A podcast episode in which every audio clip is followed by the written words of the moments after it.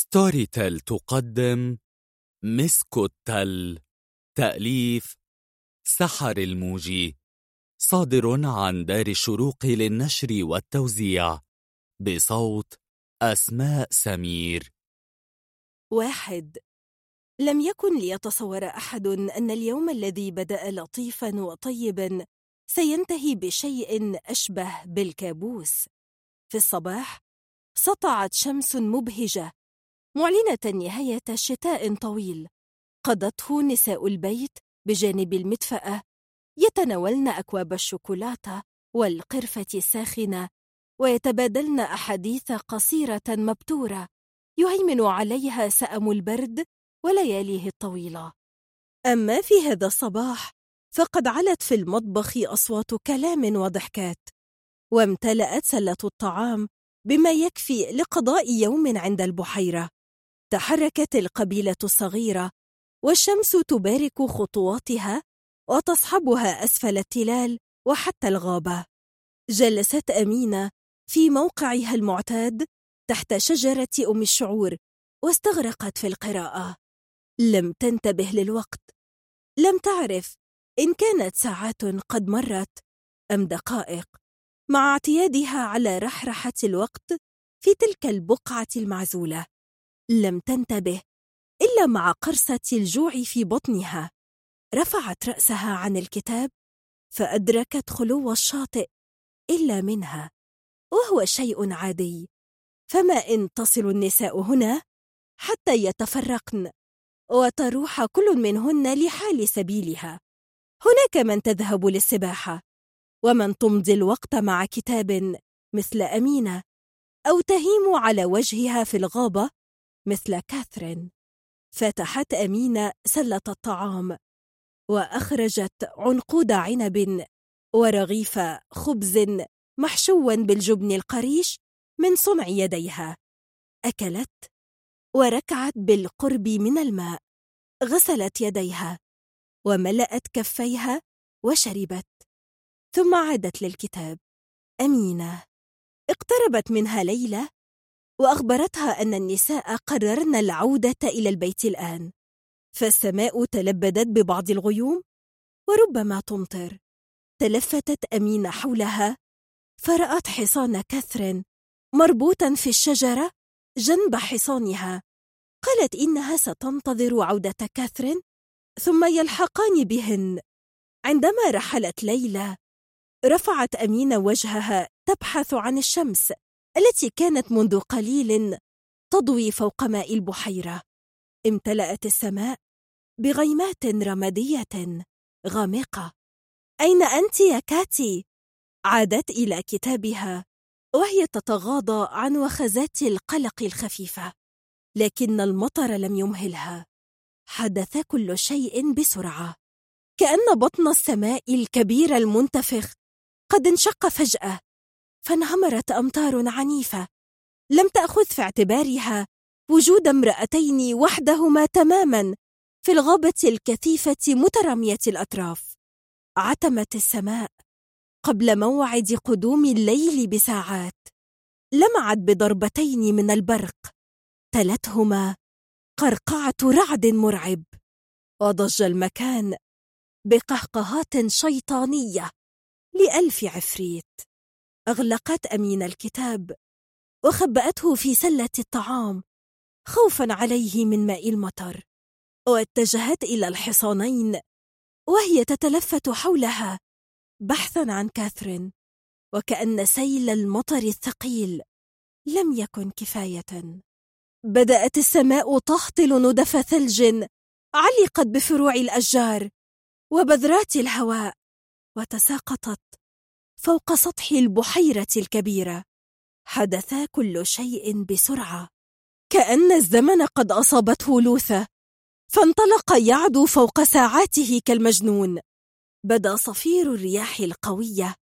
كصرخات متقطعة. تداخلت مع دقات المطر. فوق أرض الغابة.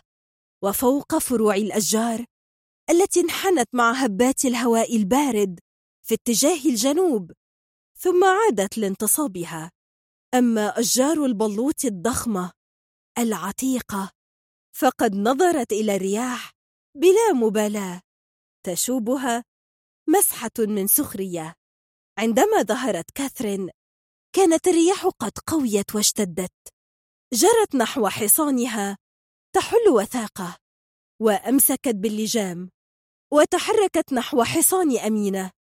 ستكون حماقة بالطبع. لو تساءلت كاثرين الخبيرة في تقلبات الطبيعة عن هجمة تلك العاصفة وهم في أول الربيع. لقد مر عليها مثل هذا وأكثر فلم تعد تندهش. لكن هذه العاصفة كانت مخادعة دون شك. شق نور البرق بطن السماء وتلاه صوت رعد زلزل أرض الغابة والتلال المحيطه بها. هز حصان كثر رأسه بعنف والتمعت عيناه وصهل عاليا ومع دربة الرعد التالية وقبل أن تدرك كاثرين ما يحدث انفلت اللجام من يدها وركض الحصان إلى قلب الغابة ولحق به حصان أمينة جزعا. تسمرت كاثرين وأمينة في مكانيهما. براون! براون! صرخت كاثرين تنادي الحصان لكن صوتها ضاع في هبات الهواء كأن رأسها يغلي غضبا من الحصانين ومن غبائها الذي جعلها تفك وثاقيهما بالتزامن مع صوت الرعد وقفتا للحظات تحت المطر. ربما كان لديهما أمل أن يعود أحد الحصانين فواحد يكفي ليقلهما إلى البيت لكنها لم تكن إلا أمنية ساذجه التصقت الملابس بهما بعد أن تشربت أطنانا من المياه ثقلت وأخذت تقطر الفائض نحو الأرض فلم يعد يبين في العتمة إلا ملامح الجسدين اللذين تحركا بصعوبة في الوحل الثقيل وبرك المياه. بدا جسد كاثرين صغيرا ضئيلا كأن الريح بإمكانها أن تكسره نصفين. أما أمينة فقد كانت أطول وأكبر حجما إلا أنها عجوز كما تكشف خطواتها البطيئة. بعد قليل كانت السماء قد أظلمت تماما. كأن الوقت منتصف الليل. لكن كثر تعرف يقينا أن الغروب لم يحن بعد. في الظلمة المطبقة تساءلت كاثرين إن كانت الليلة هي إحدى ليالي المحاق. فانقبض قلبها. دق قلب أمينة. وهي تأخذ خطوات بطيئة حذرة. ولسانها لا يتوقف عن التمتمة. سبحان من له الدوام. سبحان الله. الواحد. القهار. أبطأت كاثرين من سرعتها. كي تلحق بها أمينة. بينما يشتد عويل الرياح. ويستمر هطول المطر. من فوقهما. شكلت الأشجار سقفا. منع ضوء البرق من الوصول. وسمح لقطع من الثلج. أن تنقر رأسيهما. قررت كاثرين أن تواصل السير في نفس الاتجاه. إن انحرافا واحدا صغيرا عن المسار قد يؤدي إلى فقدانهما الطريق. الطريق. لقد بدأت كاثرين تشك أنها تتبع اتجاه الشمال لكنها أخفت قلقها. في ثوان كان الثلج قد افترش بقعا كبيرة هشة فوق الأرض. وهو ما جعل خطوات أمينة تبطئ أكثر. وكذلك كاثرين. لو أن كاثرين استطاعت أن تصل إلى أطراف الغابة فستتمكن من رؤية السماء والتأكد من موقعهما. لكن الأشجار تحجب الرؤية. دق قلب أمينة وترددت في صدرها. آهات مكتومة. رشق الألم نفسه. كالخناجر المجنونة في ساقيها وظهرها ودفعت بها الرياح بعنف إلى الوراء. انهارت على الأرض. نزلت كاثرين بجانبها وقالت أمينة لازم نتحرك. لو وقفنا هنتجمد. ارجعي أنت يا كاتي. ارجعي. هاتي حصان وتعالي لي. كم أنت ساذجة يا أمينة؟ لن تتحملي ساعة في هذا الطقس. فكرت كاثرين هل تعود مع أمينة إلى البحيرة؟ فهناك يقف الكشك الخشبي لمعدات الصيد والذي سيكون ملجأ وملاذا. لكن في الرجوع مخاطرة لا تقل جنونا عن التقدم إلى الأمام. رفعت رأسها. لو أنها فقط تستطيع رؤية السماء أمسكت كاثرين بذراع أمينة وساعدتها على الوقوف. زحفت الاثنتان ببطء سلحفاة ذات أربع أرجل. وكادت أمينة أن تنكفئ على وجهها لولا ذراع كاثرين التقطت أمينة أنفاسها بصعوبة. هل هذه هي آخرتك؟ يا أمينة؟ الموت. في هذا الخلاء أستغفر الله العظيم. أشهد أن لا إله إلا ليس لدى أمين اعتراض على مشيئة الله. لو أن هذا هو موعدها وأجلها فليكن. لله الأمر من قبل ومن بعد. لكن ربنا لا يمكن أن يرضى. أن تموت هنا بلا قبر. لا يمكن أبدا. المشي فوق الثلج الذي افترش الأرض أصعب من المشي فوق زجاج مكسور. وسياط البرد تجلد أمينة. توقفت. فالتفتت كاثرين إليها بإشفاق وتوسل. حركت أمينة شفتيها الزرقاوين. كي تخبر كاثرين أن تتركها. وتمضي. لكن عويل الرياح أغرق صوتها. أمسكت كاثرين بذراعيها. ونظرت إليها. لن أتركك هنا يا أمينة. ليس أمامك إلا أن تتحاملي على نفسك. في رأس كاثرين كانت الشكوك تكبر وتتوحش وفي صدرها تتجمع عاصفة من الغضب كيف فقدت الطريق يا كاثرين؟ أين الخارطة التي تحفظينها في دماغك الغبي؟ كيف؟ بعد خطوات التصقتا بجذع إحدى أشجار البلوط ففي ظهر الشجر البعيد عن مرمى الهواء كان بإمكانهما أن تلتقطا الأنفاس. أنت عارفة الطريق يا كاتي؟ أنا ما بقتش شايفة إيدي في الضلمة دي. طبعا إحنا بس نمشي. نمشي.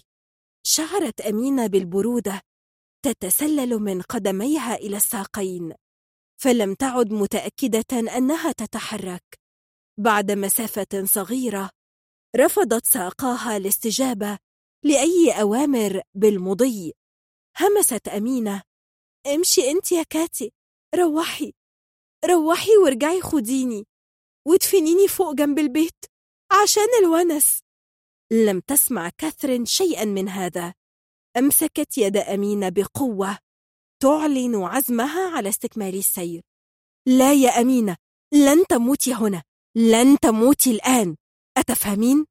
لكن جسد أمينة كان يفقد الإحساس جزءا جزءا.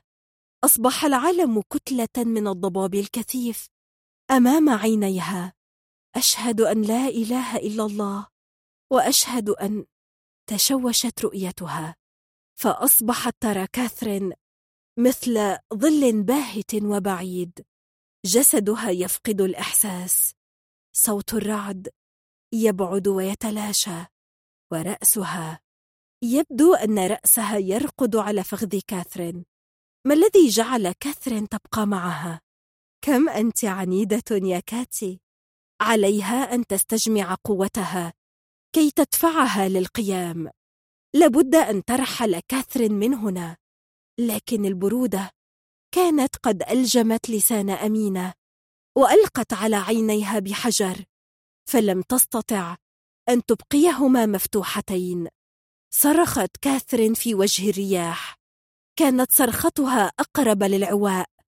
أزاحت الثلج من فوق جسد أمينة المنكمش على نفسه وشعرت بالبرودة تسري في جسدها أيضا وتنشب مخالبها في عظامها. حركت يديها في دوائر. لن تستسلم لعضة البرد. الدم. لابد أن تتدفق الدماء إلى أطرافها. شعرت كاثرين بجسدها يبرد والدقيقة تمر كالساعات فوقهما سقف الأشجار حولهما الظلمة المطبقة وكاثرين لم تتمكن بعد من رؤية السماء لكنها كانت تعرف أن القمر في المحاق. أيتها الحمقاء كيف نسيت أغمضت كاثرين عينيها. فرأت صورا مبعثرة في دماغها وجوها وأماكن وأصواتا ثم بزغت في رأسها شمس قوية جعلت الصور تتلاشى بهدوء اختفى غضبها وشعرت بهدوء يحل عليها كأنه غيمة ناعمة خفتت الأصوات وتباعدت قرقعات الرعد وتراجع الإحساس بالبرودة. لم يعد هناك إلا تلك الشمس الدافئة الجميلة. حلو الاستسلام. جميلة هي تلك اللحظة التي يفقد فيها العالم ملامحه ويصبح كتلة هلامية طرية وشفافة. حلو الهدوء. والشمس حلوة. أحست كاثرين بالدفء يسري في عروقها. يملأها بالنور. خفت صوت الرعد. واختفت ملامح الأشجار. وجسد الزمن. لم يعد في العالم إلا تلك الشمس الساطعة. شعرت كأنها تذوب في النور الذهبي. كان رأس أمينة على فخذها لا يزال. لكنها لم تعد تشعر بثقله. بينما صوت الرياح يبعد. ويذوي. حتى يصبح مجرد صدى صوت يأتي من أبعد نقطة ثم يصمت تماما. اثنان تململت كاثرين في نومتها وأحست بالدفء. للحظات لم تعرف أين هي ولا تذكرت شيئا مما كان. كأن ثلوج الأمس قد جعلت من ذاكرتها صفحة بيضاء. لكن نبضات الألم في ظهرها ذكرتها بالعاصفة. بدا لها هذا اليوم الأسود كأنه حلم لم يستغرق إلا ثواني ولم يترك خلفه إلا ومضات خاطفة. يبدو أن الرب قد كتب لها عمرا جديدا. كادت تضحك. أي رب أيتها الحمقاء؟ عندما فتحت عينيها كان العالم بقعة ضوء كبيرة أغشتها فغطتهما بيديها. لم تعرف إن كان الشعور بالخضر الذي يغرقها هو بقايا النوم أم هذا الدفء الذي يجعلها ترغب أن تتمطى كقطة؟ سمعت طقطقة عظامها وصوت أنفاسها يخرج مصحوبا بآهات متقطعة. إنها لم تمت. أمينة؟ أين أمينة؟ من وراء كفيها فتحت كاثرين عينيها بحذر. رأت جسد أمينة كظل طويل باهت في الضوء. وقفت أمينة إلى يسارها ورفعت رأسها نحو نقطة لا تراها كاثرين. كلما اتضحت الرؤية عادت إلى وجه أمينة ملامحه تبدو شاحبة ومنهكة. وعيناها لا تتزحزحان من عند نفس البقعة. أدارت كاثرين رأسها إلى حيث تنظر أمينة. رأت برجا حجريا نحيلا ومدببا كأنه أحد أبراج قلعة قديمة. وفوق طرف البرج العلوي رأت هلالا. مئذنة في الغابة. انتصبت المئذنة فوق جدران حجرية سميكة وعالية. تخللتها نوافذ حديدية. في الأسفل انفتح باب خشبي مشغول بالنحاس على طرقة معتمة. تدخل فيها الآن مجموعة من الناس. تلفتت يمينا ويسارا. كان الشارع ضيقا طويلا. ممتلئا بناس يروحون ويجيئون. كانوا كثرا. ربما أكثر عددا من أكبر مجموعة رأتها كاثرين في أي يوم من أيام حياتها مر أمامها فوج من النساء يحملن فوق رؤوسهن أواني كبيرة يتراص فوقها الليمون الأصفر في أهرامات صغيرة. نظرت إحداهن إليها بعينيها السوداوين المكحلتين وابتسمت وهي تمد الخطوة لتلحق بالأخريات. لا تزال أمينة واقفة تسند ظهرها إلى مبنى حجري نصف مستدير وتبدو هائمة في عالم آخر. أمينة. أدركت كاثرين أن صوتها لم يخرج. يا أمينة جاء الصوت هذه المرة خافتا كأنه آت من حفرة عميقة. انتبهت أمينة فأنزلت عينيها كأنما تفيق من حلم. نظرت إلى كاثرين باستغراب. لم تكن تدرك أن كاثرين معها. كاثرين معها في الحلم. لا تتذكر أمينة ما حدث يوم الأمس بدقة. لكنها تعرف أن كاثرين رفضت أن تتركها تموت في العاصفة. حلم ولا علم؟ يا رب. لو كان هذا حلما فلتتركني هنا لبعض الوقت. قامت كاثرين واقتربت من أمينة ببطء. وقفت في مواجهتها. وعيناها تنطقان بالأسئلة. وأمينة تفكر أنها لا تريد أن تسأل عن أي شيء فهي لا تعرف رأسها من قدميها. كل ما تعرفه هو أنها لم تزر هذا المكان منذ زمن بعيد منذ أن توقفت الأحلام عن زيارتها. لكنها تشعر الآن كأنها لم ترحل عنه قط. لا تزال تعرف كل ركن وكل ناصية. كما تحفظ آية الكرسي عن ظهر قلب لكن الشارع يبدو مختلفا. كم تود أمينة أن تمد يدها لتلمس حجارة هذه الحيطان الخشنة؟ أو إحدى الصواني النحاس في المحل الملاصق للسبيل فقط لكي تتأكد. أمينة إن كاثرين تهمس باسمها وتنظر في عينيها كأنما تسألها. نظرت أمينة إليها ولم تنطق. لم تدرك الاثنتان أنهما كانتا مشهدا للرائح والغادي. امرأتان في لباسين غريبين تقفان في منتصف الشارع الضيق. كأنهما جزيرة صغيرة منفصلة عن أمواج البشر المتلاطمة من حولهما. لا تتحدثان ولا تتحركان. لا تفعلان أي شيء إلا النظر إلى بعضهما بعضا. تحركت أمينة أخيرا فالتصقت كاثرين بها.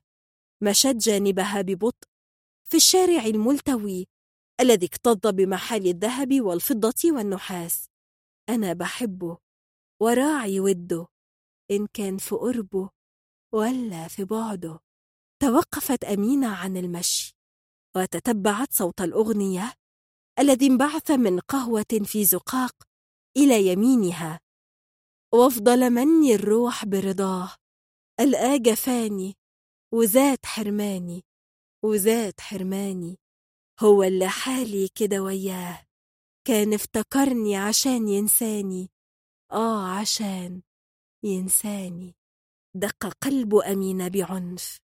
لم يبدو لها صوت عبد الوهاب قادما من حلم. رفعت كاثرين وجهها إلى فوق.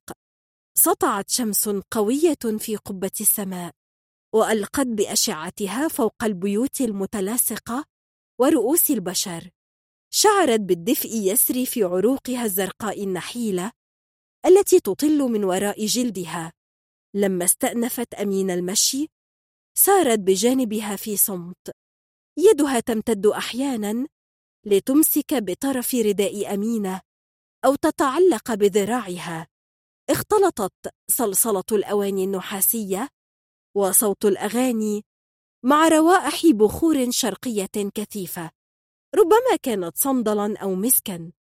شعرت كاثرين أنها قد ركبت آلة الزمن التي حطت بها في إحدى حكايات ألف ليلة وليلة. هل تتلصص شهرزاد عليهما الآن من إحدى النوافذ الخشبية ذات الفتحات المنمنمة ازدادت خطوات أمينة قوة وهي تتحرك يمينا ويسارا في الأزقة.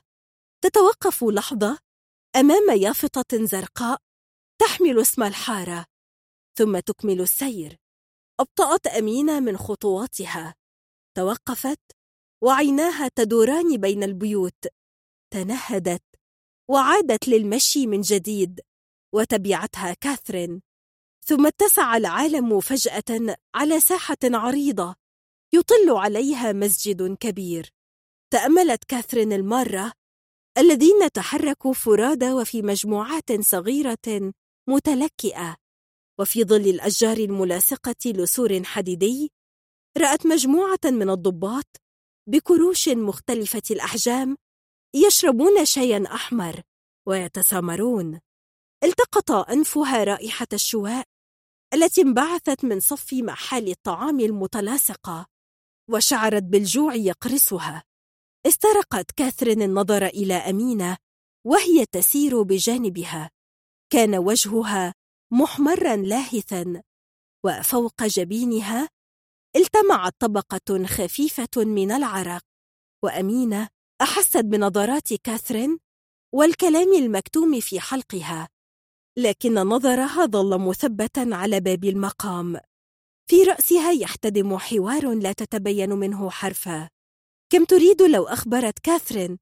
أن ما باليد حيلة. فهي لا تدري من أمرها شيئا. ودت لو قالت لها إن هذا ليس إلا حلما يا كاثرين. نعم هو مجرد حلم حدث أن أتى بنا إلى هنا. وعندما أصحو من النوم سنعرف أنه كان حلما. وماذا لو لم يكن حلما يا أمينة؟ حلم أم علم؟ بما أنها هنا فلتدخل الآن لتقرأ الفاتحة. عبرت أمينة الساحة. تحركت بهدوء نحو الباب الجانبي للمسجد. كانت تسير ببطء كأنها في حلم وشفتاها لا تتوقفان عن التمتمة. عندما وصلت إلى الباب الخشبي الكبير وقفت. ورفعت عينيها نحو المئذنة. أغمضت عينيها وفتحتهما. أغمضتهما ثانية وعندما فتحتهما شعرت برعشة تسري من أسفل ظهرها حتى رأسها. وغلالة دموع خفيفة تتجمع في عينيها. ثلاثة. صحت مريم وهي تشعر بحرقان عينيها. لقد اقتحمت شمس مايو الغرفة وأصابتها بنوبة من الحساسية. لقد ظلت تقرأ حتى نامت فجأة ونسيت أن تغلق الشيش. ولم تكن الستارة البيضاء أو التي كانت بيضاء في زمن غابر لتحميها من الضوء الذي يصر على أن يزورها كل صباح بدأب ورذالة. زفرت. إنها لا تريد أن تصحو الآن. فهي لم تذق النوم في الأيام الماضية إلا ساعات متفرقة. ونوم الأمس كان عميقا وخاليا من الكوابيس. الكوابيس. لا تعرف مريم إن كان الكابوس هو تلك الزيارات الليلية الثقيلة المتكررة التي جعلتها تكره النوم وتخافه. أم هو ساعة الصحو؟ ذلك اليوم الجديد الذي يفرض نفسه عليها بنفس دأب ورذالة شمس الصباح كل الأيام تشبه بعضها كلها تأتي وتذهب.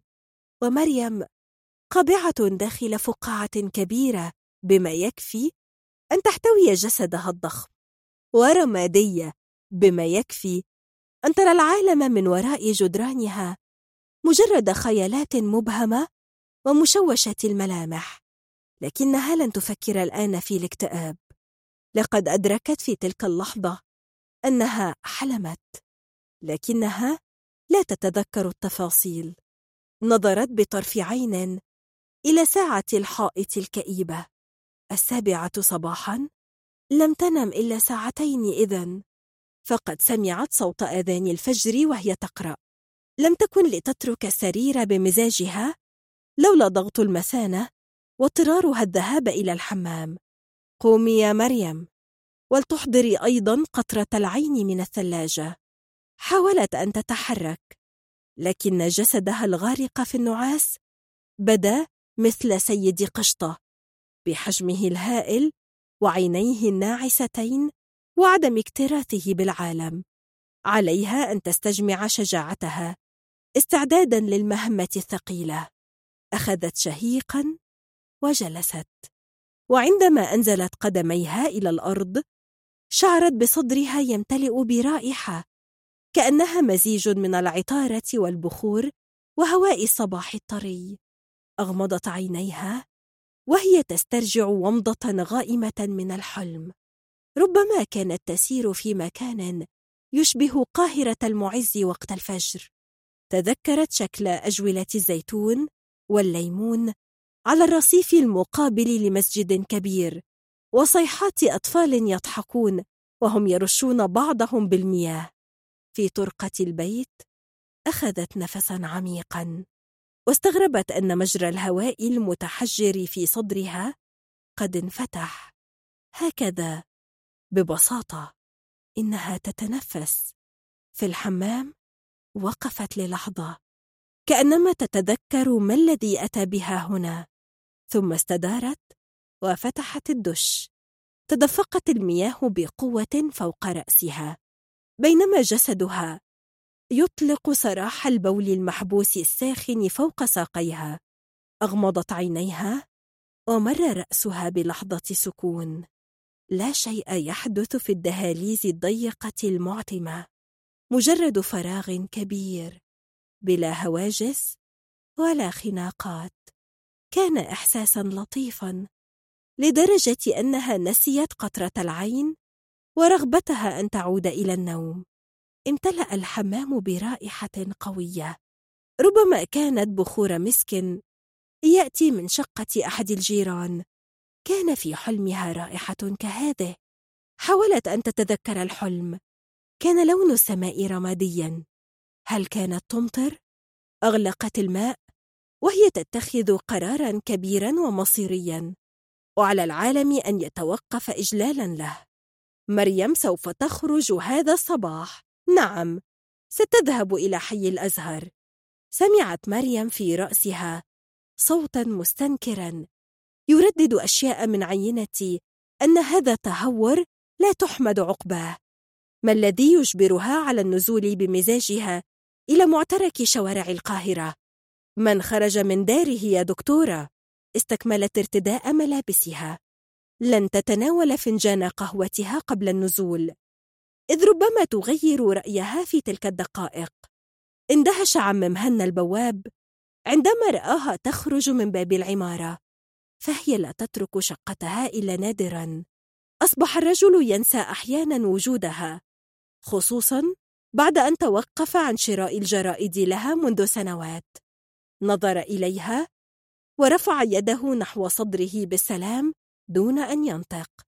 فقد علمته سنوات العشرة الطويلة أن يتجنب الست الدكتورة ولسانها الذي يشبه المبرد. أما مريم فلم تره ولم ترد السلام. ألقت نظرة على سيارتها القديمة التي ترقد أمام الباب ومشت وتركتها وراءها. القيادة في القاهرة تتطلب جهازا عصبيا فولاذيا قادرا على التعامل مع كل هذه الوجوه المتشنجة. والأجساد التي تطحن بعضها بعضا بغل وبؤس تحركت نحو شارع الروضة وهي تفكر أن بإمكان الحكومة المصرية أن تتبنى منظورا جديدا لتنشيط السياحة. لا أهرامات ولا معابد ولا ديولو. زوروا القاهرة تجدوا ما يسركم. متحف مفتوح لشتى الأمراض النفسية. لعلماء النفس والاجتماع والأنثروبولوجيا وللمهتمين بالنوع البشري. عندنا محمية طبيعية تضم في جنباتها التعصب والعدوانية وكراهية الذات. هذا بالإضافة إلى تشكيلة ممتازة من الاكتئاب والبارانويا والفصام والعصاب. الزيارة مجانية. زفرت مريم والتاكسي يزحف ببطء في اتجاه كبري الملك الصالح. تلفتت حولها وشعرت كأنها لم تخطو إلى شارع الروضة منذ زمن. لقد تضاعف عدد المحال. هل لا يزال محل الآيس كريم صامدا؟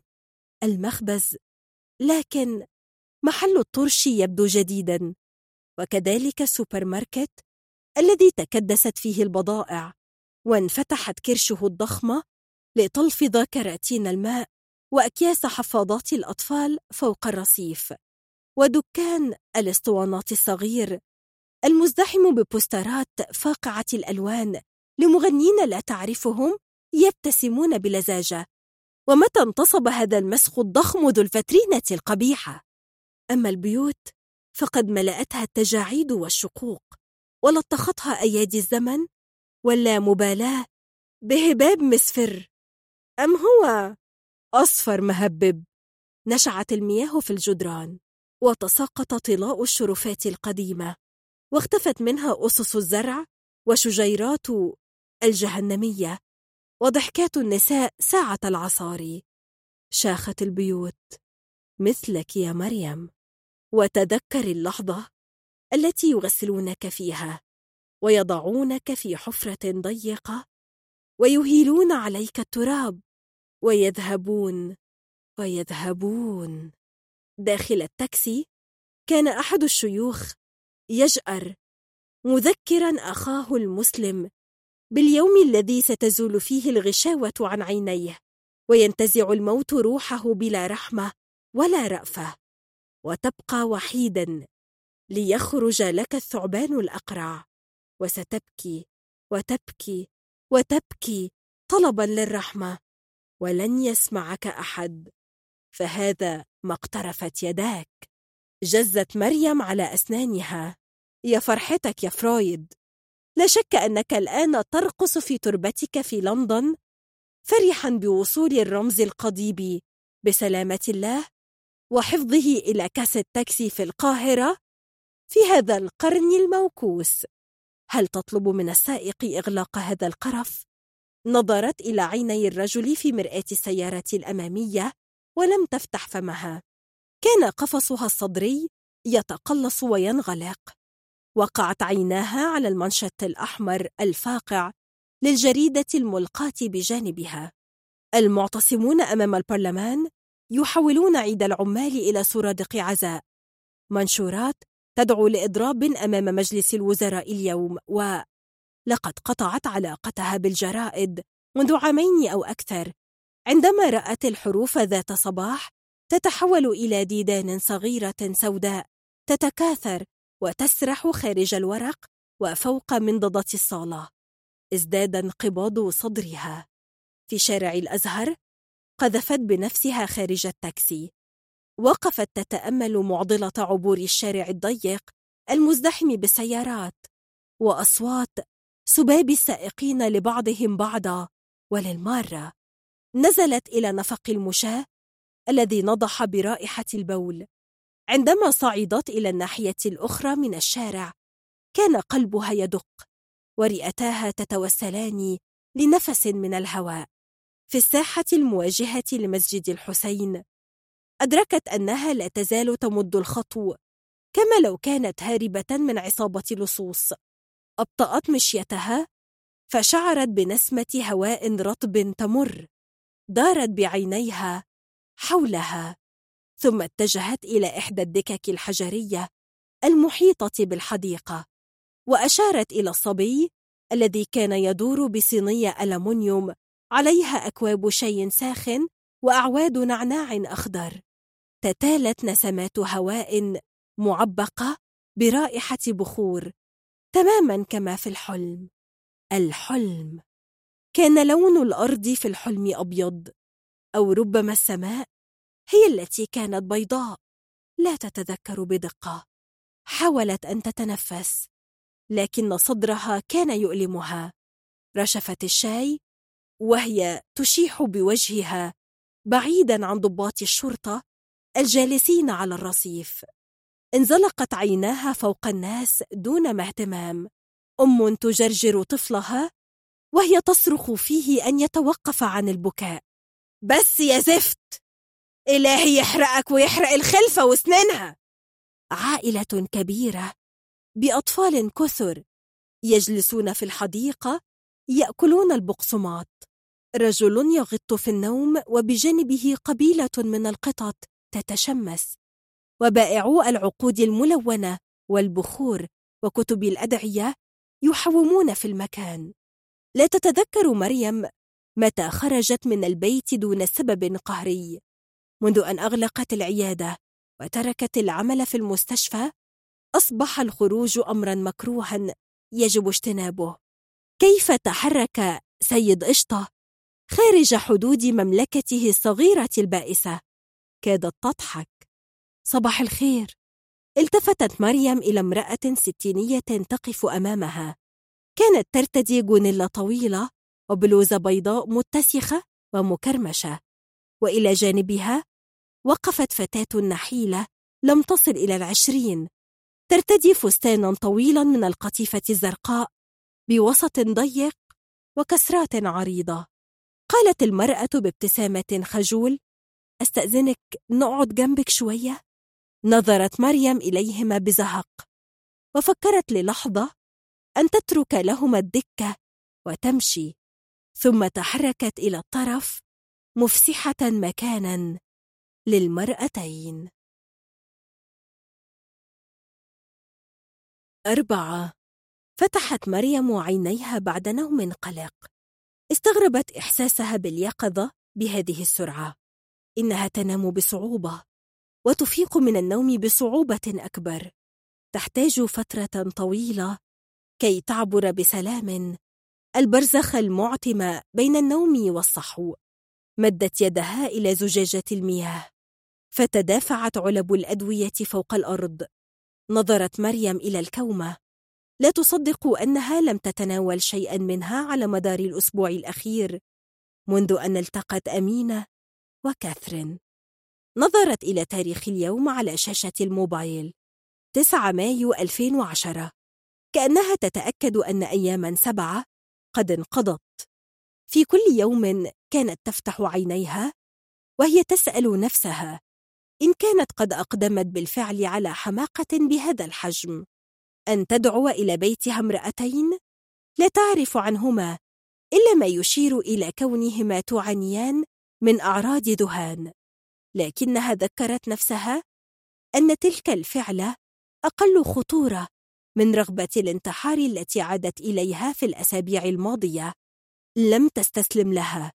وإلا كانت الآن ترقد والعياذ بالله في حضن أمها ناهد في مقابر البساتين. وهو شيء أكثر بشاعة من الجحيم ذاته. لقد قاومت تلك الرغبة. أغرقتها في مضادات الاكتئاب التي تركتها جثة تتنفس ولا تحس بأي شيء. وعلى الرغم من ذلك وجدت مريم نفسها في أحد أيام الشهر الماضي تخطو ببرود إلى المطبخ وتفتح عيون البوتاجاز كي يتدفق الغاز على راحته إلى البيت. عادت بعد دقائق وأغلقته بنفس القدر من الهدوء وفتحت نافذة المطبخ كأنها تطرد من البيت رائحة تحمير بطاطس. قفزت من السرير في حركة مفاجئة فكادت أن تنكفئ على وجهها. وجرت حافية على بلاط الطرقة نحو صالة البيت. عند الباب أوقفها النور القوي. أغشى عينيها اللتين اعتادتا الظلام كالخفافيش. افترشت الشمس السجاجيد فغامت تفاصيلها وارتاحت فوق الحوائط وقطع الأثاث. وابتلعت أمينة داخلها فبدت كطيف شفاف. صباح الخير يا مريم. غطت مريم عينيها وألقت بجسدها فوق المقعد القطيفة المجرب والتقطت أنفاسها. فتحت عينيها ببطء. كانت أمينة متربعة على كنبة حجرة الجلوس ترتدي جلبابا سيناويا وتكتب يومياتها. فاح البيت برائحة البن. فوق المنضدة تجاوزت السبرتاية وعدة القهوة مع كومة الكتب التي أنزلتها أمينة من مكتبة مريم. البيت مرتب ونظيف على غير العادة طبعا. لا تعرف مريم من أين تأتي أمينة بالوقت للتنظيف وهي التي تقضي النهار بطوله في الجولات التي أعدتها مريم لها ولكاثرين كاثرين فين؟ قالت أمينة إنها نزلت تتمشى نظرت إلى عيني مريم المنتفختين المحاطتين بالهالات السوداء وقالت أهوى؟ لم يبدو على أمينة أنها كانت تنتظر ردا أغلقت الكراس ووضعته جانبا. أشعلت السبرتاية وبدأت في إعداد فنجان من البن المحوج المخصوص الذي تأكدت بنفسها من مقادير الحبهان وجوز الطيب فيه. نظرت مريم إلى يد أمينة الخمرية المعروقة وهي تقلب البن في الكنكة وتركن الملعقة الصغيرة على طرف الصينية هل تعيد على أمينة؟ السؤال مرة أخرى؟ من أنت يا أمينة؟ وهل ستجيب أمينة بالحقيقة؟ وما هي الحقيقة لمن يعاني أعراض الذهان؟ لو كان يدرك الواقع ما كان هناك ذهان ما امتلأ العالم بأمثال أمينة لكن مريم لم تقابل أحدا مرتاحا هكذا مع المرض وهل أصدرت بالفعل تشخيصك الحاسم يا دكتورة؟ من أين يأتيك هذا اليقين؟ ارتشفت القهوة وهي تتأمل وجه أمينة. لا يبدو عليها أنها مريضة عقلية بل على العكس كأنها في مكانها الصحيح كأنها عاشت في هذا البيت زمنا. استغربت مريم أن أمينة تجلس في نفس البقعة التي اعتادت أمها الجلوس فيها على الطرف الأيمن للكنبة لكن شتان بين المرأتين. فعلى الرغم من وفاة ناهد منذ عامين فإن وجودها الثقيل ونظراتها الحادة التي تخترق ظهر مريم لا تزال تعشش في أركان البيت أنت عايشة من زمان لوحدك يا مريم؟ هزت مريم رأسها عندك أولاد؟ قالت مريم باقتضاب إن زواجها لم يستمر طويلا ولم ترزق بأطفال تدرج وجه أمينة بالحمرة وهي تعتذر عن تطفلها. ابتسمت مريم وهي تؤكد أن لا داعي للاعتذار. كل ما في الموضوع أن مريم ليست معتادة على تلقي الأسئلة. حكم المهنة يا أمينة. وليه بطلتي شغل؟ أكيد كنت بتساعدي الناس. قالت مريم إنها ليست لديها إجابة عن هذا السؤال فهي لا تعرف السبب. لقد أحست في لحظة أنها لا تستطيع النزول من البيت والاستماع إلى شكاوى وأوجاع المرضى ولم تعد قادرة على تحمل تلك النظرة في أعينهم التي تتوقع منها حلولا لا تخيب. أدركت فجأة أن كل الخيوط التي كانت تربطها بما سبق من سنوات عمرها منذ بدأت دراسة الطب وحتى عامين مضيا قد تمزقت. سكتت مريم. وهي تتأمل أمينة تصب لها فنجان القهوة. تبدو أمينة اليوم. أصغر سنا من الأحد الماضي. يومها كانت مرهقة. وبدا عليها أنها تبذل جهدا كي تجيب عن أسئلة مريم. اسمي أمينة. هذه كاثرين. أين يمكن أن نجد مكانا للمبيت؟ مقدم لا نملك مالا في هذه اللحظة. لكننا سندبر أمورنا سريعا. رقم قومي؟ جواز سفر؟ هل هذا أمر ضروري؟ لا. كاثرين ليست حفيدتي. تستطيعين القول إننا عشرة عمر. كنا خارج مصر. لقد وصلنا هذا الصباح. من أي بلد جئنا؟ هو مكان بعيد. وكانت معنا نساء أخريات. بعد فترة من توجيه الأسئلة. وتلقي ردود المبتورة. زهقت مريم وقررت أن تأخذ هدنة. جلست ترشف كوب الشاي في صمت وتتابع عيني كاثرين وهما تتفرجان على ألوان الإشاربات والسبح وبدل الرقص في المحل المواجه للقهوة. أحست مريم بنظرات أمينة تروح وتعود إليها كأنها تود أن تقول شيئا. بعد قدر من التردد سألتها أمينة إن كانت قد قرأت روايات بين القصرين وقصر الشوق وال التفتت مريم إليها ثلاثية محفوظ قريتها زمان وأنا في ثانوي أنا أمينة أمينة؟ أمينة مرات أحمد عبد الجواد؟ هزت أمينة رأسها فسكتت مريم لوهلة شعرتها طويلة جدا ثم قالت بهدوء طبيبة نفسية لكن أمينة شخصية في رواية. تدرج وجه أمينة بالحمرة وهي تقول أمينة ست حكايتها اتكتبت في رواية. بس الرواية بتقول إنك متي. أنا كمان كنت فاكرة كده. ولو افترضت إن ده صحيح يبقى عمرك دلوقتي 129 سنة بالتمام والكمال. ضحكت ثم أكملت بس فكرك أنا عجوزة؟ أمال لو عرفتي إن كاتي عمرها فوق ال 240 سنة. هذا شيء رائع جدا. منذ أسبوع وجدت مريم نفسها على قهوة في الحسين تحتسي الشاي بالنعناع مع أمينة زوجة سيدي أحمد عبد الجواد وكاثرين أرنشو بطلة مرتفعات وزرينج شيء رائع حقا. أدركت مريم أن الموضوع كبير. أكبر من قدرتها في هذه اللحظة على فهمه. أعراض ذهان في الأغلب. هل تعاني كاثرين؟ لو أن هذا هو اسمها بالفعل. من نفس الضلالات؟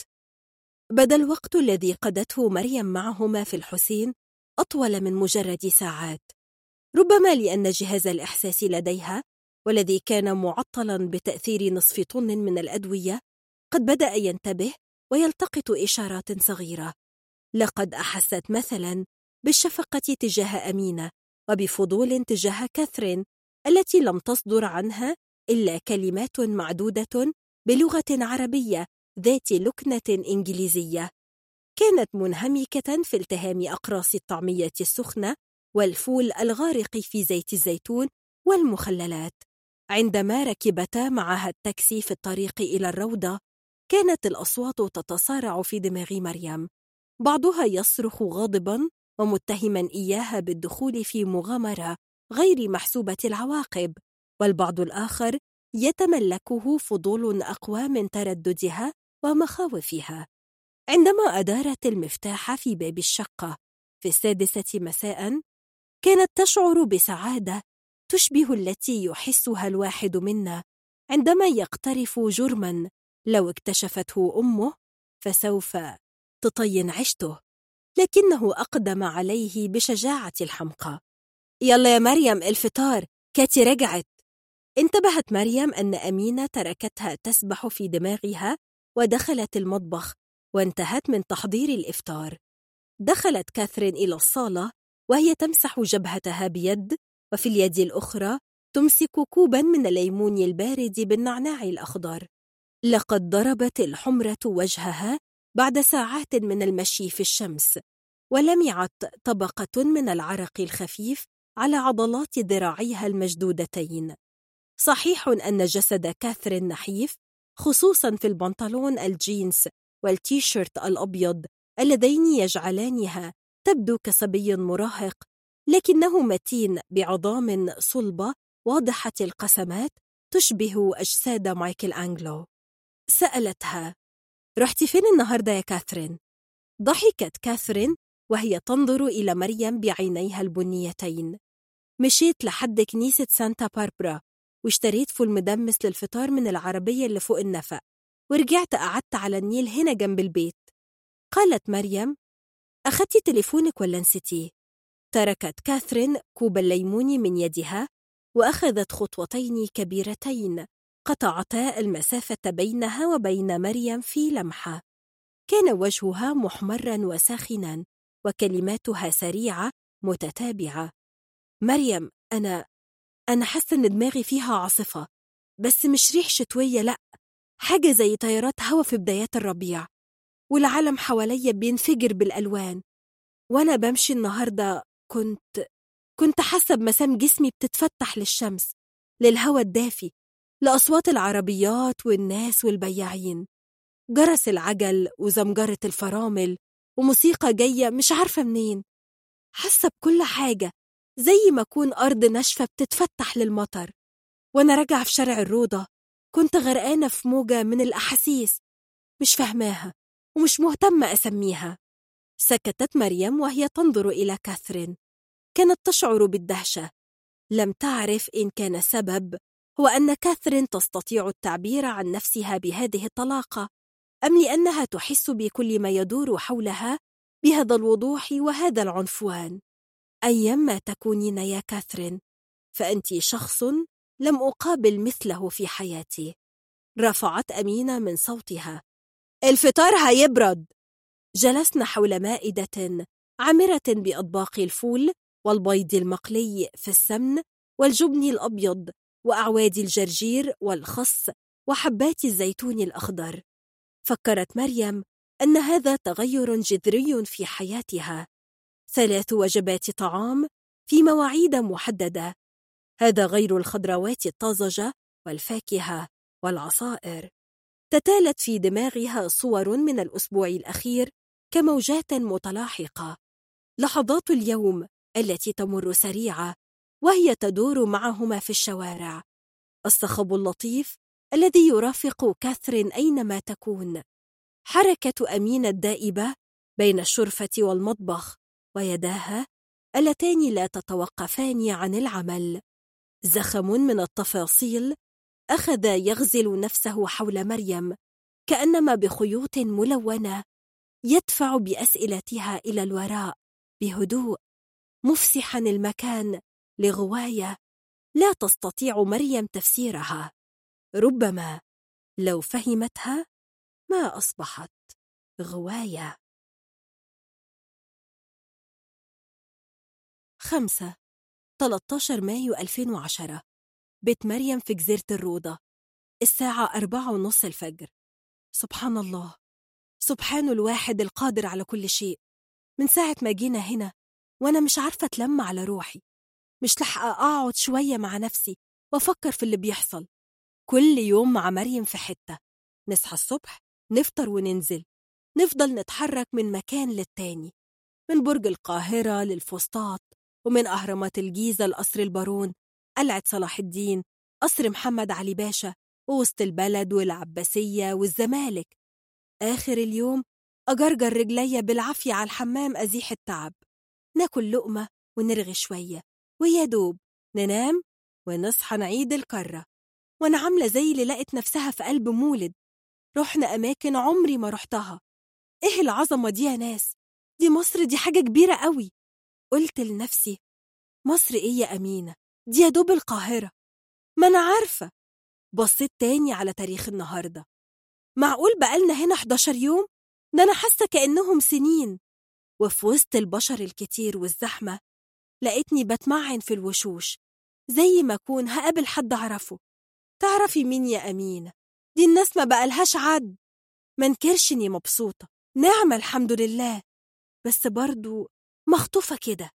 امبارح قلت لمريم إني مش هخرج معاهم النهاردة.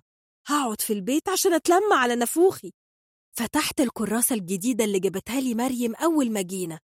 مش أول مرة أكتب هنا. الكام يوم اللي فاتوا كتبت شوية.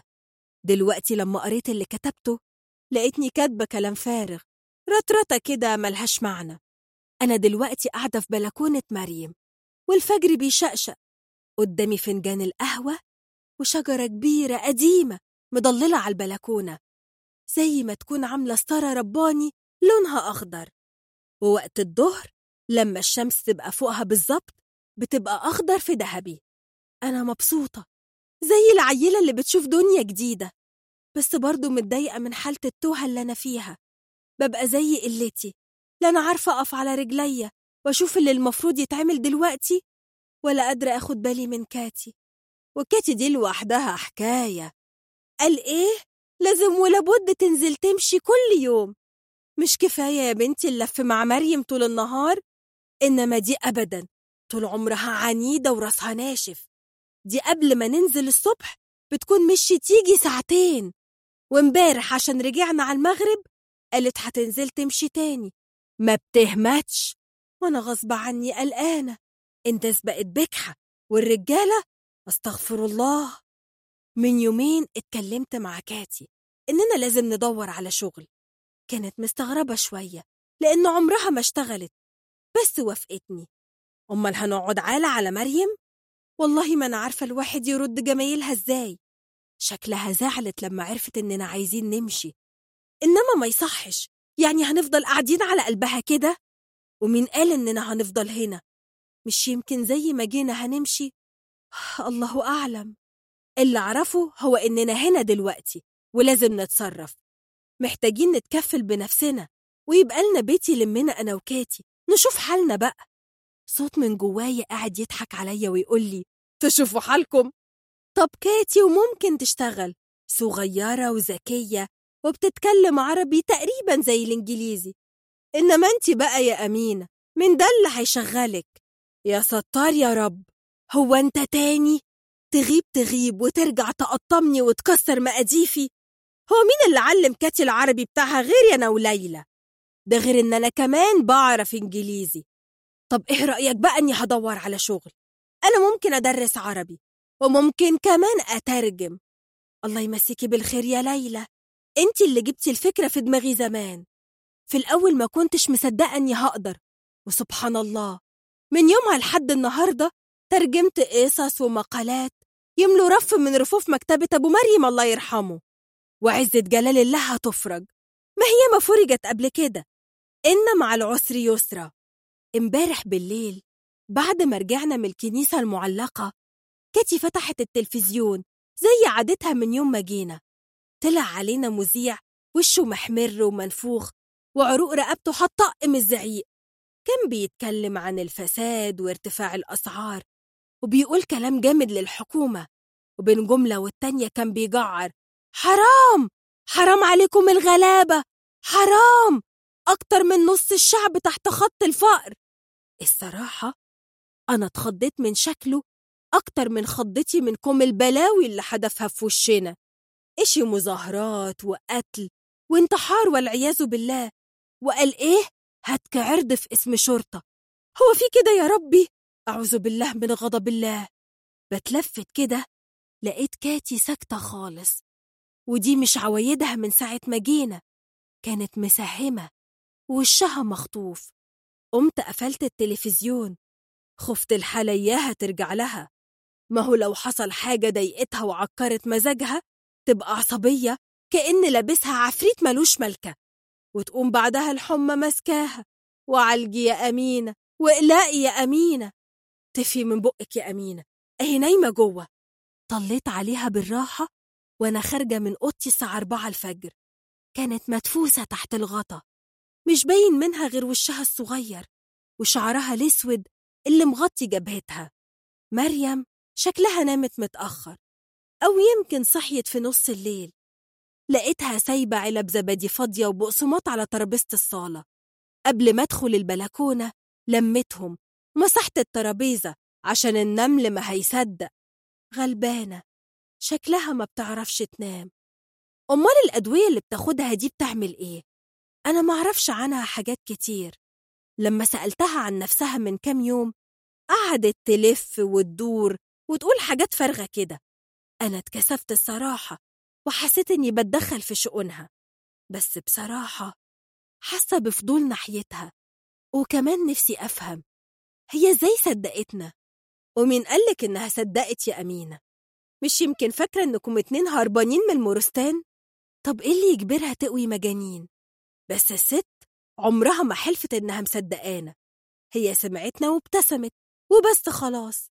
المهم فالأهم يا أمينة سيبك دلوقتي من الكلام اللي لا هيجيب ولا هيودي وركزي. أيوة النهاردة هقعد أفكر وأخطط. يوم ولا اتنين وهبتدي تدوير على شغل. كفاية كده. قومي يا أمينة صلي الفجر وركعتين شكر وحضري الفطار. يا فتح يا عليم يا رزاق يا كريم. ستة. هبت كاثرين من نومها جالسة وهي تطلق آهة فزع سمعتها أمينة التي تعودت أذناها التقاط الأصوات في النوم كما في الصحو. جرت أمينة إلى غرفة كاثرين الملاصقة لغرفتها وهي تبسمل. أضاءت النور وجلست بجانبها. مالك يا كاتي كفل الشر. كان جسد كاثرين ثقيلا وتنفسها سريعا مضطربا. كل شهيق يؤلمها. كأن الهواء سكاكين تضرب صدرها من الداخل والدماء تسري ببطء وتردد في عروقها. أحست بأمينة تقرب من شفتيها كوب الماء لكنها لم تشرب. مدت أمينة يدها تمسح جبهتها وهي تتمتم ثم تركت الكوب وضمت يديها الباردتين بين كفيها.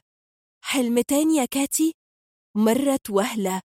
قبل أن تدرك كاثرين أن ذلك كان حلما نظرت حولها. إنها هنا في غرفة بيت مريم ومعها أمينة. هدأت حركة صدرها. وتناولت كوب الماء. كان حلما مثل كل أحلامها حقيقيا جدا. كأنها كانت في ذلك المكان الآخر حيث كل شيء واضح وحاد ومؤكد. وحيث لا فرار لكنها المرة الأولى التي تزورها أحلام منذ أن أتت إلى هنا لدرجة أنها توهمت أنها لن ترجع أبدا إلى تلك الأوقات حين تعود إلى الوراء لتعيش كل ما عاشته من قبل كأنه يحدث من جديد الحب والفقد واليأس والغضب المجنون الغضب الذي يصيب دماغها بالحمى فتنزلق إلى دوامات الجحيم. في الحمى تشعر كثر أنها معلقة بين مكانين لا هي هنا ولا هناك. لكن هذا الحلم كان غريبا. لم تحلم بشيء كهذا من قبل. صحيح أن صورة ليدي شارلوت ظلت ترافقها منذ أن قرأت القصيدة في بيت أسرانت ومع مرور السنوات تأكدت كاثرين من الشبه بينها وبين تلك المرأة لكنها تحلم بها للمرة الأولى. قالت أمينة هروح أعمل لك شوية نعناع أخضر يخلوكي زي الفل. لكن كاثرين أطبقت على معصمها بقوة لدرجة أن أصابعها تركت علامات حمراء فوق جلد أمينة. قالت بصوت مبحوح أنا حلمت إن أنا ليدي شارلوت في لحظات موتها الأخيرة كانت سابت القلعة الساكتة وراها وخرجت للعالم اللي طول عمرها كانت بتشوفه مجرد انعكاس في مرايتها. في الحلم كانت كاثرين ترتدي فستانا بلون الثلج وقفت عند ضفة النهر تحت قدميها أوراق الشجر الأصفر الجاف ومن فوقها تمطر السماء. وجدت قاربا كتبت عليه اسمها. فكت الحبل السميك الذي يربطه بالشاطئ وتمددت فيه.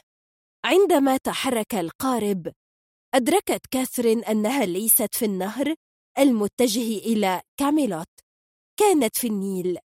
رأت عند الشاطئ المباني الكبيرة والأضواء القوية ولمحت مركبا آخر يتحرك بجانبها.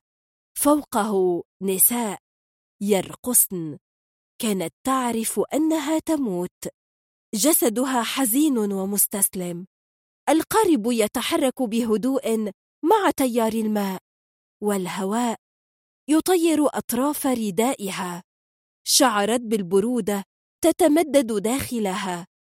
وبأوراق الشجر تتساقط فوق وجهها. سمعت أيضا صوت سيرينات. يا للشؤم لا شك أنهن في مكان قريب. فها هو أنين الناي والترنيمة الباكية التعسة. كن يغنين بدايات الحكاية بصوت مكتوم كأنه آت من عمق النهر. على جانبي ذلك النهر في الشاطئين. حقول شعير وشيلم تمتد في الضفتين.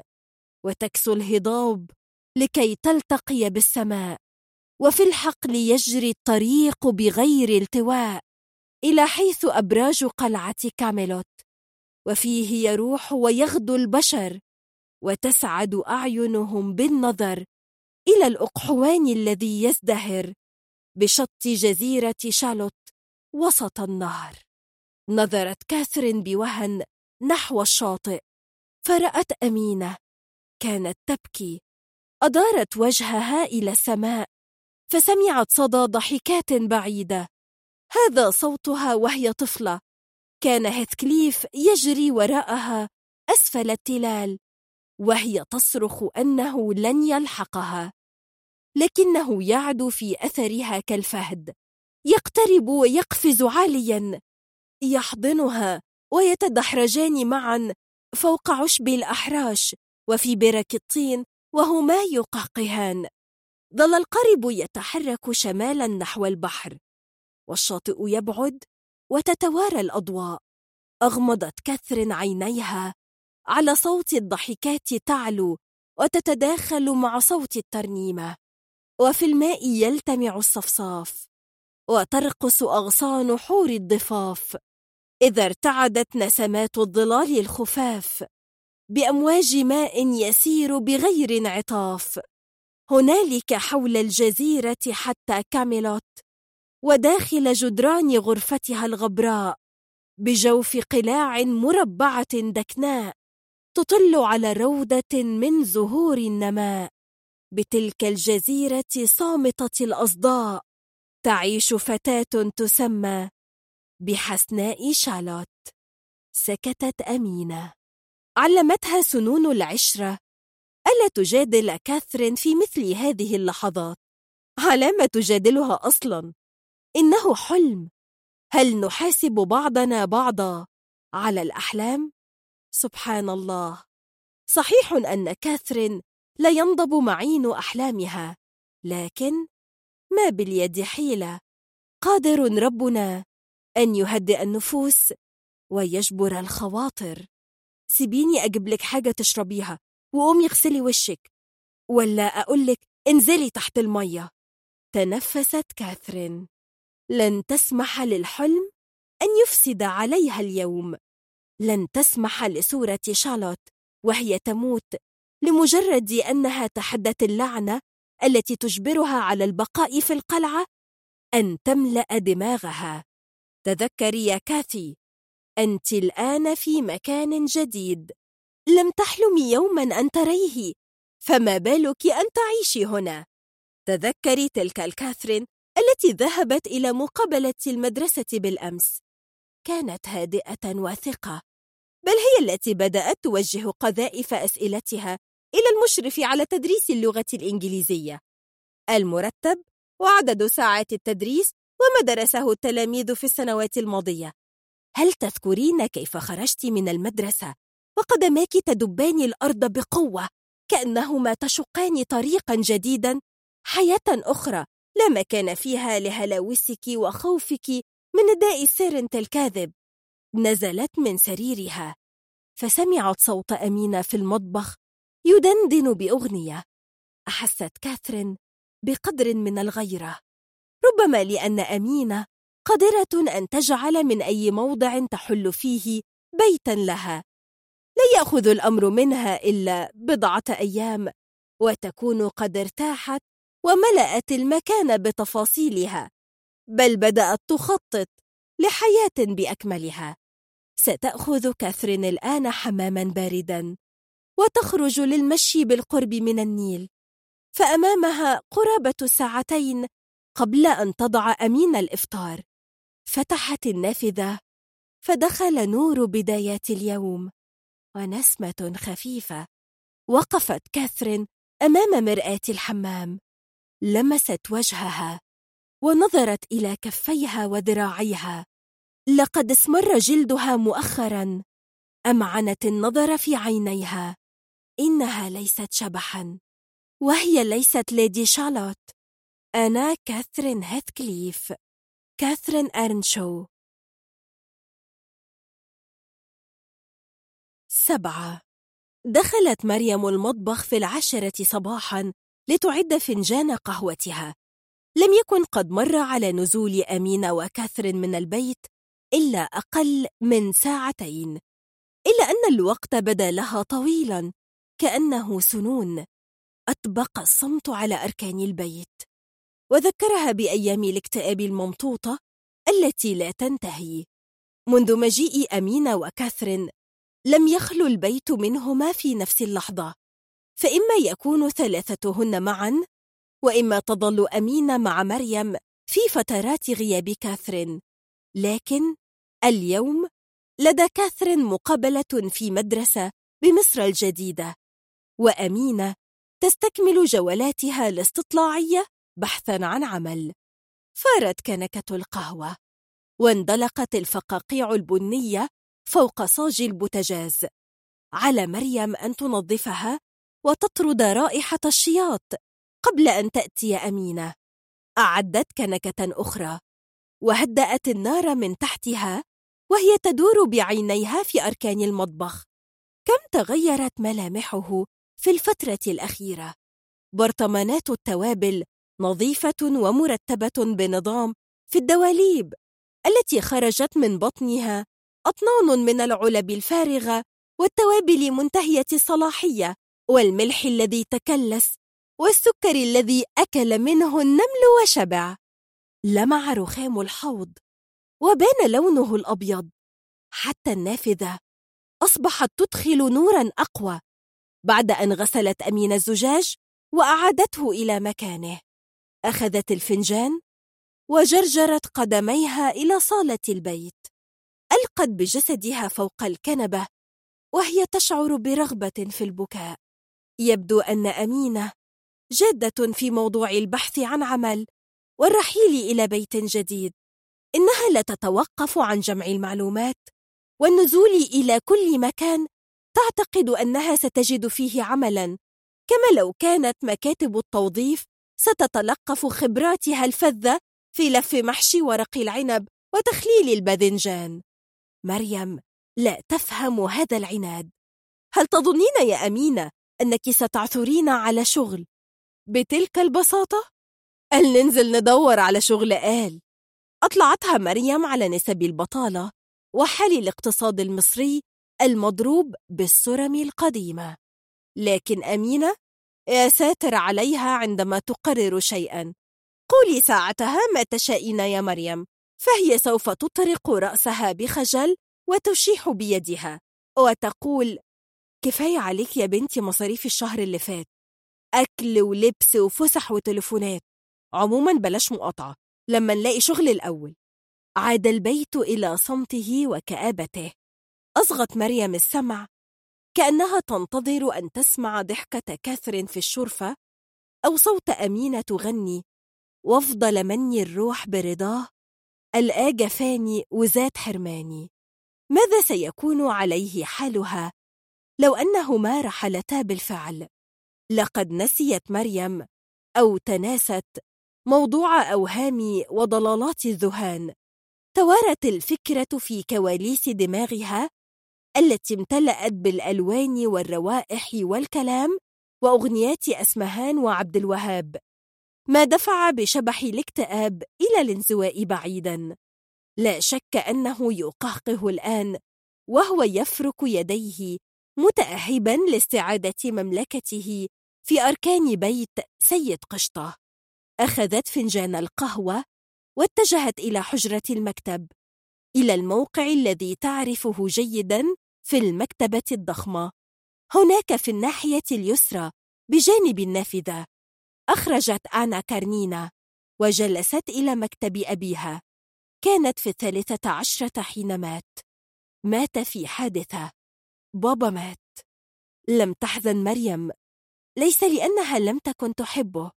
لكن لأن كل ما شغل بالها في تلك اللحظة هو سؤال واحد. هل ستتركني أنا وأمي؟ نعيش وجها لوجه؟ سيطرت عليها الفكرة. سيغيب أبوها. ولن تجد من تجري إليه لتشتكي علقة أكلتها دون مبرر أو تأتيه باكية مستعطفة ألا يتركها مع أمها ويسافر.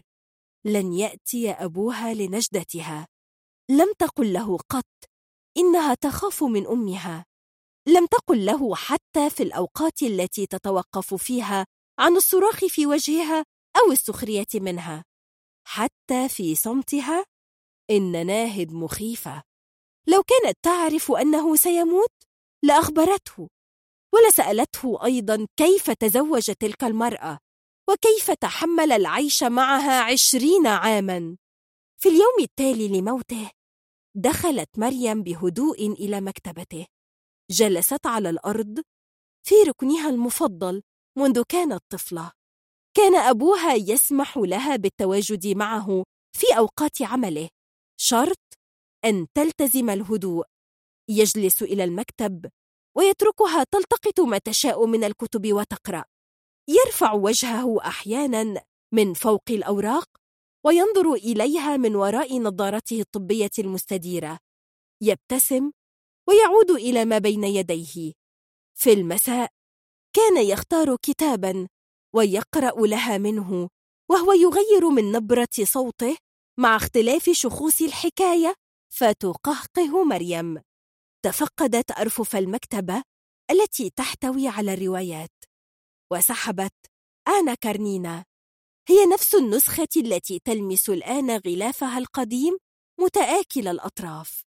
عادت إلى غرفتها وأغلقت الباب في وجه أمها وقوافل المعزين. لا تريد أن تسمع للمرة الألف قصة الحادث على الطريق الزراعي وصوت ناهد وهي تسفر بأسى مزيف من بين نهنهاتها. أحمد كان في طريقه لمناقشة دكتوراه في أداب الزقازيق الإسعاف اتأخر.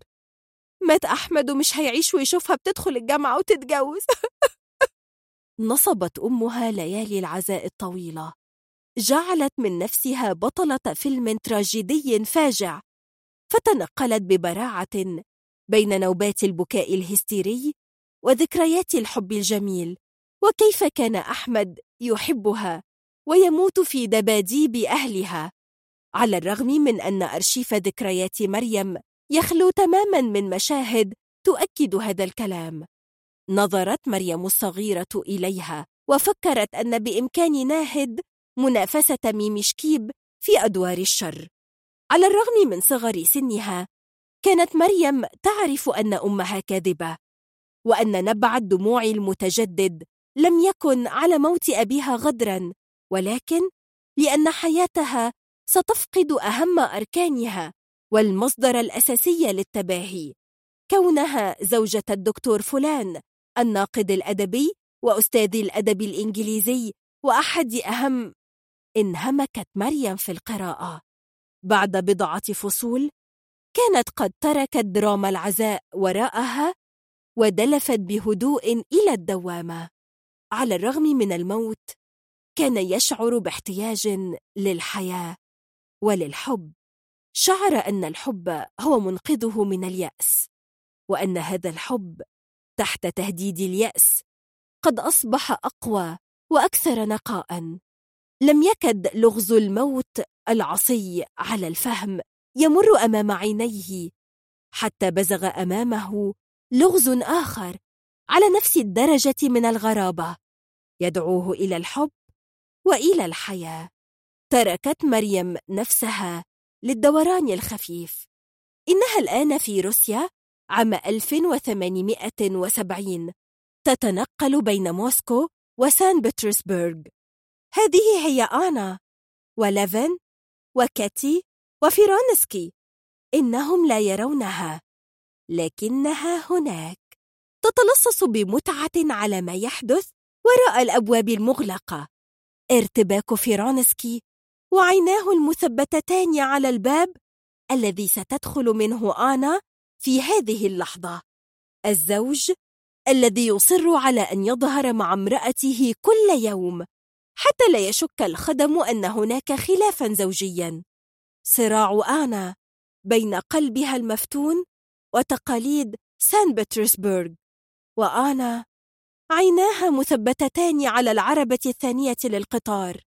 وفي نفس اللحظة التي كانت المساحة الشاغرة بين عجلات القطار أمام عينيها قذفت بالحقيبة الحمراء من يدها أعادت رأسها إلى مكانه فوق الكتفين نزلت على يديها تحت العربة وبحركة خفيفة كأنها ستقوم فورا نزلت على ركبتيها وفي اللحظة التي أصابها الفزع مما تفعله أين أنا؟ وماذا أفعل؟ ولماذا؟ حاولت أن تقوم أن ترجع إلى الوراء. لكن شيئا ضخما وبلا قلب خبطها وألقى بها إلى الخلف. لا تعرف مريم لما اختارت تلك الرواية تحديدا؟ ولا تتذكر ما الذي فهمته فتاة في الثالثة عشرة من حكاية عن الحب والخيانة والحياة والموت؟ لم تفهم كل ما قرأت. لكنها تتذكر جيدا كيف تحركت أحاسيسها بشكل لم تخبره من قبل؟ ذاقت الحزن والانكسار والحماقة والعشق المجنون كأنما كانت تستكشف في نفسها غابة المشاعر المجهولة. عندما انتهت مريم من آنا كارنينا كان قد مر على وفاة أبيها أكثر من أسبوع. تسحبت من غرفتها ودخلت حجرة مكتبه مرة أخرى. أغلقت الباب بالمفتاح حتى لا تقتحم ناهد خلوتها. كانت الغرفة معتمة وذات رائحة عطنة فتحت النافذة فدخلت الشمس إلى المكتب وغطت الأوراق المتناثرة فوقه. مسحت التراب من فوق الكتب والورق الأبيض غير المسطر الذي يحمل خط يده الكبير. لملمت ملفات الأوراق ووضعتها في دواليب المكتبة السفلية. جلست على كرسيه الجلد وقتا طويلا ثم قامت إلى المكتبة لتأتي برواية جديدة. التقطت موسم الهجرة إلى الشمال التي كان قد اشتراها أبوها قبل موته في عام 1966 ولم يقرأ فيها إلا 35 صفحة. تركت مريم الريشة الفضية التي يعلم بها الصفحات في مكانها حتى الآن. في مراهقتها عثرت مريم على كهف سري تختبئ فيه من شرور العالم ربما كان هذا هروبا لكن المؤكد هو أن ما قرأته في الكهف قد غيرها إلى الأبد. لقد اتخذت وقتها قرارا أن تصبح مريم جديدة. مريم لا علاقة لها بتلك الانطوائية المنبوذة التي يتجنبها بنات وأولاد المدرسة لأن الحبة عندها قبة هائلة فهي تسيء فهم الكلام وتجعل من المزاح العادي مصيبة. في الصف الأول الثانوي قررت مريم أن تعيد تشكيل نفسها من جديد وكان لها ما أرادت. أصبح لها أصحاب أخيرا وبعد طول انتظار. بل إنها بعد فترة من الاطلاع بدور استشاري العلاقات العاطفية والمحلل النفسي لعقد وكلاكيع الطفولة أصبحت قبلة الحيارى والمعذبين من شعب المدرسة الذي توجها حكيمة الحكماء التي لا يخلو جرابها من فكرة أو مخرج أو حيلة. تعرف مريم أن كل رواية أسلمت نفسها لها وتمتعت بالعيش في عالمها كانت تملأ جزءا من فراغ موحش داخلها. عاما وراء عام كانت مريم تخطو بعيدا عن سنوات العذاب مع أمها وتترك وراءها آلام الضرب والقسوة والسخرية التي تركت داخلها شروخا تمتد بطول جسدها وعرضه. دقت ساعة الصالة الواحدة ظهرا أفاقت مريم من شرودها ونظرت حولها. لقد شملت أمين الحجرة برعايتها. رتبت أكوام الكتب والكراكيب في الأركان. أزاحت أطنان التراب التي تراكمت فوق أرفف المكتبة دون أن تخل بمكان كتاب. لم يطرأ على الغرفة أي تغيير باستثناء رزمة جديدة من الكتب تركتها أمينة على طرف المكتب لزوم الاستعارة. إن أمينة تلتهم الكتب بسرعة عجيبة. تتبعت مريم نور الشمس الذي دخل من النافذة ورسم مثلثا كبيرا من الضوء فوق الأرض والكنبة والجدار. في قلب الضوء أحست كأنما ترى أباها. كان يجلس على طرف الكنبة وينظر نحوها. نظرت مريم إليه طويلا. تأملت عينيه اللتين بلون الزيتون الأخضر.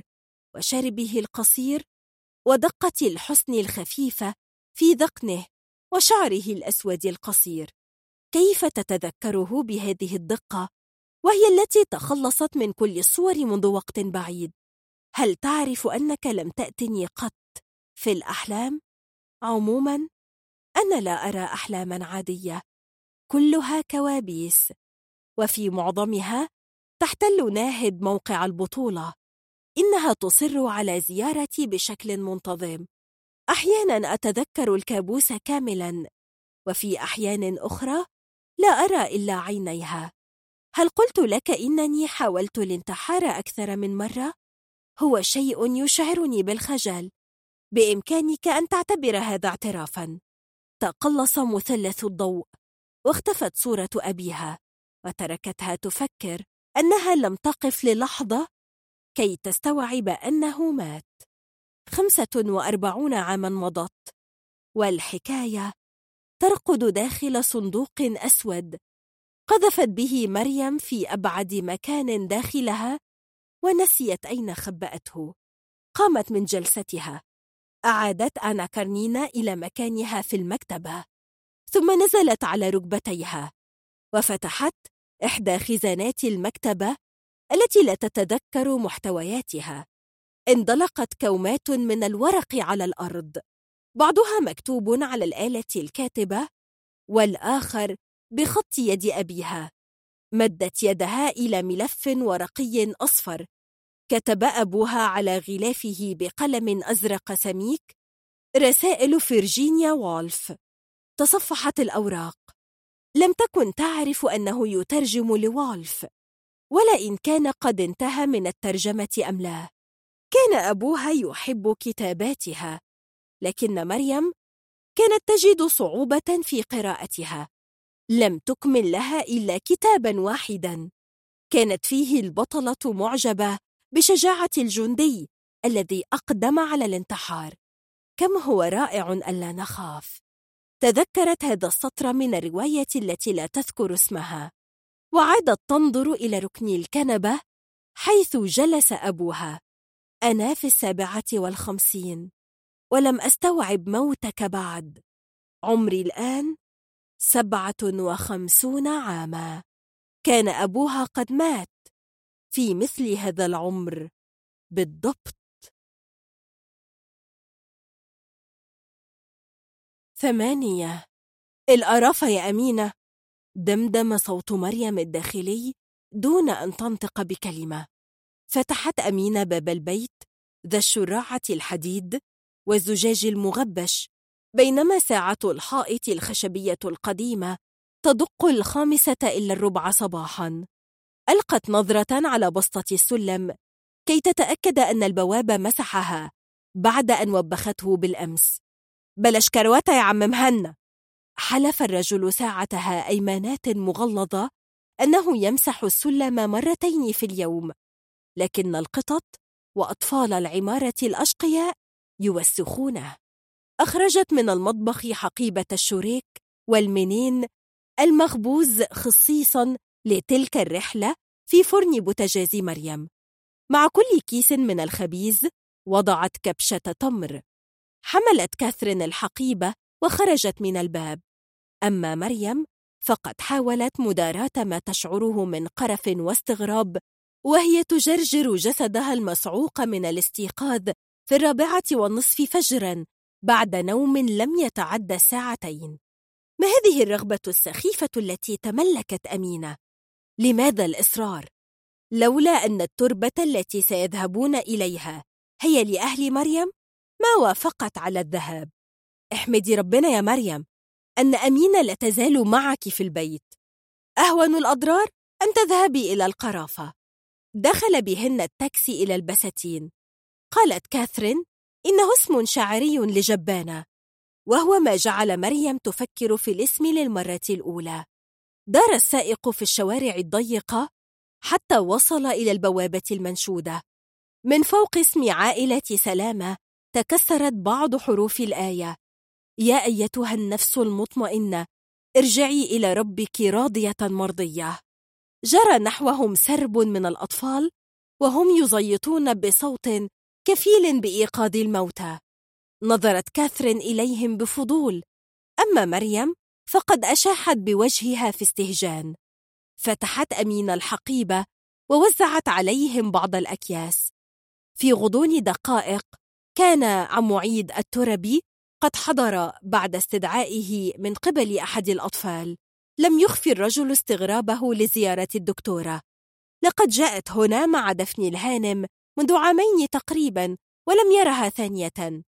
لكنه لم يقصر في الترحيب بها. بالإضافة إلى شكاوي تخص قبر سعادة البيه الدكتور وأخيه والبيه الكبير الذي نشعت فيه المياه وسقطت قشور الطلاء. قاطعته أمينة بشخطة صغيرة. الزرع ماله عطشان كده يا عم عيد. روح الله يخليك هات مية. بسرعة! تجمد لسان الرجل ونظر إلى أمينة برهبة. وذهب وعاد بجردل ماء بينما سيل التوبيخ مستمر. روح دي ولا مش روح يا عم عيد؟ الدكتورة هتتكفل بالترميمات. لكن هتيجي كمان تسقي الشجر؟ واكتمل المشهد بظهور الشيخ حسنين فجأة. كأنما كان يختبئ في أحد القبور. تربع وبدأ في تلاوة آيات من سورة البقرة. استمعت كاثرين إلى النغمة وحروف الكلام الممطوطة. بسم الله الرحمن الرحيم. وبشر الذين آمنوا وعملوا الصالحات أن لهم جنات تجري من تحتها الأنهار. كلما رزقوا منها من ثمرة رزقا قالوا هذا الذي رزقنا من قبل. وأتوا به متشابها ولهم فيها أزواج مطهرة وهم فيها خالدون. ابتسمت كاثرين لنفسها وهي تفكر في كل الأساطير اللطيفة التي خلقها الإنسان. المسيح المخلص. الله السميع العليم. بوذا المستنير الذي يدرك كل شيء. لن تنسى أبدا الذعر الذي انتاب أمينة عندما أخبرتها أن البشر قد اخترعوا الرب كي يهدئوا من خوفهم ويفسروا لغز الموت. كان لابد أن نصدق أن هناك من نكلمه ويسمعنا ويعدنا بخلاص وجنة أبدية في مقابل الصبر على البلاء. امتقع وجه أمينة وهي تسمعها. هزت رأسها وأشاحت بيدها وهي تستغفر الله نيابة عنها وتؤكد أن هذا الكلام حرام. حرام يا كاتي. بسم الله الرحمن الرحيم. لا يكلف الله نفسا إلا وسعها. لها ما كسبت وعليها ما اكتسبت. انقبض صدر مريم ونبضت رقبتها بالألم. لقد جاءت إلى أمها بقدميها. بعد أن ظنت يوم أن دفنتها في منتصف ديسمبر عام 2008 أنها لن تقترب من هذا المكان ثانية إلا مع موتها هي. بسم الله الرحمن الرحيم. ربنا لا تؤاخذنا إن نسينا أو أخطأنا. ربنا ولا تحمل علينا إصرا كما حملته على الذين من قبلنا. ربنا ولا تحملنا ما لا طاقة لنا به. واعف عنا واغفر لنا وارحمنا. أنت مولانا. فانصرنا على القوم الكافرين. قالت أمينة صدق الله العظيم. ربنا يبارك لك يا شيخ حسنين. تصرفت أمينة كأنها سيدة البيت. شكرت الرجل وأعطته من أكياس الشريك والتمر. وبعض المال الذي أخذته من مريم. رافقته حتى باب التربة وعادت للجلوس بجانب مريم وكاثرين. كان عيد قد أتى إليهن بأكواب الشاي الساخن. وفتحت أمينة كيسا آخر ومررته على كاثرين ومريم. كان الهواء ناعما في ذلك الوقت المبكر من الصباح. وكاثرين مسترخية تسند رأسها إلى الحائط المتقشر. فبدأ لمريم كأنها زارت هذا القبر ألف مرة. على العكس من حالها البائس والذي ازداد بؤسا عندما أدركت أنها نسيت إحضار أدوية الصداع والضغط. يلعن أبو شكلك يا مريم. انتبهت على يد أمينة تلمس كتفها فارتجفت. فوجئت بتدافع الكلام من فمها دون تفكير. أنا تعبانة يا أمينة. مش عارفة ده من قلة النوم ولا من وجودي هنا على بعد خطوة من أمي. ولا من وجودك أنت وكاثرين معايا ولا يمكن لأني مش قادرة أصدق إن شخصيتين اتكتبوا في روايات عايشين معايا في البيت من خمس أسابيع. الشيء المرعب هو إن جزء مني مصدق وده معناه حاجة واحدة إن أنا اتجننت. شعرت مريم بصدرها يرتفع وينخفض كأنما قد جرت أميالا. رأسها يغلي وخيوط العرق تتدافع فوق جبهتها وثنايا ظهرها. نظرت أمينة إليها بعطف ثم أدارت عينيها نحو شاهد القبر. قالت بنبرة هادئة أنا عارفة إنك بتسألي عن أصلنا وفصلنا. تفتكري أنا ما سألتش نفسي بدل السؤال ألف؟ أنا يمكن شكلي هادي بس ساعات راسي بيبقى عامل زي الطابونة الخربانة. أنا هنا فعلا؟ طب إزاي؟ صوت جوايا بيضحك على عبطي ويقول لي وهي دي أول مرة يا أمينة؟ أنا حكيت لك إني كنت مع كاتي في بيت ما فيهوش غير ستات. لما سألتيني عن مكانه ما ردتش. عارفة ليه يا مريم؟ نظرت مريم إليها في صمت. لأننا ما نعرفش هو فين. في أحد الأيام صحت أمينة من نوم بدا لها عميقا وطويلا. فتحت عينيها في سرير ليس بسريرها وبيت ليس ببيتها. خرجت من الغرفة وتجولت في المكان كما لو كانت في حلم. سرعان ما أدركت أنها في بيت ينتصب فوق تل صخري وسط خلاء بلا نهاية. تلك كانت أغرب لحظات حياتها.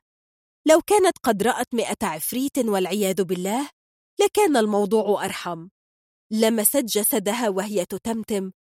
أنا أنا أمينة بنت الشيخ عبد السلام الخضيري. حية! مر يوم وراء يوم وأسبوع تلو أسبوع. وأدركت أمينة أن هذا ليس بحلم لم يكن أمامها إلا أن تتعرف على المكان على البيت الذي امتلأ بنساء من كل صنف ولون ولسان نساء لم تستغرب إحداهن وجودها كأنما كانت هناك دوما هي فقط من كانت تتساءل من هؤلاء؟ أين أنا؟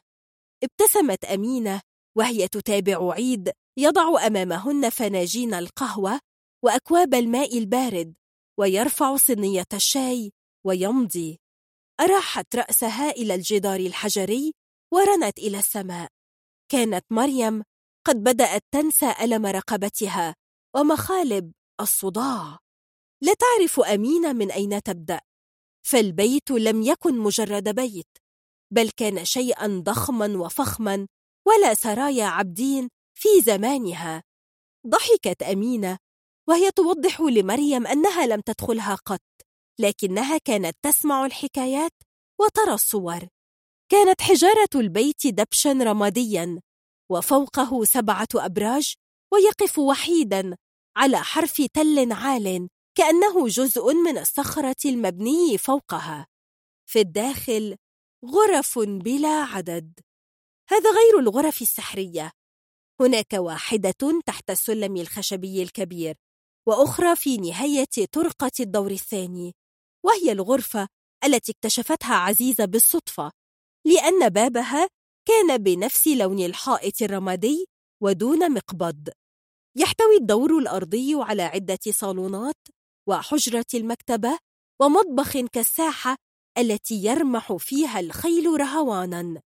هذا غير القبو الذي كانت تخافه أمينة. فمن أدراها من هم ساكنوه من الجن أو العفاريت الزرق. يشكل جدار البيت الشرقي خطا مستقيما مع طرف التل العالي. فلو حدث مثلا أن أوقعت إحدى النساء شيئا من نافذتها فالعوض على الله. أما الناحية الغربية فهي مفتوحة على حديقة شاسعة قد يقضي الواحد نصف يوم كي يمشيها.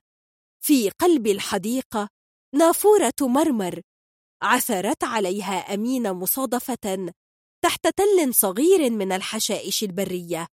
بعد زمن من مجيئها نظفتها أمينة ورممت الشروخ وغسلت المواسير من الصدأ. فعادت كالعروس يوم زفافها. وهناك سلم حجري متآكل من الزمن ومن مياه المطر يقود إلى أسفل التل. أين أنا؟ لم تكن أمينة تعلم أن هذا السؤال البسيط. سيظل عالقا بلا إجابة حتى هذه اللحظة التي تجلس فيها أمينة في تربة أهل مريم. لقد دارت على قاطنات البيت واحدة تلو الأخرى.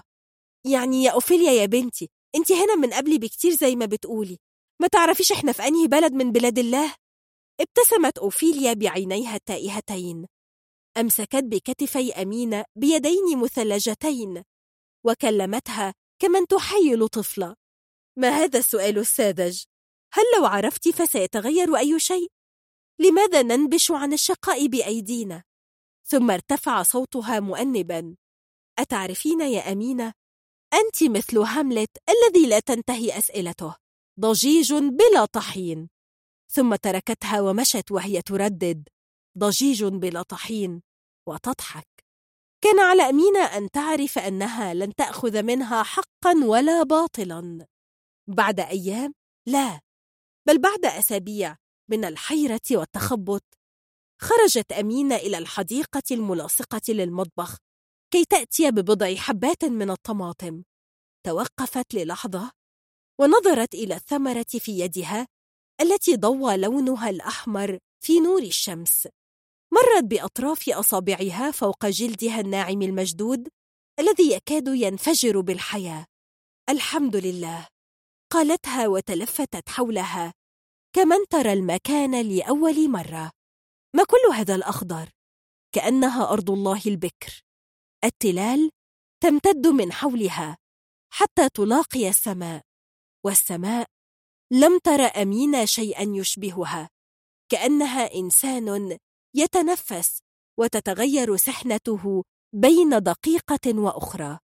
تلك الأشجار الضخمة كأنها كانت هنا منذ الأزل والبراح ممتد بلا نهاية. على مرمى البصر لم تلمح أمينة أثرا لإنسان.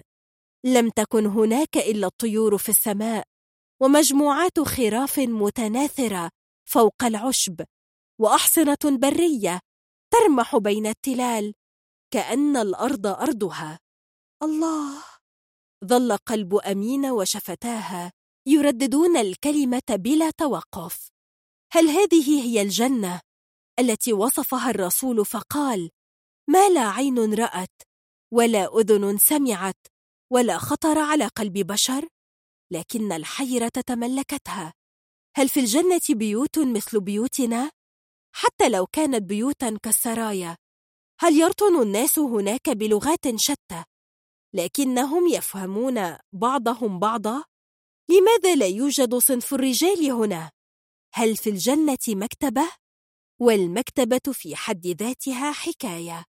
لقد قادتها قدماها بسهولة إلى مكان الكتب العربية. لا تعرف أمينة كيف عاد إليها ما تعلمته طفلة في الكتاب؟ بعد فترة قصيرة أصبحت تلتهم الكتب كأن عالما سحريا قد انفتح أمامها.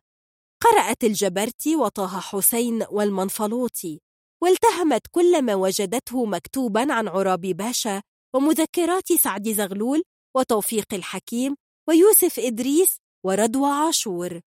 القائمة أكبر من أن تتذكرها أمين الآن. بعد بضع سنوات سوف تتعلم أمين الإنجليزية وتبدأ في استكشاف جزء جديد في المكتبة.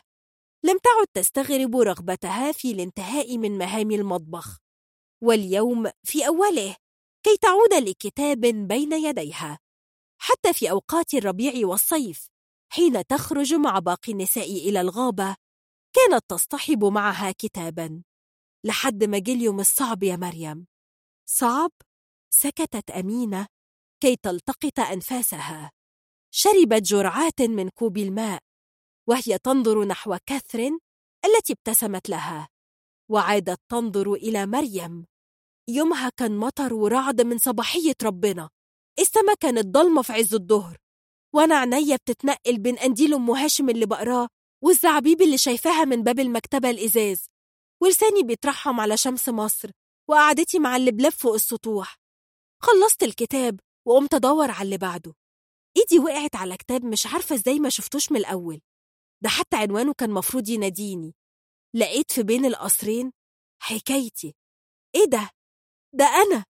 وده البيت الكبير والعيال والإنجليز وسعد باشا والمظاهرات و قرأت أمينة والأسئلة تدق رأسها كمطارق حي النحاسين من كتب حكايتي؟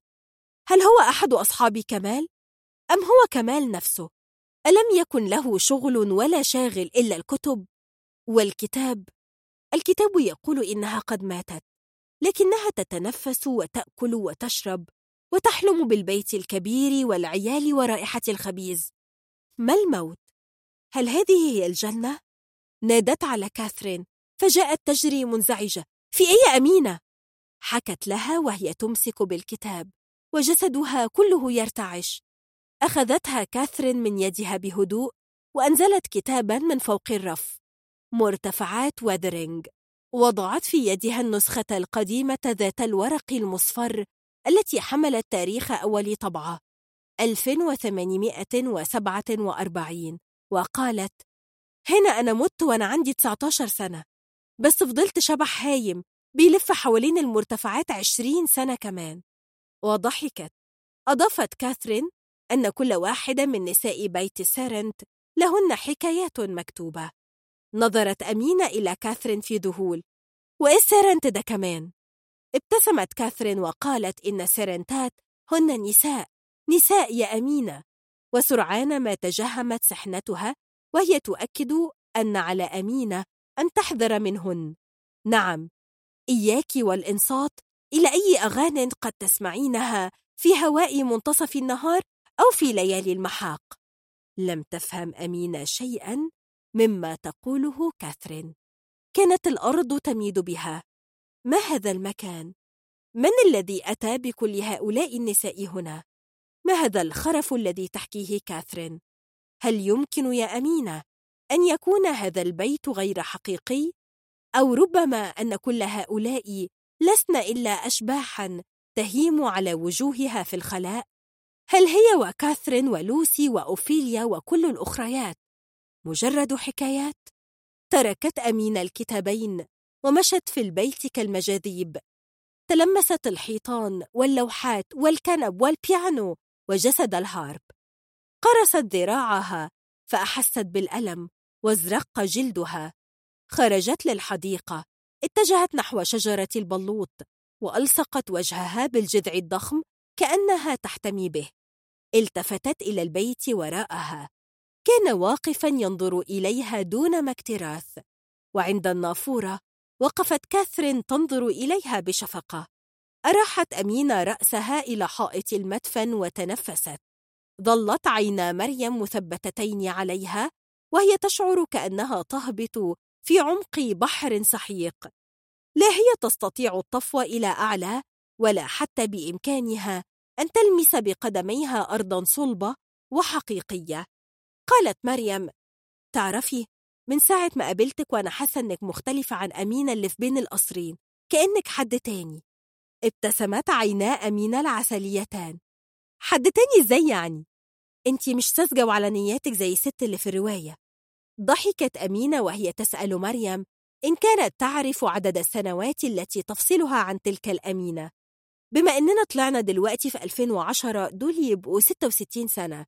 يعني قد اللي عشته من ساعة ما اتولدت لحد ما ربنا افتكرني بعد الحرب بسنة.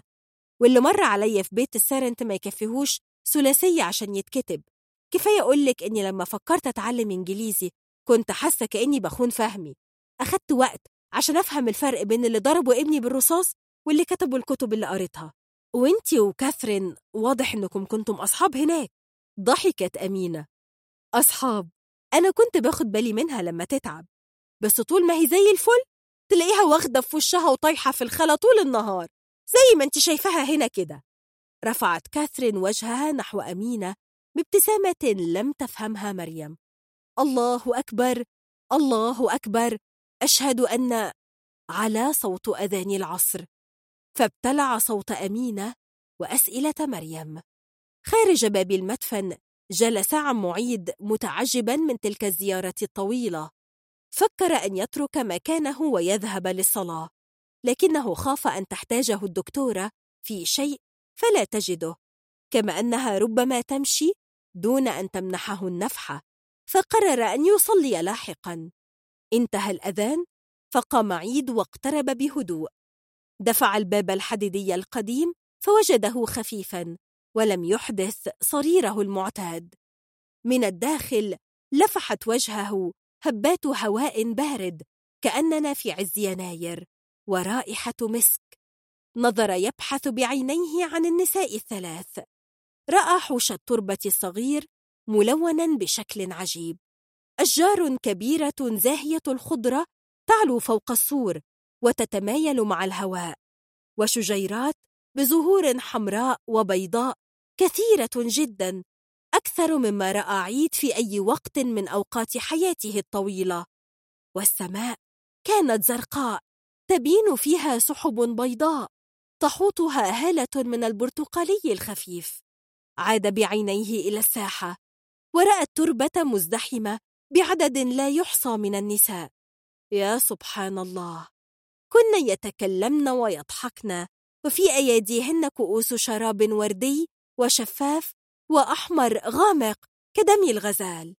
شعر عم عيد بالأرض تدور من تحت قدميه بعنف. أغمض عينيه وفتحهما وقد تخشب في مكانه.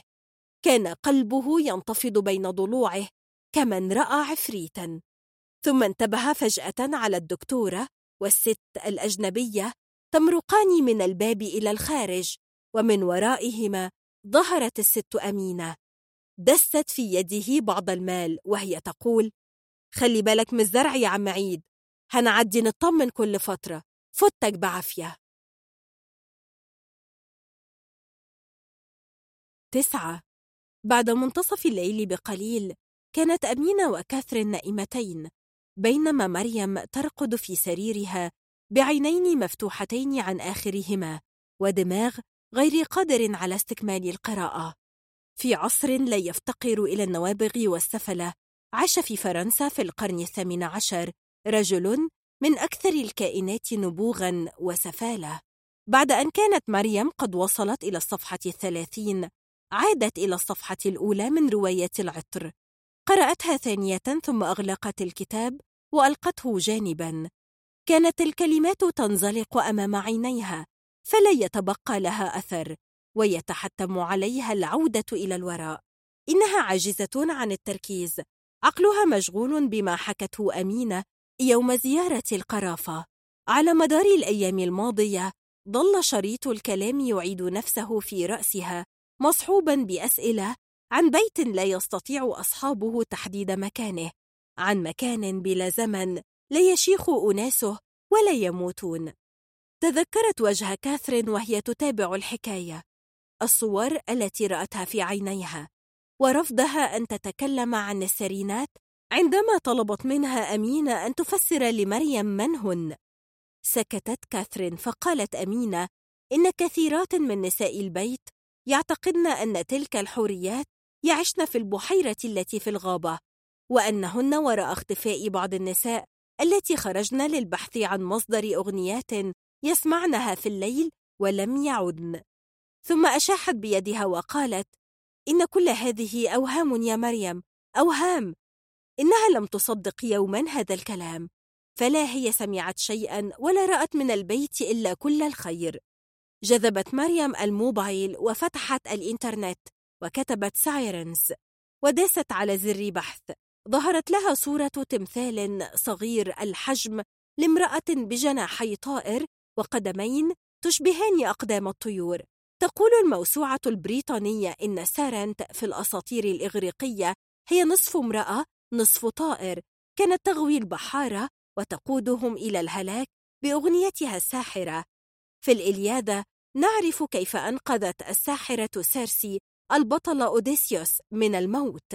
لقد نصحته بأن يغلق آذان كل طاقم بحارته بشمع العسل حتى لا يسمعوا الأغنية أثناء عبورهم بالقرب من الجزيرة التي تسكنها السرينات. أوديسيوس نفسه كم كان يود لو سمع تلك الأغنية؟ لكنه طلب من البحارة أن يقيدوه إلى سار السفينة حتى لا يتمكن من تحويل مسار السفينة لو أنه سمع أغنية الغواية. لكنه سمعها وظل يتوسل إلى طاقم السفينة كي يفكوا وثاقه فرفضوا ونجا أوديسيوس قلبت مريم في صفحات الإنترنت التي أشارت إلى روايات متعددة عنهن لكنها تحمل خيوطا مشتركة من عينات أنهن موسيقيات لهن أصوات خلابة متمردات قاتلات وأن صوت سرينة الخطر يعود بجذوره إلى عالم السرنتات لكن ما العلاقة بين السرنتات والبيت الذي تتحدث عنه أمينة؟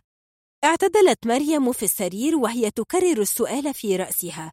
استغربت أنها أخذت الموضوع بهذه الجدية كأنها ستجد في إجابة السؤال مفتاح لغز أمينة وكاثرين. تعدت الساعة الثالثة فجرا ومريم تدور في دوامة دماغها وتنظر بين حين وآخر إلى الكتاب المقلوب على وجهه بزهق. لماذا لم تعد قادرة على الاندماج في رواية؟ إن جرينويل بطل العطر لم يقصر معها. حاول قدر استطاعته أن يرمي بشباك حكايته حولها. ربما لو كانت مريم في أيام الكهف السري حين كانت تقفز بسهولة إلى عالم الروايات وتبقى هناك كما يحلو لها لعاشت مع تلك الرواية أياما لا تنسى. كانت سوف تتتبع بشغف مسيرة حياة جرينويل الذي ولد في سوق السمك ونجح أن يجعل من نفسه شخصا غير مثير للاهتمام فتركه الناس وحاله. كان هذا بالتحديد هو ما يطمح إليه.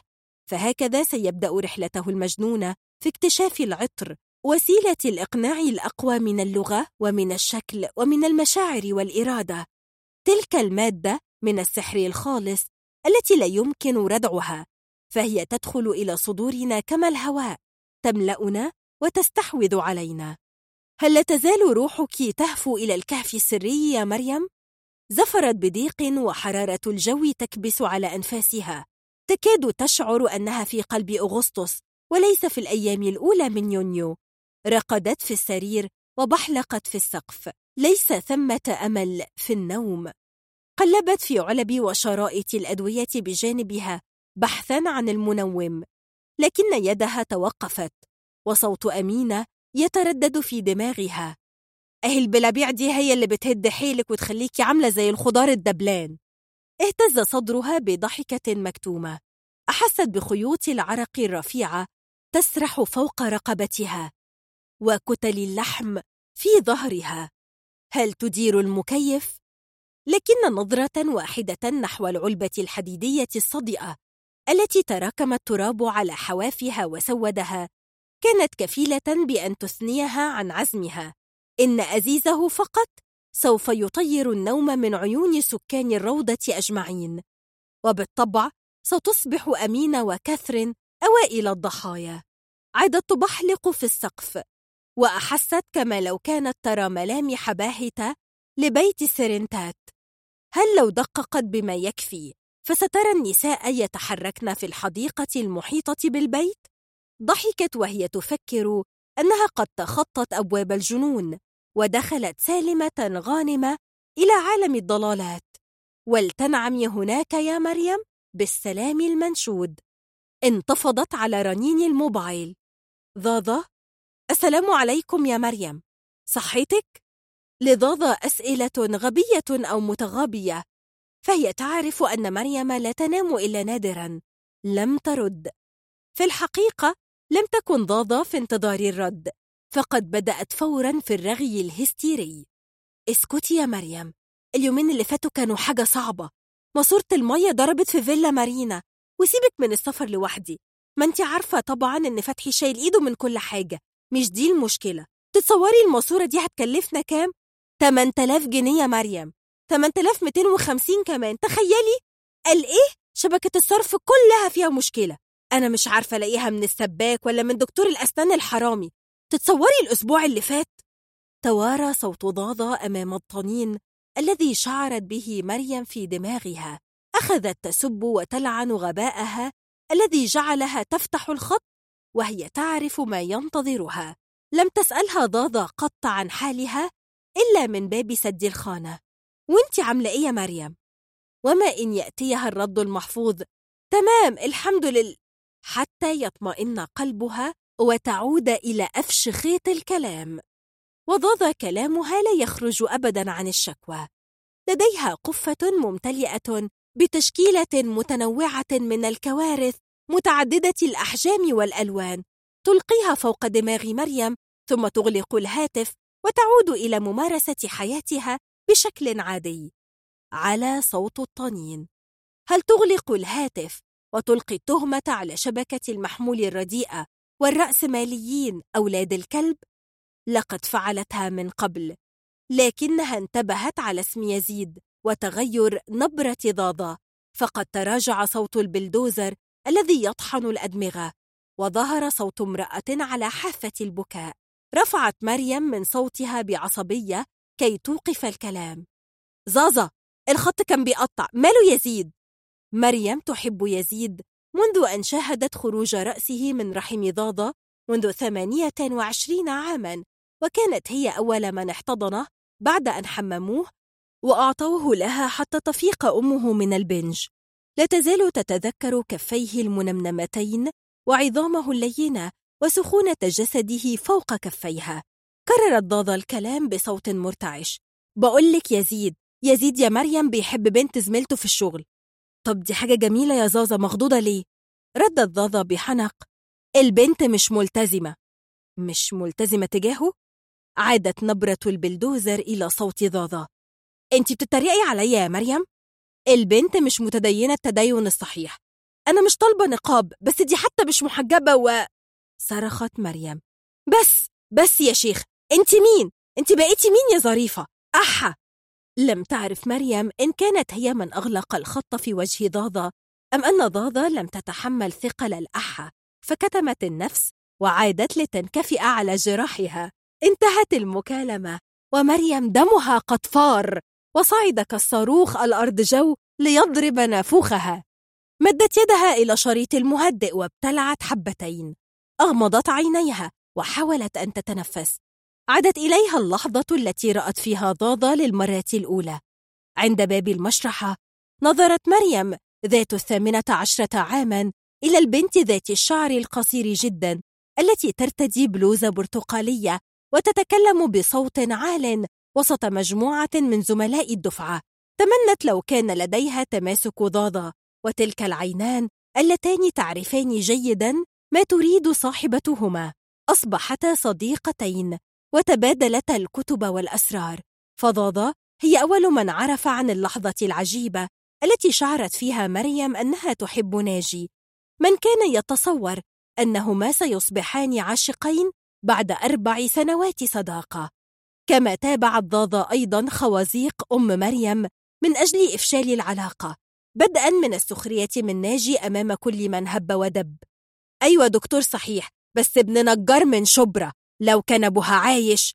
وصولا إلى ادعائها أن ناجي قد تحرش بها وأنها حاولت أن تخفي الأمر عن مريم حتى لا تجرحها لكنها شعرت أن عليها أن تحكي ما حدث. ولمريم القرار الأخير. الشيء المضحك هو أن ناجي قد مات منذ زمن بعيد وناهد هي التي عاشت كي تناكفها وتسمم حياتها. لكن ضاضة صاحبتي كيف أصبحت تلك المرأة البائسة؟ على الرغم من أنهما على اتصال فإن مريم تعرف أنها فقدت ضاضة انقطع الخيط الأخير الذي يربطها بذاك الزمن من قبله تقطعت خيوط مع شلة الكلية منهم من هاجر ونفد بجلده من البلد ومنهم من كبر وأصبحت له اهتمامات الكبار عيادات ومستشفيات وفيلات في منتجعات البحر الأبيض والأحمر والبنفسجي والكاروهات. لقد صنعوا حياة يا مريم. كونك تحتقرين اختياراتهم؟ فطز. إلهي يحرقك يا زازا. قلبت علي مواجع بلا أي لازمة. ناجي وناهد وعفاريت زرق مدت يدها إلى الكتاب مرة أخرى. فتحته بشكل عشوائي.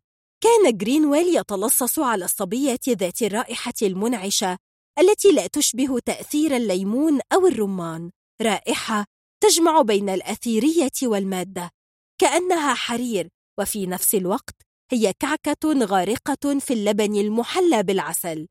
قرأت بضعة أسطر وأغلقت الكتاب. نظرت إلى السقف تقتفي أثر بيت السرنت. لم يكن هناك إلا لون الطلاء المصفر وخطوط مبهمة متداخلة. أشارت ساعة الحائط إلى الرابعة والنصف صباحاً. أطفأت نور الأباجورة وصدرها يمتلئ بالدموع لكنها لم تبكي. عشرة. بيت مريم في جزيرة الروضة عشرة يونيو سنة 2010 خمسة إلا ربع الفجر. اصطبحنا وصبح الملك لله. قلت أكتب شوية عشان أرتب دماغي. الفترة اللي فاتت ما عملتش حاجة غير التدوير على شغل قلت أركز الأول على المدارس ابتديت بالقريب جبت من البواب كشف حالة عن سكان العمارة ورحت خبطت على الست إيمان اللي في نفس الدور عزمتها تشرب معايا فنجان قهوة لكن أصرت هي اللي تعزمني. شكلها كانت مستغربة إن حد من طرف الدكتورة مريم يخبط على بابها واضح إنهم ما يعرفوش بعض كويس. دخلت في الموضوع على طول. قلت لها إن أنا وكاثرين بندور على شغل في التدريس. أخدت منها معلومات عن مدرسة عيالها أصلها وفصلها وإن كانت تعرف تسأل حد من مدرسين ولادها عن المرتبات وطلبت منها رقم الإدارة عشان أخد ميعاد وأروح أقابلهم. وإيمان عرفتني على أمهات تانية. قابلت يجي عشر ستات ولادهم في ست مدارس متنطورة في القاهرة شمال ويمين. عملت قايمة بالمدارس وبدأت أخبط على الأبواب. في منهم اللي ما ردش عليا وفي اللي قالوا إن سني كبيرة وما عنديش قال إيه سيرة ذاتية في التدريس. وأنا أجيب لهم سيرة منين؟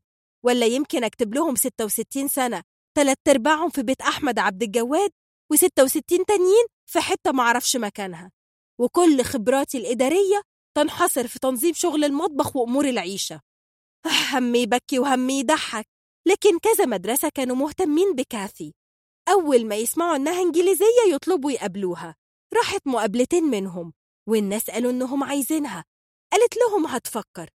وعندها النهاردة مقابلة الساعة 11 الصبح في مدرسة في الدقي بس شكلها ميالة أكتر للمدرسة البعيدة. سألت مريم فين القطامية دي؟ راحت مطلعة لي خريطة على الكمبيوتر وفرجتني. دي في آخر بلاد المسلمين. كاثي قالت بس يا أمينة بيدفعوا مرتب كبير. قلت لها طب والمشوار؟ قالت هتروح وتيجي في أتوبيس المدرسة. قلت اللي فيه الخير يقدمه ربنا وإحنا محتاجين كل مليم وكمان لو الشغل ده جه هيلهيها شوية عن العفاريت اللي بتتنطط في دماغها. شوية حكايات الست شارلوت وشوية هيثكليف وإدجار وأخوها المفتري. امبارح قالت لي تتصوري يا أمينة من ساعة ما جينا وأنا ما حلمتش بالمرتفعات.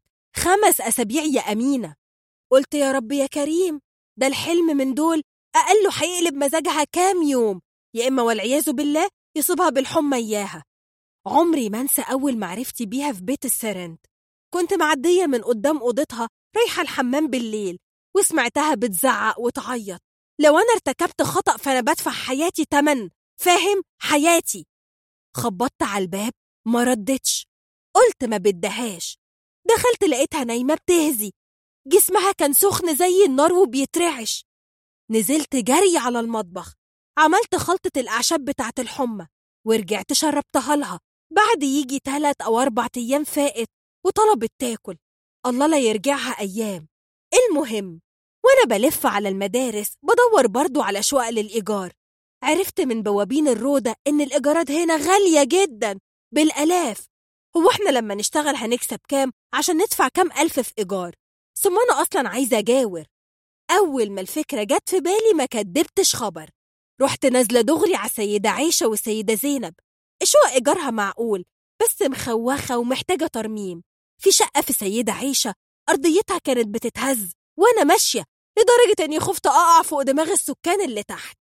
في السيدة زينب شفت شقة عجبتني. قلبي راح لها من وأنا تحت البلكونة. بس طلعت مش معروضة للإيجار.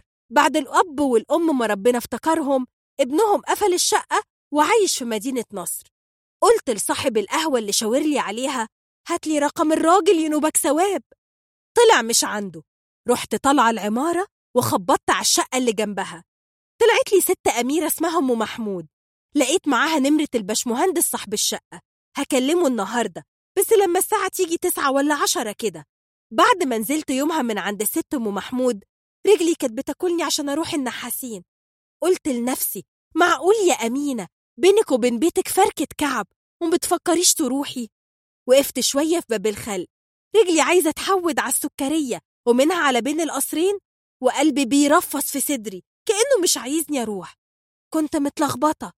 يعني ممكن يعني احتمال أقابل في الشارع خديجة ولا كمال ولا فهمي. بس فهمي مات ضحكت على عبطي. ما انت كمان متي يا أمينة. أول يوم جينا طلعت على بين القصرين بس معرفتش ألاقي البيت. هو إبرة في كمقشي يا أمينة ده بيت طويل عريض.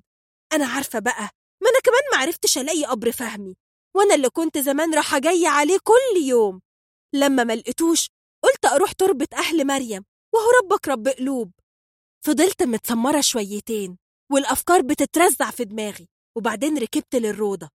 الساعة جت ستة ونص عايزة أقوم أحضر الفطار قبل ما كاتي تقوم. آه كنت هنسى أكتب عن حلم امبارح. حلمت بس السيد. كنا في أوضتنا في بيت بين القصرين. كان راجع مصهلل من قعدة الأنس وشرب له كاسين خمرة. قعد يرغي معايا عن الوفد المصري سعد باشا زغلول وعبد العزيز بك فهمي وعلي باشا شعراوي اللي راحوا دار الحماية النهاردة وقابلوا نائب الملك للمطالبة برفع الحماية وإعلان الاستقلال. قالها كده بصوت فخم. وأنا كنت قاعدة قدامه بتأمل عينيه الشاردة والابتسامة الخفيفة اللي على وشه. كان عامل نفسه مركز في الكلام الكبير اللي بيقوله. لكن أنا عارفة إن دماغه كانت هناك مع العوالم. بس في الحلم أنا ما كنتش أمينة بتاعت زمان. كنت أمينة بتاعت النهاردة. قعدتي على الأرض قدامه كانت متغيرة. عينيا وأنا ببص عليه ومستنية يبص هو كمان في عينيا كانت متغيرة. أستنى إنه ياخد باله. أبدا. طبعا ما هو كان ملهي بالمسخرة اللي في دماغه. إيه الله يصبحك بالخير يا أخويا. أحد عشر. عند باب المدرسة في القطامية سألت كاثرين موظف الأمن عن مكتب الموارد البشرية. لقد وصلت قبل موعدها بعشر دقائق وهو ما سيتيح لها التمشي بهدوء في الممر المظلل بأشجار الجهنمية ذات الزهور البيضاء عليها أن تدخل إلى المقابلة بثبات. صحيح أن لديها عرضين للعمل لكنها تبني أمالا على مرتب هذه الوظيفة الذي سيضمن استقلالها هي وأمينة في بيت يخصهما. لم تخبر كاثرين مثل هذا الشعور من قبل أن تكون مسؤولة عن نفسها بل عن آخرين. فلقد كان دوما حولها أناس يتولون تلك المهمة من بين مهام أخرى. ابتسمت ووجه مربيتها نلدا يمر أمامها.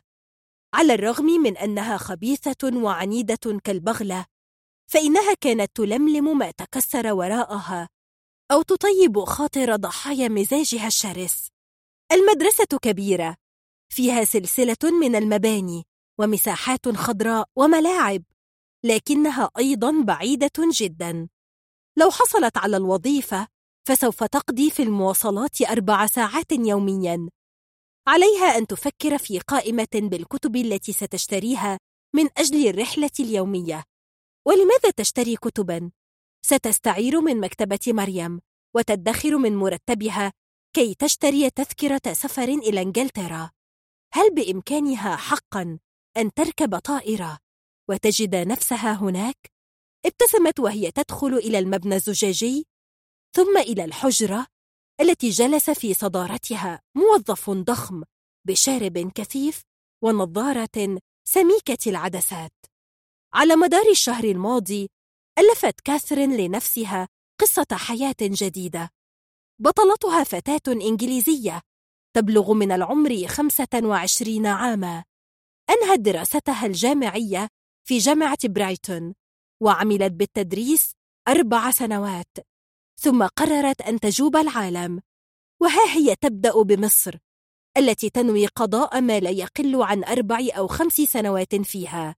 لذا عندما بدأ مدير الموارد البشرية السيد حسين عبد المتعال في توجيه أسئلته لها كان في جعبتها رصيد ضخم من الردود التي تدفقت بتلقائية أبهرتها هي شخصياً ابتلعت ابتسامة أوشكت على الإفلات منها. قال الرجل إن المدرسة بحاجة إلى مدرسين للمدرسة الصيفية وقبل بدايات العام الدراسي ستنظر الإدارة في تجديد العقد. كادت كاثرين أن تقفز من مقعدها وتطير في هواء الحجرة وهي تصرخ ابتهاجا. لكنها رسمت على وجهها ابتسامة رصينة وهي تنصت للرجل يقول إحنا بنعمل عقد سنة واحدة قابلة للتجديد وإن شاء الله يتجدد. التفت نحو الباب ورفع صوته بالنداء يوسف يا مستر يوسف. دخل إلى الحجرة شاب ثلاثيني بشعر أسود وخصلات مجعدة تصل إلى آخر رقبته ابتسم وسلم على كاثرين والسيد عبد المتعال يقوم بمهمة التعريف. مستر يوسف مدرس الدراما في المدرسة. مس كاثرين إنجليزية مدرسة إنجليزي وتاريخ. هتبقى معانا إن شاء الله. قام عبد المتعال من جلسته فظهر جسده الطويل ذو الكرش المهيبة. أوصلها إلى باب الحجرة وهو يطلب من يوسف أن يصحبها إلى مسز هنريك المسؤولة عن تدريس اللغة الإنجليزية. خارج المبنى وقفت كاثرين تنفض عن جسدها برودة التكييف. أغمضت عينيها ورفعت وجهها لنور الشمس الذي افترش المكان. على الرغم من أنها لم تشعر بالتوتر في المقابلة فإنها تنفست بارتياح. عليها أن تهاتف أمينة وتطلعها على الخبر السعيد. مرق بجانبها مجموعة من التلاميذ في الرابعة أو الخامسة عشرة. كانوا يجرون وراء زميل لهم وهم يسبونه ويضحكون. ابتسم يوسف وقال إن أغلبية أطفال المدرسة مدللون وأشقياء وهو يعتقد أنهم قد يظنون كاثرين في مثل عمرهم لذا فهو يوصيها بالحزم. أشار إلى الطابق الأرضي حيث مسرح المدرسة وصالة الجمانيزيوم وفي الطابق الثاني إلى أقصى اليمين توجد غرفة المدرسين. لكنه سيصحبها الآن إلى قسم اللغة الإنجليزية. وهناك تراجع صوت يوسف عندما سمعت كاثرين لحنا مألوفا. توقفت فجأة عن المشي وأصغت السمع. كانت في غرفتها تنسج لوحتها السحرية. ليلا ونهارا بألوان زاهية وشجية. ولقد سمعت همسات للناس خفية. تحكي أن ستحل عليها اللعنة ذات عشية. إن تركت ما تنسجه لتشاهد قلعة كاميلوت. لم تعرف ما تلك اللعنة أبدا ولذا لا تتوقف عن نسج اللوحة دأبا. ولغير اللوحة لا تأبه أو تعرف سببا. حسناء جزيرة شارلوت. سرت في جسدها رجفة قوية فأحاطت نفسها بذراعيها.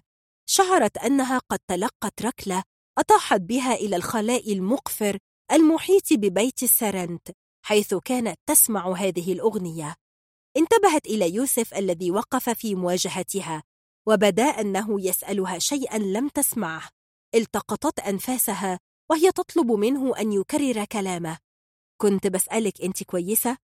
مين اللي بيغني الأغنية دي؟ نظر يوسف إليها متسائلا قال إنه لا يسمع إلا صوت الهواء الصحراوي الساخن يصفر في أذنيه وضحك. أشارت له أن يصمت للحظة. أصغت السمع. كانت الأغنية قد اختفت. لماذا تأتيها شالوت الآن؟ شعرت بالتوتر يتجمع في عضلات ظهرها ويتحرك تحت جلدها. اقترح يوسف الذهاب إلى الكافيتيريا كي ترتاح من الشمس وتأكل شيئا. هزت كاثرين رأسها بالرفض. قالت إنها لا تبدو على ما يرام فوجهها شاحب والعرق يتصبب منها. قطعته مؤكدة أنها بخير وأشاحت بوجهها بعيدا. إنها لا تحب أن يفترض أحدهم أنه يعرف مصلحتها أو يرشدها. في كل مرة تعامل معها إدغار بهذه الطريقة كانت تشعر بالغضب وتود لو قذفت رأسه بإحدى المزهريات الكريستال في بيته الأرستقراطي الصامت. في سنوات زواجهما القصيرة لم تشعر كاثرين للحظة أنه يتعامل معها كند. في تدليله لها أو رفضه أحد طلباتها أو حتى اقتراحه أن يخرج معا للنزهة في حديقة البيت كان كالأب الذي يعرف مصلحة الصغار. نظرت إلى يوسف كأنما تعتذر عن خشونة غير مبررة واستكملت المشي. دخلا إلى مبنى من أربعة أدوار حيث فصول الإعدادي والثانوي. صعدت وراءه الدرجة إلى الدور الثاني وهي تتأمل اللوحات التي رسمها الأطفال على الجدران. استدار وسألها منين في إنجلترا؟ يوركشاير. عمرك رحتها؟ قال لا. وابتسم وهو يشير إلى حجرة مسز هنريك. أعطاها رقم تليفونه لو احتاجت السؤال عن أي شيء وتركها للحاق باجتماع. في الطريق إلى البيت كانت كاثرين صامتة وقلبها ثقيلا. على الطريق الدائري تتابعت عن يمينها كتل البيوت الممتدة بلا نهاية. ما جعل جسد المدينة يبدو كوحش خرافي لا يمكن الإلمام بأبعاده. نزلت في شارع الروضة ومشت إلى شارع المقياس.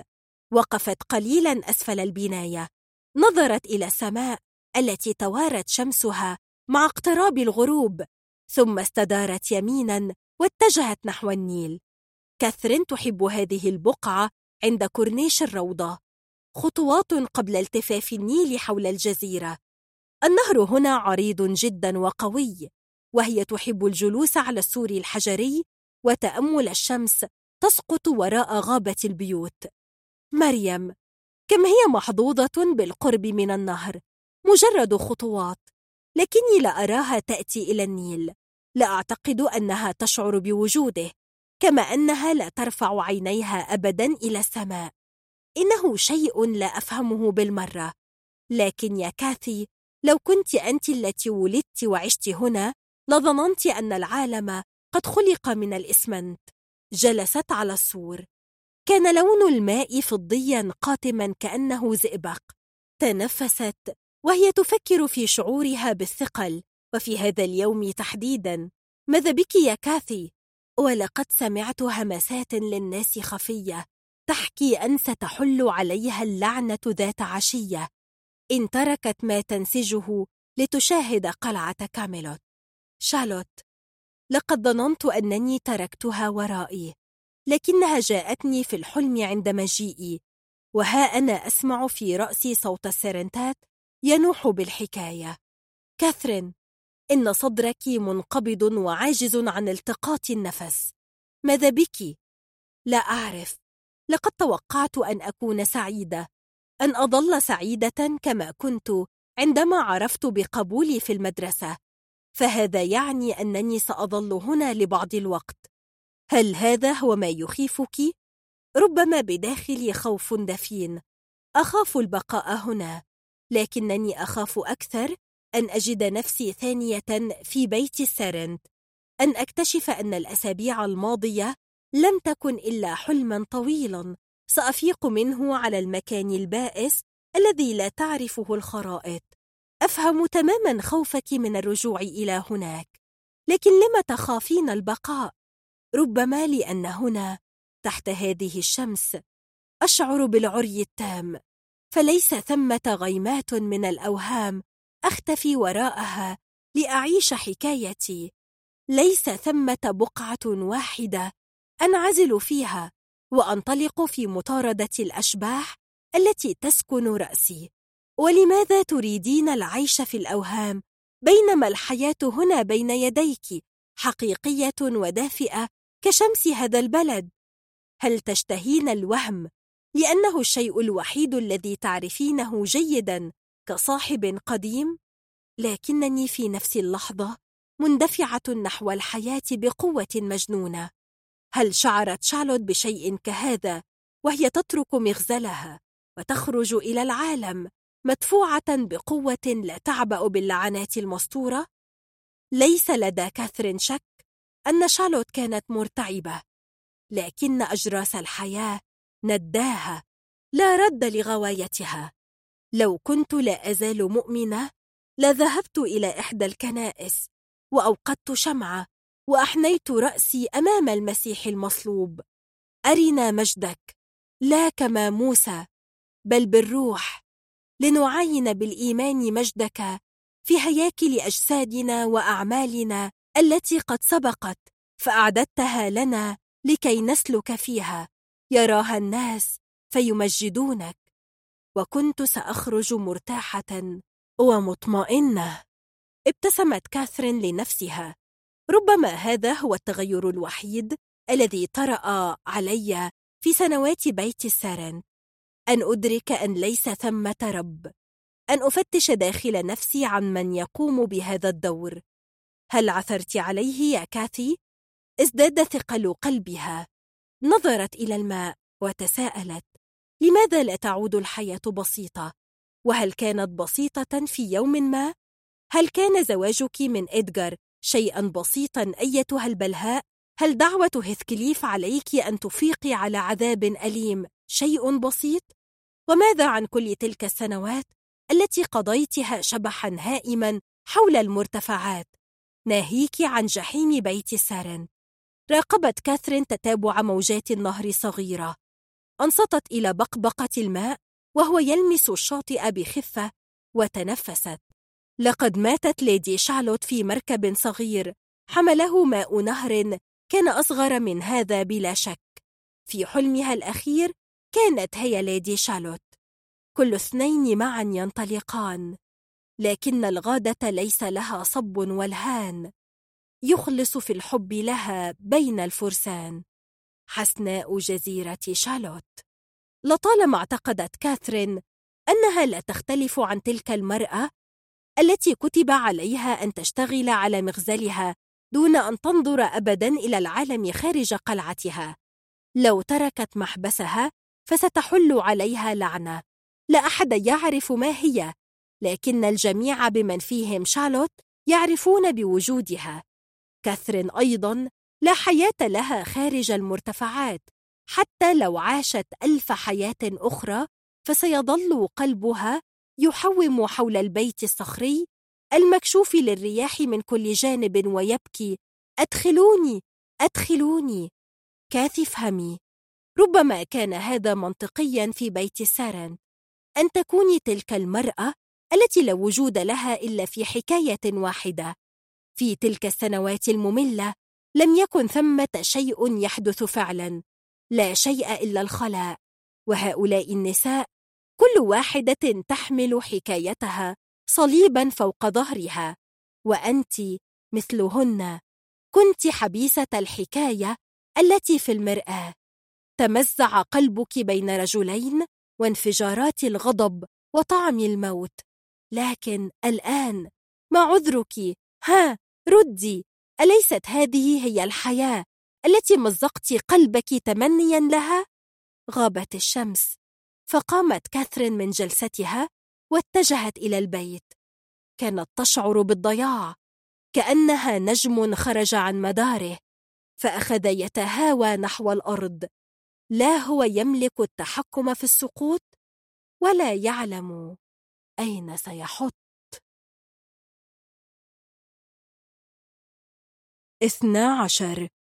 صحت أمينة من نومها على أنفاسها المضطربة واحتباس صوتها.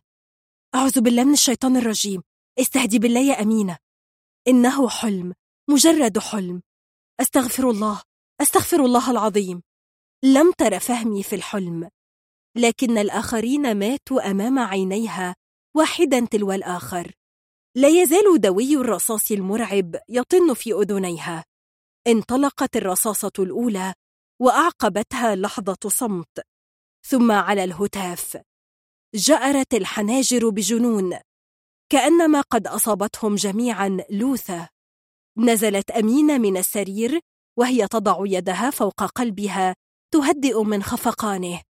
اتجهت إلى حجرة كاثرين وفتحت الباب بهدوء. وجدتها نائمة والكتاب المفتوح فوق صدرها يعلو ويهبط مع أنفاسها. سحبت الكتاب ووضعته جانبا. أطفأت الأباجورة وأغلقت الباب وراءها. اتجهت إلى المطبخ وهي تتلو آية الكرسي في سرها. أخذت زجاجة مياه باردة وخرجت إلى الشرفة. في الثالثة فجرا كان شارع المقياس صامتا وصوت الكراكات التي تهدم الفيلا المجاورة لمريم لم يبدأ بعد. اهدئي يا أمينة واحمدي الله على نعمته الواسعة. تذكري أنك بعد يومين سوف تنتقلين أنت وكاثرين إلى شقتكما الجديدة. أليس هذا شيئا رائعا؟ استندت أمينة إلى سور الشرفة وانفجرت في البكاء. جرجرت جسدها إلى المقعد البامبو وهي تكتم صوت نشيجها. كان الحلم يعيد نفسه في خيالها. عند الجامع الأزهر كانت تسير في بحر مواج بالبشر. أفواج وراء أفواج. رفرفت فوقهم الأعلام الحمراء ذات الأهلة والنجوم الثلاثة وهم يتحركون إلى الأمام. جلجلت الحناجر بالهتاف. الاستقلال التام أو الموت الزؤام. الاستقلال التام أو لم تستغرب وجودها في مظاهرة كأن هذا أمر عادي. صحيح أن سي السيد قد خطر على بالها لكنها طمأنت نفسها أنه جالس الآن في الدكان ولن يعود قبل الظهر. كما أنه لن يتصور أبدا أنها قد خرجت. بل إنها تتقدم مجموعة النساء. تهتف وهن يرددن وراءها. ثم رأت مريم كانت واقفة على رصيف الشارع تتابع ما يحدث بعينين زائغتين.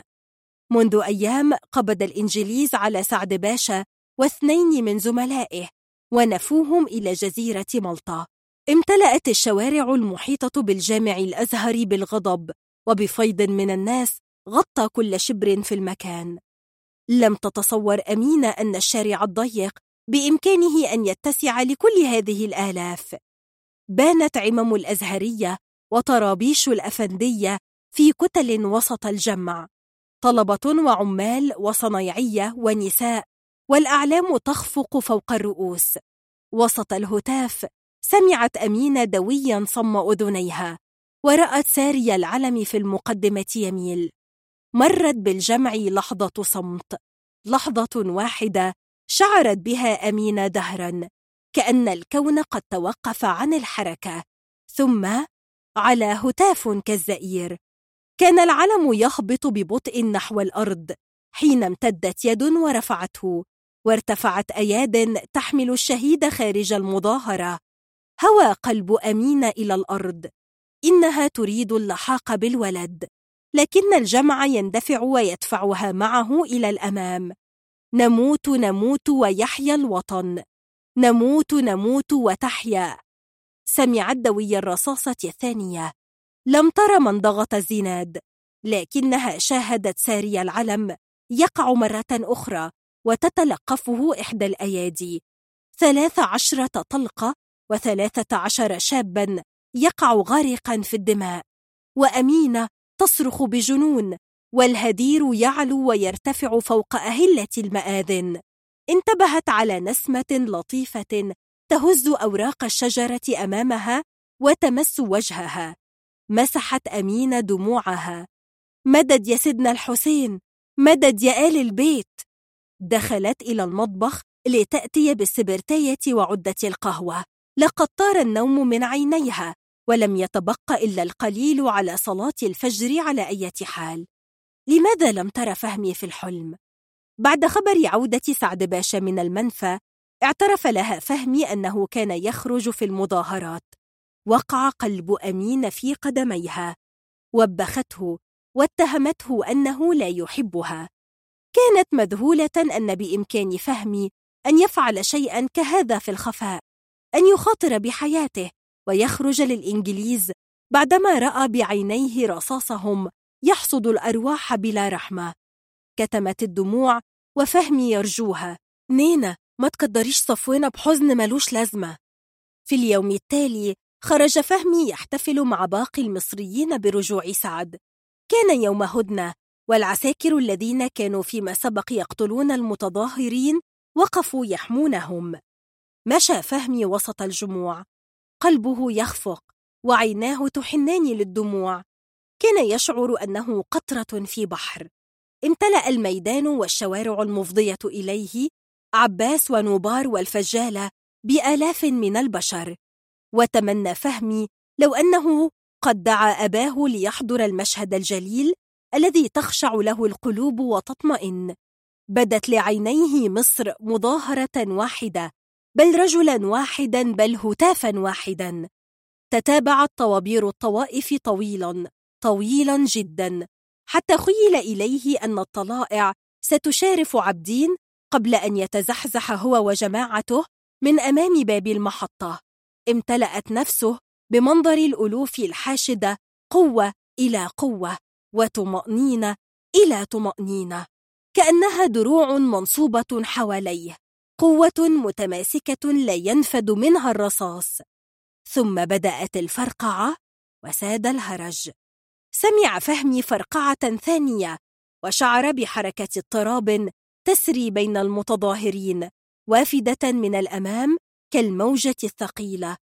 اضطراب وارتباك وارتطام صيحات فزع وغضب وأنين.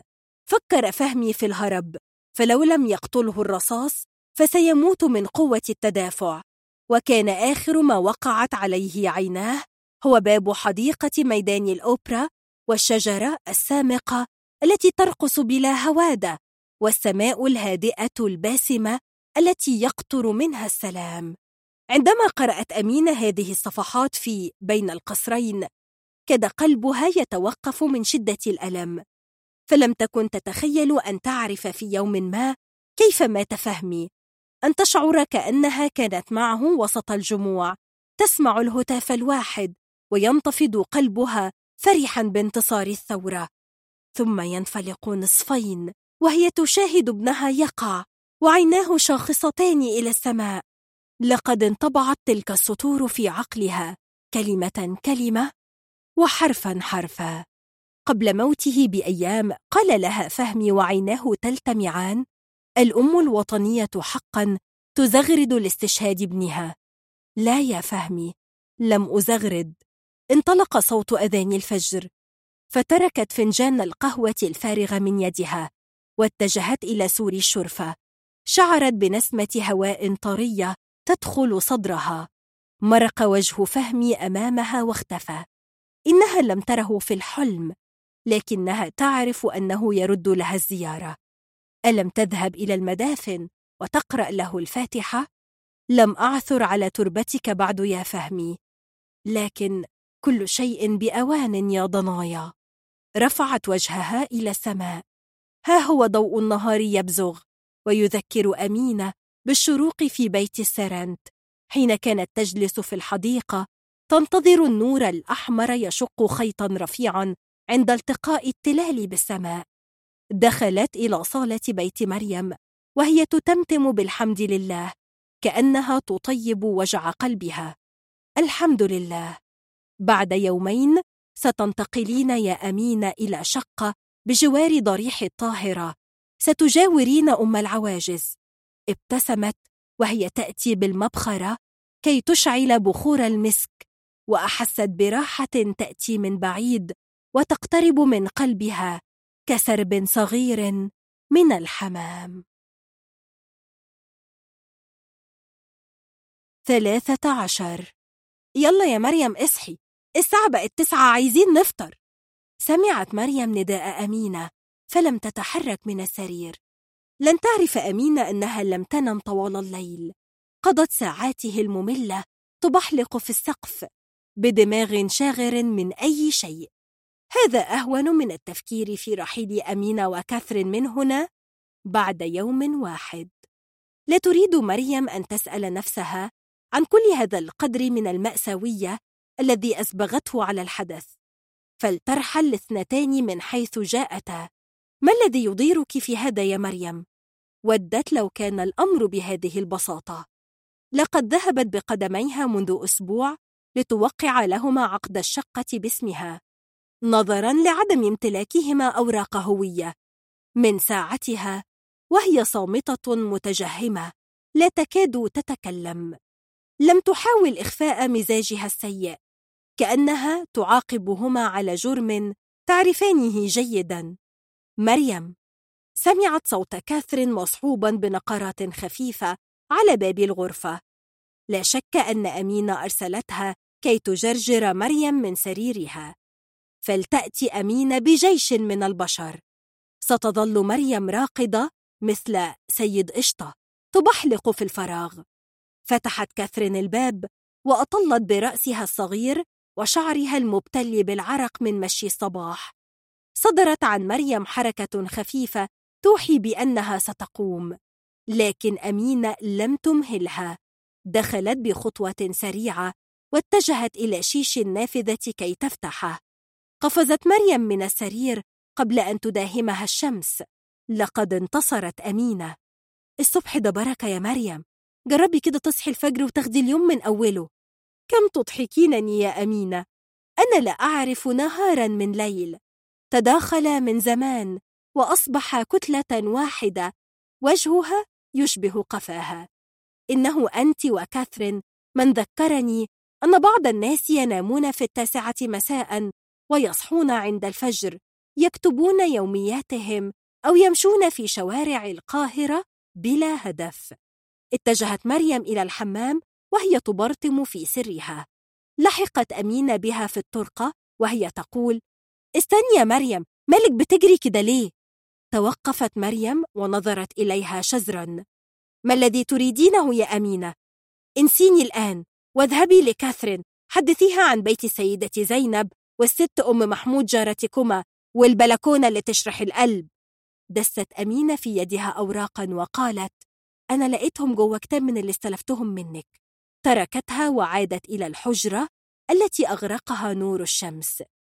وقفت مريم في مكانها وهي تنظر إلى الأوراق المطبقة في يدها. عندما فتحتها رأت خط ناجي الكبير والقلم الحبر الأزرق الذي كان يكتب به دوما. أعادت تطبيقها وقلبها ينسحب نحو الأرض. كيف نجا هذا الجواب؟ من المذبحة التي نفذتها مريم منذ أكثر من عشرين عاما. إنها لا تتذكر توقيت الحدث. ربما كان بعد خروجها من المستشفى وفقدانها الجنين الذي مات بعد أبيه بأسابيع. لا تعرف لو عاد الزمن بها إلى الوراء. هل كانت ستفعل ما فعلت؟ لكنها تعرف أنها كانت كالمخمورة وهي تلملم الصور والأوراق وتضعها في حوض المطبخ وترمي فوقها عود الكبريت بعينين زجاجيتين وقفت تنظر إلى اللهب وهو يكبر ويأكل وجه أمها المبتسم وجسد أبيها وهو يرفع مريم ذات الأشهر التسعة إلى فوق حتى صورة زفافها لم تنجو. امتدت النار لتزحف على جوابات ناجيلها امتلأ المطبخ بالدخان الذي أتى بناهد وفي ذيلها الخاضمة التي فتحت ماء الحوض. ثم جذبت مريم إلى الخارج بينما صراخ ناهد يلاحقها. أنت اتجننتي خلاص؟ بتحرقي صور أبوك يا مريم؟ عايزة تحرقي البيت وتحرقينا؟ اتجننتي! اتجن! على مائدة الإفطار استمعت إلى حديث أمينة وكاثرين بنصف دماغ. كان الكلام بالطبع عن خطة أمينة لتنظيف الشقة الجديدة ومراجعة قائمة المشتريات العاجلة من فوط وملاءات وحاجيات الحمام. بين الحين والآخر كانت مريم تشعر بثقل الورقات الثلاث في جيب فستانها. هل ستقرأ الجواب؟ تقرأ أو لا تقرأ؟ ذاك هو السؤال. لم تكن مريم تتصور صعوبة هذا القرار. ظلت طوال اليوم تلف وتدور حول نفسها في البيت. تدخل غرفتها وتعود إلى الصالة ومنها إلى المطبخ ثم الشرفة لدرجة أنها بدأت تلهث كأنها تجري ماراثون. عندما تعبت ارتمت فوق سريرها وامتدت يدها إلى جيبها تخرج الأوراق. مريم ميمي ماريكا. أكتب لك الآن من غرفتي في بيتنا في قوس. درجة الحرارة تعدت الأربعين. والناموس قد أكل نصف لحمي وأنا لا أشعر بالعيد على الرغم من الكحك الذي أتت به خالتي إلى البيت وصوت البومب الذي يفرقعه العيال في الحارة. عدت لتوي من ساعات أربع قضيتها مع حامد. ضحكنا كثيرا على النكات التي جمعتها خصيصا من أجله.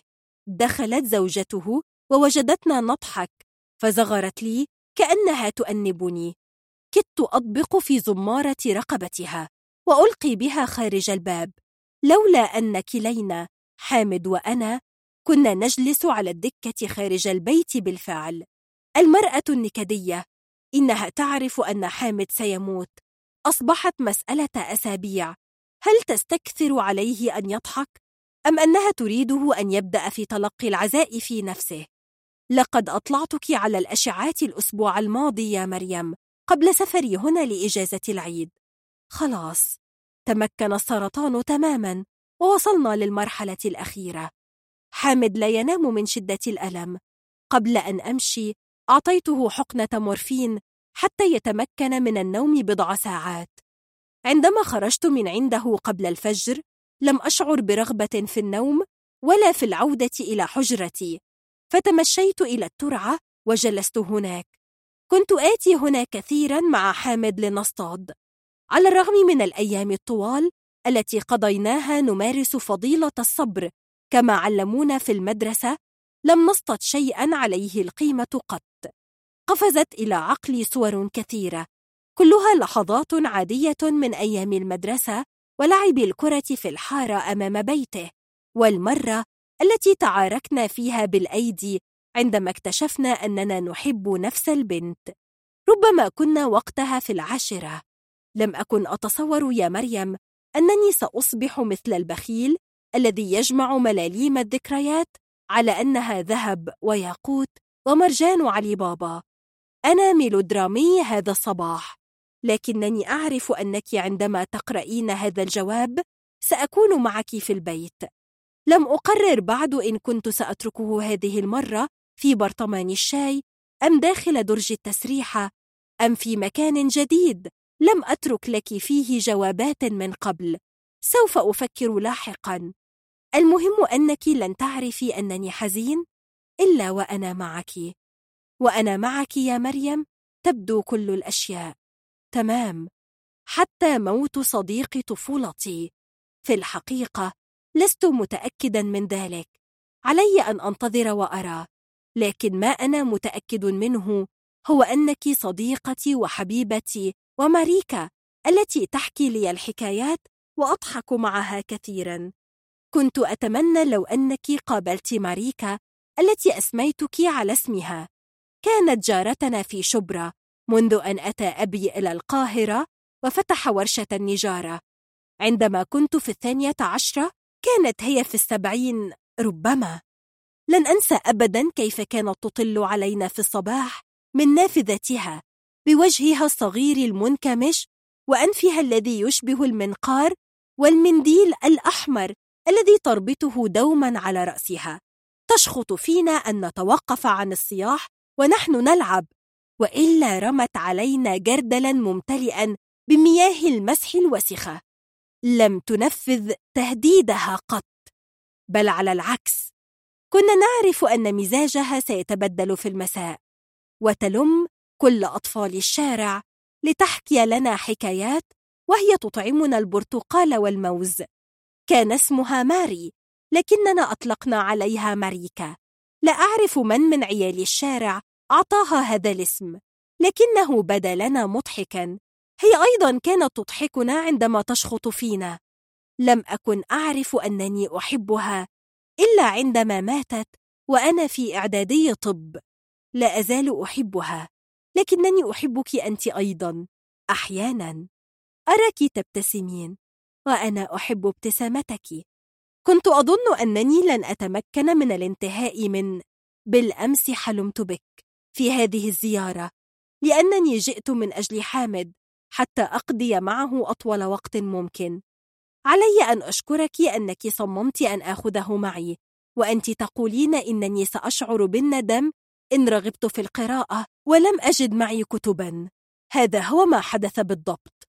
في اللحظة التي تركت حامد بالأمس انتابتني رغبة في البكاء. ذهبت إلى الترعة كما أخبرتك ثم عدت إلى غرفتي وظللت أقرأ حتى الصباح. تعرفين طبعا أن مع كل كتاب أقرأه مع كل كتاب سوف أقرأه أجدك معي. قبل أن أعرفك كانت الكتب تعني شيئا واحدا المذاكرة وحلم الطب. في سنوات الكلية الأولى قبل أن أحبك كنت أقرأ الكتب التي تحضرينها لي من أجلك.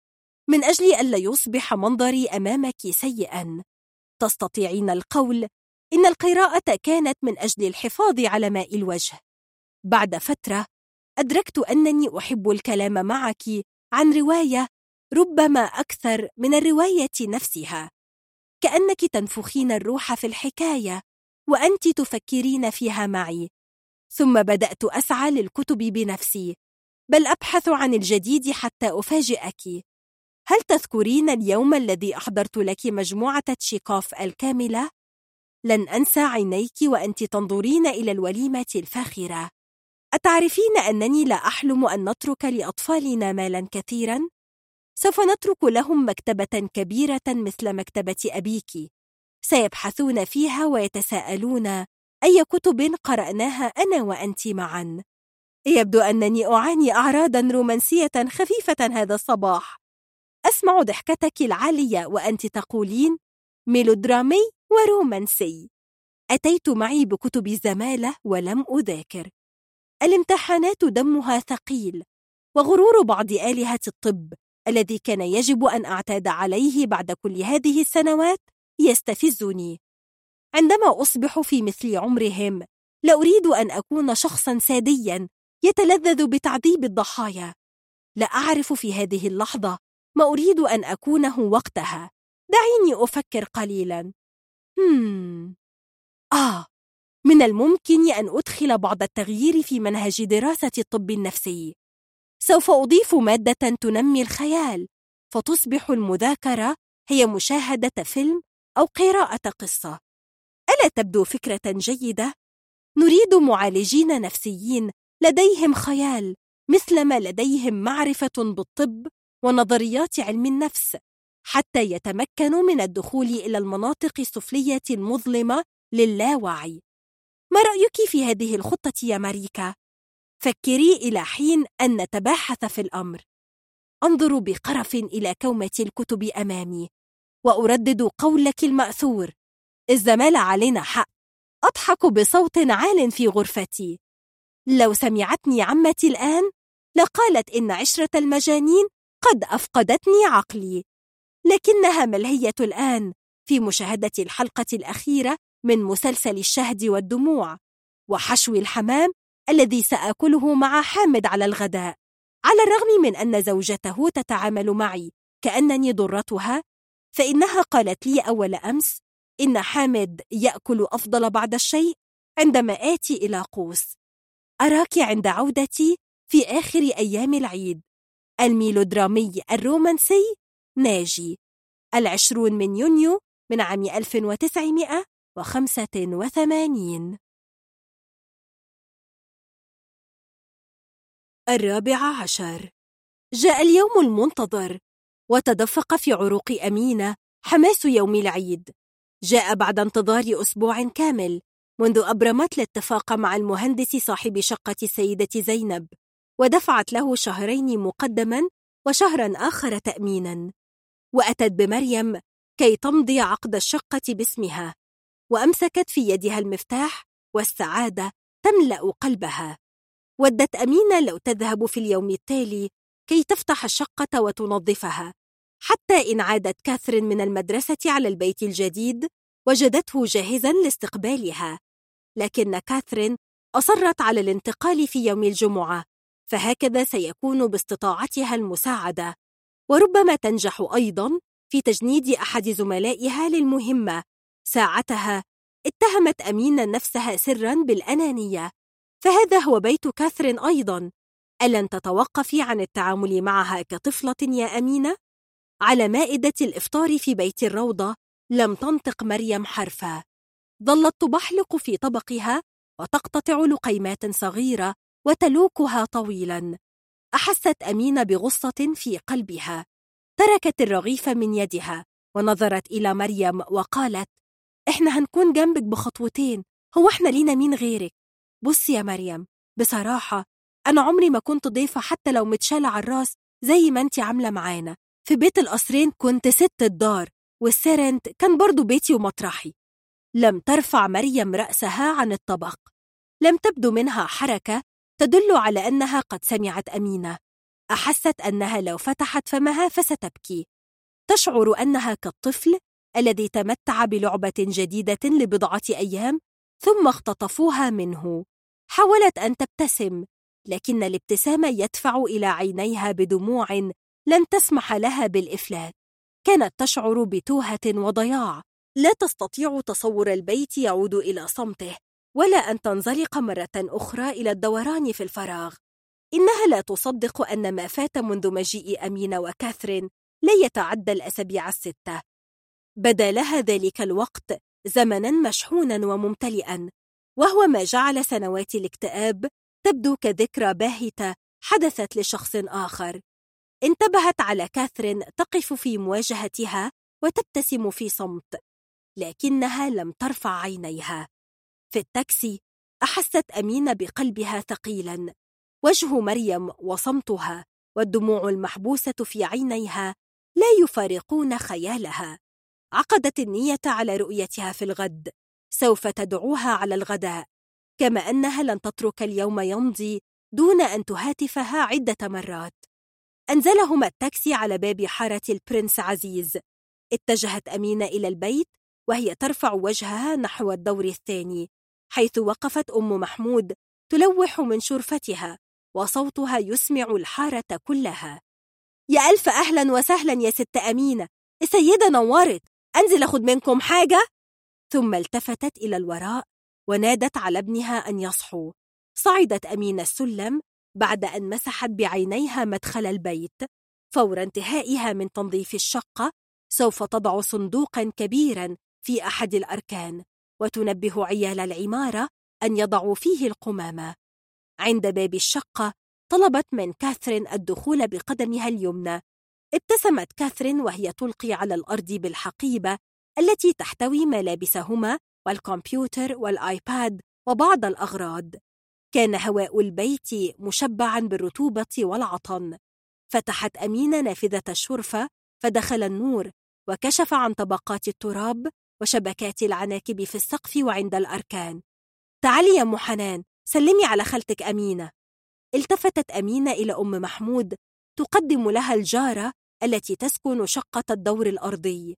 كانت أم حنان بيضاء حلوة الملامح صغيرة الجسد في الثلاثينيات من عمرها.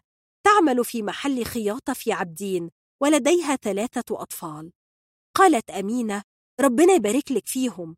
تبادلت معها أم حنان بعض جمل المجاملة وانطلقت لاستلام ما أتى به محمود مقشتين وممسحة وجردل وقطع قماش قديمة ومنفضة. قالت أمينة إنه لم يكن هناك داع للتعب فهي تنوي شراء عدة نظافة. ردت أم محمود تشتروا إيه يا ست أمينة؟ كل سنة وأنت طيبة. النهاردة الجمعة ومحدش هيفتح إلا بعد الصلاة. هنكون إحنا خلصنا إن شاء الله. أردفت أن وردية ابنها في التاكسي تبدأ في الثانية ظهرا أي أنهم سينتفعون من وجود محمود لنصف يوم. سيحتاجونه في حمل الأشياء الثقيلة وزحزحة الأثاث. نظرت أمينة بتشكك إلى جسد محمود الهزيل الذي سرعان ما خيب ظنها. اتجه إلى حجرة النوم وحمل مرتبة السرير وألقى بها فوق سور الشرفة وبدأت أم حنان في هبدها بالمنفضة وهو ما أثار زوابع الغبار في الحارة كلها. في حجرة النوم التي خصصتها لكاثرين فتحت أمينة باب الدولاب وأغلقته عدة مرات ثم نادت على محمود عليه أن ينزل لإحضار نجار كي يركب مفصلات جديدة لدولابي غرف النوم ويقوم بتزييت مقابض الأبواب والنوافذ. وعدها محمود بالنزول وإحضار عم حامد النجار بعد الصلاة. قطعته أمينة. تروح تقول لعم حامد من دلوقتي عشان ما يروحش كده ولا كده بعد الصلاة وخليه يجيب معاه مسامير وغير عشان الكنب المخوخ. في الحادية عشرة صباحا كانت جنبات البيت تردد أصوات فتح الأبواب وغلقها وخبط أقمشة التنفيض فوق كراسي الأنتري وحوارات المرأتين وهما يخلعان الستائر المجربة وصوت دلق مياه المسح فوق البلاط. ضحكت أمينة في سرها. فمن يسمع تلك الجلبة يتصور أنهم ينظفون قصر الزعفرانة. إن الشقة كلها لا تصل إلى نصف مساحة مجلس القهوة في بيت بين القصرين. يا ست أمينة ضيوف! خرجت أمينة من حجرة النوم على صوت أم محمود. عند الباب وقف شاب نحيل بشعر أسود طويل وفي يده أكياس من الخضروات والفاكهة وصينية حلوى. قالت كاثرين يوسف تعال عرفك على أمينة. إنه زميلها مدرس المسرح. حلوة حكاية تدريس المسرح دي. ابتسمت أمينة وشكرته. لتتعب نفسك يا ابني ملوش لازمة. ثم دخلت وراء كاثرين إلى المطبخ لتسألها ماذا أخبرت يوسف عنهما؟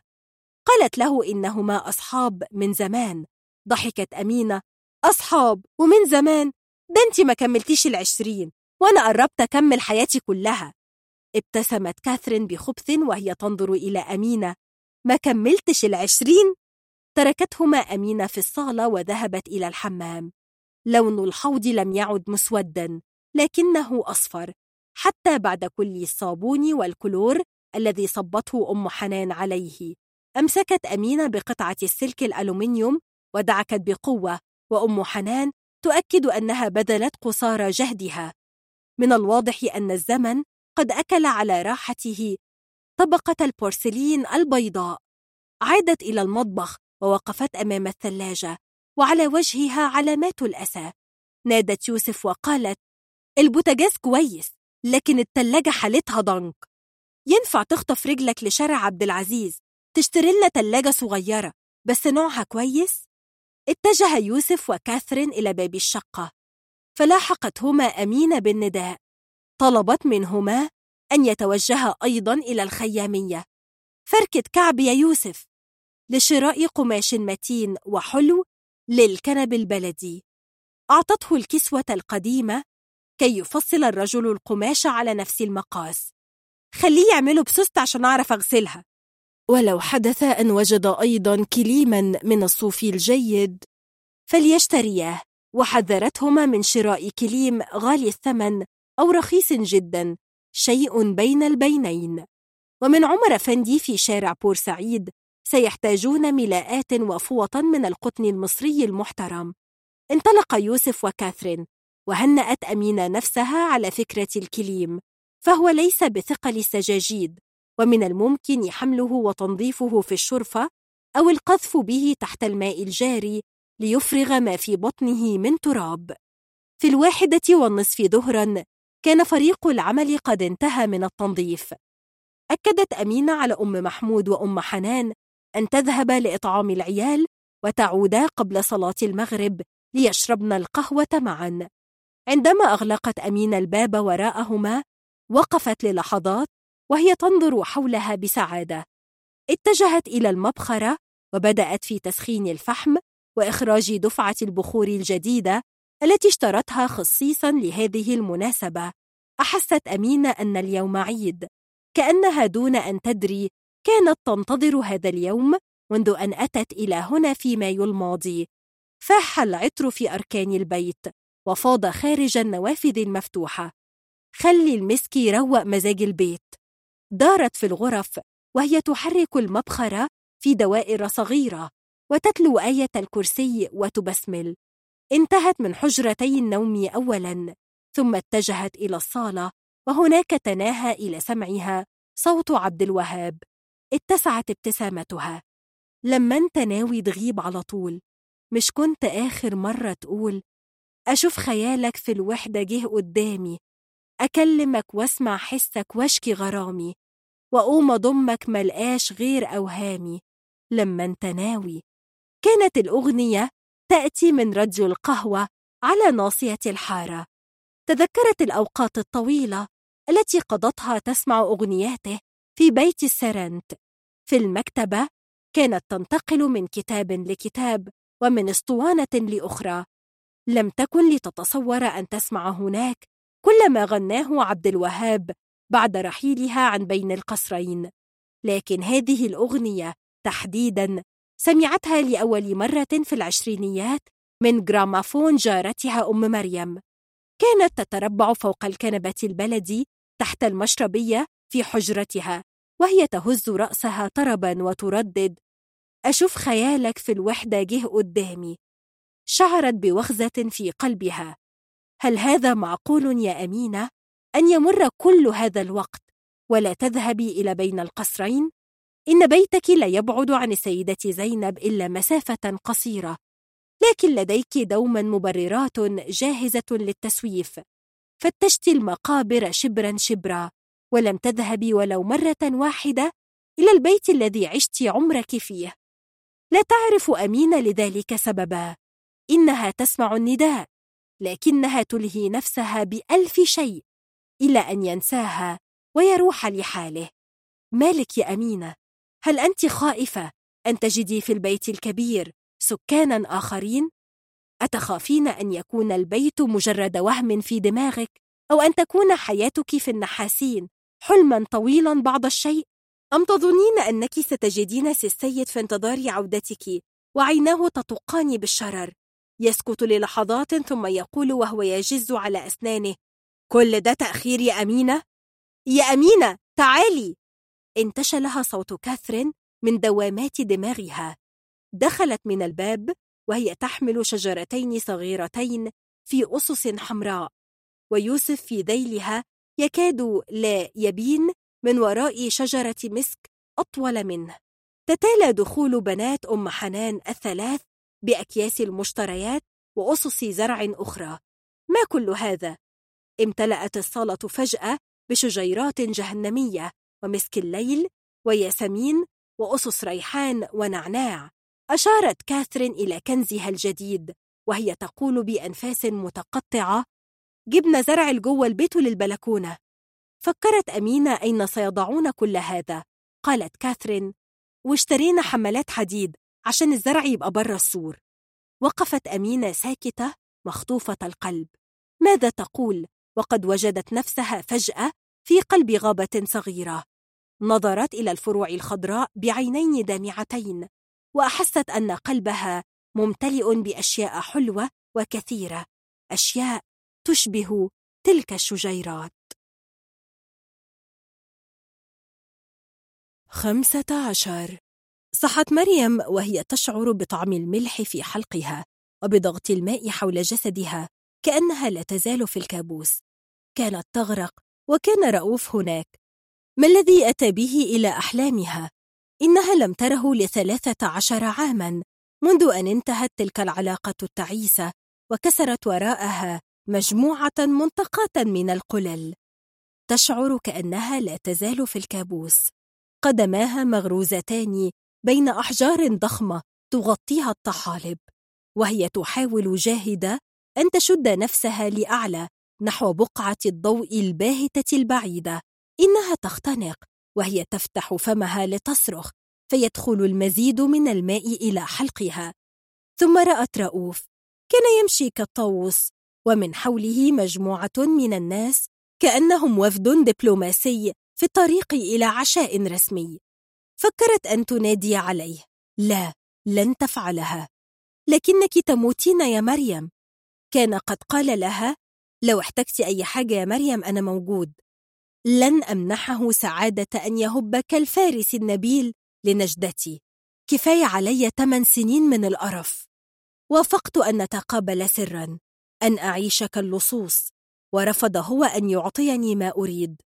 طفلي يعني جواز يا مريم وانت عارفة أنا مش هعمل كده أنا ما كدبتش عليكي مرت بها السنوات بين المحايلة والشجار وانتهت إلى كراهيته وكراهية نفسها معذور يا مريم لو كنت مكانه فهل ستضحين بمال عائلة الزوجة ونفوذها؟ هل تتخلين عن كونك تملكين كل شيء أسرة وأطفال سعداء بملايين أهلهم وعشيقة يستطيع التخلص منها حينما يشاء ازداد خفقان قلبها. لا يوجد مكان يصلح للاختباء ومريم لا تستطيع زحزحة الأحجار. ثم واتتها فكرة عبقرية. ألقت بجسدها على الأرض وأغمضت عينها كما لو كانت ميتة. شعرت بيد تلمس كتفها. لكنها لم تفتح عينيها. ثم أحست بالأحجار تتزحزح فتحرر قدميها. فتحت عينيها فرأت نساء ثلاثا كاثرين وامرأة لا تعرفها مريم والثالثة كانت هنية.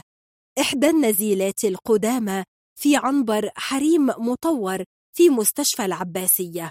أمسكت النساء بذراعيها وجذبنها إلى فوق. كن يسحبنها لأعلى بسرعة كبيرة. قاع الماء يبعد وبقعة الضوء تقترب وتكبر إلى أن خرجت مريم إلى السطح بشهقة عميقة. لكن النساء لم يتركنها. ظللن يجذبنها إلى أعلى. أرادت مريم أن تقول إنهن جميعا في الهواء وإنها لا تريد أن تسقط. كاثرين ماذا تفعلين؟ اتركي ذراعي. هنية أنا الدكتورة مريم. أنا أكلمك. فلماذا لا تنظرين إلي؟ ارتفع سرب النساء لأعلى ومريم تصرخ بلا صوت وترفس وتركل في الهواء. كلما نظرت إلى أسفل رأت اليابسة تبتعد والفراغ يكبر ويتسع. فجأة وجدت نفسها تهوي من فوق. صحت وروحها تسقط بعنف نحو الأرض. بحلقت إلى السقف وهي تلتقط أنفاسها. رؤوف لماذا تتذكره الآن؟ إن مجرد وجوده حتى لو في حلم لهو أمر مزعج. وهنية إنها لم تفكر في رؤيتها منذ أن تركت المستشفى منذ عامين. كان جزء منها يحب تلك المرأة التي جاءت المستشفى بدلا من الذهاب إلى حبل المشنقة. قتلت زوجها. حكاية كلاسيكية. لكن مريم كانت ترى في هنية مريضة الفصام جانبا رقيقا.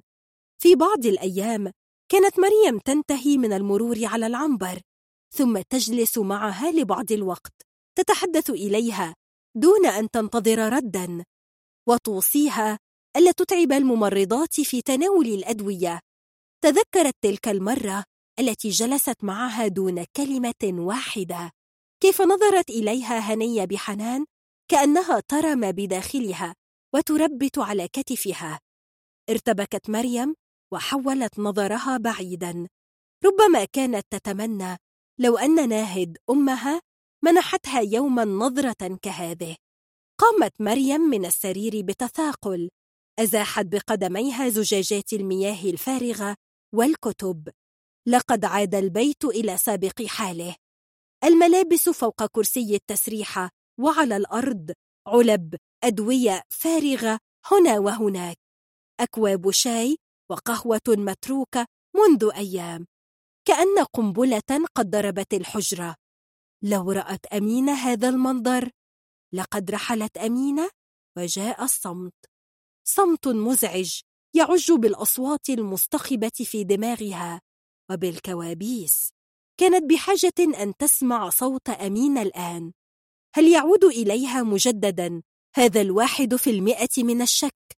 أن أمينة وكاثرين هما من صنع خيالها؟ كم هي عجيبة لحظة الهوس هذه حين تستبد بالعقل فكرة صغيرة وخبيثة مجرد بذرة لا تلبث أن تنمو من تلقاء نفسها كسرطان متوحش وتكبر حتى تبتلع العقل كله هكذا يجن البشر صح يا دكتورة؟ دق جرس الباب من سيأتيها في العاشرة والنصف صباحا؟ وقفت أمينة عند الباب بضفيرتها الفضية الطويلة والشامة المبتسمة في وجهها وفي يدها الصيص من الريحان لم تعرف مريم هل تشعر بالسعادة لأنها كانت تتمنى سماع صوت أمينة فوجدتها أمامها أم تنفجر في البكاء وهي تحكي لها عن الغرق أم تجري إلى الداخل تحاول لملمة صباح الفل يا مريم. قلت أجي أشرب معاكي فنجان قهوة وبعدين أخدك معايا السجل المدني. وقفت مريم صامتة في منتصف الصالة بينما أمينة تمسح المكان سريعا بعينيها وهي تقول مش تسأليني إيه موضوع السجل المدني ده؟ ودت مريم لو تمهلها أمينة دقائق.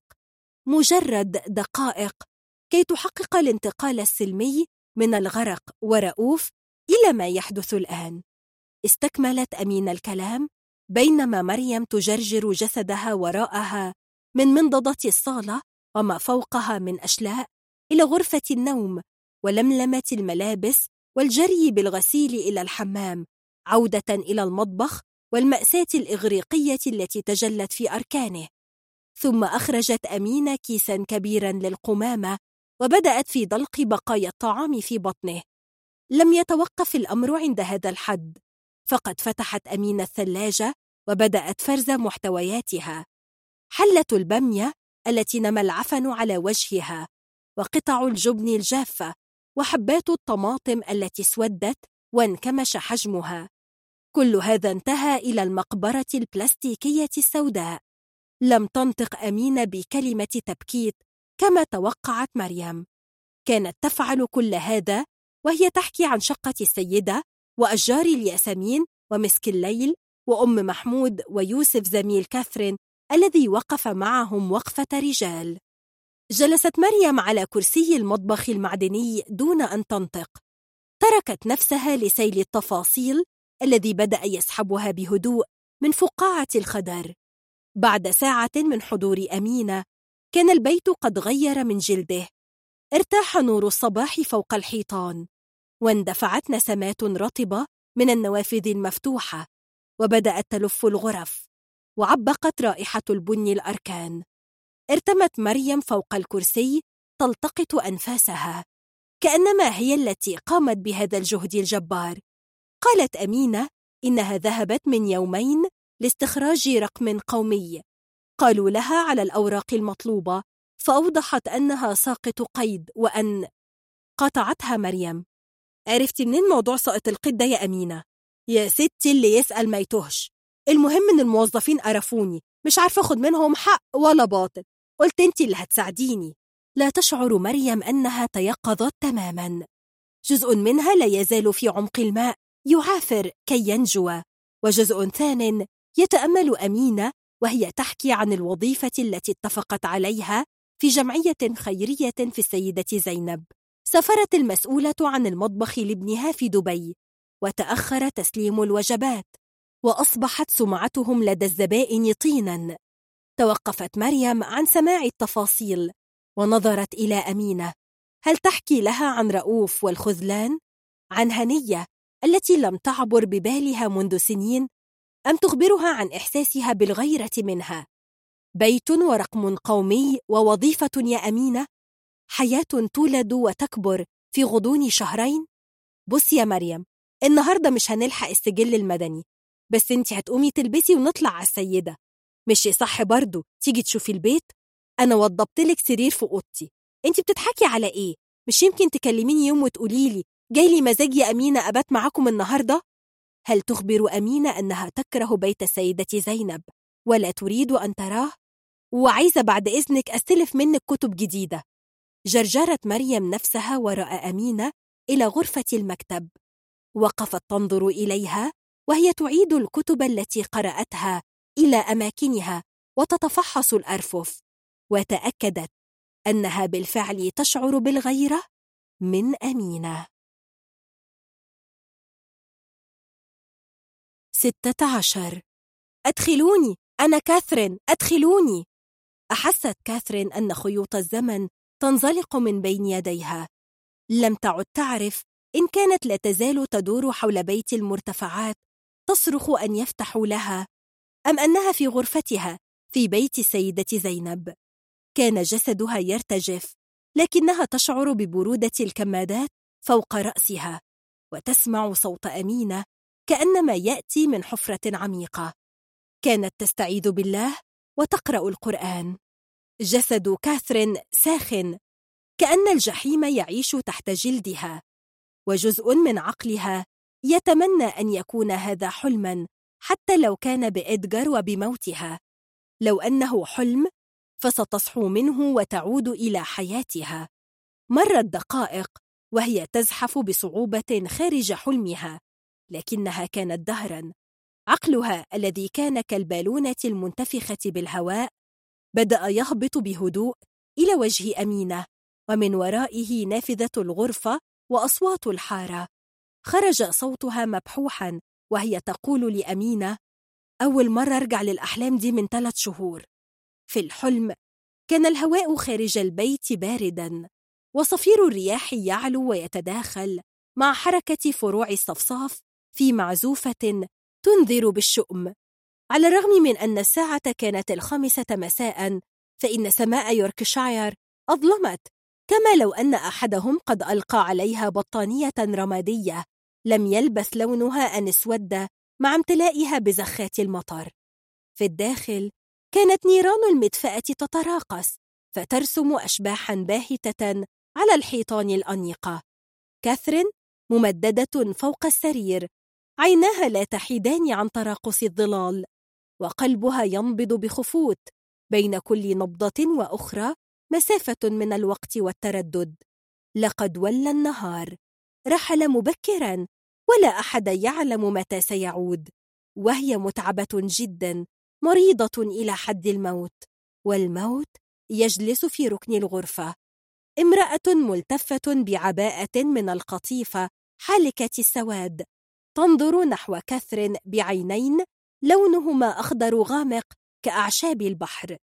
أدارت كاثرين عينيها بعيدا عن المرأة وشاهدت جسدها يطفو في الفراغ الضبابي للغرفة وينظر إلى شبحها الراقد فوق السرير. ليس ثمة قمر هذا المساء.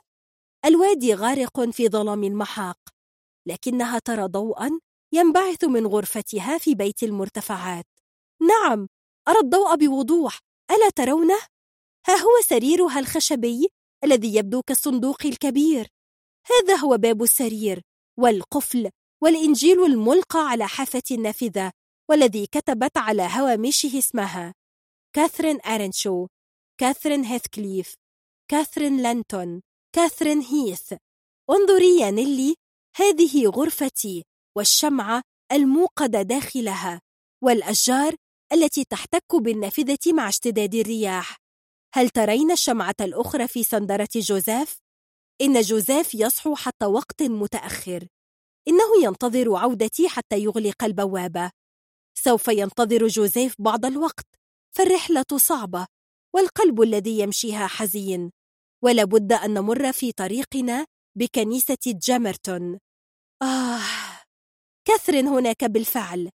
تسمع صدى صوتها يتردد حول بيت المرتفعات. يدور ويلف حوله ويصطدم بجدرانه السميكة وزجاج النوافذ المغلقة. أدخلوني! عادت إلى غرفتها وإلى إدغار الذي يجلس بجانبها بجسده الرقيق ووجهه الأرستقراطي الناعم تحوطه هالة الشعر الأشقر. كانت عيناه حزينتين. لما يبدو عليه أنه جالس في جنازة هكذا عجيب أمر هذا الرجل أنا لم أمت بعد أيها الأبلة أحست برأسها ينصهر بحرارة الحمى ماذا تريدين منه يا كاثي؟ ألا تكفيك أنانيتك التي أسكنت البيت بالغربان السود منذ أن وطئته قدماك؟ يا لك من جاحدة معدومة الضمير ماذا فعل هذا المسكين غير أن أحبك؟ كاثرين تحبه أيضا كاثرين تحب إدغار الجالس الآن على طرف السرير يحتضن يدها. رفعت إليه يدا مرتعشة وربتت وجهه. الموت ليس جميلا لكنه يشبه الراحة. يشبه السكون التام الذي لا يعكر صفوة أنين قلبها. دخلت نيليدن الغرفة بجسدها المتين وصحن الحساء الساخن في يدها. أشاحت كاثرين بوجهها نحو نافذة الشرفة المطلة على الحديقة سحقا لتلك الحديقة الكبيرة المنمقة المهذبة التي تشبه أصحاب البيت. لكن كاثرين ليست هنا. إنها تلف وتدور حول البيت الرابض رصينا ولا مباليا فوق المرتفعات الخشنة وتلك النوافذ التي تشبه العيون الصغيرة المحفورة في الحجر. كان أجدادها يعرفون طبيعة الرياح في تلك المنطقة فخبأوا النوافذ في عظام البيت العريضة. إنها الآن في المرتفعات. ترفع وجهها نحو الاسم المحفور فوق الباب. أرنشو عام 1500 افتحوا! أنا كاثرين! انتبهت على نيلي دان تحشر الملعقة الفضية في فمها. فيندفع الحساء إلى حلقها بلا طعم. نظرت إلى مربيتها بغضب. عليكم جميعا اللعنة وأنت أولهم يا نيلي. كان إدغار صامتا. أمسك يدها الباردة بحنان بارد ثم رفعها إلى فمه الرقيق وقبلها قبلة مثل هذا الحساء بلا طعم. حولت نظرها إلى المرأة الجالسة في ركن الحجرة والتي كانت تهمهم بلحن خفيض. تعرف كاثرين أن قبل حلول الربيع القادم ستكون قد رقدت في أرض يوركشاير السوداء الخشنة. ستنام دون أن يقدر أحدهم على أن يزعجها. لا إدغار ولا نيلي ولا الطفل الذي يصر على المجيء إلى الحياة على الرغم من عدم اكتراثها به. ولا الملعون هثكليف بالطبع. هثكليف الذي سوف تكسر قلبه بموتها.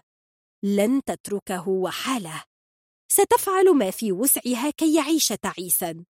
لا شك أن الوغد ناكر الجميل هذا سوف يستكمل حياته من بعدها. لعنة الله عليك يا هيثكليف. لا لا نحي الله جانبا. إنها لعنتي أنا. اشربي يا كاتي. قربت أمينة من فمها الكوب. نظرت كاثرين حولها فرأت صورة تلال يوركشاير وصخرة بانستون المعلقة على حائط غرفتها. حركت أصابع يديها كأنها تتأكد أنها لا تزال داخل جسدها. كانت أمينة قد رفعت جذعها وأسندته إلى ظهر السرير وبدأت تسقيها عصير الليمون بالعسل. سرت برودة السائل في حلقها. كان طعمه لذيذا. لم تحكي لأمين الحلم فقد سمعت تفاصيله أكثر من مرة في بيت السرن. بل إن بإمكان أمينة أن تعيد على مسامعها كل أحلامها حلما حلما. هي الساعة كم يا أمينة؟ مقربة على 11 بالليل. أنت ما نمتيش إلا ساعة وسمعتك بعدها بتصرخي فجيت جري. خلاص يا أمينة أنا كويسة. ده حلم. ابتسمت أمينة وتنهدت. آه الله يجازي شطانك يا كاتي. وقعتي قلبي في رجليا. ثم سكتت للحظة ولمعت عيناها وهي تقول ما تيجي نروح البحر؟ نظرت إليها كاثرين باستغراب. البحر؟ البحر؟ الآن؟ أيوة مش طول عمرك نفسك تروحي البحر وبعدين بكرة أجازة وما عندنا الشغل.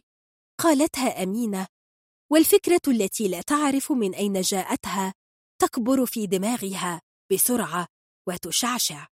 أمسكت بالموبايل وضربت رقم مريم. سبعة عشر.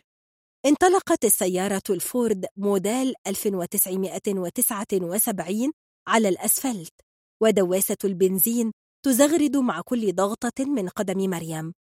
السيارة التي انطفأ لونها الفضي واجرب نفضت عن جسدها غبار السنوات والرقد أمام باب بيت الروضة كأنها يتيمة.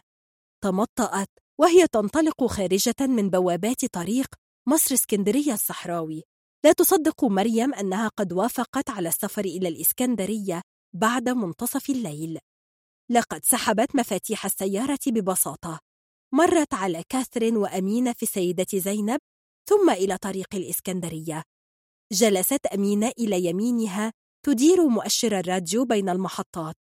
وانشغلت كاثرين في الكنبة الخلفية بمتابعة موقع السيارة على خرائط جوجل.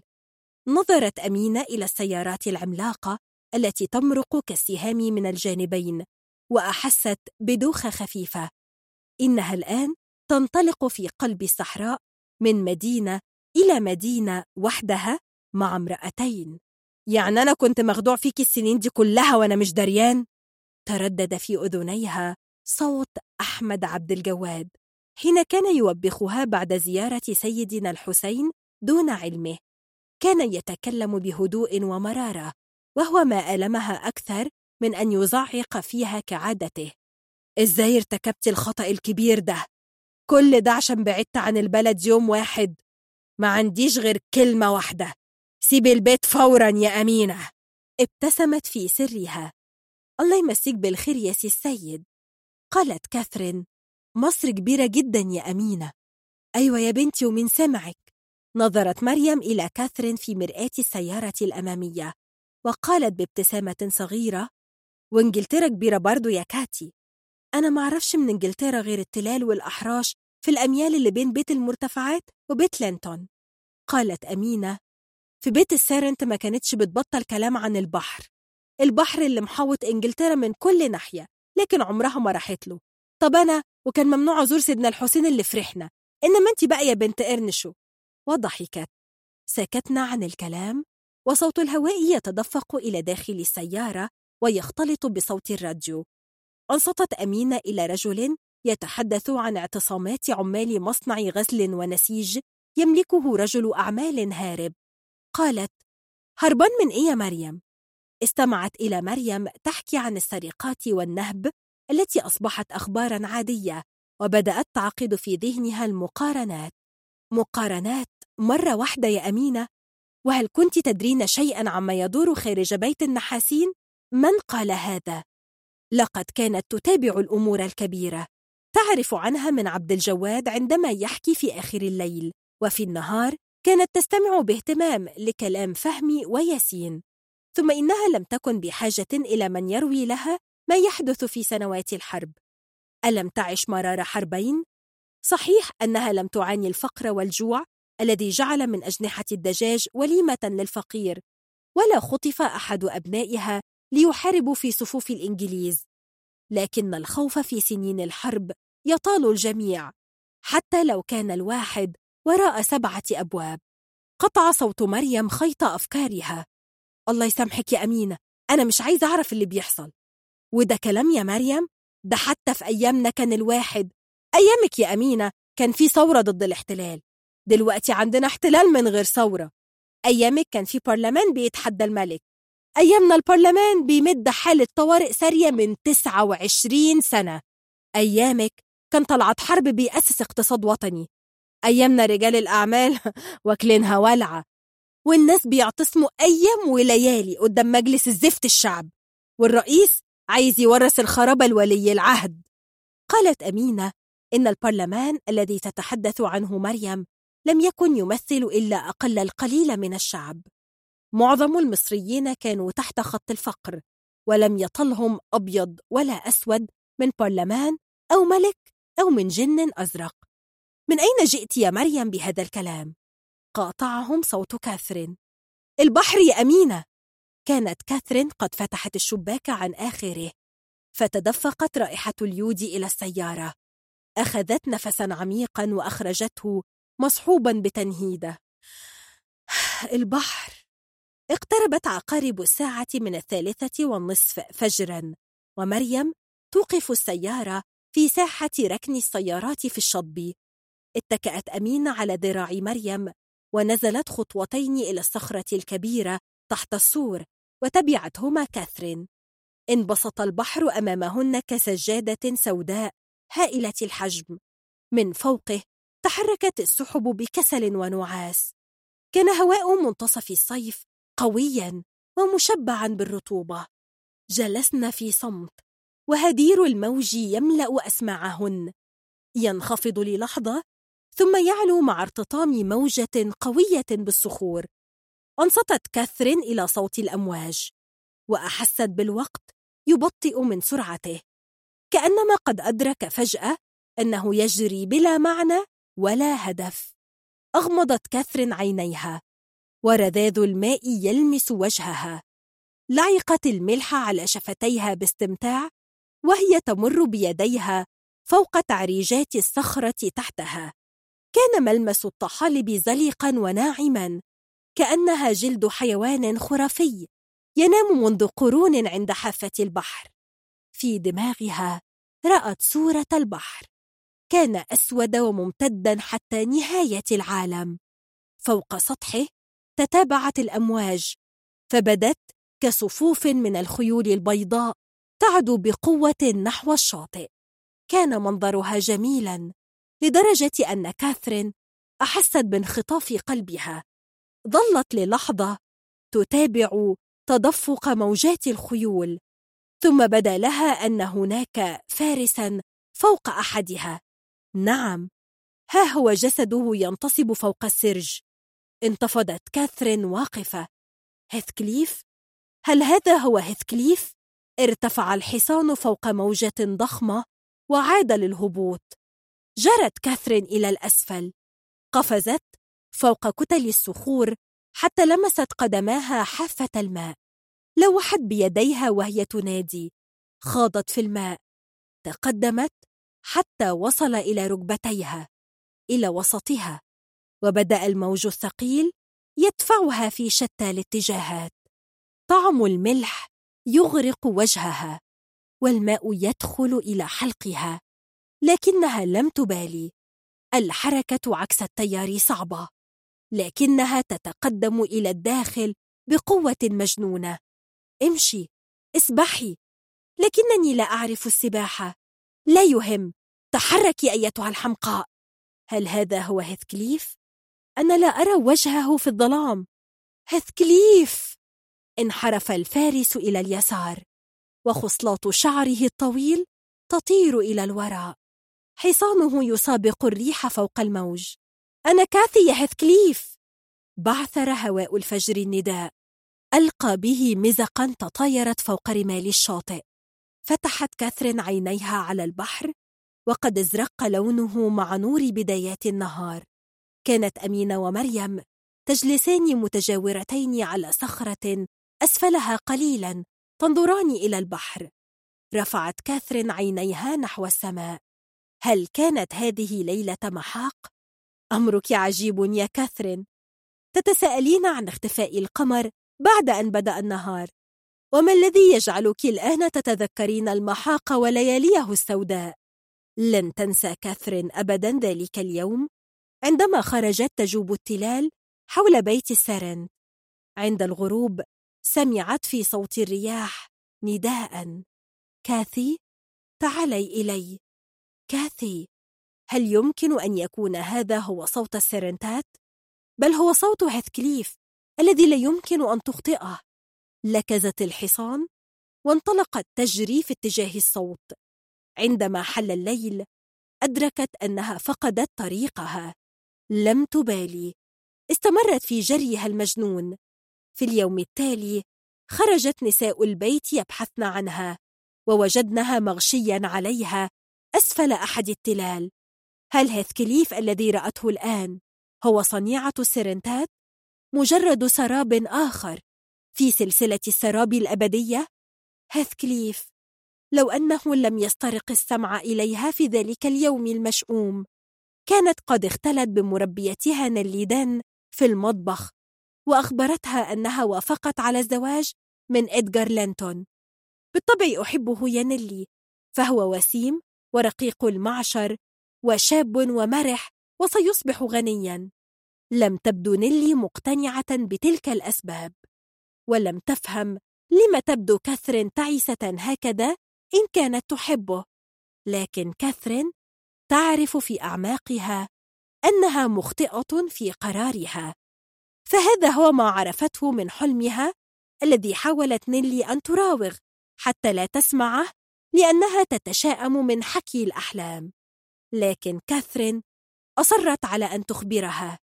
لو أنني كنت في الجنة لأصبحت بائسة. هزت نيلي رأسها توافقها. طبعا لأنك لست أهلا لذلك. فالخاطئون يجدون في الجنة التعاسة والشقاء. استكملت كاثرين. حلمت أنني كنت في الجنة. لم تبدو مقرا وسكنا لي. مزقت قلبي من البكاء كي أعود إلى الأرض. والملائكة غضبوا مني غضبا شديدا. فطوحوا بي من السماء. سقطت فوق أحراش المرتفعات. وصحوت وأنا أبكي فرحا. لقد حكت لنيلي الحلم كي تخبرها سرها. أنا لم أخلق للزواج من إدغار لينتون كما لم أخلق لأكون سعيدة في الجنة. لو أن أخي الشرير لم يهبط بهثكليف إلى الدرك الأسفل ما فكرت في هذا الزواج. أما الآن فزواجي من هثكليف سيحط من مكانتي. لذلك لن يعرف هثكليف أبدا كم أحبه. أنا لا أحبه لأنه وسيم يا نيلي لكن لأنه أشبه بي مني وأقرب إلى قلبي من نفسي. مهما كانت طبيعة الشيء الذي تصنع منه الأرواح فإن روحي وروحه قد صنعتا من عنصر واحد. أما لينتون فالفرق بينه وبيننا كالفرق بين شعاع القمر والبرق أو بين الجليد والنار. الخبيثة نيلي عرفت أن هيثكليف كان يسترق السمع ورأته يتسحب في هدوء من باب المطبخ بعد أن سمع كاثرين تقول إن الزواج منه سيحط من شأنها ولم تفتح فمها بكلمة. كان بإمكان كاثرين أن تلحقه قبل أن يهرب من المرتفعات ويتركها لخيار واحد. أن تتزوج لينتون. أتاها صوت مريم. يلا يا كاثي عشان ناكل. أنا وأمينة جعانين. انتبهت كاثرين من شرودها على ارتفاع قرص الشمس الذي جعل مريم وأمينة تبدوان كخيالي ظل مسحت وجهها المبتل بالماء والملح وهي تنظر إلى الموجة التي اقتربت ثم ارتطمت بالصخر أسفلها. فردت جسدها فطقطقت عظام ظهرها وهي تنفض عنها أثر الجلسة الطويلة. مشت كاثرين بجانب أمينة ومريم على الكورنيش. بينما الضوء الغامر يبتلع ملامح مطبخ بيت المرتفعات ووجه الليدن شعرت هي أيضا بالجوع يقرص بطنها. ثمانية عشر. نزلت أمينة سلم البيت في السابعة والنصف صباحا بعد أن اطمأنت إلى تناول كاثرين إفطارها قبل النزول إلى سيارة المدرسة. منذ رحلة الإسكندرية وكاثرين صامتة أغلب الوقت تقفشها أمينة أحيانا في حالة شرود وهو ما يثير في قلبها القلق. لقد ظنت أمينة أن زيارة البحر سوف تسعدها لكن سبحان الله لقد قلبت مزاجها ورسمت على جبينها تقطيبة لم تفت أمينة التي خبرت كاثرين وتقلباتها. وقعت عيناها على زينة رمضان والفوانيس التي تزين سماء الحارة والحارات المجاورة. والله زمان. ابتسمت وهي تخطو نحو شارع بورسعيد حيث مقر جمعية خير بلدنا. كانت قد استلمت العمل أول رمضان وهو ما بث في نفسها الراحة. كأن الله يطمئنها. لا شك أنه يعرف عن القلق الذي ينهش قلبها على الصغيرة والكبيرة. القلق المزعج الذي أتقنت مراوغته بالانشغال في أمور الحياة. الحمد لله على كل شيء. تمتمت بها وهي تتنفس. كان الهواء حارا مشبعا برطوبة أغسطس. وهو ما جعلها تشعر بالعطش وهي لا تزال في أولى ساعات الصيام. هبت عليها رائحة مسك قوية من ناحية مسجد الطاهرة شعرت بقوة تسري في ساقيها ومن ساقيها إلى صدرها الذي انفتح لينهل من الرائحة. تنفست بعمق استعدادا للدخول إلى البناية الكبيرة حيث مقر الجمعية. فهناك تنتظرها أكوام القمامة التي تمرح فوقها القطط والعناكب المستقرة في الأركان وفوق نوافذ السلم المكسورة. لقد قضت الأيام الماضية تتقصى أثر المسؤول عن نظافة البناية. سوف تحدث الحاجة لولا مديرة الجمعية اليوم في هذا الأمر. لابد من الاتفاق مع بواب يتولى مهام النظافة. فلو كانت أمينة زبونة لدى الجمعية لأنفت أن تشتري طعاما من مكان بهذا الشكل.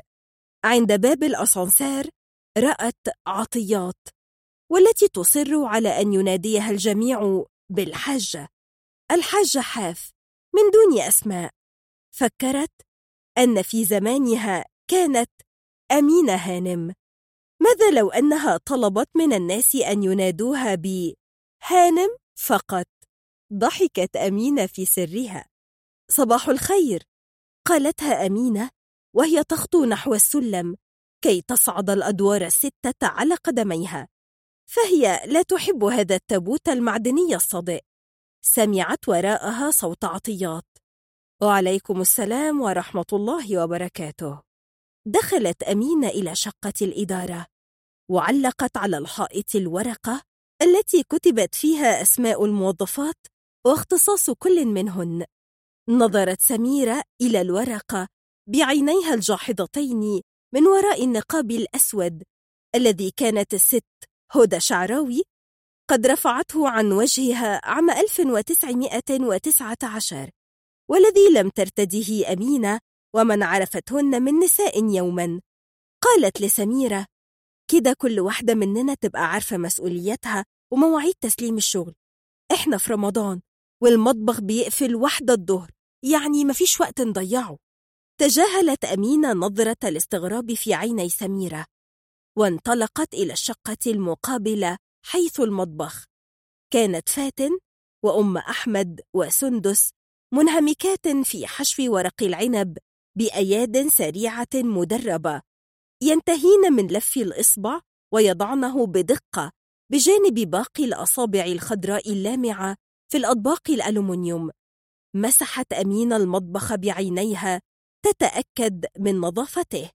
وعادت لتتفحص أرز المحشي المخلوط بالخضروات والطماطم والديوك الرومية التي نامت منتفخة وسط التوابل والبصل.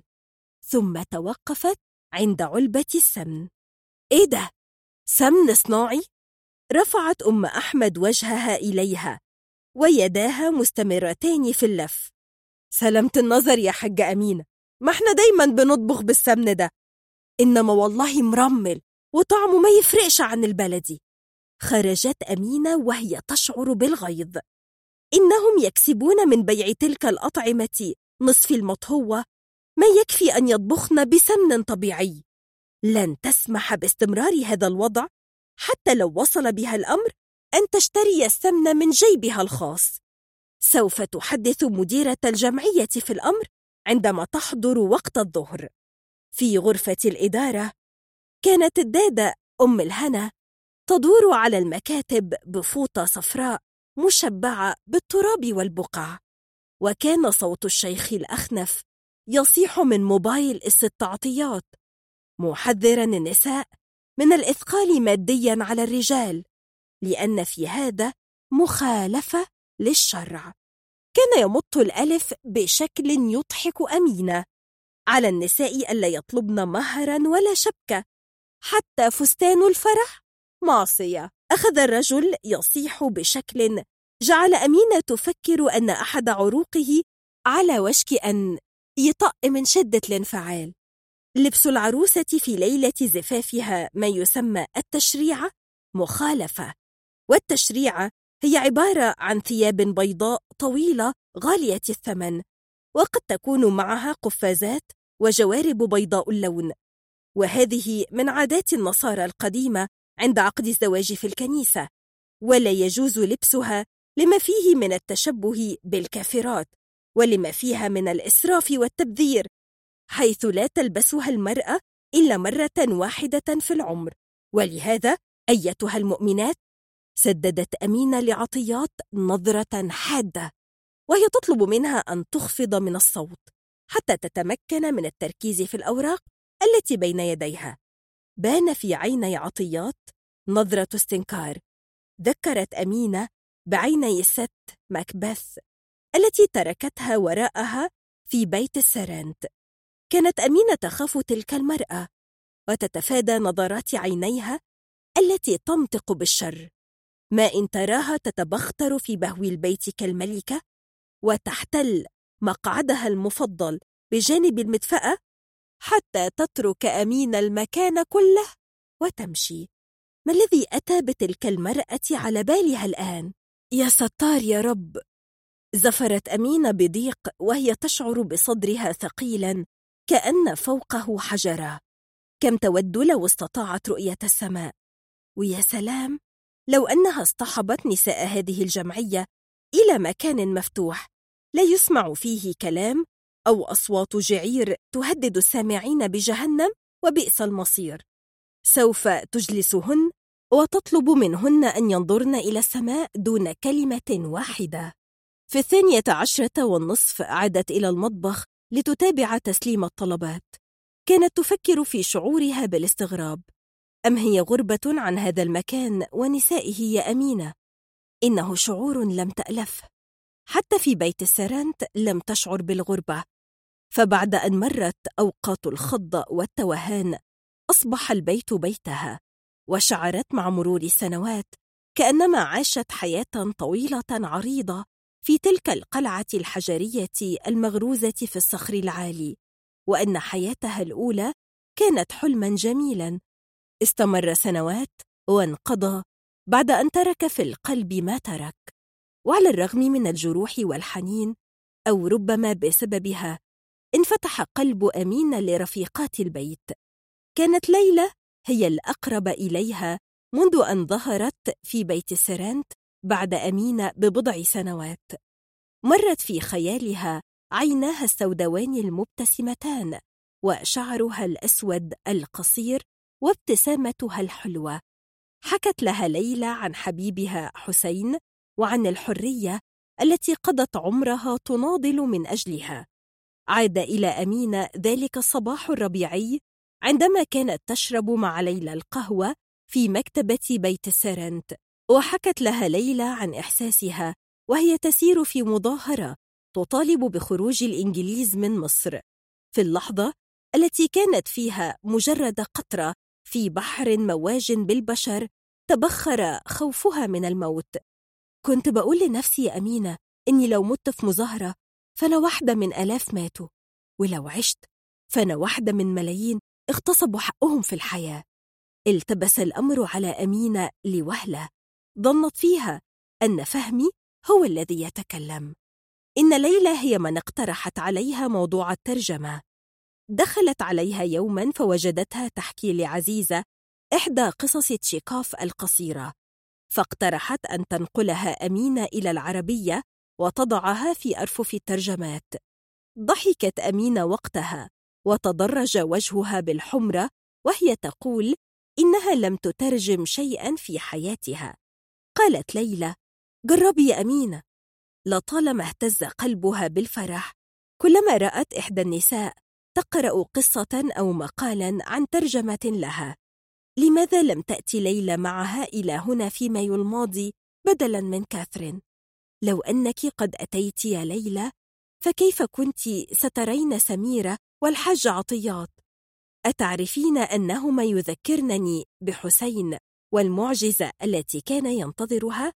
كان يقول إن الحل هو أن يحدث شيء هائل شيء يهز هؤلاء الناس المحترمين المستقرين المطمئنين معجزة تجبرهم على تمزيق أكفانهم التي يستترون خلفها فيخافون المخاطرة ويتجنبونها لأنها قد تضرهم وتؤذي مصالحهم يقول الواحد منهم إنه لن يفكر إلا في الأفكار التي يتقبلها المجتمع ولن يرغب إلا فيما يرغبه الآخرون ولن يشعر إلا بالمشاعر التي يستشعرها الآخرون وتحت أكفانهم يعيشون لا يحبون حبا كبيرا ولا يضحون تضحية كبيرة ولا يحلقون في عالم الفكر والخيال والحس ويتزوجون ويلدون قوالب متكررة. لقد استعارت أمينة نسخة مريم من الباب المفتوح كي تعيد قراءتها كلما أوحشتها ليلى. سلام عليكم يا حاجة أمينة. انتبهت أمينة على انصراف الست عطيات وباقي نساء الإدارة وسمعت جلبة لملمة الحلل وغسيل الأطباق تأتي من المطبخ. لم تشعر أمينة بالوقت. كأن مرور ليلى في بالها أوقف الزمن وخفف من ضيق صدرها. خرجت إلى الشارع وقد تلاشى إحساسها بالعطش والجوع. قررت أن تفاجئ مريم بالزيارة. ستذهب إليها وتجرجرها من البيت كي يتناول الإفطار معا. لو رفضت مريم المجيء إلى السيدة زينب فسوف تأخذها إلى أحد المطاعم وأمرها لله. فأمينة متأكدة أنهم أيضا يطبخون بسمن صناعي. طلبت من التاكسي أن ينزلها في شارع الروضة. هكذا سيكون بإمكانها أن تمشي تلك الخطوات بالقرب من النيل مثل كاثرين. اقتربت من سور الكورنيش وتأملت صفحة النهر التي ضوت بنور الظهيرة. لم تحن أمينة إلى النيل من قبل. كأنه لم يكن موجودا في حياتها. لكنها الآن تشعر بقلبها يرق له. تمشت وهي تنظر إلى الماء وتفكر أنها في نعمة. النفس الداخل إلى صدرها نعمة والقلب الذي يخفق بين ضلوعها نعمة. ضحكة كاثرين والياسمين الذي أزهر في شرفة بيت السيدة زينب وصوت عيال الحارة وهم يلعبون نعمة. تحت شجرة عجوز تتهدل فروعها فوق الشاطئ. وقفت أمينة تتنفس وتمسح حبات العرق من فوق جبينها. كان الإحساس بفيض النعمة يملأ قلبها ويفيض ليفترش سطح النهر من حيث تقف وحتى الشاطئ الآخر. كانت الساعة الثالثة ظهرا عندما دقت جرس باب مريم. لم يفتح الباب. ولم تسمع أمينة صوتا في الداخل. أخرجت الموبايل وطلبت رقمها. كان الهاتف مغلقا. واصلت الضغط على الجرس وأضافت إليه خبطات كفها. سمعت عم مهنا يخرج من غرفته وينظر إلى أعلى. أهلا بالست الأميرة. هي الدكتورة خرجت يا عم مهنا؟ أبدا. ده أنا حتى ما لمحتش لها طرف من أول رمضان. خرجت مدام إيمان من الشقة المواجهة فسلمت أمينة عليها وسألت عن أخبار نتيجة التوأم في الثانوية العامة. كانت على وشك سؤالها عن مريم عندما سمعت الباب يفتح بحذر. شكرت أمينة الجارة وهي تمرق إلى الداخل حيث تقف مريم بعينين متورمتين بحجم الليمون البنزهير. قالت أمينة يلا البسي هننزل نفطر في السيدة زينب. زمت مريم شفتيها وقالت أنا مش بصوم يا أمينة. ضحكت أمينة مش مهم أنا صيمانين إحنا الاتنين. يا أمينة لسه كتير على ميعاد المدفع. و قاطعتها أمينة يبقى نقعدهم على النيل بدل الحبسة في البيت. سبحان الله على أحوالك يا مريم يعني سفر اسكندرية أسهل من النزول من باب بيتك. وقفت أمينة في منتصف الصالة وأعلنت قرارها الحاسم. لن تتزحزح من مكانها إلا ورجلها على رجل مريم. سحبت الموبايل وطلبت رقم كاثرين وطلبت منها أن تعزم يوسف على الإفطار معهم اليوم. رمضان كريم ويحب اللمة. تسعة عشر. دخلت كاثرين الفصل ووضعت أوراقها والكمبيوتر فوق المكتب. ظلت واقفة إلى حين دخول كل التلاميذ وانتهاء الصياح والصفير الذي عادة ما يصحب دخول مجموعة الأشقياء الذين أعطوا أنفسهم لقب الفرسان. إنهم خمسة من البلطجية المتنكرين في لباس أطفال وهم المنفذون للعديد من العمليات الإجرامية ضد كل الكائنات الحية في محيط المدرسة حيوانات وأشجار ومدرسين وأطفال حتى الدكك الخشبية والأبواب والسور الحجري لم تسلم من أذاهم. دخل مؤمن زعيم العصابة وهو يلاحق نائبه تامر الشاذلي بالسباب ويضحكان. إنها بداية غير مبشرة ليوم صعب.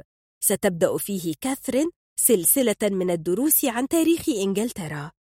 في الأسبوع الماضي طلبت منها ميسيس هنريك أن تولي اهتماما للأمر لأن هذه المادة سوف تؤهل التلاميذ للامتحان الذي سيأتيهم من كامبريدج مع بداية العام الدراسي. كتبت كاثرين على السبورة تاريخ اليوم واسم الدرس وفتحت الكمبيوتر فظهر على شاشة البروجيكتور عنوان الملف. المجتمع الإنجليزي في القرن الثامن عشر.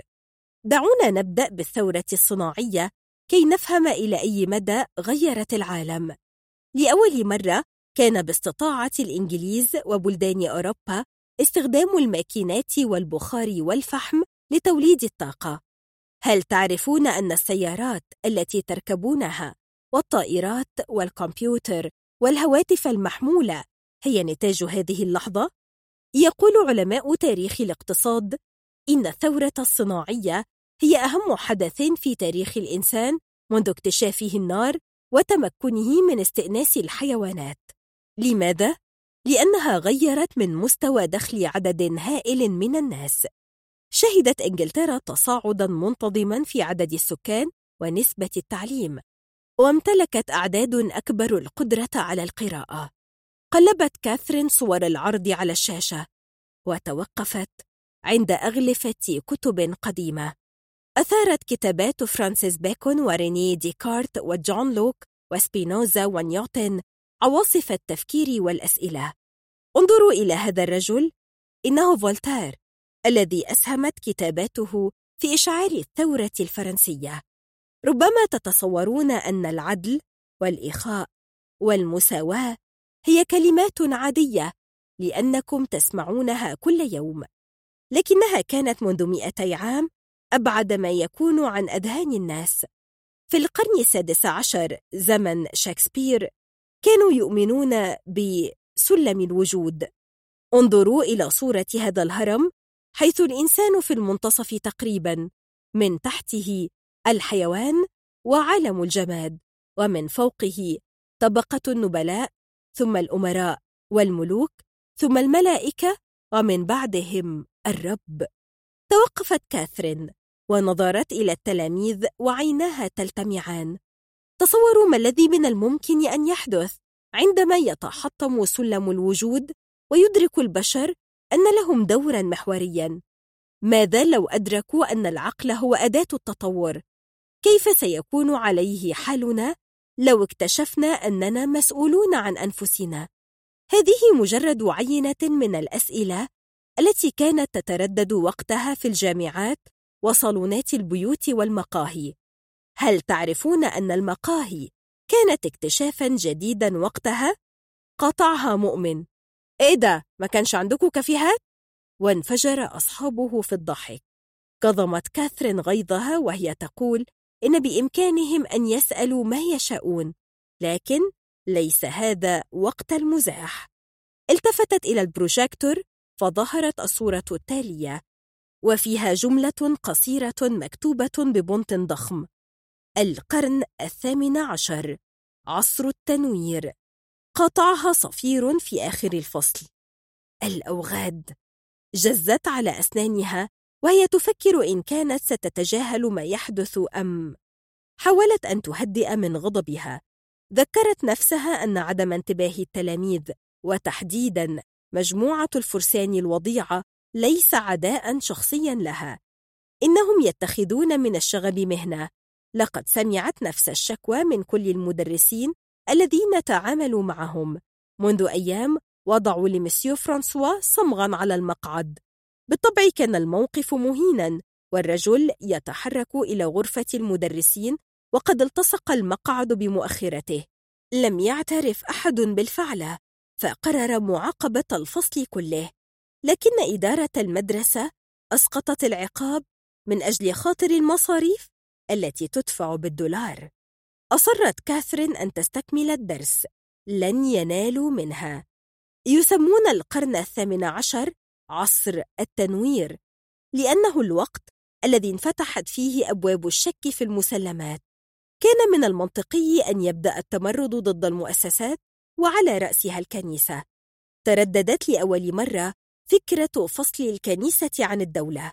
يقول جون لوك في العقد الاجتماعي إن ضمير الفرد شأن يخصه وحده إذ إن الشخص العاقل لا يمكن أن يسلم زمام أمره إلى حكومة أو إلى أي كيان آخر. تشكلت في هذا الوقت مجموعات تقدمية من المفكرين والمثقفين منها مثلا جمهورية الخطابات.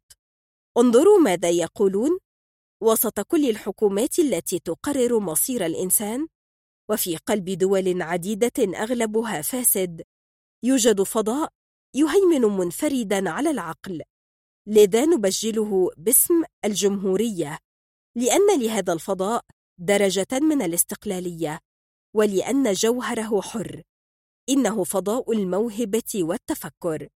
ستجدون هذا الكلام في صفحة قطع كاثرين. صوت شخرة. رفعت رأسها عن الورق مصعوقة. كان مؤمن وأصحابه يحاولون كتم ضحكاتهم. التقت عيناها بعيني مؤمن. ما هذه النظرة المتحدية في عيني الشيطان الصغير؟ انتابتها رجفة غضب شرخت قناع الهدوء.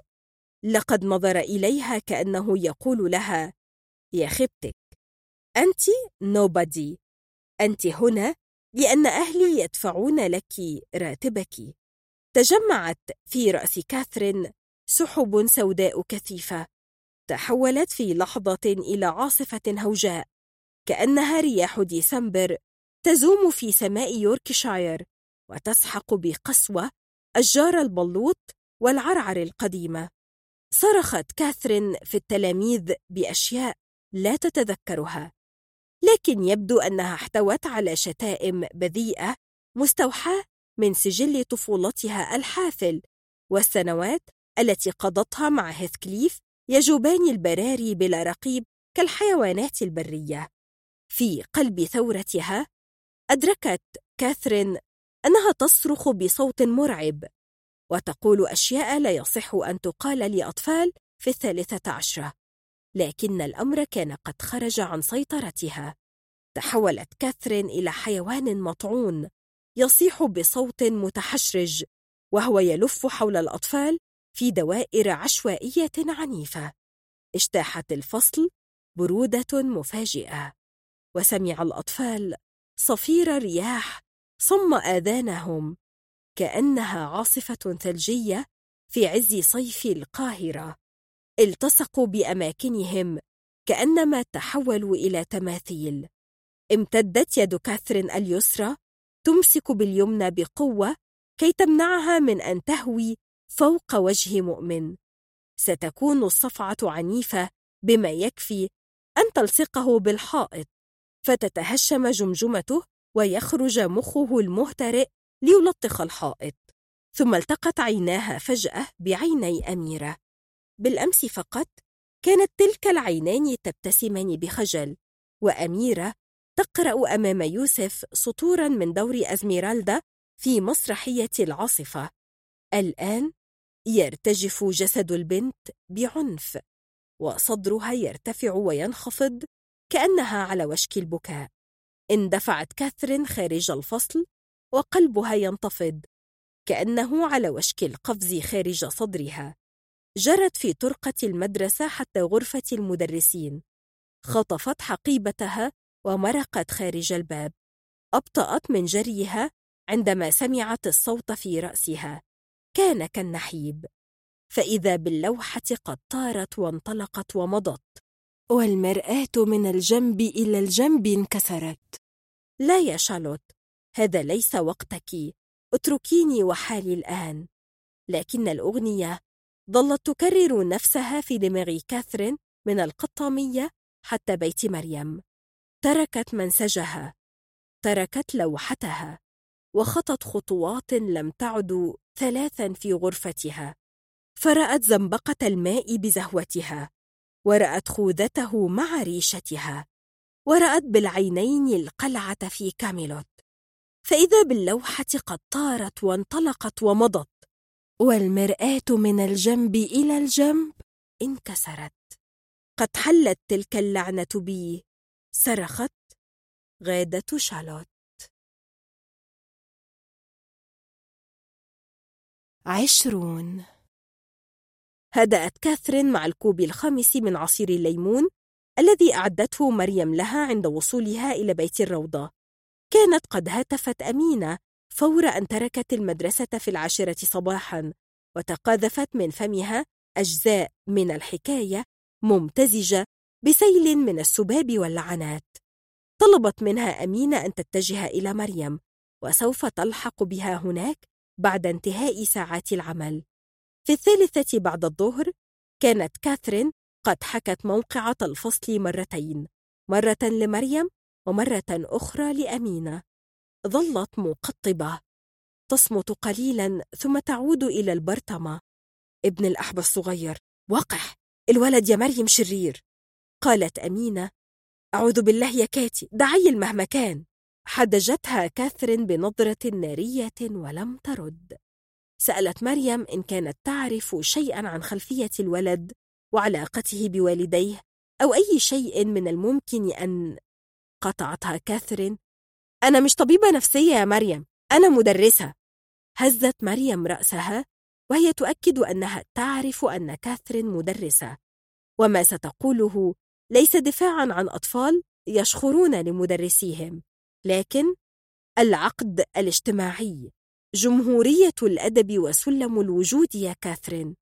إن مريم لا تعتقد أن المادة كانت مناسبة لهؤلاء الأطفال. يبدو أن كاثرين كانت في كوكب والتلاميذ في كوكب آخر. قالت كاثرين إنهم سيمتحنون في هذه المادة كما أنها كانت تريدهم أن يكتشفوا الخيوط التي تربط حياتهم اليوم بما حدث في العالم منذ 300 عام.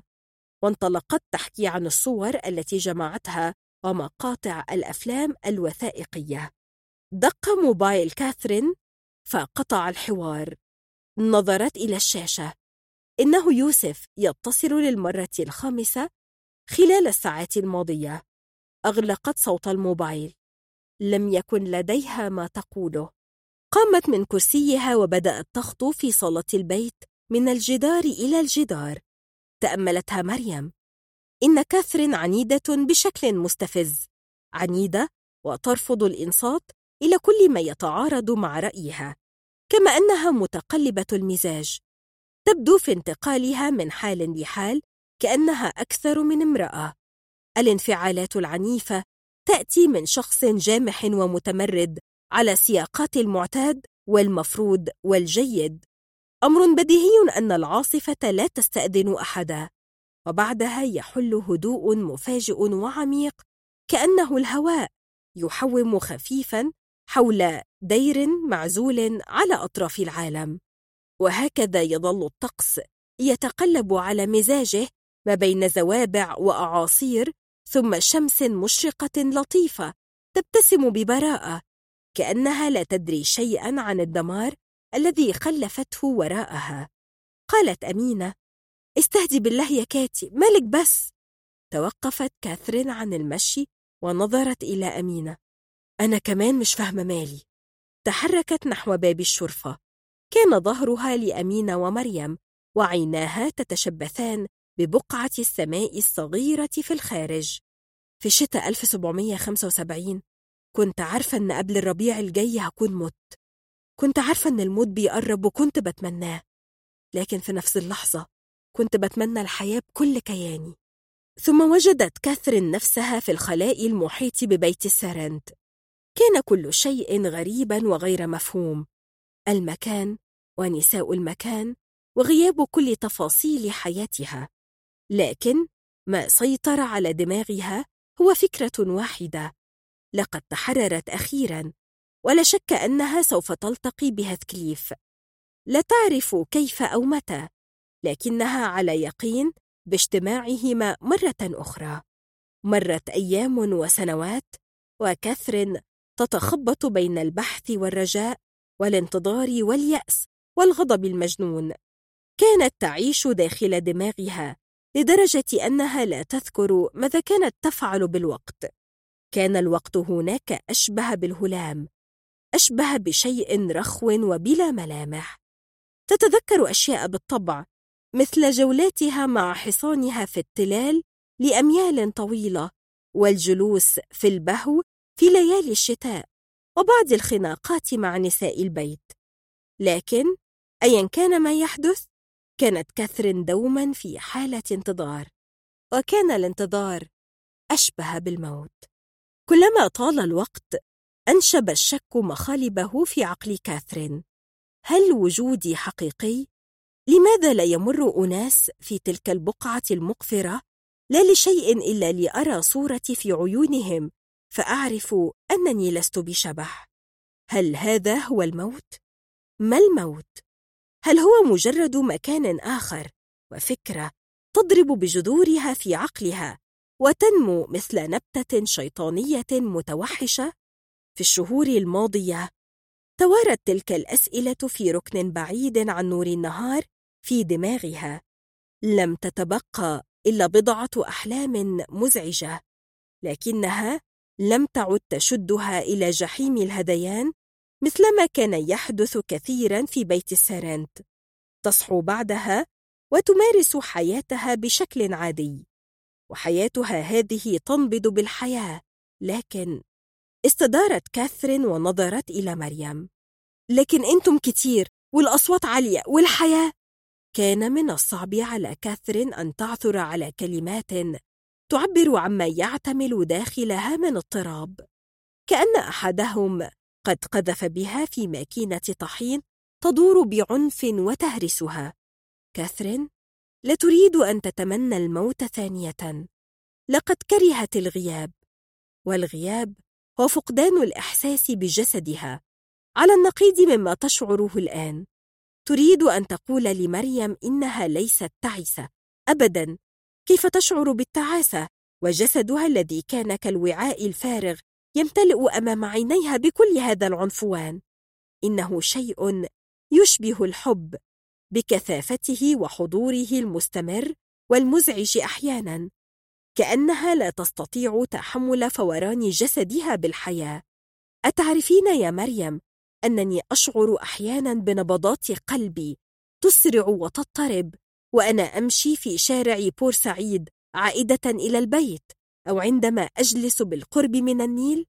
بالأمس كنت مع يوسف في مسرح المدرسة ووجدتني أتأمل وجوه الأطفال وهم يتلون سطورا من المسرحية. شعرت فجأة بأنفاسي تتسارع وتخرج في دفقات قوية كأنني جريت أميالا. جسدي يفور ويضطرب كموج بحر. والوعاء يمتلئ حتى الحافة بلحظات صغيرة متتابعة كأن كأن للوجود وطأة. هي ليست شيئا سيئا بل ربما تكون مستوى أو عمقا آخر للوجود كثيفا ومفعما لكنها وطأة. كان النور قد تراجع في صالة البيت مع اقتراب الغروب وسرى في الغرفة صمت غريب وخفيف. بل ربما أن العالم نفسه هو الذي سكت فجأة كأن يدا خفية قد قطعت التيار الكهربائي. تك. التفتت كاثرين على همهمات منغمة ثم على صوت أمين ببطء كأنما يستأذن أولا قبل أن يخطو إلى الصمت. جلست كاثرين على الأرض بالقرب من أمينة وأراحت رأسها إلى الوراء. انعصر قلب مريم. فالحياة هم ثقيل والحقيقة الوحيدة الثابتة بعد الموت هي الألم. علت النغمة. فبدا صوت أمين نقيا وعميقا كأنما يأتي من كهف مسحور تحت الماء. يا عزيز عيني وأنا بدي أروح بلدي. ليلة نمت فيها وصحيت ما لقيتش بلدي. مرت دقائق. فلم يعد في العالم إلا نساء ثلاث تجمعهن لحظة واحدة حادة وواضحة. فها هي صالة البيت وهذا هو باب الشرفة الزجاجي. والستائر القديمة والكرسي ذو الساق المكسورة يستند إلى الحائط والأباجورة الخشب في الركن. لكن الحجرة بدت لكاثرين. كما لو كانت بالونا شفافا وخفيفا يرتفع قليلا عن الأرض. ويطفو في فراغ. سبح صوت أمين ببطء ونعومة في الهواء. التف حول نفسه كدوائر دخان البخور. لمس الحائط وعاد. بين أهلي وناسي وبقيت غريب يا بلدي. بلدي يا بلدي وأنا بدي أروح بلدي. بلدي يا بلدي. واحد وعشرون. تسعة سبتمبر 2010 حارة البرنس عزيز قلعة الكبش. الساعة سبعة الصبح. الدنيا هادية صباحية أول أيام العيد. العيال مهدودة في البيوت بعد ما فضلوا يلعبوا ويفرقعوا بومب لحد وش الفجر. نسمة هوا طرية عدت عليا وأنا في البلكونة بسقي الزرع. الله على بخور المسك. هافف عليا من صالة البيت وبيجري ناحيتي. بعد ما سقيت الزرع وعملت فنجان القهوة حسيت إني عايزة أكتب شوية في البلكونة. كاتي نايمة بعد الهري والنكت في روحها امبارح. رجعت لمرجوعها بنت قرنشو قال إيه إحنا أحياء ولا أموات؟ جرى إيه يا بنتي؟ لزومه إيه تقليب المواجع وإحنا زي الفل أهو. تليفونها رن من شوية. قمت بصيت لقيت اسم يوسف على الشاشة. أكيد عايز يطمن عليها بعد اللي حصل في المدرسة. امبارح وإحنا عند مريم قعد يرن عليها ويبعت في رسايل وهي ما بتردش. قام كلمني طمنته على قد ما قدرت وأنا أصلا ما كنتش مطمنة. كان عايز يجي وأنا قلت له بلاش. عرفت منه إن مفيش مشكلة حصلت بسبب اللي عملته كاتي في العيال. حكالي إزاي شافها داخلة أوضة المدرسين زي العاصفة وشها أحمر وعرقانة وعينيها زيغة ولما سألها في إيه لا ردت عليه ولا شكلها سمعته أصلا. أخدت شنطتها وخرجت جري. عرف من مدرس الفرنساوي اللي حصل. أكد عليا أكتر من مرة لو احتجت أي حاجة أكلمه. دلوقتي بيرن عليها تاني. وبصراحة عيب أرد على موبايل كاتي. أنا هكلمه من تليفوني وأقول له إنها نايمة. نامت على وش الفجر. لو قامت كويسة يبقى أزمة وعدت وياما دقت على الراس طبول. أنا في أجازة العيد هشتغل على الترجمة اللي بدأتها من أسبوعين. فجأة طقت في دماغي أترجم خطابات فرجينيا وولف. كنت لقيتها فوق مكتب مريم.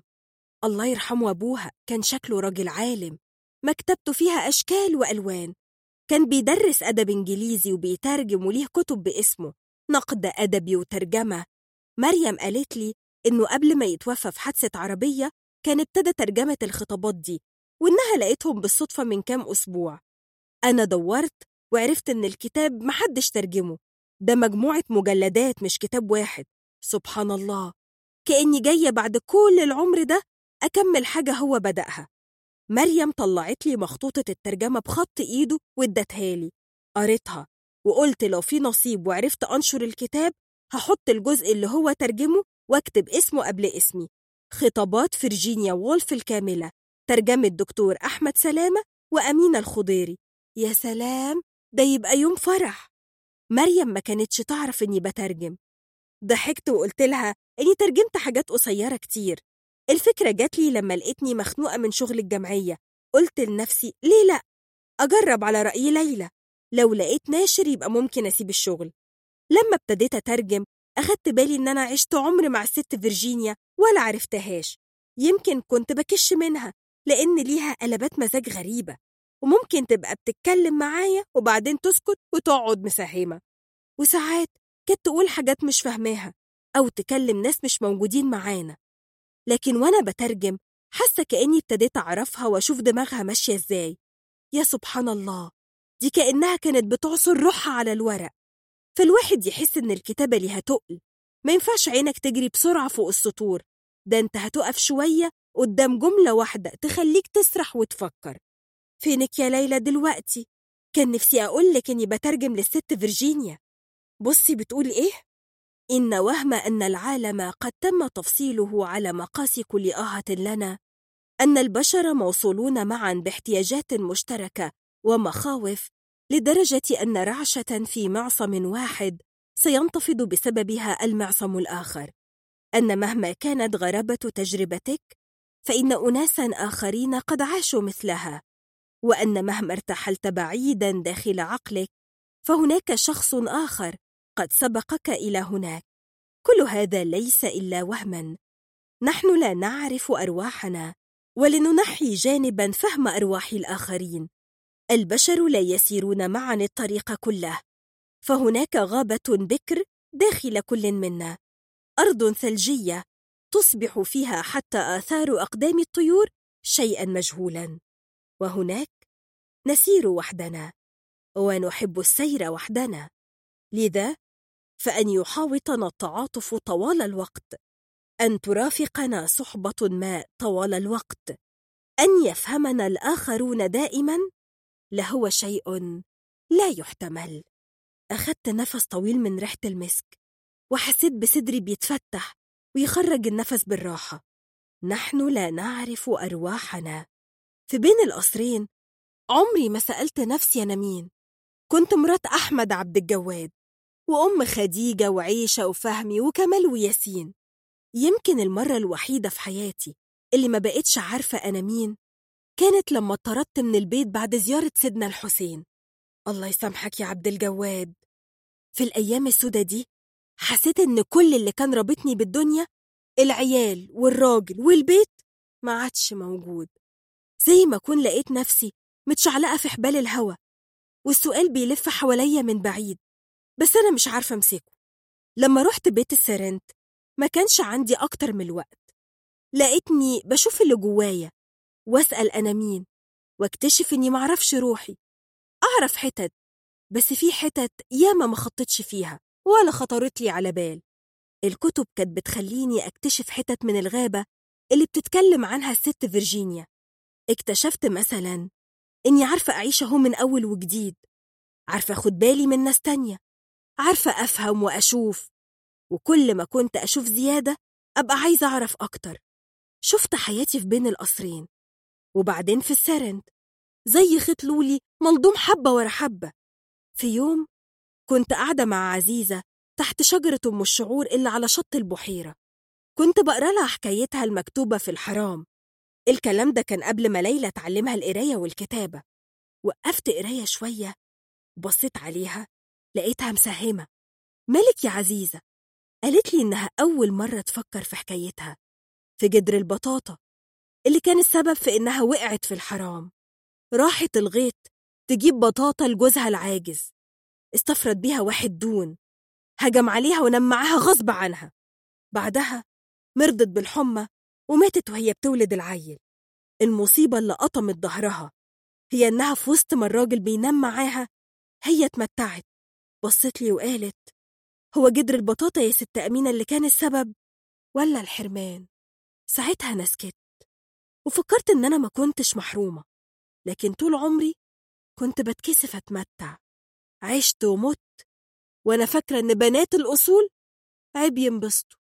ساعتها افتكرت لما شفت جليلة العلمة يوم فرح عيشة وفهمت إن أنا يومها حسيت بالغيرة.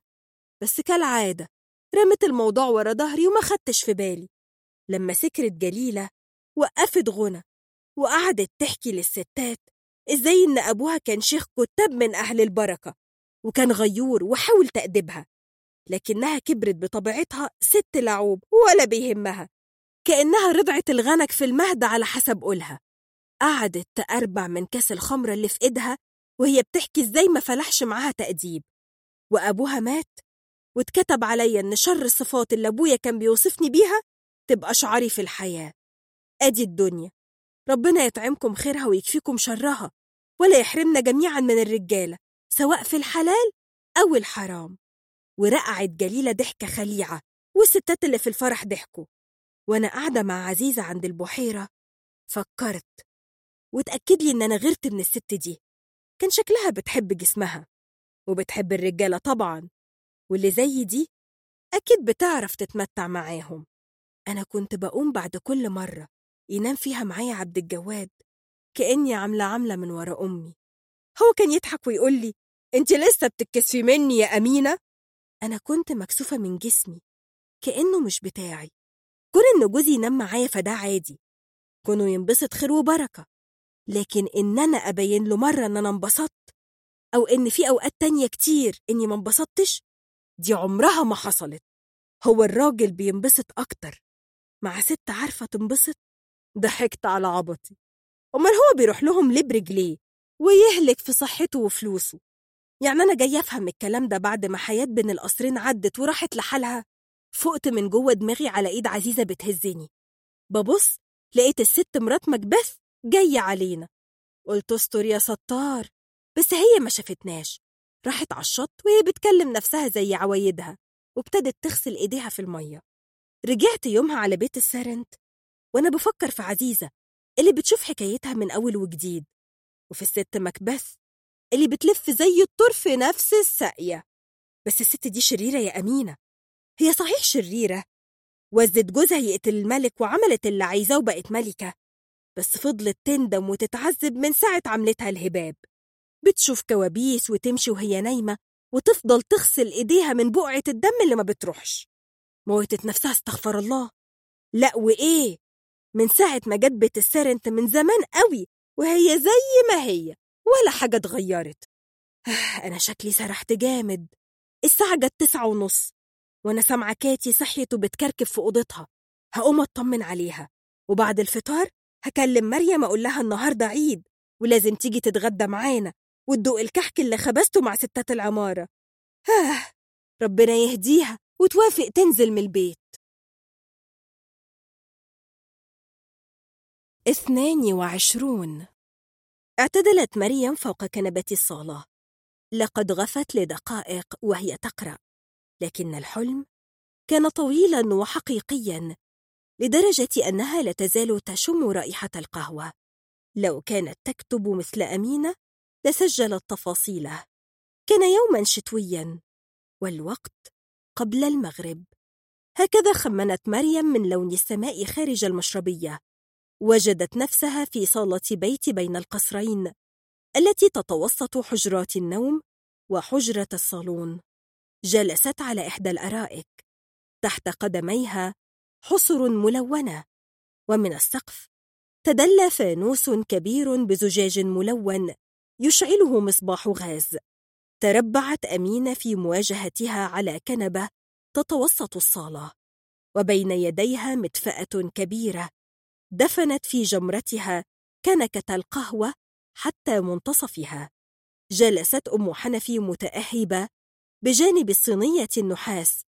التي رصت عليها فناجين أعضاء العائلة المسموح لهم بشرب القهوة ياسين وفهمي وأمينة طبعا. كانت خديجة تستحث الصبيان كي يفرغوا لتقرأ لهم الفنجان. ثم استدارت لتوبخ كمال على كذباته العبيطة التي يحاول من خلالها جذب انتباه الكبار. ده انت لو أهل النحاسين صدقوا حكاياتك ما كانش فضل واحد منهم حي يا كمال. هنقول إيه ربنا لو حسبك على الكذب ده؟ انبرى الولد الصغير ليؤكد أن ساعتها سيكون مضطرا أن يقول لربنا الحقيقة. السبب هو مناخير خديجة.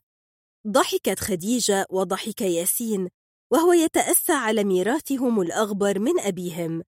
تلك الأنف هائلة الحجم.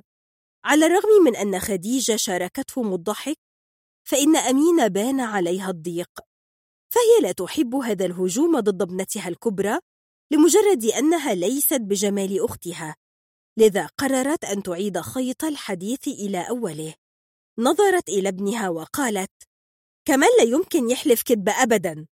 التفتت مريم إلى الناحية الأخرى من المجلس حيث انهمك فهمي وياسين في الكلام حول هجوم هاندنرج الأخير.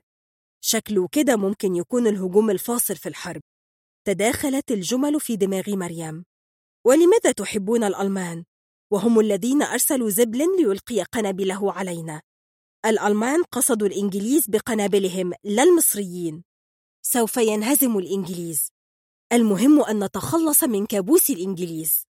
دارت مريم بعينيها بينهم. هل يرونها ولا يستغربون وجودها؟ ماذا لو سألتها خديجة طويلة اللسان؟ من أنت؟ وما الذي أتى بك هنا؟ انتبهت على صوت أمينة وهي تحكي لعائشة عن بيت الروضة. السقف عالي والبيبان أقواس عريضة بين الأوض. والبلاط من بتاعنا المنقوش الحلو وبلكونة ترد الروح. تتصوري يا عيشة إنهم هدوا بيت جميل من بتوع زمان بجنينة تشرح القلب. عشان يبنوا عمارة كبيرة هتسد الشمس عن بيت مريم؟ بس البلكونة قدامها شجرة عالية واصلة لحد الدور التالت. تحسي في البيت ده إن أنت زي ما تكوني في خن كده بينه وبين الدوشة خطوتين بس هادي وشارح وهواه حلو.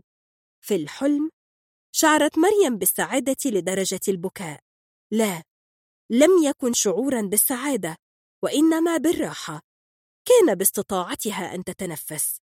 ابتسمت مريم وقامت لتأتي بشيء تأكله من المطبخ. لكن رنين جرس الموبايل أعادها. هل تهاتفها أمينة في الواحدة صباحا؟ باظت أخلاقك يا أمينة. منذ أن ذهبت إلى بيت السيدة وأصبحت تنامين بعد منتصف الليل. اتسعت ابتسامتها. أمينة. أمينة مين يا مريم؟ زازا. لم تخفي مريم دهشتها. في إيه يا زازا؟ يزيد اتجوز البنت اللي مش ملتزمة؟ فات على ضاضة سخرية مريم. قالت لا أنيل. هيسافر يشتغل في فرع الشركة في أمريكا. أنا عارفة إنه عايز يهرب بالبت ويغور من وشي. ما تفكرنيش بقى. لقد جنت ظريفة بالتأكيد. إنها تهاتف مريم بعد منتصف الليل كي تخبرها أن يزيد عموما أنا مش بكلمك عشان كده. أحست مريم بالقلق. قالت ضاضة هنية سكتت مريم. هنية البقاء لله. انتحرت. إحنا بلغنا الاسم وأنا في المستشفى دلوقتي. لا تذكر مريم كيف وصلت إلى غرفة النوم. ولا كيف ارتدت ملابسها ووصلت إلى شارع الروضة. بل وجدت تاكسيا وافق على أن يقلها إلى العباسية. جفنه تررم. علم الغزل. تتم تتم. ومن العشق ما قتل. نظرت مريم إلى وجه السائق في مرآة السيارة الأمامية. كان هادئ القسمات. يهيم في عالم آخر. لدرجة أن مريم شكت أنه واع بوجودها. بدا لها مرتاحا كأنه في المكان الصحيح والزمان الصحيح. يا سلام! وما المكان الصحيح والزمان الصحيح يا دكتورة؟ تذكرت الحلم. منذ دقائق كانت في مجلس القهوة وكانت تشعر بالراحة. والآن؟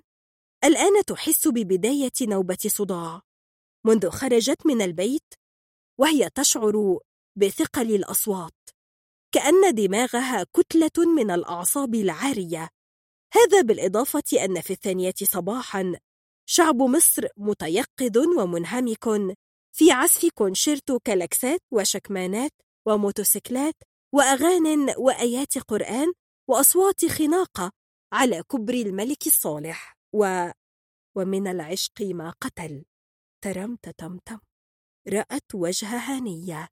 تذكرت تلك المرة التي سمعتها تغني في ركن الحديقة.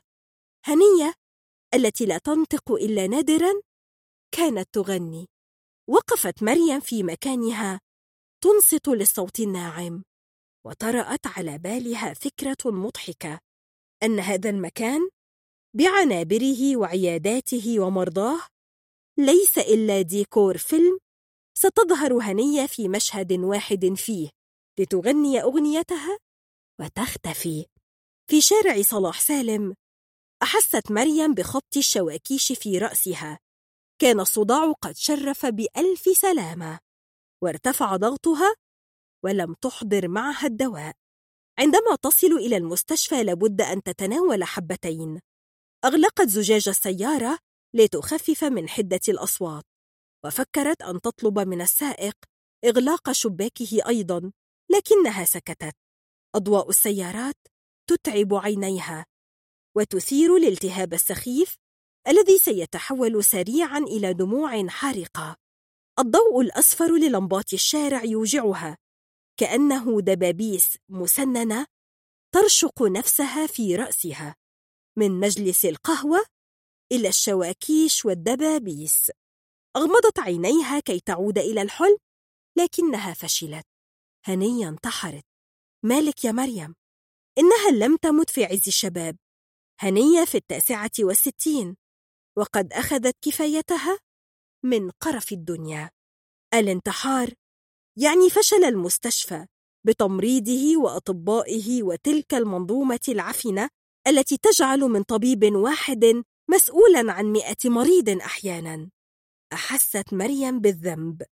تذكرت نبرة صوت ضاضة والطريقة التي قالت بها الخبر. كأن انتحار مريض عقلي هو شيء عادي. أراحت رأسها إلى الوراء وأغمضت عينيها. عندما دخلت طب القصر العيني؟ كانت تعرف جيدا أنها ستتخصص في الطب النفسي. كان رصيدها من الروايات هو المقدمة المنطقية لهذا الاختيار. في كهفها السري أحبت أناسا وكرهت أناسا وظل آخرون لغزا. سيكون بإمكانها أن تفهم نفسها أن تساعد آخرين أن يعيشوا بشكل أفضل. سوف تعلمهم لعبتها المفضلة. كيف تعيد تشكيل نفسك كعجينة الصلصال؟ وعندما يعجبك صنع يديك انفخ فيه الروح. في مراهقتها قررت مريم أن تنحت مريم على مزاجها. سوف تسرق دور الرب. لن تكون مثل أمها. مسيرة لمصير محتوم لا يمكنها الإفلات منه. ولا يمكن لضحاياها أيضا الهروب إلا ربما بمعجزة مثل تلك التي حققتها مريم في أحد الأوقات. لكن المعجزة كانت بالونة ملونة وجميلة. سيمر الزمن بعد سنوات ليفقأها ويستكمل طريقه وهو يقهقه ثلاثة وعشرون. دخلت مريم من بوابة المستشفى الحديدية فداهمتها رائحة الفينيك والبول وأجهزت على بقايا الحلم.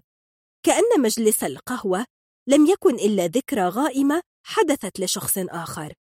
جرجرت قدميها في الطرقة الطويلة كأنها تسير عكس حركة الزمن. نحو كل السنوات التي عاشتها هنا بحلوها وبهزائمها التي بلا عدد. الحوائط كالحة كما هي. وهلاوس المرضى وبقايا أحلامهم عالقة في الأركان كخيوط العنكبوت. في العنبر جلست المريضات في مجموعات صغيرة يلفها الصمت. اقتربت مريم من السرير الشاغر. منذ ساعات قليلة كان جسد هنية هنا. ينبض ويتعذب ويحس ويودع في كل يوم حلمه بالحياة. تلفتت حولها. فقد هيئ إليها أنها تسمع لحنا يشبه ذلك الذي كانت تغنيه هنية. دخلت ممرضات الدور وهن يقدمن رجلا ويؤخرن الأخرى. ألقوا عليها السلام. مصحوبا بهمهمات. خمنت مريم أن المقصود بها هو تعزيتها. استعادت بسرعة قناع الأطباء بينما عقلها يتقافز كالمجنون بين الأفكار لدرجة أن مريم لا تتبين فكرة واحدة بوضوح إلا ربما إحساسها بالاحتياج إلى حضن. نعم. إنها تريد أن تخبئ رأسها في صدر شخص آخر وتغمض عينيها وتطمئن نفسها أنها لا تحسد هنية على شجاعتها. باي باي أيها العالم الوسخ. أرفوار تك. ما انقطع النور. وأهلا وسهلا بالراحة الأبدية. أبدية. سمعت صوت ضاضة يقترب. يا دكتورة إيمان عايزين صورة من المحضر. يبدو أن النقاب الأسود فوق وجهها لم ينجح في أن يعمل كفلتر للصوت. دخلت ضاضة العنبر وسحبت مريم من يدها إلى الخارج. كان المكتب مزدحما بالأطباء وهيئة التمريض. الحمد لله. فتلك الجلبة كفيلة بإجهاض أي احتمال أن تختار ضاضة هذا الوقت تحديدا كي تفتح أحد مواضيعها المفضلة. ليس الآن. أنا أحذرك لا أريد أن أسمع كلمة واحدة منك وأتساءل للمرة الألف من هذه المرأة النواحة الكاذبة؟ نعم أنت كاذبة يا ضاضة تكذبين على نفسك وتخافين من أن تظهري حقيقتك للعالم وما حقيقتها يا مريم؟ ليس هذا وقته لكن أقسم بالله لو فكرت ضاضة أن تفتح بكابورت خرائها لأمسكت رأسها وأغرقته في نفس الخراء. إلا حصل؟ تساءلت مريم بنبرة هادئة. أخرجت ضاضة فنجان القهوة من تحت نقابها وقالت في الأغلب هنية وقفت الدواء. خنقت نفسها. في الأغلب. مم. وفي الأغلب أيضا عددنا قليل. وليس لدينا إمكانات لعلاج حقيقي. ودورنا لا يتعدى أن نكتب البلابيع للمرضى ونتأكد أنهم يزدرونها. في الأغلب نحن نجلس مرتاحين على مؤخراتنا خارج الزمن. إحنا كهنة يا زازة كهنة! قالت ضاضة مداعبة. شكلك خلعتي وريحتي دماغك من الوش ده. يا بختك يا مريم! يا بختك يا مريم! نظرت مريم إليها في صمت. لقد أصبح جلدك سميكا يا ضاضة جبلة! قامت مريم دون أن تلمس القهوة. وسارت بخطوات ثقيلة نحو الثلاجة. مع كل خطوة كانت الرائحة تقترب وتعلق بلسانها. أحست بتقلص معدتها. كأنها لم تقضي عمرها كله بصحبة الأخ العزيز المدعو فورمالين. سحبت درج الثلاجة حيث يرقد جسد هنية. بدا وجهها هادئا مرتاحا وقد انفكت التقطيبة لم تدرك مريم. أن هنية تحتل مكانا في قلبها إلا الآن حتى عندما حلمت بها الحلم لقد جذبتها هنية من عمق الماء وظلت تشدها في الهواء إلى أعلى ومريم تصرخ كي تتركها ماذا كنت تخبرينني يا هنية؟ هل لو كانت لا تزال في المستشفى ما ماتت هنية؟ ولماذا تساعدينهم يا مريم على التشبث بالحياة؟ لماذا نصر على استكمال مشوار الألم؟ أهو قسم أبي قورس الذي نطقته وقلبك يتراقص بسعادة ملكة الصلصال؟ لا تتذكر مريم خروجها من بوابة المستشفى وجدت نفسها داخل تاكسي يقلها إلى السيدة زينب في الرابعة صباحا ومسام جلدها تنضح برائحة الفورمالين والبول عشان تبطلي تاكلي جلاس وتدوبي في قلوب الناس. تررم طمطم. هل طلبت من مجنون عبد الوهاب أن ينتظرها؟ أحست بشفتيها جافتين وبجسدها مخدرا كأنها تحت تأثير حقنة بنج. نفس الشعور بالتنميل نفس البرودة وفقدان الإحساس بأطرافها. ما تعرفيش إني أقدر أقرأ أفكارك؟ تارم تم تم ومن عينيكي لقد نسيت أن تطلب من ضاضة دواء الضغط. أراحت رأسها الثقيل إلى الوراء وأغمضت عينيها. رأت وجه أمها وقد ارتسمت في عينيها تلك الابتسامة المستهزئة. ألا تشبعين أبدا يا ناهد؟ ألن تحسي ولو مرة بالارتواء من دمي؟ خلاص. قلتلك من زمان إنك انتصرتي. وأنا التي كنت أظن أن بإمكاني أن أهرب منك. عندما مات ناجي عدت للعيش معك. كان قراري بالطبع هو عكس ذلك. لكنك كثفت من مؤامراتك.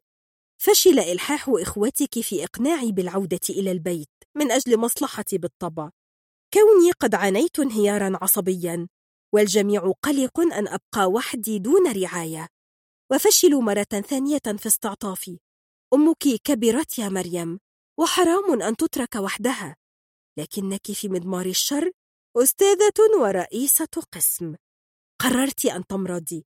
ذهبت إليك. ولا أعرف كيف جرت الأيام سنين. وأصبح بقاؤنا معا سجنا مؤبدا. لم تكوني قلقة علي لا سمح الله. ولا كنت تحتاجينني. كنت تريدين أن أظل أمام عينيك لتتأكدي في كل لحظة من تعاستي. هل تعرفين أنني كنت أعود من العيادة؟ وقد رسمت على وجهي ابتسامة لمجرد أن أغيظك؟ كنت أرفع من صوتي وأنا أهاتف ضاضة وأضحك بلا سبب لكي أحرق قلبك. تصورت أن بإمكاني أن أتحرر منك في حياتك. فانتهى الأمر بأن استكملت انتصاراتك علي بعد موتك. آه. هل تذكرين ليلة موتك في المستشفى؟ جلست بجانب سريرك ونظرت في عينيك. لم نتبادل كلمة. يبدو أنك وقتها كنت قد تعبت من تمثيل دور الأم الحنون المنفطر قلبها على تعاسة ابنتها. نظرت إلي بعينين خاليتين من الحب أو الكره أو الاعتذار. لم يكن في عينيك إلا الفراغ. الفراغ الذي قضيت عمرك تحاولين إخفاءه. لا أعرف حتى الآن كيف كان شعوري. لم أتمنى لك الموت. كنت أعرف أنه آت. لم أسأل نفسي عن الحب أو الكراهية. لم يكن في رأسي إلا رجاء واحد. اتركيني وحالي.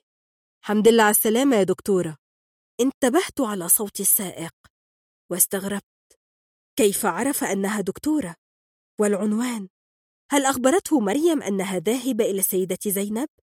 إنها حتى لا تتذكر اسم الشارع أو رقم البيت عند نزولها من السيارة شعرت بأن المشي صعب جدا لا تكاد تحس بوجود قدميها هل كان السائق يكلمها؟ لم تتبين حرفا مما يقول لم تر إلا عينيه الخضراوين تنظران إليها وهي تقف بصعوبة وتبدأ في التحرك نحو البيت. سرت برودة في جسدها وهي تخطو خطوة واحدة صغيرة إلى الأمام تليها خطوة أخرى. كأنها سيد قشطة. قد أجبر على التزحزح بعيدا عن مكانه الأثير بجانب الماء. هل تسكن أمينة في الدور الثاني أم الثالث؟ فكرت في عدد درجات السلم التي يجب أن تصعدها. وشعرت بروحها تهوي بقوة نحو الأرض وترتطم. أربعة وعشرون. لا تعرف مريم إلى أي طابق وصلت ولا أي باب طرقته. هل طرقت أحد الأبواب؟ أدركت فقط أنها تجلس على بسطة السلم عندما على صوت امرأة ينادي يا ست أمينة! يا ناس يهو حد ينجدنا. كان صدر مريم يعلو ويهبط كأنها تنازع. فتحت أمينة الباب. خير يا ست أم قالت أم محمود. اسم الله عليها الدكتورة. سمعت هبد على الأرض. فتحت لقيتها وقع سمي بس. اندفعت أمينة نحو مريم. حاولت أن توقفها في نفس اللحظة التي ارتفع فيها صوت أم محمود باستغاثة وصلت إلى باب شقة أم حنان في الدور الأرضي. انفتحت أبواب كثيرة واندفع إلى الدور الثاني حشد من الجيران. أرادت مريم أن تصرخ فيهم أن يهدأوا قليلا لأن الصداع يهرس رأسها لكن أحدا لم يسمعها. كانوا منشغلين برفعها عن الأرض وهي المهمة التي نفذها بكفاءة شابان بمساعدة كاثرين. تريد أن تطلب منهم أن يتركوها دقائق لتلتقط أنفاسها. ستقوم هي دون مساعدة من أحد. عندما أجلسوها فوق الكنبة مال جسدها إلى الوراء. قالت كاثرين افردوا جسمها على الكنبة افردوا جس مريم لا تفهم سبب تلك الجلبة ولما امتلأت الشقة بكل هؤلاء الناس؟ الأصوات تزيد من شراسة المخالب في رأسها. اهدأوا اهدأوا قليلا. حاولت مريم أن تتكلم. شخطت أم محمود في شعب العمارة. استهدوا بالله شوية وابعدوا عشان تاخد نفسها. سكت الجميع. لكن لا أمينة ولا كثر ولا أحد من الموجودين نجح أن يفهم كلمة واحدة من حشرجة الأصوات التي خرجت من حلق مريم. كان على مريم أن تتناول دواء الضغط في المستشفى. آه هنية. لقد انتحرت هنية منذ ساعات. رائحة البول تلتصق بالمكان مثل طبقة من الصمغ. إسعاف اطلبوا الإسعاف يا جماعة. لا لا تاكسي أسرع. يا بنتي الإسعاف بقوا بيجوا بسرعة مش زي زمان. كلم الإسعاف ياض يا محمود. لم تفقد مريم الوعي. كان جزء من عقلها يتابع ما حولها بشكل متقطع. وجه كاثرين المحمر ينظر إليها. نجفة السقف بزجاجها اللامع. همهمات النساء في الغرفة. كاثرين تحدث شخصا على التليفون. وهذا السائل الذي تضعه جارة أمين في فمها بملعقة صغيرة لكنه ينزلق خارجا. ومريم تريد أن تفهمها أنها لا تستطيع ابتلاعه هل أنت أم محمود التي كانت تتحدث عنها أمينة؟ إشارات المخ. يا أم محمود تطير في الهواء ولا تصل إلى منطقة البلعوم. حاولت مريم أن تتكلم. إنها تعرف جيدا ما تريد قوله. ستقول إن هنية ماتت. بل انتحرت. إن ضاضة قالت لها يا بختك يا مريم إن عبد الوهاب كان يغني. لكنها لا تتذكر الأغنية. وناهد ناهد كانت معها في التاكسي. والسائق السائق نظر في عينيها بشكل غريب. كان جزء من عقل مريم يلتقط ما يدور. كأنه لقطات كاميرا سريعة وعشوائية. وجزء آخر ينسحب نحو الفراغ. إنه فراغ كبير. هل الفراغ بالضرورة كبير؟ كادت مريم تضحك. إنها تنسحب نحو الفراغ الكبير. الواسع. الطيب. الفراغ طيب؟ ما الفراغ الطيب يا حكيمة الزمان؟ جسدها يلين ويفقد الحدود التي تفصله عن العالم. فيصبح هو والفراغ شيئا واحدا. إنه شعور رائع. شعور لا يمكن وصفه. كأن ثقل جسدها قد اختفى فجأة. فأصبح بإمكانها أن تخف وتطفو فوقه وفوق باقي الأجساد في الغرفة. إنها ترى من فوق قبيلة النساء الشغوفات بإعادتها إلى الحياة وهن يجرين من هنا لهناك ويقولون أشياء لا تفهمها. ومريم تريد أن تضحك أن تقاقها بصوت عال وهي تخبرهن أن لا داعي لهذا الفزع فهي تشعر براحة عظيمة. قلبها خفيف وجسدها خفيف ومخها مخها يتفتت إلى قطع صغيرة تذوب في بحيرة من الدماء. إنها ترى الشعيرات الدموية تتمزق تنفجر كأنها ألعاب نارية داخل جمجمتها. شكلها جميل. انظري يا مريم إليها. تبدو كنسيج من الخيوط المرهفة. التي تتقابل وتتقاطع وتتفرع. كأنها لوحة سريالية لفنان مجنون. إنها لا تبدو بهذا الجمال في كتب الطب ولا في الأشعة المقطعية. مريم ترى ملامح الجزع في وجه أمينة وتريد أن تطمئنها. أن تخبرها أيضا عن حلم مجلس القهوة حين سمعتها تحكي لعائشة عن بيت الروضة والشرفة. أتعرفين يا أمينة أن رائحة القهوة في بيت بين القصرين؟ تصلح لاستخلاص مضاد اكتئاب فعال؟ اقتربي مني يا أمينة. أريد أن أخبرك سرا. إن ناهد هنا. نعم ناهد أمي. قولي لها أن ترحل. ادفعيها خارج الباب وأغلقيه وراءها. جاءت وأنا في التاكسي وأبلغتها بانتصارها. أمينة أنا لا أستطيع تحريك يدي. جسمي بارد يطفو في الفراغ. الفراغ طيب وهادئ لا أكاد أسمع فيه صوتا. ارتفع أحد الأصوات فجأة. أم حنان كلمت دكتور في مستشفى أحمد ماهر. كتر خيره جوز بنتها. مستشفى؟ كادت مريم تضحك. لكنها تذكرت فجأة أنها غاضبة لأنها تعاني من صداع فظيع. وهؤلاء الناس يسببون جلبة. كفيلة بإيقاظ الأموات من السيدة زينب وحتى قارة الهند الشقيقة. لكن الهند ليست قارة يا مريم إنها بلد. ثم عاد الصمت. كأن أحدهم قد ضغط على زر أخرس العالم. لقد فقد جسدي الحدود التي تفصله عما حوله. أصبح نقطة هائمة في الهواء داخل بالونة هائلة الحجم. لا أرى أبعادها. أراني أطفو في الداخل. أمينة هل شعرت بشيء مثل هذا؟ عندما وقعت في غرفتك بعد العودة من زيارة الحسين الأخيرة؟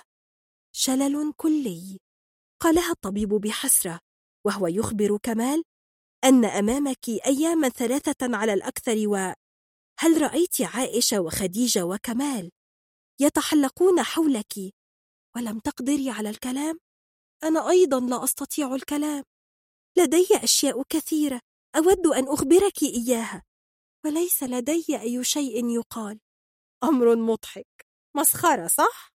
في الحقيقة لا أفهم لما أقارن نفسي بك. فأنت كما قال كمال قد شيدت بنيانا كاملا وأنا أنا لم أفعل أي شيء. أين كاثرين؟ ومن هؤلاء النساء؟ جسمي بارد وخفيف.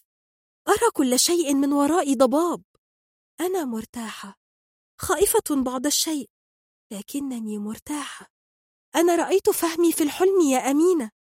كان يقول إن الألمان يضربون الإنجليز لا المصريين. وأم حنفي قالت لي أهوتك يا ست مريم. شكل الشعيرات الدموية جميل وهي تتمزق وتطفو في بحيرة الدماء. يا أمينة إن ناهد تصرخ في وجهي بجملتها الشهيرة منذ كنت صغيرة. بطلي تمثيل بقى. بطلي تمثيل. خمسة وعشرون. عشرين أكتوبر 2010 مستشفى القصر العيني الساعة 11 بالليل. عشر أيام بلياليها مروا كأنهم عشر سنين. بس امبارح مريم خرجت من العناية المركزة. ألف حمد وشكر ليك يا رب. الدكتور بيقول إن الحالة مستقرة. لكن محدش عارف ممكن تفوق إمتى من الغيبوبة. لما تفوق بإذن الله هيعرفوا لو المخ سليم ولا الشر بره وبعيد. جراله حاجة. كنت عايزة نروح البيت. قالوا مش ممكن. يعني هتفضل على الحال ده كتير يا دكتور؟ هز راسه وخرج من الأوضة. كويس إن الدكتورة زازة صاحبتها معانا. هي اللي بتفهم اللي بيقولوه.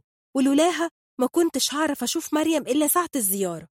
لما نقلوا مريم في أوضة عادية كان لابد أبيت معاها. دكتور المخ والأعصاب لما دخل عليا ولقاني بكلمها قال لي إنها في غيبوبة يعني لا بتسمع ولا دارية بحاجة.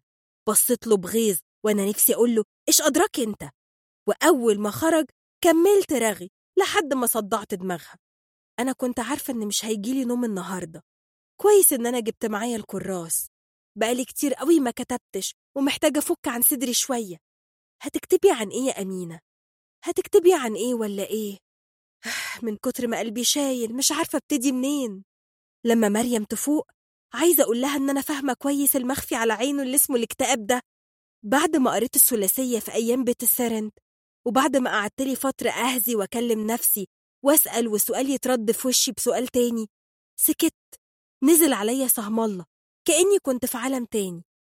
بالنهار يعدي قدام عينيا وشوش العيال. واسمع صوتهم كأنهم في الأوضة اللي جنبي. بالليل عينيا ما تغمضش. لو غفلت ألاقيني رجعت البيت النحاسين. ما بين تهت النهار وأحلام الليل راح طعم الأكل والكلام والونس. بطلت أخرج مع الستات. والكم مرة اللي وافقت أروح معاهم للغابة أخدت معايا كتاب وعملت نفسي بقرا يظهر كان باين عليا لدرجة إن كاتي أخدت بالها وسألتني مالك يا أمينة؟ ابتسمت وما ردتش. هقول لها إيه؟ هو أنا كنت فاهمة إيه اللي بيجرالي ثم أنا عمري ما اتكلمت عن نفسي ما بعرفش. عدت أسابيع وجرت وراها شهور وأنا متنومة مش دريانة باللي حواليا. كنت بقول لنفسي يمكن هو ده بقى شكل العيشة يا أمينة وعمرك ما هترجعي زي الأول. مكتوب عليكي تفضلي محبوسة في اللي كان. عدى خريف وشتا وجه من بعده ربيع ملوش طعم وشتا تاني. وفي يوم لقيتني بدخل المكتبة أدور على ورق فاضي. في دولاب خشب في الركن لقيت فيه ورق أشكال وألوان. سحبت رزمة ورق أصفر قديم مش مسطر وبدأت أكتب طبعا من غير تواريخ. كنت برقم الصفحات واحد خمسين مية ألف وخمسمية. كنت أقعد على المكتب مش عارفة هكتب إيه. شوية وإيدي تتحرك لوحدها. كنت بكتب كل حاجة بتيجي ببالي من غير تزويق ولا ترتيب. لما ليلى جت بعدي بفترة لقيتها هي كمان بتكتب. مرة كنت معدية من قدامها وهي قاعدة تحت شجرة البلوط اللي على طرف التل وسألتها بتعمل إيه. كنت فاكراها بتكتب كتب زي الست فيرجينيا. قالت لي بكتب أفكاري يا أمينة. اللي جوانا بحر هايج. لو معرفناش نشوف طريقنا فيه هنغرق. بكتب عشان أشوف. ليلى كانت بتكتب عشان تشوف. وأنا بكتب لأني ما بعرفش أشتكي. طب أعمل إيه في روحي؟ ربنا خلقني كده. من وأنا صغيرة حاسة إني كبيرة. ده أنا كنت براعي أمي وأخد بالي منها كأن أنا اللي أمها. وقت التعب عمري ما عرفت أطلب من حد يسندني. ده أنا حتى عمري ما بعترف قدام نفسي إني تعبانة. تبقى جدتي مدغدغة كأن وابور زلط عدى عليا ولساني بيحمد ربنا ويقول كله تمام. يظهر عشان كده أخدت وقت طويل على ما فهمت إن روحي كانت هربانة مني. في يوم كنت بكتب في المكتبة وقفت كتابة وقلت أرجع أبص على اللي اتكتب الأوراق الأولى ما فيهاش غير الصور اللي في دماغي. آخر مرة شفت فهمي وجنازات ولاد عيشة وكمال قاعد في أوضته بين الكتب بيفكر وعبد الجواد وهو بيشتهم ومريم جارتنا. ما كانش في الورق غير حياة النحاسين. اللي عشته واللي ما كنتش أعرفه بس عرفته من الكتاب. كنت بعيد وازيد زي اللي بتهزي. بعد ورق كتير لقيتني كاتبة عن حاجات تانية زي كلام حصل بيني وبين لوسي. ودور الحمى اللي جه لكاتي وشجر الكريز والتفاح اللي ظهر في الجنينة. كنت بقرا كأني بشوف حياة ست تانية وأنا برفع وشي من على الورق. شفت غزالة واقفة ورا الباب الإزاز بتبص عليا. عينيا جت في عينها وفضلنا نبص لبعض. أنا دمعت مش عارفة ليه. أنا عمري ما اتعودت أبص في عينين حد. حسيت برعشة في جسمي كله زي ما أكون ببص في عينين ربنا. الغزالة مشيت وأنا خرجت للجنينة. كان وقت غروب الشمس. كان لونها غريب بين البنفسجي والبرتقاني والهوا كان طعمه مسكر وغرقان في ريحة شجر المسك. في اللحظة دي حسيت إني رجعت أمينة اللي أعرفها مش عارفة أشرح إزاي. كأني رجعت أحس من تاني. أنا فاكرة إن بعدها بكام يوم كتبت إن الحياة عاملة زي حتة عجين لا ليها شكل ولا طعم. إحنا بقى اللي بنقرصها. نعمل منها عيش كحك بالسكر أو شوريك نطلع بيه على تراب الأموات. يوسف بيك وهبي بيقول وما الحياة إلا مسرح كبير. وأنا بقول وما الحياة إلا حتة عجين. فقت على صوت ضحكتي بيرن في أوضة مريم في المستشفى. الساعة جت واحدة الصبح. كفاية كده يا أمينة حاولي تنامي عشان عندك شغل كمان كام ساعة. بكرة كاتي هتسافر اسكندرية مع يوسف. كانت مش عايزة تسيبني لوحدي بس أنا عارفة إن نفسها تروح البحر. قلت لها يا بنتي ده إحنا جيش أم حنان وأم محمود والدكتورة زازا وأنا. سافري وما تقلقيش. ربنا يسعد أيامها ويكفيها شر المستخبي. بصيت على وش مريم دلوقتي ملست على راسها ومريت بصوابعي بالراحة على التكشير اللي بين حواجبها. أزمة وهتعدي يا مريم هترجعي ومش هتكرهي الحياة لأن ده كفر آه والله العظيم كفر. ستة وعشرون. في الحادية عشرة صباحا خرج يوسف وكاثرين من قاعة المسرح الصغيرة وسماء الإسكندرية تمطر رذاذا خفيفا. رفعت كاثرين وجهها تتلقى القطرات وابتسمت. كان يوسف قد اصطحبها لحضور بروفا جنرال لمسرحية يخرجها أحد زملائه من أيام المدرسة. سألها إن كان العرض قد أعجبها. قالت إنها لا تعرف.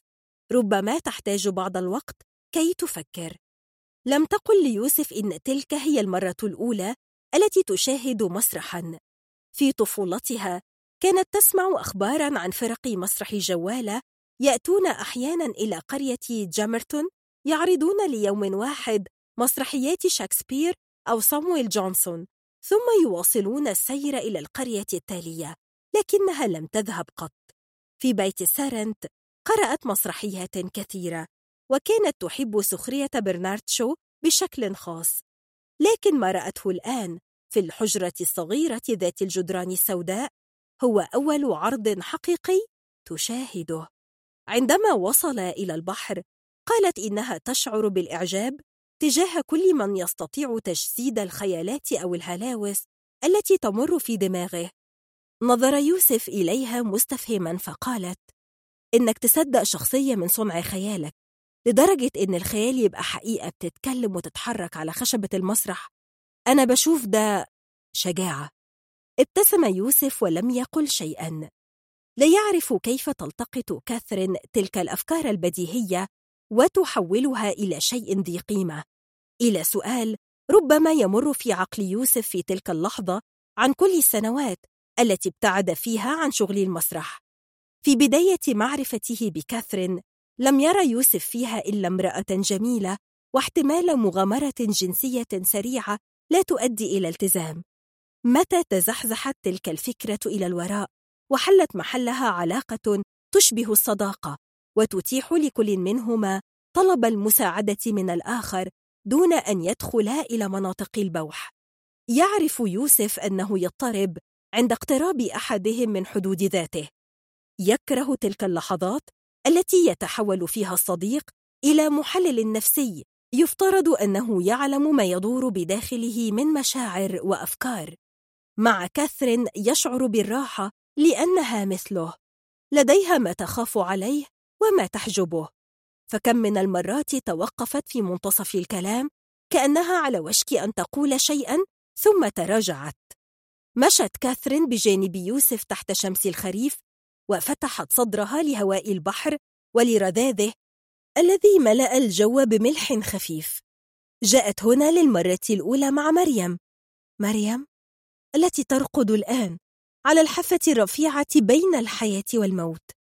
في الأسابيع التي سبقت رحيل كاثرين عن هذا العالم كان عقلها قد ترك بيت آل لانتون وذهب يحوم حول المرتفعات. أين أنت الآن يا مريم؟ مش هناكل يا كاتي أنا جوعت انتبهت على سؤال يوسف وعلى اقترابهما من قلعة قايتباي. صعدا إلى النادي اليوناني وجلس في زاوية الشرفة. نظرت كاثرين إلى البحر ثم التفتت إلى يوسف وقالت شكرا يا يوسف. ابتسم وقال إن وجودها معه هذه المرة شجعه على كسر روتين أيام الإجازة فهو نادرا ما يذهب لمشاهدة مسرحية. أما المشي على الكورنيش فقد توقف عنه من أيام الجامعة كان يكتفي بمشاهدة البحر لبضع دقائق تؤهله للعيش في القاهرة أسبوعا آخر قالت كاثرين إن البحر يمنحها شعورا مشابها بالتواجد في التلال تحت سماء يوركشاير المفتوحة هتسافري إمتى؟ في أجازة الكريسماس؟ قالت إنها تدخر للسفر وسكتت لم تحكي له أن جزءا منها على يقين أنها سوف تعود إلى بيتها الأول في وقت ما وجزءا آخر يشعر بالرعب من تلك اللحظة. نظر يوسف إليها والنادل يضع أمامهما أطباق البيسارية المحمرة الساخنة ويخرج زجاجة النبيذ الأبيض من الثلج ويملأ الكأسين ويرحل. قال تعرفي ساعات بشوفك زي البلورة اللي جدرانها مغبشة بتخلي الحاجات اللي جواها تهويمات بدون ملامح. أنا معرفش الناس بيشوفوني إزاي لكن أنا شايف نفسي زي ما أنا شايف البلورة بتاعتك. ارتشفت كاثرين من كأس النبيذ وهي تتأمل يوسف يضع في طبقها قطعة كبيرة من لحم سمك الدنيس المشوي. أحست باضطراب خفيف. إن وجودها معه مربك بعض الشيء فهو ليس أمينة رفيقة سنوات السرن. أو مريم التي تعرف الحكاية بغض النظر إن كانت تصدقها أم لا. مع يوسف تفكر فيما يمكن أن تقوله وما يجب كتمانه. من الطبيعي إذن أن يراها من وراء أسوار زجاجية. هل لا تزالين يا كاتي حبيسة اللعنة التي تجعلك ترين العالم خيالات تمر في المرآة والعالم بدوره لا يرى منك إلا طيفا عابرا؟ لم تعد كاثرين تشك أنها شبح كما كان الحال في بيت سارنت فأن يراها يوسف حتى لو من وراء زجاج مغبش فهذا يعني أنها حقيقية هل أنت حقيقية يا كاتي لمجرد أن يوسف يراك؟ ألا ترين أن هذا السؤال الآن أصبح ساذجا ولا معنى له؟ لم لا أسمعك تتساءلين عن أشياء أهم؟ عن الحقيقة والزيف مثلا. وإلى أي مدى بإمكانك أن تكوني نفسك تماما دون أقنعة؟ عادت إلى كاثرين تلك اللحظة البائسة حين ارتدت القناع بصلف وجهل الحمقى. في بدايات مرحلة التودد والغزل جاء إدغار لزيارتها في بيت المرتفعات. استقبلته بثوب رفيع الذوق وصوت خفيض وخطوات أنثوية رقيقة. كان عليها أن تخفي أي تشابه بينها وبين هيثكليف الذي كانوا يسمونه في بيت ألي لانتون بذلك الخبيث المنحط الصغير والحيوان المتوحش. دخل إدغار إلى حجرة الاستقبال. وفوجئت كاثرين بنيليدين تنظف الأطباق وترتب الأدراج. ذهبت إليها وهي تجز على أسنانها. وأنبتها بصوت خافت وطلبت منها بلهجة آمرة أن تمشي. لم تنصع نيلي فقد كانت تنفذ أوامر أخيها الوغد بألا تترك الحجرة في حالة زيارة الولد لكاثرين. كان عناد نيلي مفاجأة أشعلت غضبها. في الخفاء قرصت ذراع المربية قرصة عنيفة وطويلة لكن الحقيرة تعمدت أن تصرخ كي تفضحها. امتقع وجه أدجر وبدا مصعوقا لكنها أنكرت فعلتها. لا تذكر ما حدث بعدها بالتفصيل لكن المشهد تصاعد باكتشاف إدجر أنها قد ارتكبت جرما مزدوجا. الكذب والعنف غير المفهوم والذي لا يتفق إطلاقا مع صورته عنها. في لحظة واحدة سقط القناع الذي قضت كاثرين ساعات ترسم ملامحه بعناية. وظهرت كاثرين المتوحشة التي تشبه هيثكليف وخشونة المرتفعات. وهذه الكاثرين هي من صفعت إدغار فاحمر وجهه وكان على وشك البكاء. ابتسمت كاثرين بسخرية في سرها وهي تتذكر كيف عادت إلى ارتداء القناع كي تتزوج إدغار. رحتي فين يا كاتي؟ لو عايزة تشوفي المتحف يبقى لازم نتحرك. عاد بها صوت يوسف من رحلتها داخل دماغها. كان المطر قد توقف لكن الشمس ظلت محتجبة وراء السحب. قامت من مقعدها فشعرت بدوخة خفيفة. لقد أجهزت على زجاجة النبيذ بمفردها باستثناء الكأس الأولى التي تناولها يوسف. عندما عادا إلى الكورنيش كانت أسئلتها قد توارت في صوت الموج وفي إحساسها بدوار لطيف. جعلها ترى البحر والسيارات والناس كأنما من مسافة. قالت ليوسف إن من المحتمل أنها قد سكرت سكرا خفيفا وضحك لم يكن المتحف كبيرا مثل متحف القاهرة وهو ما أتاح لهما التجول بهدوء بين الآثار المصرية القديمة واليونانية. في الحجرة التي تحتفظ بآثار المدينة الغارقة هرقليون كانت الحيطان غامقة اللون والإضاءة المزرقة ترتفع قليلا فوق أجساد التماثيل الجرانيت وتضوي بلمعة خفيفة فوق قطع النقود الذهبية والبرونزية. وقفت كاثرين في سكون وتلفتت حولها. أحست كأنها هبطت إلى عمق البحر نحو زمن كان موجودا منذ خمسة عشر قرنا. أغمضت عينيها للحظة شعرت فيها برأسها ممتلئا بالهواء وبجسدها كأنه ينزلق بخفة بين الأعشاب. ومن حولها تمرق الأسماك دون أن تعيرها انتباها فتحت عينيها فرأت أمامها تمثالا ضخما لامرأة تنظر بعيدا نحو شيء لا تراه كاثرين. سجلت الصور الفوتوغرافية المجاورة للتمثال مراحل الانتشال. كان جسد المرأة كله مطمورا في طبقات الرمال لا يبين منه إلا الرأس ومن فوقه غطاء كثيف من الطحالب كأنه إكليل. تنقلت عيناها بين التمثال والصور ثم عادتا إلى نظرة المرأة. كان التمثال في لحظة ما مجرد خيال في دماغ النحات. كيف استطاع أن يجعل من الفكرة حقيقة تتأملها كاثرين الآن؟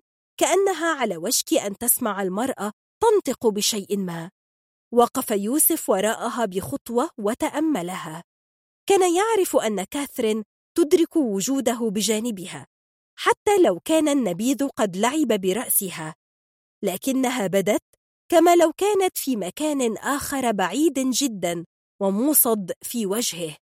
شعر بارتباك أو ربما بقدر من الغيرة. فهو يرى العالم كأنما من وراء جدران بلورته عيناه تنزلقان سريعا كأنه يخاف التوقف طويلا أمام أي شيء. لكن كاثرين قادرة على التركيز في فكرة واحدة بدرجة من العمق تجعلها ترتحل وهي في مكانها. لم يفهم يوسف سببا لتلك الغيرة. ما الذي تملكه كاثرين ويتمناه هو؟ كان عليه أن ينحي الأسئلة جانبا حتى يلحق بقطار الثامنة إلى القاهرة. سبعة وعشرون. شعرت مريم أن حجرا ضخما يربض فوق عينيها فتكاد تعجز عن فتحهما إلا ربما لوهلة. عندما يحدث ذلك لا ترى إلا كتلة ضخمة من الضباب. وبعد ثانية واحدة تنغلق عيناها من جديد فتعود إلى الطفو في فضاء هائل هل كان نومها عميقا لتلك الدرجة؟ في إحدى اللحظات استطاعت أن تفيق فرأت السماء الرمادية خارج النافذة وقطرات المطر تنزلق في خيوط رفيعة فوق الزجاج هل كانت تحلم؟ إنها لا تتذكر شيئا مر الوقت بطيئا ومترددا وعينا مريم تنفتحان وتغمضان دون إرادتها. تشعر برأسها خفيفاً كأنه بالون ممتلئ بالهواء وبجسدها خفيفاً كأنه يتحرك في عمق سحيق. والماء يدفع بها كجثة وديعة يحاوطها اللون الرمادي المخضر وأطياف غائمة. تك تك تك تك تك تك تك تك. تسارعت نقرات المطر فوق الزجاج. فتحت مريم عينيها فبدأت الأشياء تتضح ببطء. رأت بجانبها امرأة تجلس أمام النافذة ورأسها محني فوق كتاب. الضوء الرمادي المكتوم يأتي من ورائها فيكسوها بالظلال. هذه كاثرين؟ لكن كاثرين لا ترتدي جونيلات طويلة وبلوزات حريرية ولا تعقص شعرها إلى الوراء. أنصتت مريم إلى تكتكات المطر. كان الصوت مريحا. تنفست. فتحت عينيها وشعرت بالحجر الرابض فوقهما يتزحزح بعض الشيء. وتهويمات ما تحت الماء تنقشع بعض الشيء. نظرت حولها. كانت في غرفة تكتسي جدرانها بورق حائط بلون البرقوق. ومن فوقه تتناثر ورود كبيرة بارزة بدرجة أفتح من الأحمر. كان كرسي التسريحة بنفس لون الحائط ومن السقف تدلت نجفة نحاسية على شكل جسد كيوبيد القزم ببطنه المنتفخ المضحك يرفع خمس أذرع. تنتهي بلمبات كريستال مسحوبة لأعلى. في مرآة طويلة بجانب الباب رأت صورتها باهتة وبعيدة وهي ترقد فوق السرير. لكن المرأة التي تجلس بجانبها لم تظهر. تنفست مريم فخرج الزفير مصحوبا بأنة خفيفة. انتبهت المرأة فتركت الكتاب واقتربت منها. هذه ليست كاثرين. فتحت مريم فمها لتقول شيئا. لكن المرأة تركتها واتجهت إلى باب الحجرة ونادت. أمينة! كاثرين! ليدز تتابعت دقات كعوب على الأرض الخشبية. دخلت كاثرين إلى الحجرة بزوبعة صغيرة لم تتبين منها مريم حرفا. ثم رأت أمينة تقترب منها في لهفة وتلمس جبينها. بسم الله الرحمن الرحيم. يا بركة آل البيت. أفاقها الصوت. إنه ليس حلما. فهذا الصوت تلك النبرة كل شيء يبدو حقيقيا. منذ أن فتحت مريم عينيها وهي تتفرج على الغرفة كأنها تستكشف عالما سفليا غريبا بعيني زائرة سرعان ما سترحل وتعود إلى حياتها. كيف لا يكون هذا حلما؟ التفتت إلى مجموعة من النساء يدخلن إلى الحجرة. اقتربت إحداهن من سرير مريم. كانت خمرية بشعر أسود قصير وعينين تلتمعان بالفضول وهي تنظر إليها ثم تتجه إلى منضدة خشبية في الركن وتضع في المزهرية ورودا حمراء.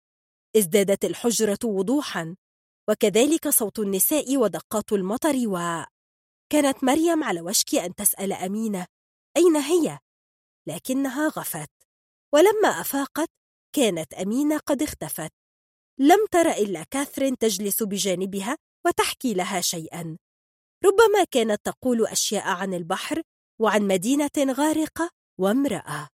في لحظة صحو أخرى أحست بأمينة ترفع جسدها ليستند إلى ظهر السرير وتمسك بالعنق الرفيع لدورق الماء لتصب كوبا ثم تقربه من شفتي مريم. كان للماء طعم غريب. عندما لمس شفتيها شعرت بالظمأ.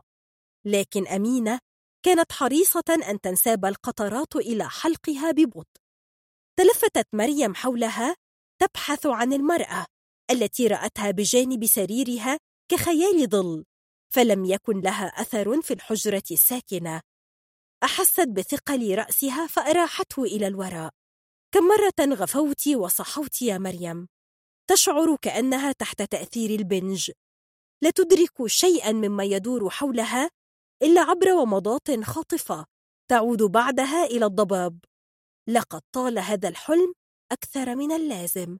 ومريم تريد أن تصحو. سوف تغمض عينيها حتى تنهي الحلم.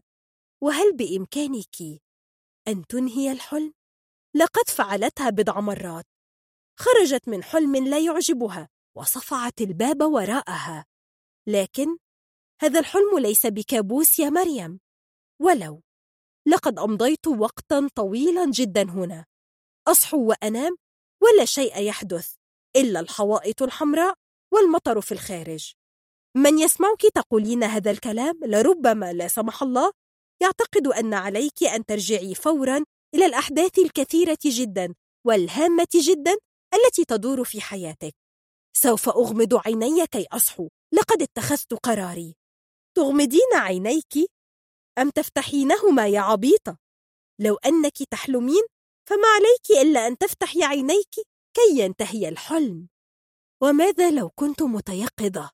ستكون عيناك مفتوحتين ولا داعي لكل هذا الهراء. احتدم الصراع في دماغ مريم. ضجيج بلا طحين. بينما موجات الصحو والخدر تتقاذفها كيفما تشاء تأتي موجة تدفعها نحو الشاطئ فتسمع أمينة تهمهم بأغنية وترى الزهور الحمراء أمامها والضباب خارج النافذة. ثم تأتي موجة أخرى تجذبها إلى أسفل فتنسحب إلى القاع حيث الرؤية غائمة والماء يغمرها. لكنها لا تريد أن تغرق. أنت لا تغرقين يا مريم اطمئني. أنا متعبة جدا. إذا نامي. هل هذا أمر صعب؟ أتعرفين ما الأمر الصعب؟ أن تكوني في واد. وكل من في هذه الغرفة في واد آخر. أن تشعري أن أمينة وكاثرين تريانك لكنهما لا تسمعانك. أن تكتشفي في لحظة غير سعيدة بالمرة أنك قد أصبحت جهاز استقبال فقط.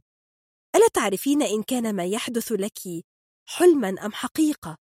أن تتساءلي أين الواقع وما الحلم؟ هذا هو الأمر الصعب. فاخرسي الآن. اخرسي. يا ستار يا رب شكلها تعبت تاني يا كاتي. سمعت مريم صوت أمينة ورأت وجهها الخمري ذا الشامة السوداء يقترب منها شعرت بيد أمينة فوق رأسها أين ذهبت المرأة ذات البلوزة الحريرية؟ أين أنا يا أمينة؟ وكم الساعة الآن؟ لم تنطق مريم بأي من الأسئلة التي تدور في دماغها ولم تعرف كم من الوقت قضته في هذا العمق دون إحساس بليل أو نهار كأن الوقت قد لملم أغراضه واختفى ببساطة ودون جلبة. في إحدى المرات صحت مريم من النوم على سكون الغرفة. حركت أصابع يديها وذراعيها. جلست في السرير وأزاحت اللحاف الحريري الأخضر بعيدا ثم نزلت. إنها المرة الأولى التي تمشي فيها بعد أيام الرقاد. لمحت أمينة نائمة على سرير في طرف الغرفة. لم تكن تعرف أن أمينة تبيت معها. تسحبت على أطراف أصابعها. وفتحت باب الغرفة وخطت إلى الخارج. رأت طرقة عريضة تلتف في دائرة واسعة تطل عليها غرف أخرى. مشت نحو الدرابزين الخشبي ونظرت من فوق على بهو استقبال واسع ومضاء بأنوار خافتة. في الأركان تناثرت صالونات وتماثيل ولوحات ضخمة. رأت بيانو وآلة هارب بالقرب من إحدى النوافذ. عادت بهدوء إلى الغرفة واتجهت نحو النافذة ونظرت إلى الخارج. لم تتبين شيئا. لكن يبدو أن الفجر كان على وشك المجيء. فالسماء بدأت تتحول من الأسود إلى الرمادي الغامق. رأت مريم في نور بدايات اليوم جبلا بعيدا تغطيه الأشجار وتلالا ترتفع وتنخفض في الأسفل فتبدو كالنهود الممتلئة والبطون المسترخية بلا مبالاة فوق جسد الأرض. ظلت واقفة كالتمثال تتأمل النور يطل برأسه من وراء الجبل. عندما فتحت فمها للكلام خرج صوتها خافتا ومجروحا. همست لنفسها أنا في بيت السارنت تردد صدى الجملة في أركان الغرفة وعاد إليها.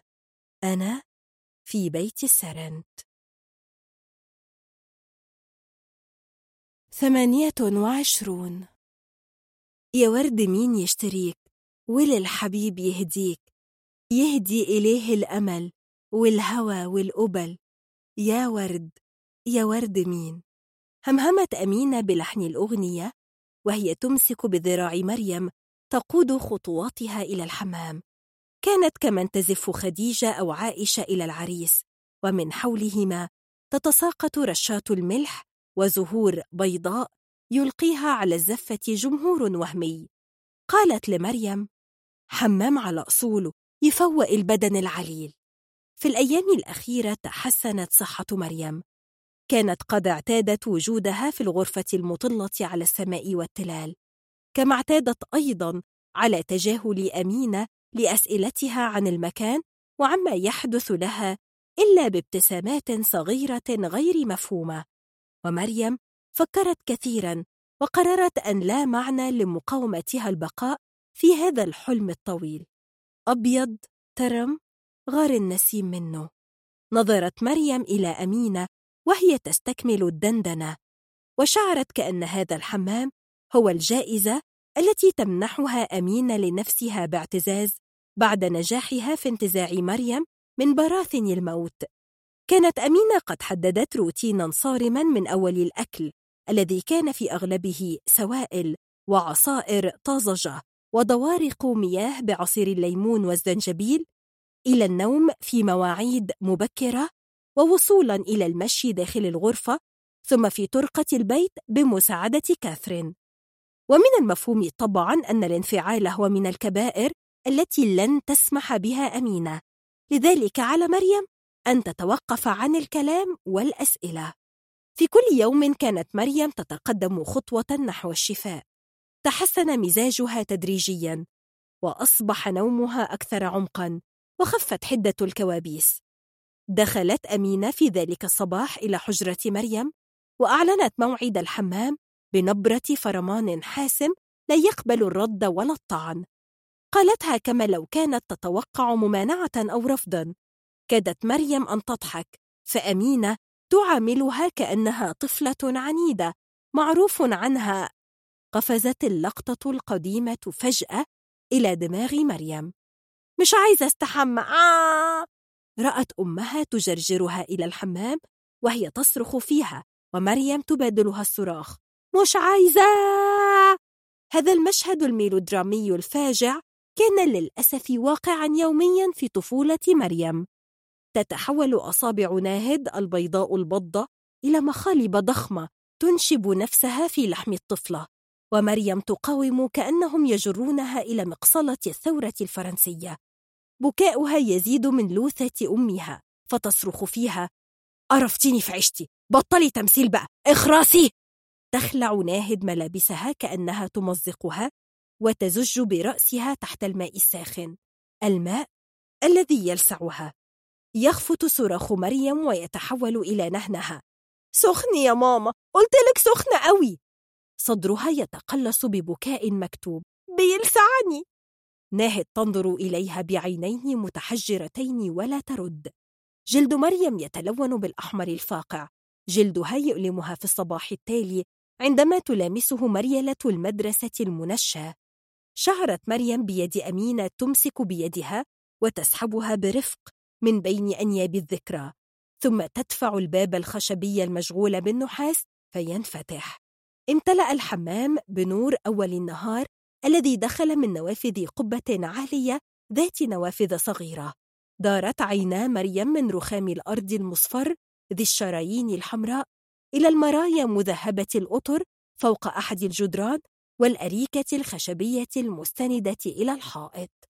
تحت القبة انتصب مغطس رخامي كبير تصاعد من مائه بخار له رائحة غريبة لم تستطع مريم تمييزها. أبيض غار النهار منه خجول محتار. باس الندى في خده وجارت عليه الأغصان. راح النسيم واشتكى جرح خدوده وبكى. تركت مريم يد أمينة ومشت ببطء إلى جدار زجاجي عريض.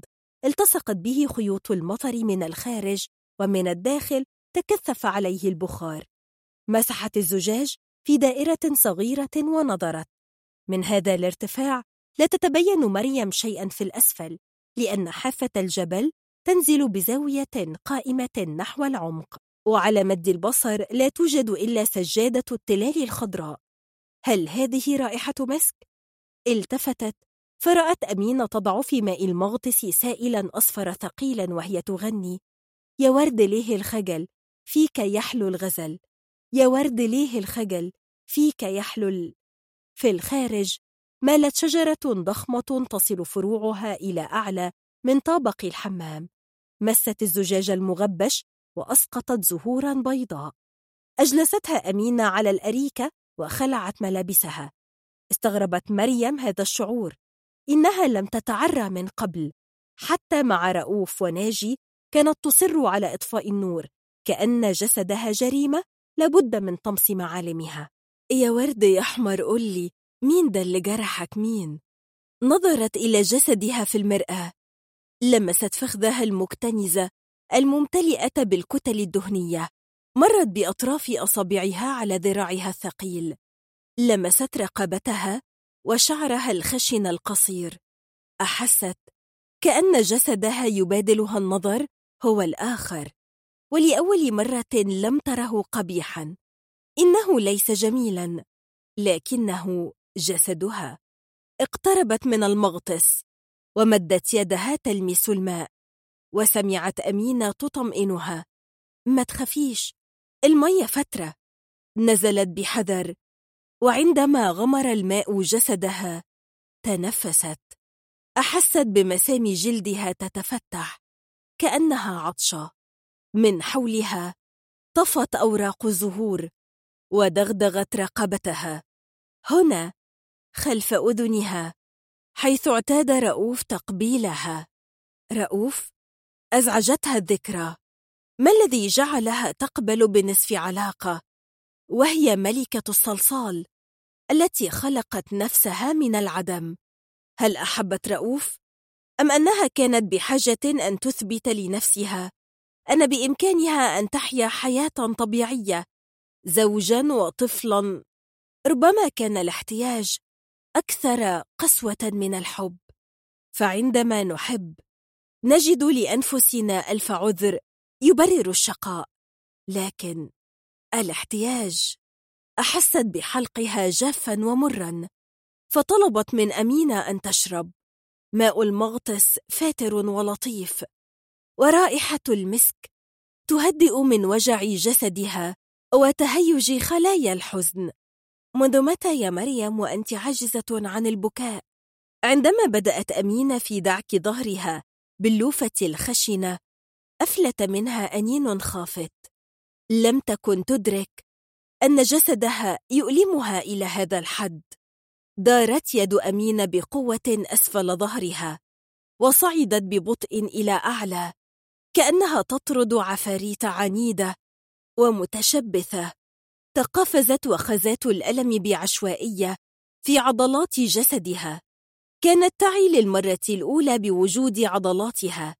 تلك الأنسجة التي تعرف أماكنها بدقة. لكن هذا لم يكن إلا في الكتب ومع أجساد المرضى. تحركت يد أمينة كأنها تعرف مخابئ الوجع. أحست مريم تحت جلد رقبتها بأحجار صغيرة صلبة. هل يأتي الألم من هذا الثقل تحت الجلد؟ صعدت يد أمينة إلى كتفيها ورقبتها وضغطت. سمعت مريم أنينها وصوت تكسر بعض الأحجار. صبت أمينة ماء باردا فوق رأسها فأغمضت مريم عينيها وخرجت منها آهة مسموعة تلتها زفرة قوية. أيوة كده يا مريم اتنفسي فكي عن صدرك. تنفست مريم وكان صوت زفيرها مريحا. أغمضت عينيها كأنها تحدث نفسها. وقالت الفترة اللي فاتت شفت حياتي كلها. أول مرة الشريط يمر قدامي من غير مقاطعة أو حذف. نظرت أمينة إليها. حاولت أقاوم كالعادة مش عايزة أشوف. فتحت عينيها ونظرت إلى أمينة واستكملت. كل ما زق الصور بعيد ترجع تاني. قامت أمينة إلى الحوض. شطفت يديها وصبت مشروبا أخضر غامقا في أكواب تشبه الخمسين. مدت الكوب إلى مريم. معمل أمينة للأعشاب السحرية على رأي كاتي بالشفا.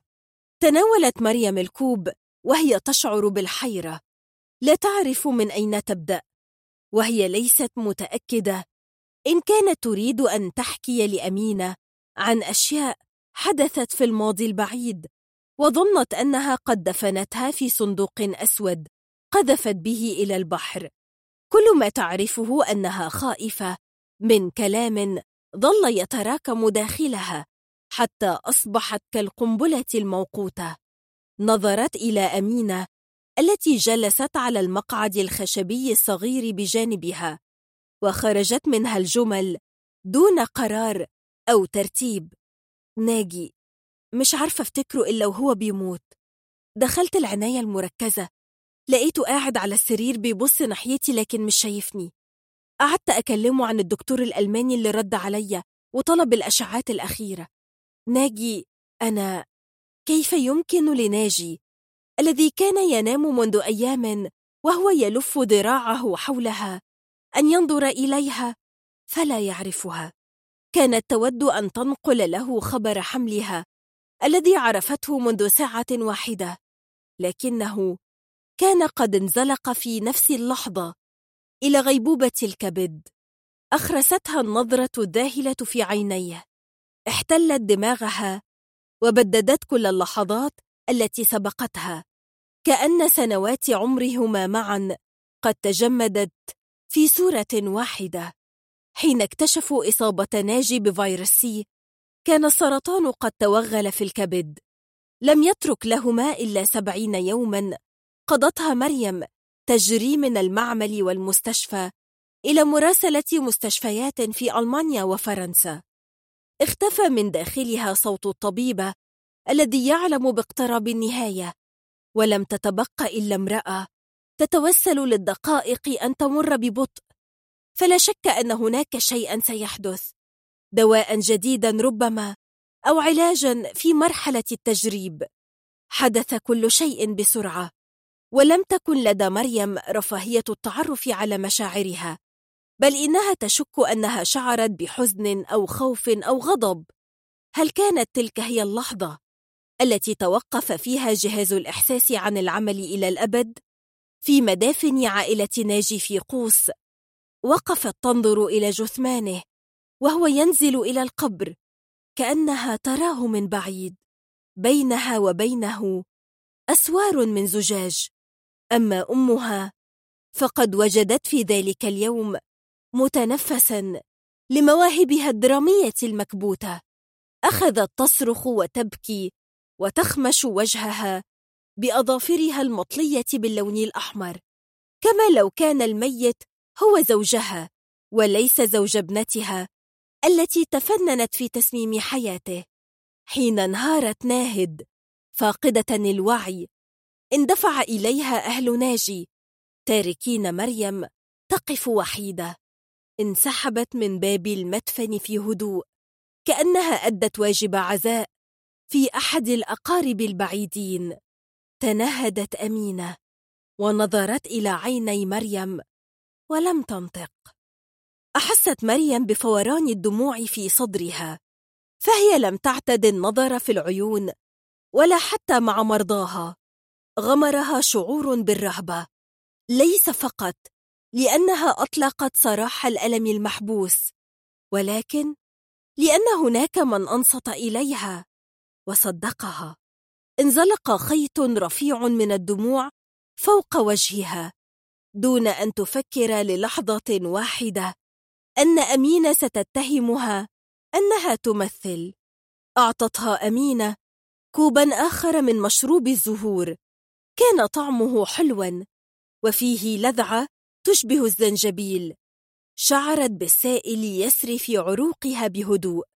أراحت رأسها على حرف المغطس وأغمضت عينيها. فعاد إليها وجه ناجي. قالت بصوت مكتوم أمينة.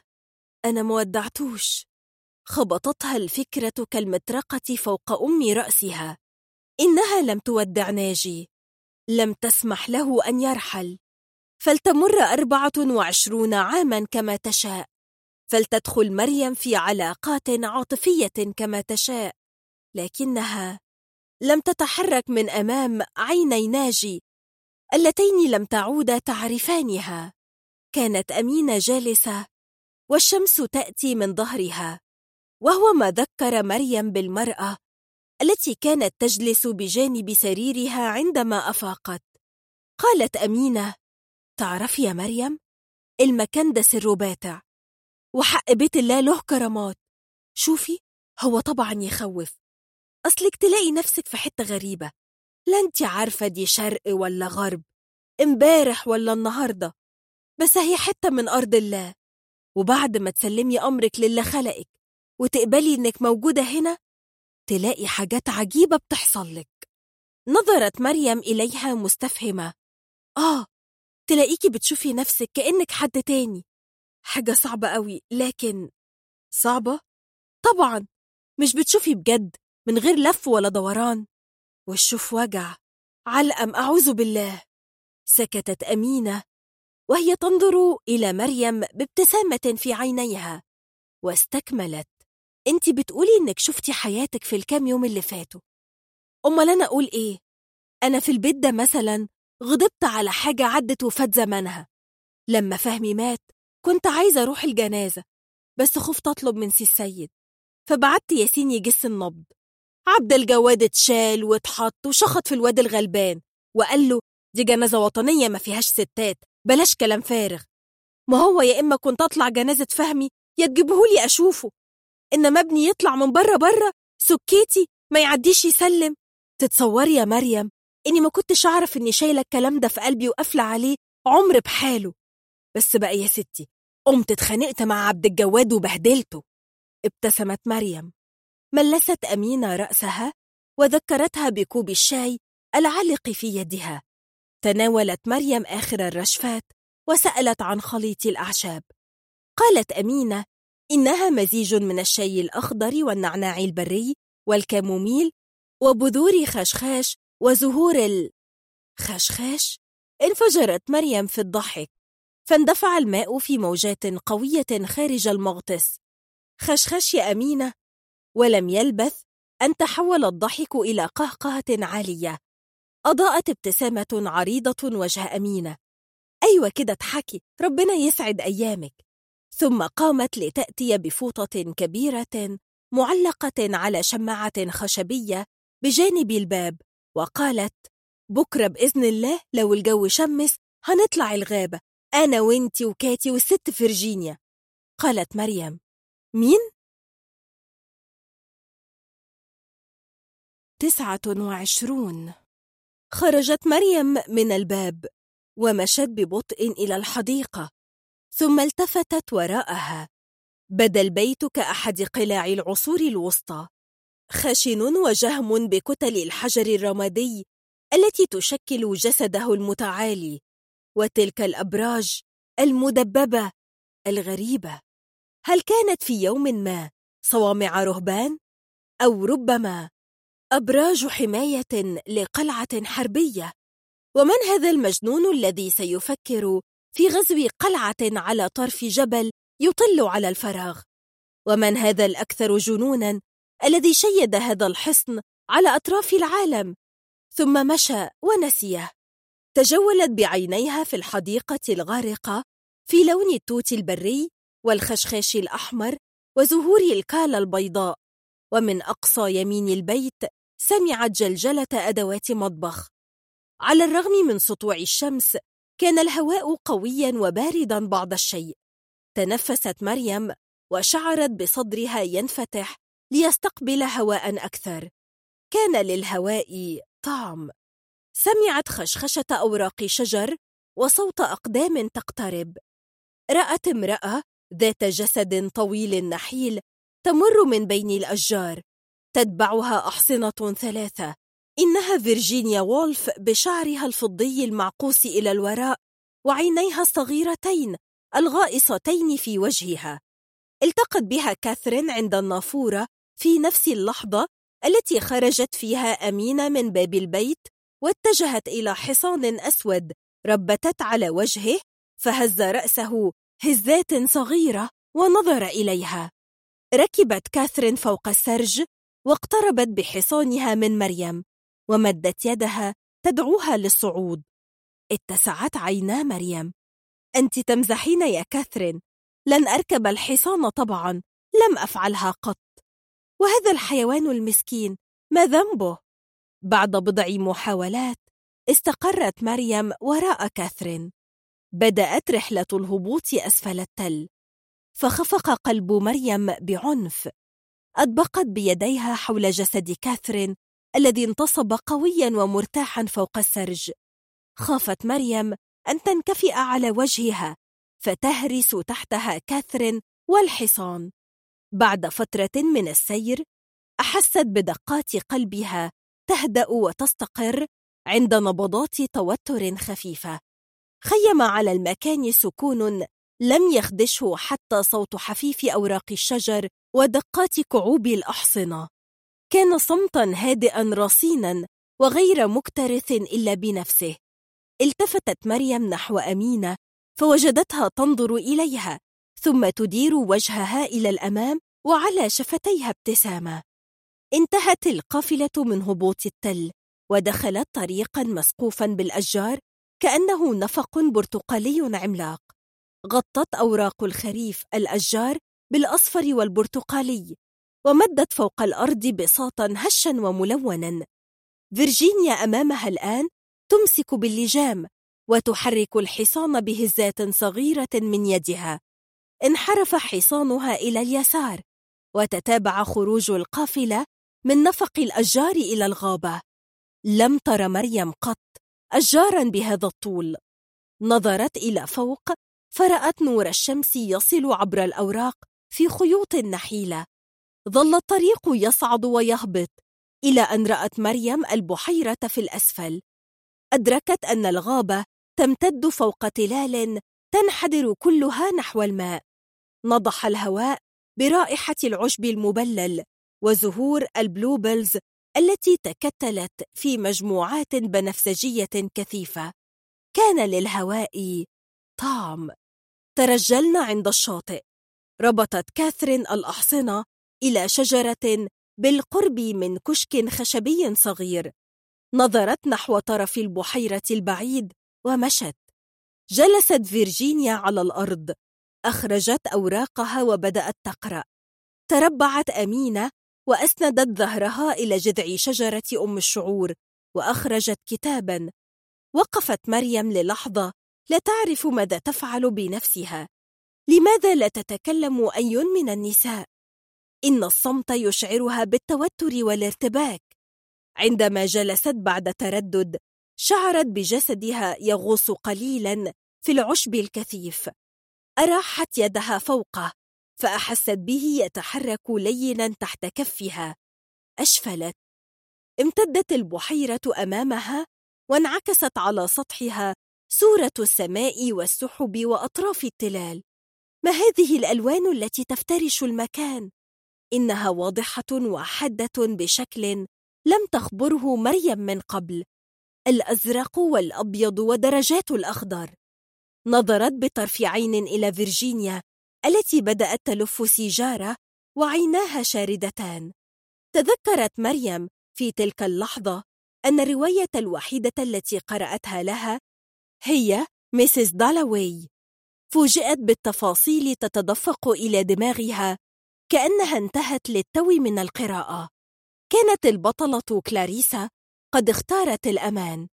هجرت الرجل الذي أحبته وخلقت شرنقة مريحة داخل الجدران الأنيقة لزواج يحفظ لها مكانا مميزا في الخريطة الاجتماعية للندن عام 1923 هكذا ستتمكن من إقامة الحفلات. كان شغف كلاريسا الأكبر ومنتهى سعادتها هما أن تمنح مدعويها الشعور بالكمال ولو لليلة واحدة فقط. فالنساء يصبحن أجمل وأبهى والرجال يشعرون بالرضا والامتلاء. ينضغط الكون في حيز هذا الحفل الصغير بموسيقاه ورنين ضحكاته. كلاريسا قادرة على خلق ليلة واحدة من السحر الخالص. في تلك الليلة ستشعر بذاتها البعيدة عن كل هذا الهرج داخل الفقاعة. وتتأكد مرة أخرى أن لديها شيئا تخاف عليه وتحميه. ذاتها السرية الغامضة التي لا تشاركها حتى مع زوجها أو أي إنسان. ما الذي كانت كلاريسا تعرفه عن ذاتها السرية الغامضة؟ وماذا تعرفين أنت عن ذاتك يا مريم؟ كانت لمريم صولات وجولات في هذا المضمار منذ أيام الكهف السري وعالم الروايات لكن شيئا ما حدث مع موت ناجي الذي اختفت بعده تلك الفتاة التي تحب الحياة وتؤمن بقدرة الإنسان على إعادة تشكيل نفسه تبددت فجأة كأنها لم تكن. إنها حتى لا تتذكر ملامحها. كأنها كانت شخصا قابلته بشكل عابر ولم تتح لهما فرصة حقيقية للتعارف. نظرت مريم إلى ماء البحيرة الذي يبعد عنها خطوات. رأت سربا من البط يسبح مقتربا وحطت طيور أخرى ذات مناقير كبيرة عند الشاطئ. وبدأت تمشي نحو أمينة وهي تهز مؤخراتها الممتلئة. أخرجت أمينة من حقيبتها كبشة من الحبوب وألقتها على بعد خطوة منها فتكتلت الطيور حولها. ابتسمت لها ثم عادت تقلب صفحات الكتاب. تأملتها مريم. كم تبدين مرتاحة يا أمينة. لا تعرف مريم إن كانت الراحة هي الكلمة المناسبة أو الوصف الدقيق لذلك الإحساس الذي يرافق أمينة أينما ذهبت. عادت إليها صورة أمينة وهي تتربع على كنبة بيت الروضة وأمامها عدة القهوة بعد يومين من مجيئها.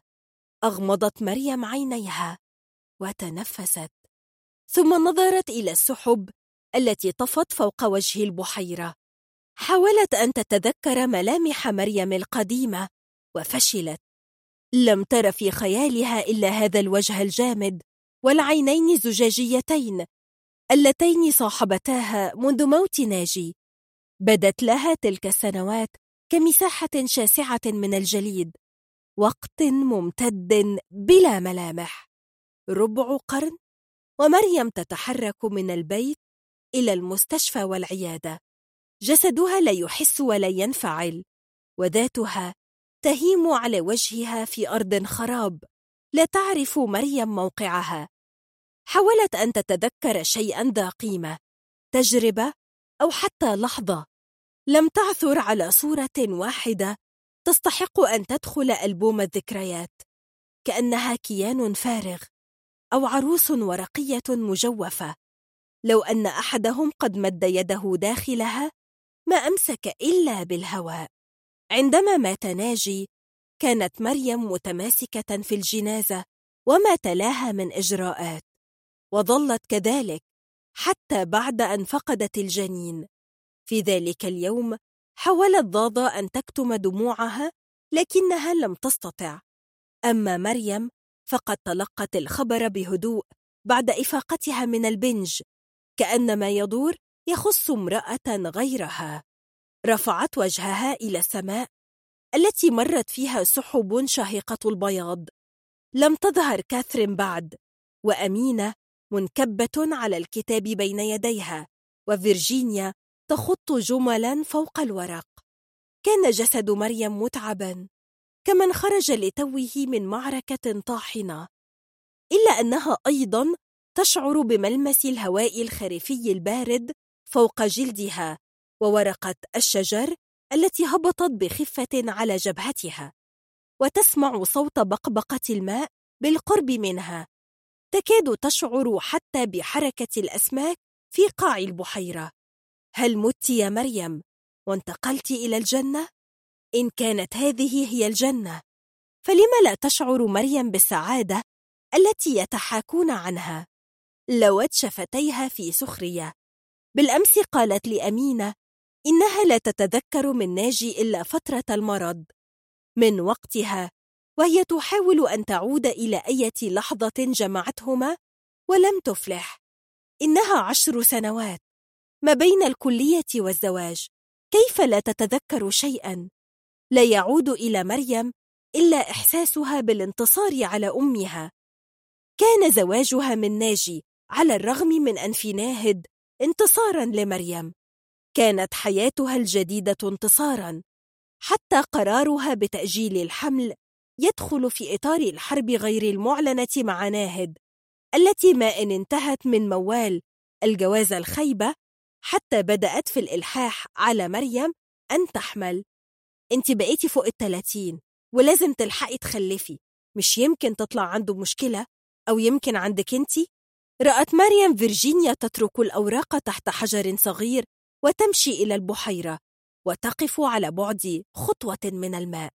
نظرت مريم نحوها وشعرت بتوتر يتسحب داخلها كأسراب نمل تملأها وتصعد إلى رأسها. بداخلها أسئلة لا تعرف ما هي. في رأسها تنزلق الأفكار ككرات الزئبق الصغيرة التي يستحيل الإمساك بها. الصندوق الأسود. ناجي. الانتصار. الجنة. هيا يا مريم. بإمكانك الآن أن تنادي على فيرجينيا كي تستدير إليك وتسأليها عما تشائين. عما أسألها. اسأليها مثلا عن معنى أن ننظر إلى الحياة وجها لوجه. أن نعرفها كما هي. أن نحبها كما هي. ثم نضعها جانبا لا تذكر مريم أين قالت فيرجينيا هذا الكلام ولا تعرف معنى أن نحب الحياة كما هي ثم نضعها جانبا أم أن هذا هو ما فعلته فيرجينيا عندما ملأت جيوب معطفها بالحجارة ونزلت إلى ماء البحيرة البارد إذا اسأليها لم أنت هنا؟ وما هذا المكان؟ وكيف أتت فيرجينيا بنفسها إلى بيت السيرانت وهي كاتبة بينما كل ساكنات البيت من بطلات الروايات. مريم انتبهت على نداء أمينة التي وقفت أمامها ومدت يدها لها برغيف خبز منتفخ مستدير ومحشو بمربى التوت البري. تناولت مريم قضمة وهي تنظر في عيني أمينة لكن الطعام وقف في حلقها. كم تود في هذه اللحظة أن تخبرها شيئا مهما جدا سوف تنطق بجملة قصيرة وبسيطة. مبتدأ وخبر. ستقولها كشيء عادي لا يستدعي كل هذا الصراع الدامي. أنا تعيسة. قامت من جلستها وتركت أمين وراءها ومشت مبتعدة. إلى يمينها انتصبت الأشجار كعلامات استفهام ضخمة. ومن الناحية الأخرى امتدت البحيرة التي لونتها الشمس بخيوط برتقالية رفيعة. نظرت إلى الماء الضحل حيث تلتمع الأحجار الصغيرة والحصى وتتلوى أسراب سمك صغير بين الأعشاب. رفعت عينيها إلى التلال وعادت إلى الماء. فوق صفحته رأت وجه ناجي. كان غافيا على كرسي البحر في شاطئ المعمورة وفوق بطنه كتاب تجلت الصورة بوضوح. سمرة جسده الذي لفحته شمس المصيف. عظام وجهه الذي يشبه وجوه المصريين القدماء على جدران المعابد. ارتفاع وانخفاض صدره وهو يتنفس وجلده الذي التمع بالعرق وحبات الرمل. أين كانت مريم وقتها؟ أدارت عدسة الكاميرا لتكشف الكرسي الآخر الذي ملأه جسد مريم وفاض قليلا إلى الجانبين لكنها لم تستطع رؤية وجهها. ربما كان هذا هو صيف عام 1981 أو 1982 لكن هذا ليس مهما. إنها ترى ناجي الآن. ارتج صدرها بالدموع. ثلاثون. 13 نوفمبر 2010 جنينة مستشفى القصر العيني. الساعة 3 الفجر. أنا قلبي مقبوض وجسمي بارد زي التلج. لفيت الشال الصوف حوالين كتفي وخرجت من أوضة مريم وفي إيدي الكراس. محتاجة أكتب وشم شوية هوا من بتوع ربنا بدل هوا المستشفى الصناعي. جيت قعدت على حتة النجيلة اللي بره المبنى. يعني أنا هلاقيها منك يا كمال ولا من مريم؟ هو ده وقته برضه تجيلي في المنام وتقلقني عليك؟ النهاردة على الساعة تسعة بالليل كانت الممرضة حمت مريم وحطت الدواء في الكانيولا وخرجت. قعدت جنب سريرها وفردت الورق وبدأت أترجم في كتاب الست فرجينيا عايزة أخلص الجزء اللي في إيدي عشان بعد بكرة عندي ميعاد مع دار نشر وافقت تشوف الترجمة. يظهر إني اشتغلت كتير وما حسيتش بالوقت ولا دريت إن راسي وقعت على الورق. غفلت شوية حلمت فيهم بكمال بس الحلم كان طويل وتقيل قوي. شفته ماشي في حواري الجمالية بالليل بعد ما الدكاكين قفلت والدنيا هس هس. بس السكوت كان زيادة حبتين زي ما نكون أيام الحرب. كان لابس البلطو الصوف الإنجليزي بتاعه ونضارته الذهبية المغبشة من ضباب الليل ما عرفتش تخبي نظرة الفكر اللي في عينيه. كان ماشي سرحان لا شايف بيوت النحاسين ولا النور اللي ورا المشربيات. كنت عايزة أقول له أنت ليه متأخر كده؟ يلا مد شوية وروح البيت لحسن تلاقي في وشك العساكر الإنجليز. أهو ده اللي فالحين فيه يعترضوا طريق مخاليق ربنا ما يروحوا يحاربوا الألمان ويسيبونا في حالنا. لكن تقولي لمين الكلام ده يا أمينة؟ كمال لا كان شايفني ولا عارف إني موجودة. خطوة ورا التانية وهو شارد. كأنه بيقلب في دماغه مسألة عويصة. بتفكر في إيه يا كمال مالك يا ضنايا؟ إلا ما اتعلمت من أبوك روقان البال. ده كان صعبان عليه يكبر عشان العجز هيحرمه من فرفشة آخر الليل. وإنت يا ابني حامل هم الدنيا كله على راسك كده ليه؟ يا كمال! أخدت بالي ساعتها إنه مش بيمشي. ده الشارع هو اللي بيتحرك من تحت رجليه. اتخضيت وكنت عايزة أقول له يا ابني ما أنت كده عمرك ما هتوصل البيت. خلي بالك كمال! تعبت من الندى وصوتي اتنبح. لما سكت سمعت صوت دماغه. في ناس كتير بتشوف إن من الحكمة إننا نتخذ من الموت ذريعة للتفكير في الموت لكن الحقيقة هي إننا لازم نتخذ من الموت ذريعة للتفكير في الحياة. تعرف يا كمال لما قريت الكلام ده في بين القصرين أول مرة؟ ما فهمتوش. لكن دلوقتي أقدر أقولك إن أيوة لازم يبقى الموت سبب إننا نفكر في الحياة. إزاي نعيش؟ هو السؤال الأصعب يا ابني. إزاي نستحمل وجع القلب وكسرة النفس؟ ونفضل شايفين إن عندنا حاجة نديها للدنيا. زمان كنت قلقانة عليك وأنا شايفاك داخل على الأربعين من غير ست ولا عيل. كان أبوك يقول لي في ناس مش مخلوقين للجواز يا أمينة زي الواد كمال كده. أقول له يا ساتر يا رب ليه بتقول كده يا سي السيد؟ يقول لي ابنك يا أمينة سارح جوه دماغه عشان خايف يعيش. حتى لو اتجوز هيفضل تايه مع الفكر. يعني مش الجواز اللي هيخليه يعيش. أنا عمري ما هقولك سيب الكتب لحالها وعيش حياتك. بالذات بعد ما أنا دخلت الدنيا دي ودقت طعمها. لكن بالنسبة لي أنا بقرأ عشان أفهم أكتر وأعرف أعيش صح. إيه فايدة الأفكار يا ابني؟ لو مش هتساعدنا نعيش كويس. مش أنت برضو اللي بتقول كيف نخلق لأنفسنا إيمانا جديرا بالحياة؟ أنا فكرت كتير في جملتك دي من يوم ما قريتها ومع كل اللي عدى عليا من ساعة ما سبتك أنت وإخواتك لقيتني بشوف إن الإيمان بالحياة محتاج شجاعة محتاج قوة قلب تخلينا نكمل السكة. إزاي نفضل ماشيين صلبين طولنا رغما عن التقل اللي الدنيا بترميه على ظهرنا طول الوقت. أختك عيشة ما قدرتش تستحمل. كنت بشوفها كل يوم بتدبل قدامي زي زرعة ناشفة. ما بتشوفش نقطة مية لحد ما بقت ظل بني آدم وما كنتش عارفة أعمل لها حاجة. لكن أنت يا كمال مع كل الكتب اللي قريتها يا ترى عرفت تلاقي الإيمان؟ دايما فاكراك وأنت في أوضتك بتقرأ. كنت أدخل عليك بكوباية الشاي ما تحسش بيا كأنك في دنيا تانية. زي دلوقتي كده. سامعني يا كمال؟ بصيت حواليا لقيت إننا ما بقيناش في الجمالية. كنا في حتة زي ما تكون جنب بيت السرن انت ماشي في ممر بين التلال اللي طالعة ونازلة. والوقت بعد ما كان ليل حالك بقى مغرب.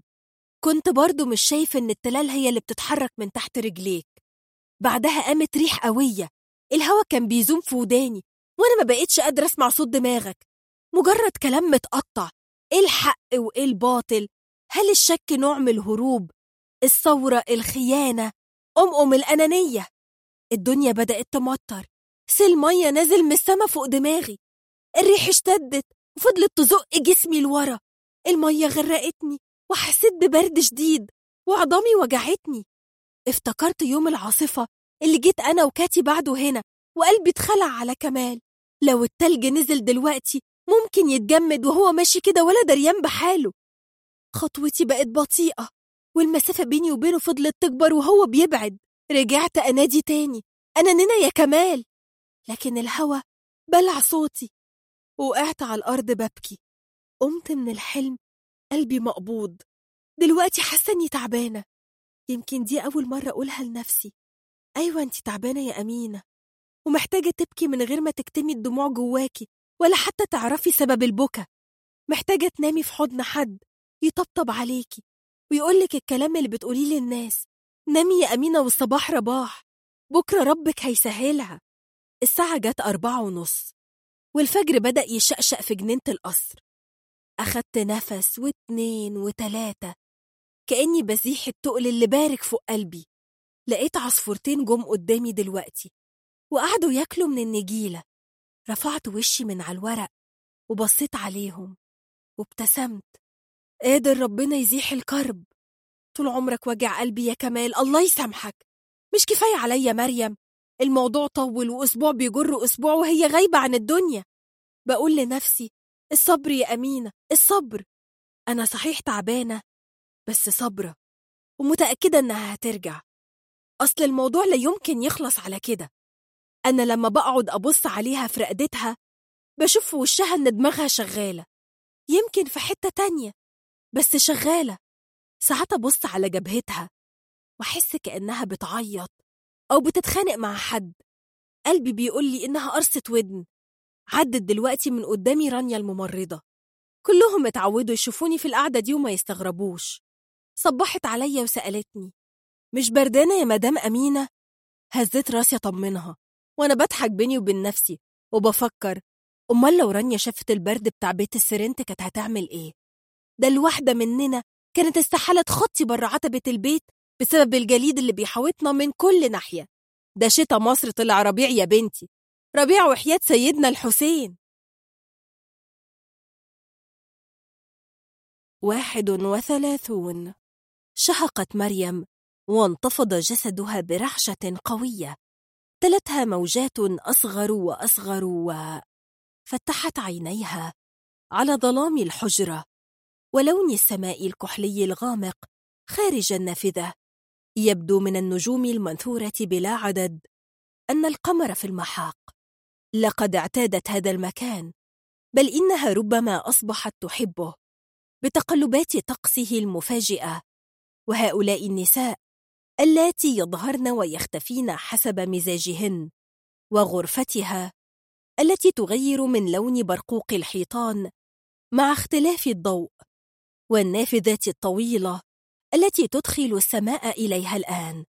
لا شك أن هذا هو أكثر أحلامها وضوحاً منذ أن أتت إلى بيت سارنت. نظرت إلى السماء واسترجعت الحلم. كانت في عمق بحر أو محيط حولها الماء القاتم وكذلك أسراب السمك وشجيرات كثيرة تغطي القاع وكأنها غابة صغيرة. بين شجرتين لمحت فتحة كهف صخري. دققت النظر فرأت فتحات كهوف أخرى كثيرة جدا كأنها مستعمرة لشعب لم يسمع عنه التاريخ. أحست بالخوف عندما هيئ لها أنها لمحت وجه امرأة يطل من فتحة كهف.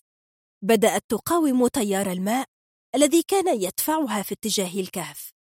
عيناها مثبتتان على الكوة التي ظهرت منها المرأة. لكن ما خرج من الكهف. كان سمكة فضية طويلة ملفوفة الجسد بزعنفتين لا تشبهان زعانف السمك المدببة القوية. كانت الزعنفتان كبيرتين ومنقسمتين على نفسيهما. كأنهما جناح طائر دفع بجسد السمكة يمينا ويسارا وفي دوائر. تنفست مريم بارتياح وهي تتابع ظهور أسماك أخرى. كانوا ثلاثة وبحجم الإنسان تقريبا. بدأوا في الدوران في قطر واسع حول مريم كأنهم يقدمون عرضا راقصا لها بشكل حصري باستثناء بعض كائنات البحر التي تصادف مرورها في تلك اللحظة. عندما اقتربت منها إحداها لاحظت مريم أن للسمكة وجه امرأة. بل كانت امرأة ذات جسد فضي مخضر ومن عمودها الفقري تحركت الزعنفتان كمروحتين متقابلتين. اقتربت المرأة منها وهي تبطئ من دورانها حول نفسها. اقتربت أكثر حتى أصبحت في مواجهة مريم ونظرت في عينيها. شعرت مريم بموجة برودة تجتاح جسدها. حتى لو فكرت في الهروب فإلى أين تذهب؟ لم تكن لديها فرصة للتفكير أمام مغناطيس العينين الخضراوين الذي ثبتها في مكانها. شعرت بقشعريرة تشبه ذبذبة كهرباء مفاجئة تنبعث من بطنها وتضرب جسدها. مدت المرأة أصابعها الخضراء الزلقة ولمستها بخفة في نفس البقعة التي تنبعث منها الرعشة. انسحبت روح مريم نحو الأرض وازداد عنف دقات قلبها. شعرت بالزمن يتوقف وكل شيء من حولها يختفي. الماء والغابة والكهوف. لم يبقى غير تلك العينين اللتين كانتا تقولان شيئا لم تفهمه مريم. حبست أنفاسها وهي تشعر بأنامل المرأة تتحرك من فوق بطنها إلى ما بين نهديها وعنقها كأنها ترسم خطا رفيعا ينتهي عند فمها. مررت إصبعا فوق شفتيها كأنها تعيد رسمهما وتوقفت لوهلة ثم مالت نحوها. أحست مريم بسخونة الجسد الذي التصق بها وبشفتي المرأة تلامسان أسفل رقبتها ثم تتحركان إلى خلف أذنها وتقتربان ببطء من شفتيها. صحت مريم من الحلم على صوت شهقتها يتردد في ظلام الحجرة. خارج النافذة كان لون السماء يتحول إلى الرمادي مع اقتراب الفجر. وفي الحجرة فاح جسدها الغارق في الخضر برائحة الطحالب وطعم الملح. أحست بحلقها جافا ومرا فمدت يدها تضيء الأبجورة لتأتي بدورق الماء الذي تضعه أمينة دوما بجانبها. قامت من رقدتها وجلست. في ركن الحجرة هيئ لها أنها رأت رجلا. كان واقفا يستند إلى الحائط وينظر نحوها. ناجي؟ هل ما زالت تحلم؟ نزلت من السرير بهدوء. ناجي همهمت بالاسم وهي تقترب. هذا ليس حلما. إنه ناجي. فهذه عظام كتفيه. صدره. جبهته السمراء العريضة. وعيناه العسليتان. هو ناجي كما كان في الثالثة والثلاثين. ناجي الذي ينظر إليها الآن ويعرف أنها مريم. مريكا اقتربت وهي تنظر في عينيه. حتى أصبح ما بينهما خطوة واحدة. لا تعرف مريم كيف استقرت بين ذراعيه بآهة طويلة. خرجت من أعمق مكان فيها. أغمضت عينيها وتشممت رائحته. شعرت بالتفاف ذراعيه حولها وحرارة أنفاسه. دفست وجهها في رقبته وشعرت بانتفاض النبض تحت جلده. كان قلبها يدق بجنون. ناجي ارتفع صدرها وانخفض مع أنفاسها القوية. شددت من إغماض عينيها. لن تفتحهما حتى لا تكتشف أنه سراب. لا تريد أن تشعر بوطأة الزمن. لقد غفل عنها الزمن للحظة فوجدت نفسها في الأبد. الأبد هو الآن. الأبد هو هذا الفراغ الهائل الذي تسبح فيه. كانت مريم متأكدة أن تلك هي اللحظة الوحيدة في حياتها التي اختفى فيها حضور عقلها تماما فلم تتساءل إن كان هذا حلما أم حقيقة. لا يهم. فلتترك نفسها للطفو في هذا الحيز الهلامي حيث تتلاشى الحدود بين جسدها وجسده بل بينها وبين العالم. مريم الآن مجرد ذرة هواء في شيء يشبه الجنة. هل تعرف يا ناجي أن الجنة هي براح بلا نهاية؟ إنها فراغ طيب لا يثقله شيء وقلبي في خفة ريشة. اختنق صدرها بالبكاء. إن ناجي هنا برائحته التي كانت قد نسيتها. والتفاف ذراعيه حولها وسخونة جسده بالقرب منها. تلاصق الجسدان وامتزجا. ففقدا حدودهما. وبدوا ككتلة واحدة ذابت مع نور الفجر الرمادي الشاحب في الحجرة التي لا تعرف مريم مكانها. تجولت يداه بهدوء في جسدها. في سكون الحجرة لم تسمع مريم إلا صوت أنفاسهما ونقرات المطر الصباحي الخفيفة فتحت عينيها فرأت وجهه فوقها وعينيه تنظران إليها تقولان كلاما لم تفهمه. عندما دخلها أحست أن جسدها قبل هذه اللحظة كان فارغا إلا من الهواء. لكنه الآن يمتلئ بماء أخضر غامق بطعم الملح واليود. ضمته أكثر إليها. وجسدها ينتفض برعشة قوية تلتها موجات أصغر وأصغر. اختلط ملح الدموع والعرق برائحة البحر وارتفع مزيج الرائحة في هواء بيت سيرنت الأبد هو الآن. اثنان وثلاثون. كان أجمل يوم يوم شكالي قلبي من حبك ونخالي. كان أجمل يوم كان أجمل يوم. أفاقت مريم على همهمات أمينة لكنها أبقت عينيها مغمضتين. لم تكن تريد أن تصحو. تسرب إليها نور النهار وأمينة تفتح ستارة الغرفة وتعود للجلوس أمام النافذة. الضوء يأتي من ظهر أمينة فيغرق ملامحها في العتمة. دفست مريم وجهها تحت الغطاء.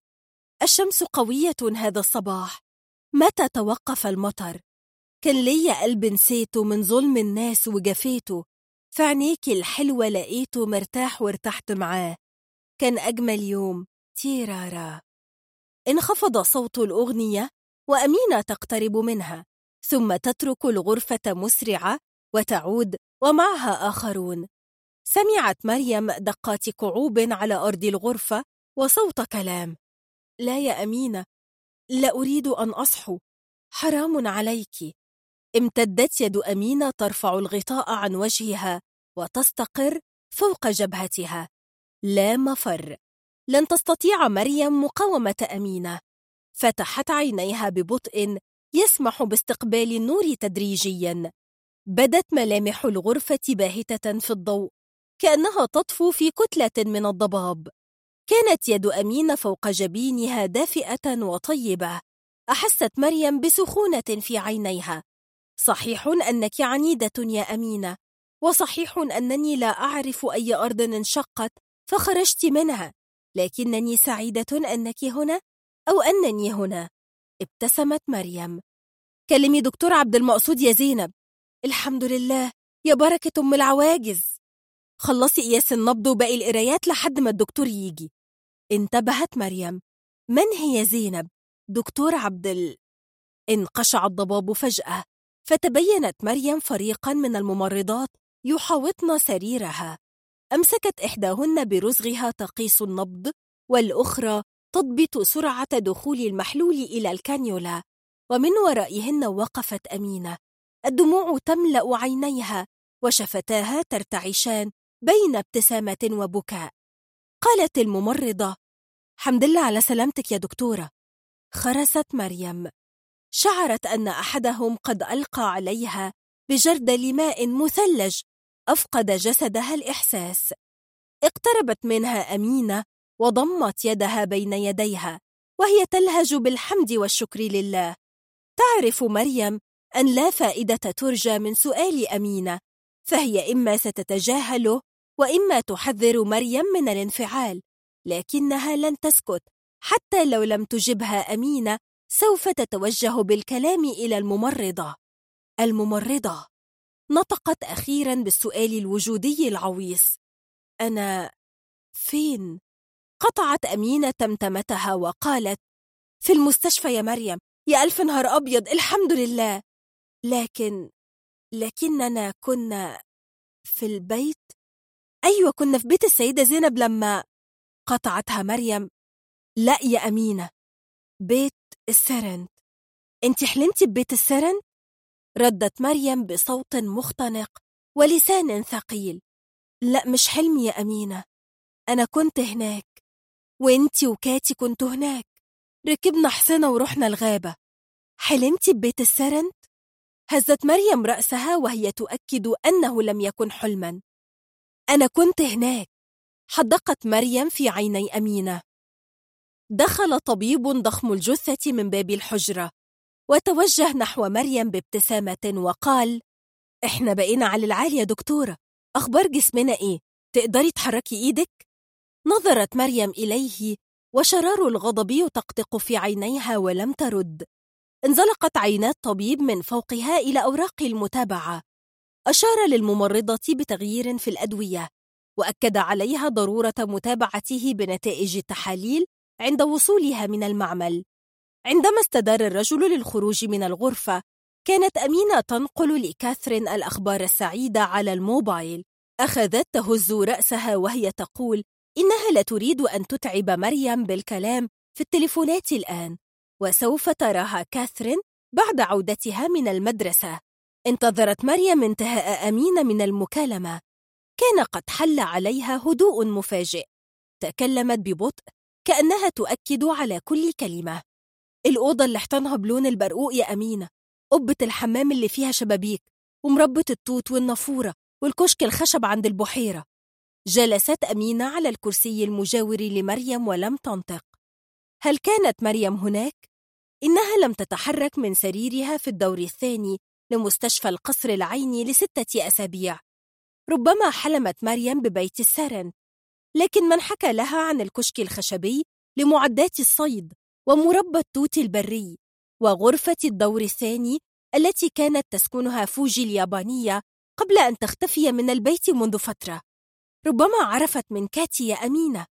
وكاتي هي التي ستحكي لها إن مئة من العفاريت يركبونها لدى ذكر اسم البيت فقط فما بالك بالكلام عن المربى والنافورة؟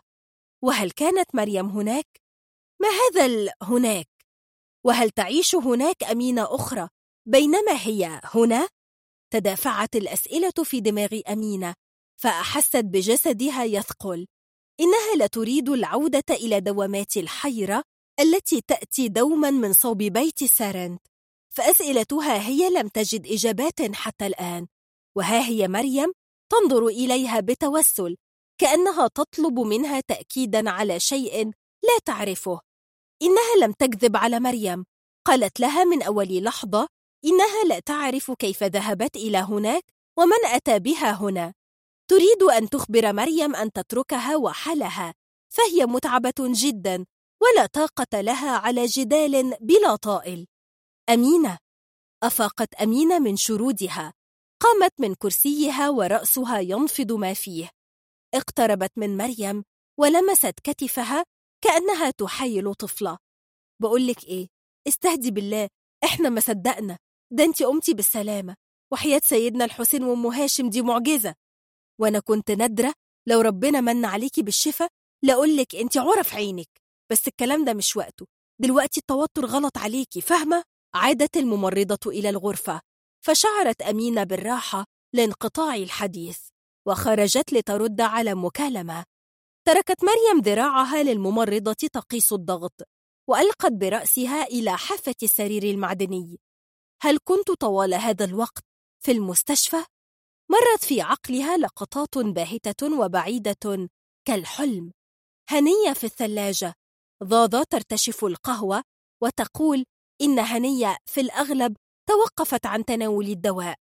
سائق التاكسي الذي يحب عبد الوهاب. إنها المرة الأولى التي تتذكر فيها مريم تلك الليلة. هل كان وجودها في بيت سارنت حلما؟ لكنك كنت تخبرين نفسك طوال الوقت أنه حلم. ما الغريب أن تفيقي منه الآن يا مريم؟ تتالت في رأسها الصور وتداخلت بعشوائية. المرأة ذات الشعر الأسود القصير تبتسم وهي تضع الزهور الحمراء في الغرفة. خيوط المطر فوق زجاج الحمام وضحكات النساء في الحديقة وعزف البيانو في البهو نفق الأشجار البرتقالي وملمس الأرض الطرية على ضفة البحيرة وشعورها أن العشب حي تحت يدها. وجه فيرجينيا وعيناها الشاردتان حضن ناجي. غاص جسد مريم في السرير. نظرت إلى كفيها وإلى رداء المستشفى الأخضر. لمست شفتيها فتملكتها رغبة في البكاء. إنها تفتقد ناجي الآن كأنه مات بالأمس. لو أنه لا يزال معها لحكت له عن شعورها بالتوهة. وكيف أنها قد نسيت أسئلتها المعلقة عن حكاية كاثرين وأمينة لأنها أصبحت هي نفسها سؤالاً. عادت أمينة وفي يدها صينية صغيرة كوباية شاي معتبر بالنعناع. زرع إيدي وحياة عيني أنا سألت الدكتور الممكن تشربي نقطتين. نظرت مريم إلى أمينة. كيف تحكي لها وهي محتارة مثلها؟ قربت أمينة من فمها ملعقة صغيرة فيها رشفة شاي فأدارت مريم وجهها. لمحت كتابا مفتوحا بجانب السرير. النسخة الإنجليزية من رواية الساعات لم تقرأها مريم لكن شاهدت الفيلم الذي لعبت فيه نيكول كيدمان دور فيرجينيا وولف. ارتسم خط كاثرين على الهوامش في خربشات صغيرة غير مفهومة. هل كانت كاثرين تقرأ لها؟ فيرجينيا وولف. في لمحة عاد إليها مشهد الغابة واستغرابها بسبب وجود فيرجينيا وولف في بيت لا تسكنه إلا نساء الروايات. لم يخطر ببالها أن فيرجينيا قد أصبحت أيضا شخصية في رواية. وكيف ذهبت أنت يا مريم إلى هذا المكان وأنت لست بشخصية في رواية؟ انتفضت جالسة. نظرت أمينة إليها في فزع. أعوذ بالله ملك يا مريم كفل الشر. التقت عيناها بعيني أمينة. قالت إزاي أنا كنت هناك وأنا مش بطلة في رواية؟ سكتت أمينة. فلم تسمع مريم إلا صدى سؤالها يتردد في فراغ حجرة المستشفى ويعود إليها. إزاي؟ ثلاثة وثلاثون. ضرب يوسف رقم كاثرين ليخبرها أنه في شارع بورسعيد الآن وأمامه دقائق ويصل إلى بيتها. قالت إنه تأخر عن موعده بنصف ساعة وإن أمينة تتوقع وصولهما المستشفى في العاشرة صباحاً. أكد لها أنهما سيصلان في الموعد. فاليوم سبت وشوارع القاهرة في الصباح طيبة وبنت ناس. أوقف السيارة التي استعارها من أحد أصدقائه تحت الشجرة التي تتوسط الساحة الصغيرة أمام القهوة. ورأى كاثرين تخرج من باب البيت وهي تمسك برغيف خبز أكلت منه بضع قضمات استقرت كاثرين في المقعد المجاور له وهي تلقي صباح الخير وفمها يلوك الخبز. مدت يدها بالرغيف إليه. أخذ قطعة وهو يبتسم. قاد السيارة وهو يفكر في طفولة كاثرين التي تدهشه أحيانا. أو ربما هذا المزيج من الطفولة وعكسها. لا يعرف يوسف كيف يصف هذا الجزء في كاثرين الذي لا يشي بسنوات قليلة بعد العشرين والذي رآه في لمحات خاطفة في اليوم الذي قضياه في الإسكندرية. تذكر عينيها وهما تنظران إلى تمثال امرأة المدينة الغارقة. لو كان يصدق في مسألة الحيوات السابقة لقال إنها قد عاشت أكثر من حياة. عند دخوله من باب مستشفى القصر العيني كانت كاثرين قد حكت له نصف دستة من الحكايات. بدأتها بالخناقة بين ولدين في الفصل يحبان نفس البنت. وانتقلت إلى القصيدة التي كتبتها أميرة وعلقتها كاثرين في لوحة الفنون مرورا بعدد حصص التدريس الذي زاد على جدولها ما جعلها تفكر في الاشتباك مع مسز هنريك. وانتهت بحكاية أمينة عن اللحظة التي رأت فيها مريم تشد الملاءة فوق وجهها حتى لا تستيقظ. وكيف جرت أمينة تنادي على الممرضات والأطباء. ضحكت كاثرين وقالت إن هذه إحدى معجزات أمينة التي تحدث بشكل دوري. لم تسنح له فرصة السؤال عما تقصده كاثرين بالمعجزات لأنهما كانا قد وصلا إلى باب المبنى واندفعت كاثرين إلى الداخل. بعد نصف ساعة لمح أمينة تخرج من الباب وبجانبها مريم تجلس على كرسي متحرك تدفعه إحدى الممرضات. إنها المرة الأولى التي يقابل فيها مريم. كان يوسف قد رآها في إحدى المرات التي صاحب فيها كاثرين إلى المستشفى ولكنها كانت في الغيبوبة. نزل من السيارة وفتح الباب الخلفي ومريم تقترب. كان وجهها جامدا لا يشي بأي تعبير. لولا يدها اليمنى التي تشبثت بذراع المقعد لظنها تمثالا. كانت مريم في غيبوبة يا يوسف. هل كنت تتوقع أن تخرج من باب المستشفى؟ وهي ترقص الباليه مثلا؟ حاول يوسف أن يخمن إحساس شخص خرج لتوه من غيبوبة هل تدرك مريم المكان والزمان؟ وهل تعرف هؤلاء الناس الذين يحاوطونها الآن؟ توقف الكرسي بجانب باب السيارة ومد يوسف يده كي يساعدها على الدخول إلى الكنبة أبعدت مريم ذراعها بحركة صغيرة فتراجع تكفلت كاثرين والممرضة بالمهمة بينما لسان أمينة يلهج بالشكر والدعاء لله وللمستشفى وللممرضة. كتر خيرك يا رانيا يا بنتي سلمي على عيالك. تحركت السيارة خارج باب القصر العيني ثم يسارا في اتجاه حي السيدة زينب.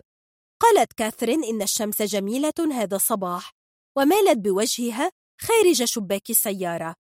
ابتسمت أمينة وهي تنظر إلى مريم وتؤكد أن المشوار لن يأخذ وقتا طويلا وأن يوسف يقود على مهل حتى لا تتعبها رجرجة السيارة على الإسفلت وأن بيت السيدة زينب في انتظار وصولها.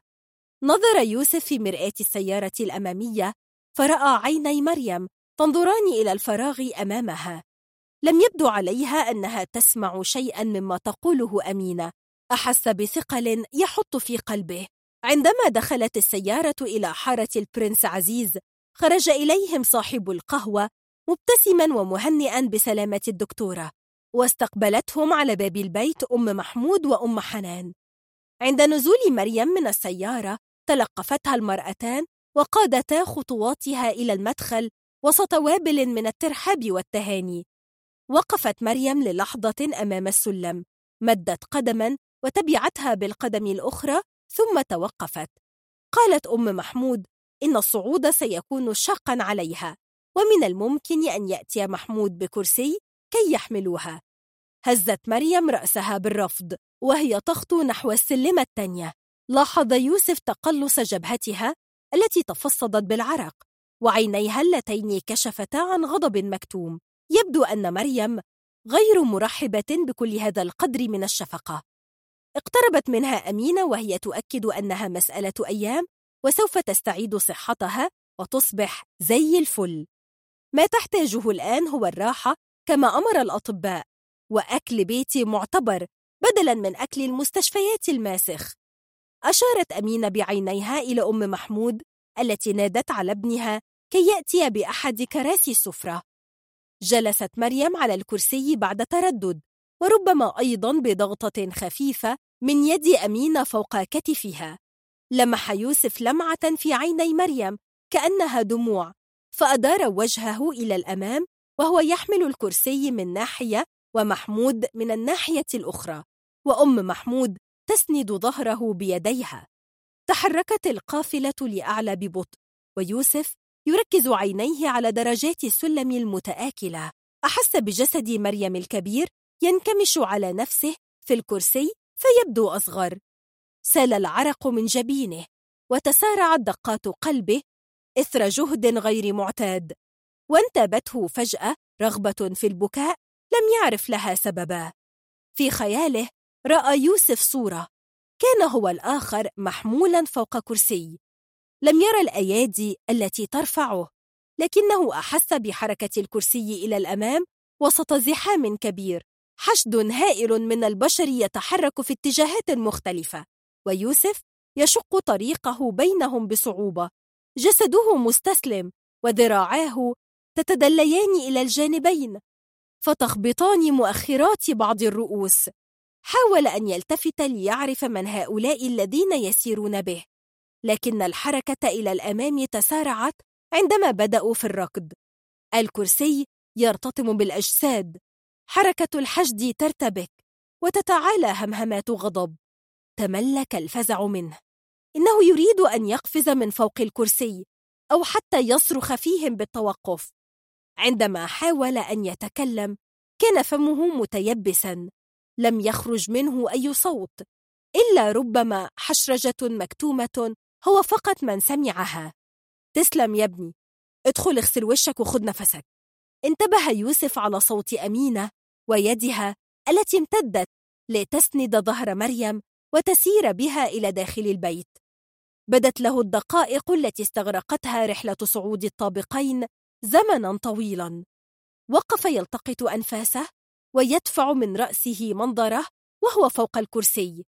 قادته كاثرين إلى الحمام وذهبت لإحضار دورق عصير الليمون الذي حضرته أمينة في الصباح ووضعته في الثلاجة. أغلق باب الحمام وراءه وأسند جسده إلى الحائط. أحس بأحباله الصوتية ملتهبة ومجروحة كأنه كان يصرخ. ما هذه الصورة التي رآها؟ بل عاشها كما لو كانت كابوسا طويلا ولماذا تؤلمه هكذا؟ شعر بثقل قلبه يتحول إلى نغزات. نغزات وجع حادة وعادت إليه الرغبة في البكاء. اتجه إلى الحوض وفتح الماء البارد. ملأ كفيه وأغرق وجهه عدة مرات.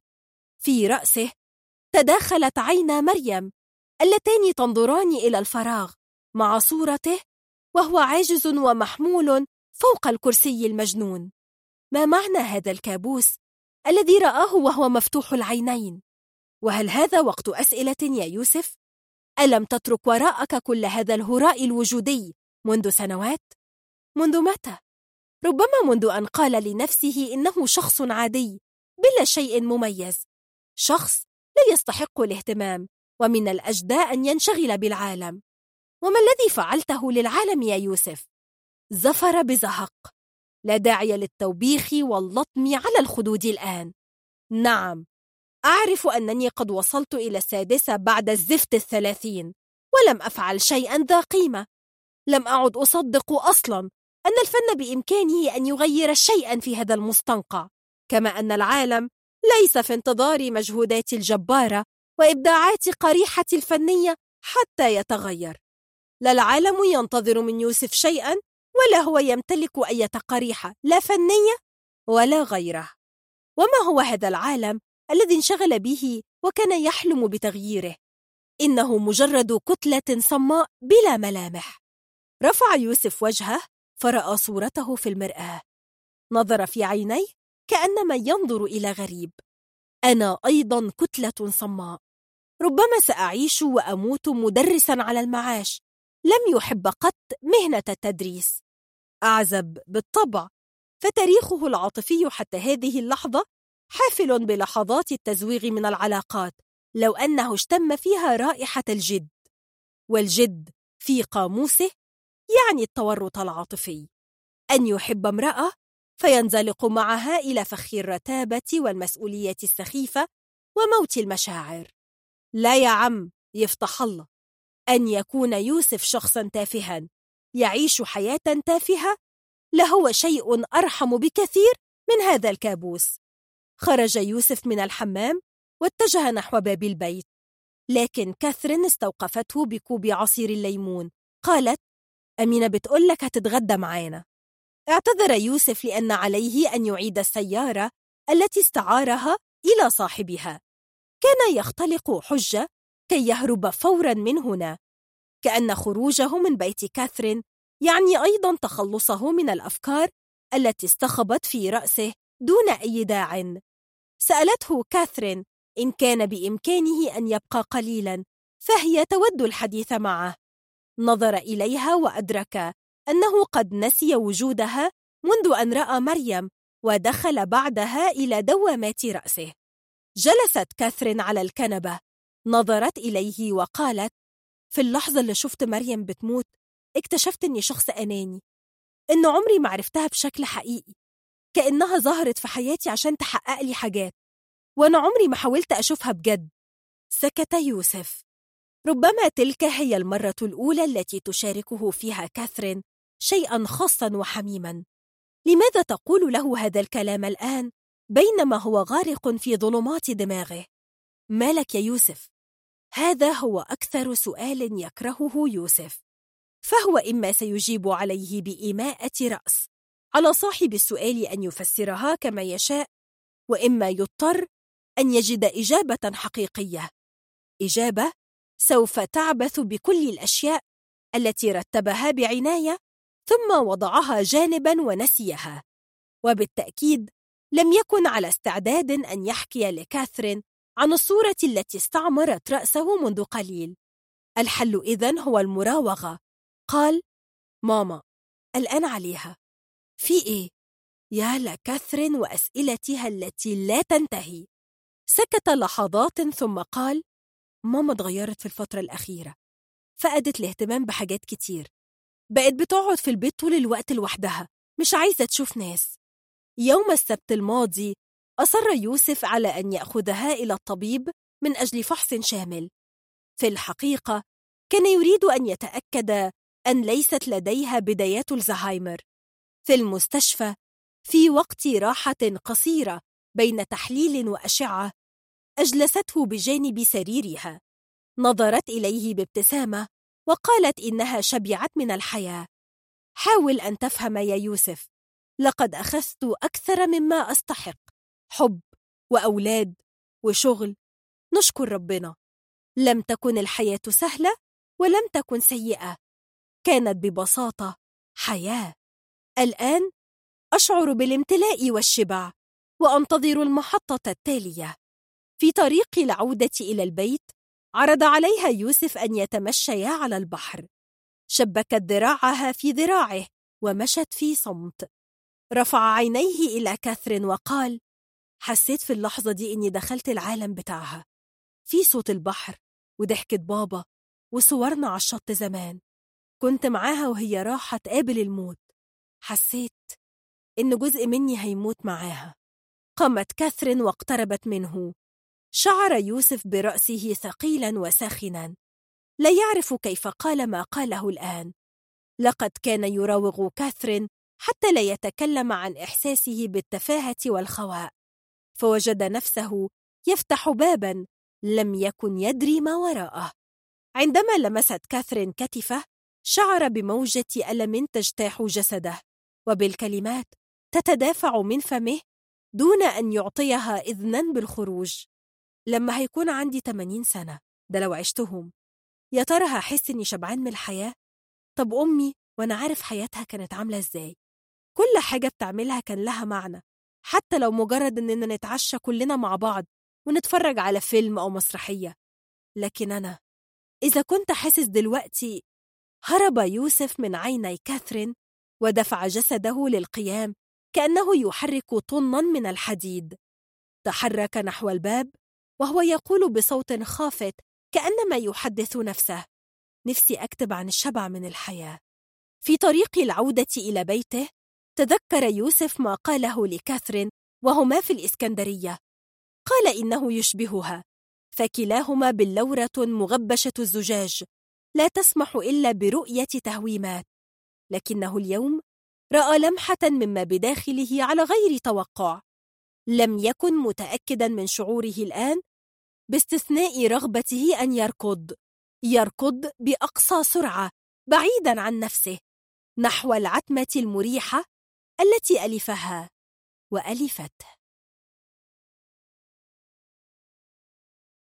أربعة وثلاثون. فتحت كاثرين باب الشقة وألقت بحقيبة أوراق المدرسة إلى الأرض. واتجهت إلى غرفة مريم. كانت دعاء اختصاصية العلاج الطبيعي ترفع ساق مريم وتثني الركبة وتحركها في دوائر صغيرة. نظرت مريم نحو كاثرين وقالت إن الجلسة أوشكت على الانتهاء وسوف تلحق بها في الصالة بعد دقائق. وعدتها كاثرين أن تغير ملابسها سريعا وتعد لهما فنجانين من القهوة ثم تصبح كلها أذانا صاغية. قالت حلوة صاغية دي يا مريم. اتعلمتها من يوسف. واتجهت إلى غرفتها وهي تضحك. كانت مريم قد بعثت لكاثرين برسالة على الموبايل في الصباح تخبرها أنها بحاجة لأن تتكلم معها. لقد مر عمر طويل ومريم لم تطلب شيئا من أحد. انتهت جلسة العلاج فقامت مريم لتحضير القهوة بنفسها. لو كانت أمينة هنا ما سمحت لها بشرب القهوة ولا بدخول المطبخ. على مدار عشرة أيام منذ أن تركت المستشفى ومريم تشرح لأمينة أنه من الضروري أن تتحرك وإلا لماذا تخضع للعلاج الطبيعي يوما بعد يوم؟ تكرر عليها أنا دكتورة دكتورة يا أمينة والله! ابتسمت وهي تغلق نافذة المطبخ الصغيرة لتكتم صوت أطفال الحارة. لاحظت مريم أن الابتسامة على وجهها تتسع. لم تعرف إن كان السبب هو تحسن صحتها في الأيام الماضية أم لأنها مستمتعة بالتواجد في المطبخ وهو شعور نسيته من زمن. على الرغم من صغر حجمه مقارنة بمطبخ بيت الروضة فإن مريم أحست بالسعادة وهي تتأمل الأرفف المنظمة والأكواب المقلوبة فوق فوطة بيضاء نظيفة وصندوق القمامة المغلق بإحكام منعا لتسلل أي حشرة مارقة للداخل. وضعت الكنكة فوق النار وهي تؤكد لنفسها أنها لن تقفش متلبسة بالجرم لأن أمين الآن عند أم محمود تتباحثان في خطة الطبخ من البيت وتوصيل الطعام حتى الباب. قالت أمينة لجارتها أهو يبقى مشروعك وهيدخلك فلوس أكتر من مرتب المشغل. استلهمت أمينة الفكرة من مطبخ خير بلدنا مع إضافة بعض التعديلات. أكدت لأم محمود أن السوق بحاجة إلى مرونة لا تتمتع بها الجمعية وأن عليها أن تطبخ أطباقا لا يقدمها الآخرون. ده غير إنك هتستعملي سمن بلدي وبهارات محترمة. تابعت مريم تطور الفكرة على مدار الأسبوع الماضي وسمعت من أمينة أخبار الاجتماع الأول المخصص للتفكير في كيفية الوصول إلى زبائن. تناولت كاثرين صينية القهوة من مريم وسبقتها إلى الصالة وهي تقول إنها سمعت من أمينة عن حكاية لمريم في بيت السارنت وإنها لم تفهم شيئا. ابتسمت مريم كيف لأمينة أن تفهم أي شيء؟ إن كانت مريم نفسها لا تفهم. قالت مريم النهاردة الصبح افتكرت لما خرجت من باب البيت الخشب اللي عليه مقبض نحاس على شكل هلال شايلة بنتين بجناحات. لفيت حوالين النافورة. الشمس كانت في ظهري وأنا ماشية ناحية الجدار الشرقي. شفت النباتات سارحة فوق الصخر من تحت لحد آخر دور في البيت. الشبابيك بس هي اللي باينة. بيتهيألي لو حد شاف البيت من بعيد هيفتكر إنه جزء من الجبل. قالت كاثرين إن هذا مجرد تل فارتفاع 300 متر عن الأرض لا يعتبر جبلاً وإن تلك كانت أيضاً بقعتها المفضلة وقت الصيف. هذا إن كان من الممكن استخدام صيغة التفضيل في الحديث عن ذاك المكان. كانت تسير حافية القدمين فوق العشب المبتل وقت الغروب تجلس عند الحافة وتدلي ساقيها في الفراغ وهي تشرب النبيذ الذي صنعته النساء من عنب العام الماضي. لقد أمضت أياما هناك تنصت إلى لوسي مانات تحكي عن حبيبها الذي كادت مقصلة الثورة الفرنسية أن تطيح برأسه لولا سيدني كارتن الذي وضع نفسه مكانه وانطلت الخدعة على الثوار المتعطشين لدماء النبلاء. ابتسمت كاثرين. كم هو ممتع أن تفكر في بيت سارنت على أنه ذكرى نظرت إلى مريم تنتظر المزيد قالت مريم كاثي مش عارفة أبدأ منين هل تبدأ من لحظة إفاقتها في حجرة الدور الثاني؟ هل ستتذكر لاحقا بداية أخرى؟ لقد فتحت عينيها بصعوبة وشاهدت امرأة تجلس أمام النافذة الآن تعرف مريم أن هذه المرأة كانت فيرجينيا وولف أو هكذا تعتقد. نادت تلك المرأة عليك يا كاتي وعلى أمينة وجاءت نساء أخريات وقطعتها كاثرين. أنا كنت هناك؟ يوم ما فقت كنت جنبي وبتتكلمي كتير وأنا ما كنتش مركزة. ندت عن كاثرين ضحكة صغيرة متوترة. أنا كنت موجودة عادي مش بحاول أهرب. لما رحنا الغابة أنت ربطتي الحصنة واختفيتي. ما عرفش رحتي فين. حصانك لونه بني وعنده خصلة شعر أبيض ناعم في وسط جبينه نظرت كاثرين في عيني مريم فرأت صورة براون. بدت مريم محتارة كأنما تحاول الإمساك بالجملة التالية. كنت محتاجة أتكلم معاك يا كاتي. أنا عارفة إن ما عندكيش إجابات. أمينة مش عايزة تسمع. بتتكلم عن صحتي والانفعال. بس أنا عارفة إنها متلخبطة. لكن أنا محتاجة أحكي. لما أحكي هصدق. ليه عايزة تصدقي؟ سكتت مريم. قامت كاثرين من كرسيها وجلست جانبها في صمت. رفعت مريم عينيها إليها وقالت بصوت خافت أنا أنا شفت ناجي. تعرف مريم أنها لم تتكلم عن ناجي قط إلا مؤخرا في حمام بيت السارنت عندما حكت لأمينة. لم يتردد اسمه على لسانها منذ عام 1986 قالت أنا شفت الراجل الوحيد اللي حبيته. ابتسمت وأكملت. إزاي راجل وصل للبيت هناك ما تسألينيش وحصل إيه يا مريم؟ ما كنتش عايزة أنام. خايفة لو غمضت عينيا يختفي. نظرت كاثرين إليها. احتبس الكلام في حلق مريم. وأصبح وجهها جامدا كالتمثال. نظرت إلى الفراغ وقالت من ساعة ما خرجت من المستشفى مش بيفارقني بيت السرند والحاجات اللي فكرت فيها أو قلتها هناك. أنا قضيت عمر بحاول أحمي نفسي من الألم وكنتش أعرف إني عطلت إحساسي بكل حاجة تانية. تعرف مريم جيدا أن المعالج النفسي يعاني ويتخبط ويمرض مثل كل الناس لكن أن يصبح حطاما فذلك أمر مرعب. كم من الأخطاء ارتكبت يا مريم؟ كم من الناس أتلفت حياتهم. كم روشتة مكتظة بالأدوية كتبتها. بينما المريض لم يكن بحاجة إلا أن تنصتي إليه وتساعديه على أن ينصت إلى نفسه.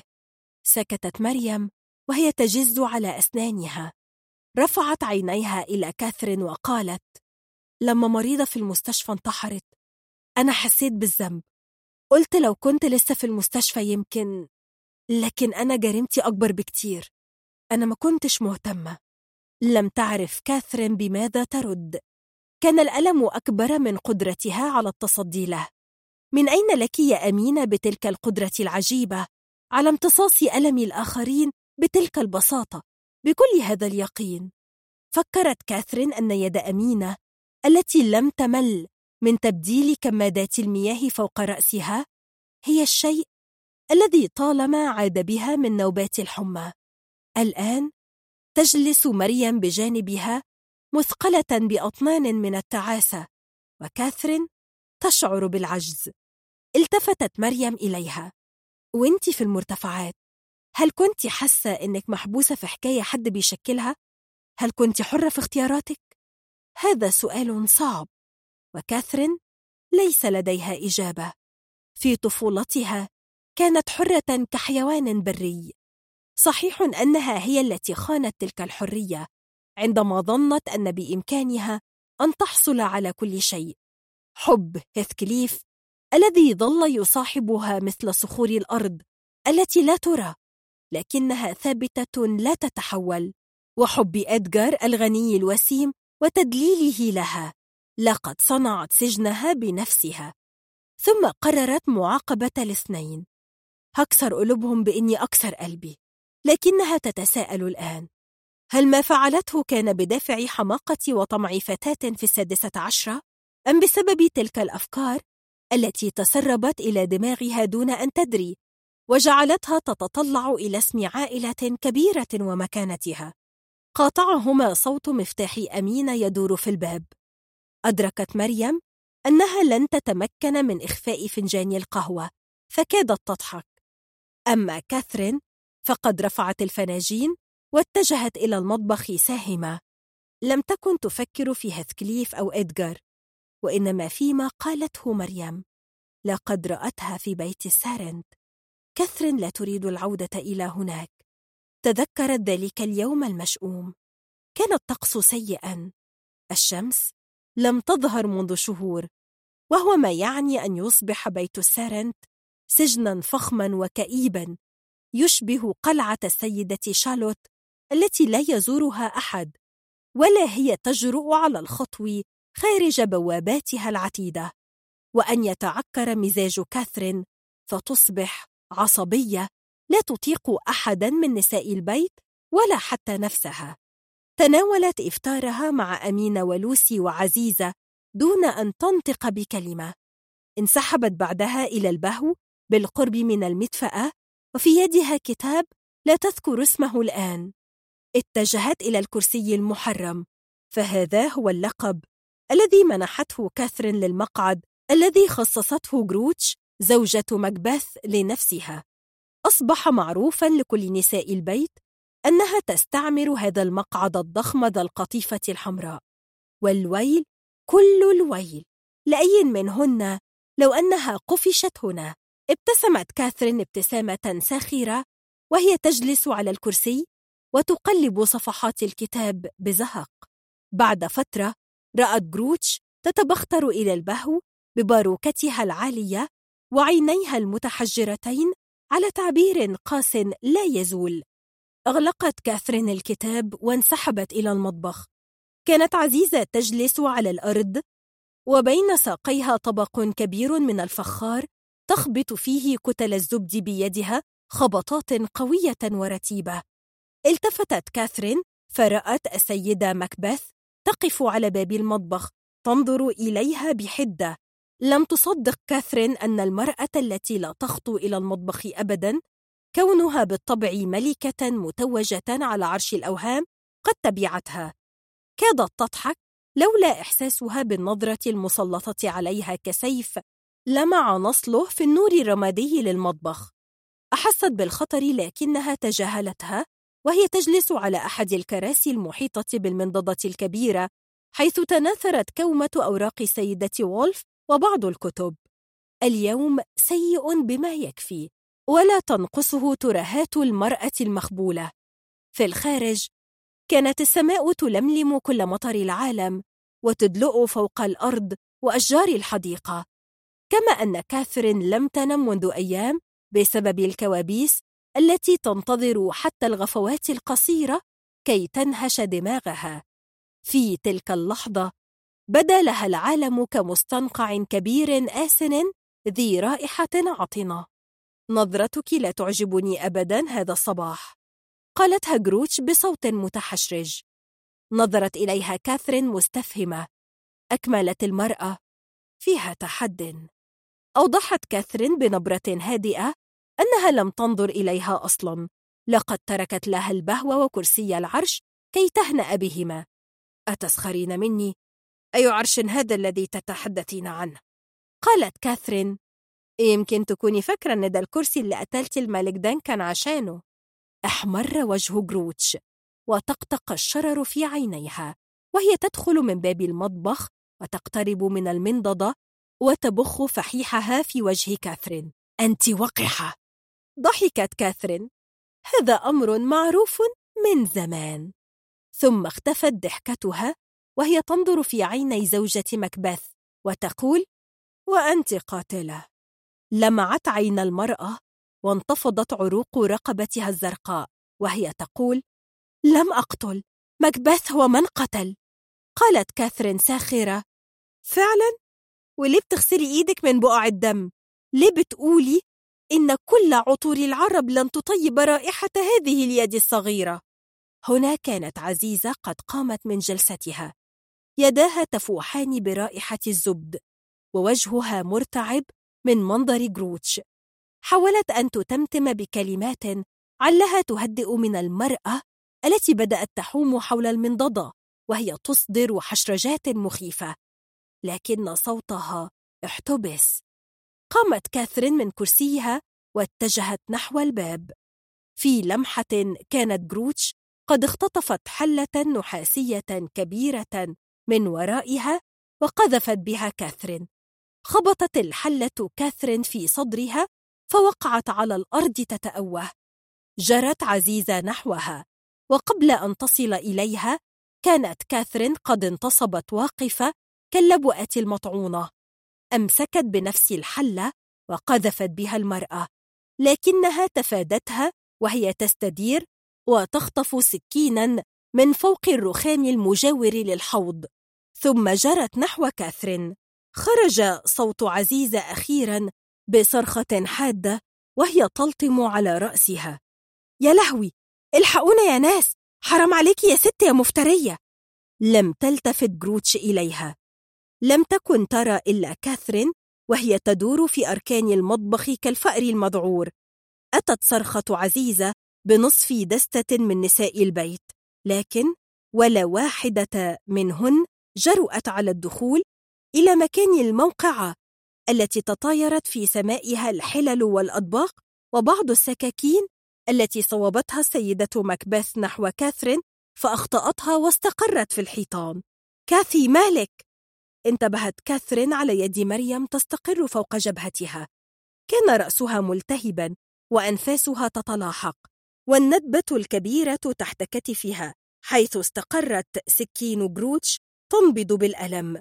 رفعت رأسها تنظر إلى مريم كما لو كانت تتأكد أنها موجودة بالفعل أمامها. زفرت بقوة وقامت وهي تسب وتلعن في سرها بيت السرنت. كاثرين لا تريد العودة. إلى هناك.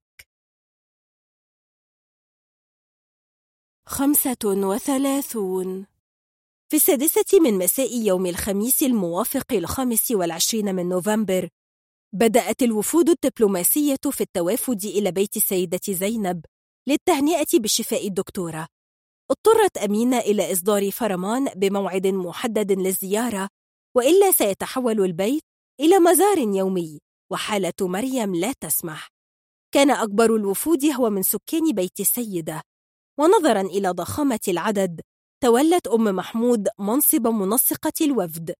وضعت البنود الفرعية للفرمان وأشرفت على تنفيذها. من الممكن اصطحاب العيال ولكن عليهم أن يسلموا على الواقف ويمشوا منعا للدوشة والقرف. أما النساء فعليهن بزيارات قصيرة. وألا يزيد عدد الحضور على ثلاثة مجتمعين. تتابع دخول وخروج المجموعات الصغيرة. وكانت تلك هي الزيارة الأولى لبعض الجيران. من بينهم مثلا زوجة الحاج مصطفى صاحب القهوة التي دخلت وفي يدها صينية بسبوسة بالبندق. وحمدا كثيرا لله على سلامة الدكتورة مريم التي هي من معزة الست أمينة والأنسة الصغيرة. وترددت في صالة البيت عبارات من عينة بسم الله ما شاء الله يا دكتورة. ألف حمد وشكر على سلامتك. والله كان قلبنا مخطوف عليكي أنا دعيت لك في مقام السيدة من يومين. جلست مريم على الكنبة البلدي وحول كتفيها الشال الصوف الذي اشترته لها أمينة مؤخرا. وبعد نصف ساعة من بداية الليلة توقفت مريم عن محاولة تذكر أسماء الجيران وعلاقات النسب ومن ابن من. كادت تضحك من كل هؤلاء؟ وكيف استطاعت أمينة في أسابيع أن تشكل هذه القبيلة الضخمة؟ كما جاء يوسف أيضا وحظي باستثناء من الفرمان. تلك هي المرة الثانية التي تراه مريم. كان قد جاء لاصطحابها من المستشفى لكنها لا تتذكره بوضوح. يبدو أصغر من السادسة والثلاثين. يا ساتر! السلام عليكم يا حجة كان عم مهنا بواب بيت الروضة هو آخر شخص تتوقع مريم أن تراه في بيت السيدة. ما الذي أتى به؟ لم تتصور مريم أن الرجل الذي لم تتبادل معه إلا عدة جمل على مدار سنوات خدمته ولم تبتسم في وجهه مرة واحدة يأتي وفي يده زيارة. كيس كبير من البرتقال والموز. تقدم نحوها وسلم. الست أمينة بلغتنا بأمتك بالسلامة. ربنا يتم شفاك يا دكتورة. الله يخليك يا عم مهنا. لا شك أن هذه كانت ألطف جملة سمعها الرجل من مريم منذ أن عرفها. كان على مهنا أن يسرع بالعودة إلى العمارة لكن قبل أن يمشي تطوع بمتابعة مريم ببعض الأمور الإدارية.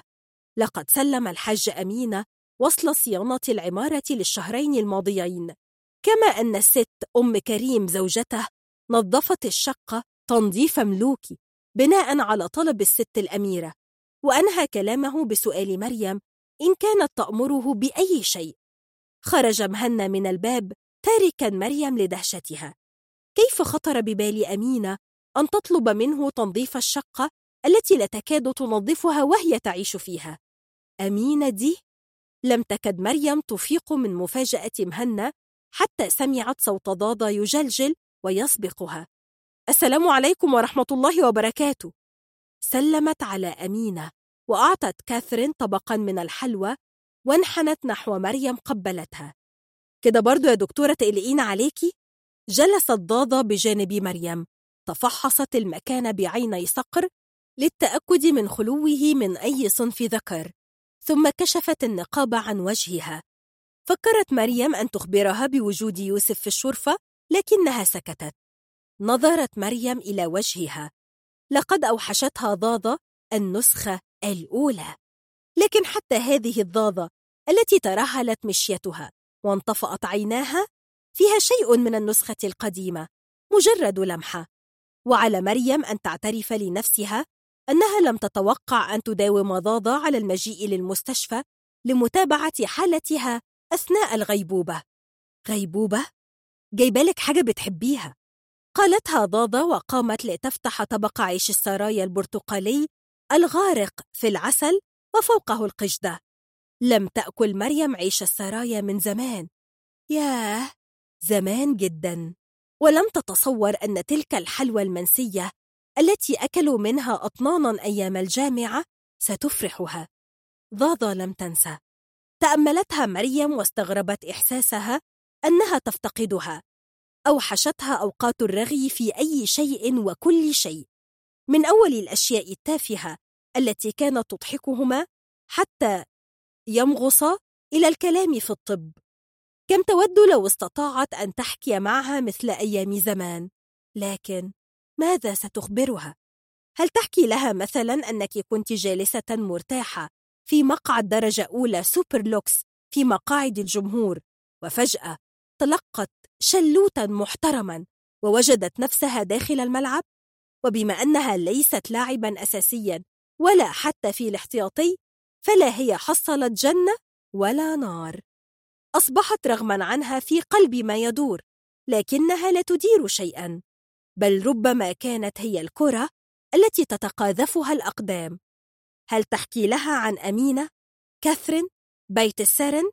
زفرت مريم انتبهت على ضاضة تميل نحوها وتقول وحشتيني يا بت يا مريم شعرت مريم بغصة في حلقها كانت تلك الجملة هي أكبر مفاجآت الليلة أنا أيضا أفتقدك جدا لكنك بنت كلب غبية سكتت مريم وسكتت ضاضة أيضا لأول مرة منذ فترة طويلة ثم قالت بص يا مريم مش هسألك إيه اللي مزعلك مني هقولك بس إنك وحشاني. إنها المرة الأولى التي تقول فيها ضاضة كلاما حقيقيا. هي المرة الأولى أيضا التي تعرف فيها مريم أن ضاضة واعية بغضبها. لم تتكلم أي منهما عن مشاعرها منذ أمد بعيد. لا تذكر مريم حتى متى جف نبع الكلام. وجدت مريم نفسها تتكلم دون تفكير. ربما لو كانت قد فكرت للحظة لاختفت في متاهات عقلها وخرست كالعادة. قالت أنا غضبانة منك يا زازة غضبانة. طول الوقت بدور على صاحبتي. مش قادرة أصدق إنك بقيتي الست دي. مش بس مسألة البتاع اللي على وشك ده لأ بقيتي بعيدة وقاسية ومش شايفة حد. وأنت بقى يا مريم بسلامتك اللي كنت فاتحة سكك التواصل بسرعة إنترنت 20 جيجا؟ قالت مريم لما أنا أبقى مش قادرة وأنتي مش قادرة يبقى خلاص نقول إننا كنا معرفة قديمة ونريح دماغنا من القصة دي. سكتت قليلا ثم استكملت. ثم أنا مش فاهمة إيه اللي حمقني قوي كده. من إمتى وأنا مهتمة؟ أشاحت مريم بوجهها نحو نافذة الشرفة وقالت بصوت مكتوم أنت عارفة أنا بقالي قد إيه ما اتكلمتش؟ ما قعدتش هلفطت بأي كلام مع حد قريب مني؟ عارفة كم سنة؟ نظرت ضاضة أمامها وانخفض صوتها وهي تقول أنا كنت بهرب يا مريم. مش عايزة أشوف اللي جوايا. لو اتكلمنا الكلام هيجيب أسئلة. أنا سعيدة؟ هو إيه اللي أنا عايزاه أصلا؟ أنا لسه بحب فتحي؟ حتى بعد النقاب ما حسيتش براحة. بس على الأقل الناس مش هتشوف اللي جوايا وأبقى مضطرة أمثل. استدارت إلى مريم بنصف ابتسامة. وبعدين هنتبهدل دنيا وآخرة. أو الواحد يضمن اللي جاي. سكتت مريم. كانت تريد فقط أن تنصت إلى تلك النبرة القديمة في صوت ضاضة بس أنا كنت واضحة يا مريم. أنت بقى النقاب بتاعك ما كانش حد شايفه. أنا عمري ما قلتلك إن أنا شايفاه. هو أنت بتسمعي يا مريم؟ بتسمعي بجد؟ أنت عايزة تشوفي أي حاجة غير السكك السد؟ عايزة تعيشي في حتة غير زمان؟ أنت بتهربي يا مريم. وأنا كمان هربانة. إن ضاضة تعترف الآن بالهزيمة. ومريم؟ تعرف في مكان عميق داخلها أنها قد هزمت أيضا كم كان وجه ضاضة في السبعينيات مفعما بالحياة. أما الآن هل غضبها تجاه ضاضة هو غضب تجاه نفسها؟ أسندت مريم ظهرها إلى الحائط وراءها. نظرت إلى ضاضة وقالت أنت عارفة أني زمان كنت ملكة الصلصال؟ كنت مؤمنة أننا نقدر نعيد تشكيل نفسنا مش حاجة سهلة لكن ممكن. أنا حررت نفسي من أمي. عملت حياة تخصني شكلت مريم على الملامح اللي أنا اخترتها. وبصي عليا دلوقتي. التمثال نشف واتشقق ومع شوية هوا وقع الدشدش. ومش عارفة حتى ألملم الفتافيت وأحطها في مكانها وألزقها بصمغ فيبان للناس إن شكلي تمام كأنه عادي. الهزيمة الكبرى لملكة الصلصال. ضحكت مريم. الهزيمة النكراء لملكة ال... الهزيمة. انتبهت مريم على ضاضة تمسك برزغها تقيس الضغط وعلى خلو الصالة إلا منهما. رحلت الوفود منذ فترة. انسحبت كاثرين إلى حجرتها وكذلك أمينة. لكن بعد أن طلبت من ضاضة أن تنادي عليها قبل أن تمشي حتى تدخل مريم إلى السرير. ناولتها ضاضة الدواء وصاحبتها حتى سريرها في غرفة أمينة. أمسكت حقيبتها استعدادا للرحيل. عند الباب وقفت واستدارت. بصي يا مريم أنت صحيح وحشاني بس أنا بعون الله هنسى الكلام اللي قلته النهاردة. ادعيلي خرجت وهي تضحك وابتسمت مريم أيضا وهي على حافة النوم. ستة وثلاثون. ستة وعشرين نوفمبر 2010 بيت السيدة زينب عشرة بالليل. كاتي سافرت النهاردة الصبح مع يوسف اسكندرية وهيرجعوا بكرة بالليل. ومريم نامت. بالنهار قعدت أرغي معاها شوية. سألتني عن يوسف وقالت إنها ملحقتش تقعد معاه امبارح. قلت لها الجايات أكتر من رايحات. قريت لها كم صفحة من ترجمة فيرجينيا وولف وقالت لي إن الترجمة عجبها قوي. كويس إنها ما تعبتش من ليلة امبارح. دي فضلت هي وصاحبتها يرغوا لحد نص الليل. وأنا بصراحة كنت قلقانة لحاجة تضايقها وتعكر مزاجها. شكل صحتها تمام. هي بس ساكتة طول اليوم وشكلها زي اللي عندها فكر. إحنا كنا فين وبقينا فين يا أمينة؟ ده أنا كل ما أفتكر منظرها يوم ما فاقت من الغيبوبة وقعدت تتكلم عن بيت السرن قلبي يوجعني. وشها كان أصفر زي الليمونة ومش عارفة تلقط نفسها وهي بتقولي أنا كنت هناك يا أمينة. وبتحكي تفاصيل صعب حد يعرفها من دماغه كده. أنا بصراحة مش فاهمة حاجة. يعني أنت كنتي فاهمة اللي فات يا أمينة سيبيها على الله. أول ما البيت سكت حسيت إن الورق بيناديني. أصل زحمة الأيام اللي فاتوا مش مخلياني أقعد مع نفسي كام دقيقة على بعض. لدرجة إني مش عارفة أنا حاسة بإيه ولا إيه اللي بيدور في دماغي. عملت كوباية زنجبيل وولعت نور الصالة وفتحت الكراس أنا سامعة دلوقتي صوت دوشة في الحارة وواحد عمال يحمحم في ميكروفون. شكلنا عندنا فرح. أيوة صحيح. دي مرات الحاج مصطفى كانت قالت لي إن بنتها هتتجوز النهاردة وعزمتني. خلاص بقى مش قادرة أنزل لكن بكرة هشتري هدية وأروح أبارك. وادي الزغاريت كمان وصلت. شكل الليلة دي ما فيهاش نوم على سي سيد مكاوي. امبارح بلغت الحاجة لولا إني هسيب شغل الجمعية. بس هستنى لما يلاقوا حد بدالي. لما سألتني ليه قلت لها الحقيقة لأ نص الحقيقة بس. قلت لها إني مضيت عقد لترجمة كتاب وإني عايزة أتفرغ للترجمة. مش متأكدة إنها فهمت ومش مهم. النص التاني من الحقيقة كنت هقوله إزاي؟ أقول لها إني يا إما أمشي يا إما أطبق في رقبة واحدة من الستات اللي قاعدين طول النهار بيتكلموا في هذه الشيوخ المخابيل ومفيش واحدة عايزة تشتغل بالقرش اللي بتكسبه؟ أنا والله عارفة إنهم مش فاهمين ويمكن لو كنت أنا بنت اليومين دول كنت هبقى زيهم كده الله أعلم. بس برضه غضبانة وأنا شايفاهم محبوسين في زنزانة متر في متر جوا دماغهم وأنا نفسي أجيب شاكوش ولا إيد هون وأكسر الحيطان. طول الوقت أسأل نفسي يعني مفيش واحدة من دول قعدت مع نفسها في لحظة رواقة كده وقالت يمكن احتمال يعني في عالم بره دماغي؟ أيوة يا بنتي في عالم طويل عريض وبلاد بتجري ورا العلم وناس بتلاقي علاج لأمراض صعبة وأنتوا مش عايزين تروحوا إلا الدكتور مسلم وصالح. هي صالح دي بقى بيعلقوا بيها شهادة جنب شهادات الطب؟ من يومين الست عطيات سألتني رأيي في حاجة مش فاكراها. اتعدلت ورا المكتب وظبطت النضارة فوق مناخيرها وقالت لي وأنت يا حاجة أمينة موافقة على الكلام ده؟ بصت لها في عينها وقلت لها أولا أنا مش حاجة ثانيا مين قال الكلام ده؟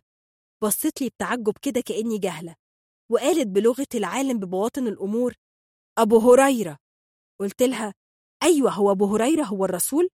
ده حيالله واحد سجل كم ألف حديث بعد سنين من وفاة الرسول وكانت جلد لأنه كذاب ثم إن لو الكلام ده صحيح ولو الرسول كان عايش النهاردة هيبقى له رأي تاني في حاجات كتير. وخرجت من الأوضة قبل ما ترد عليا. ده سي السيد اللي سمعته هباب في وسط الستات النهاردة كان هيضحك على الكلام ده. ربنا يسهل لهم. أنا حاسة كأن حجر وانزاح من فوق صدري. حتى الكام يوم اللي فاضلين مش حاملة همهم. الفرح اشتغل من شوية.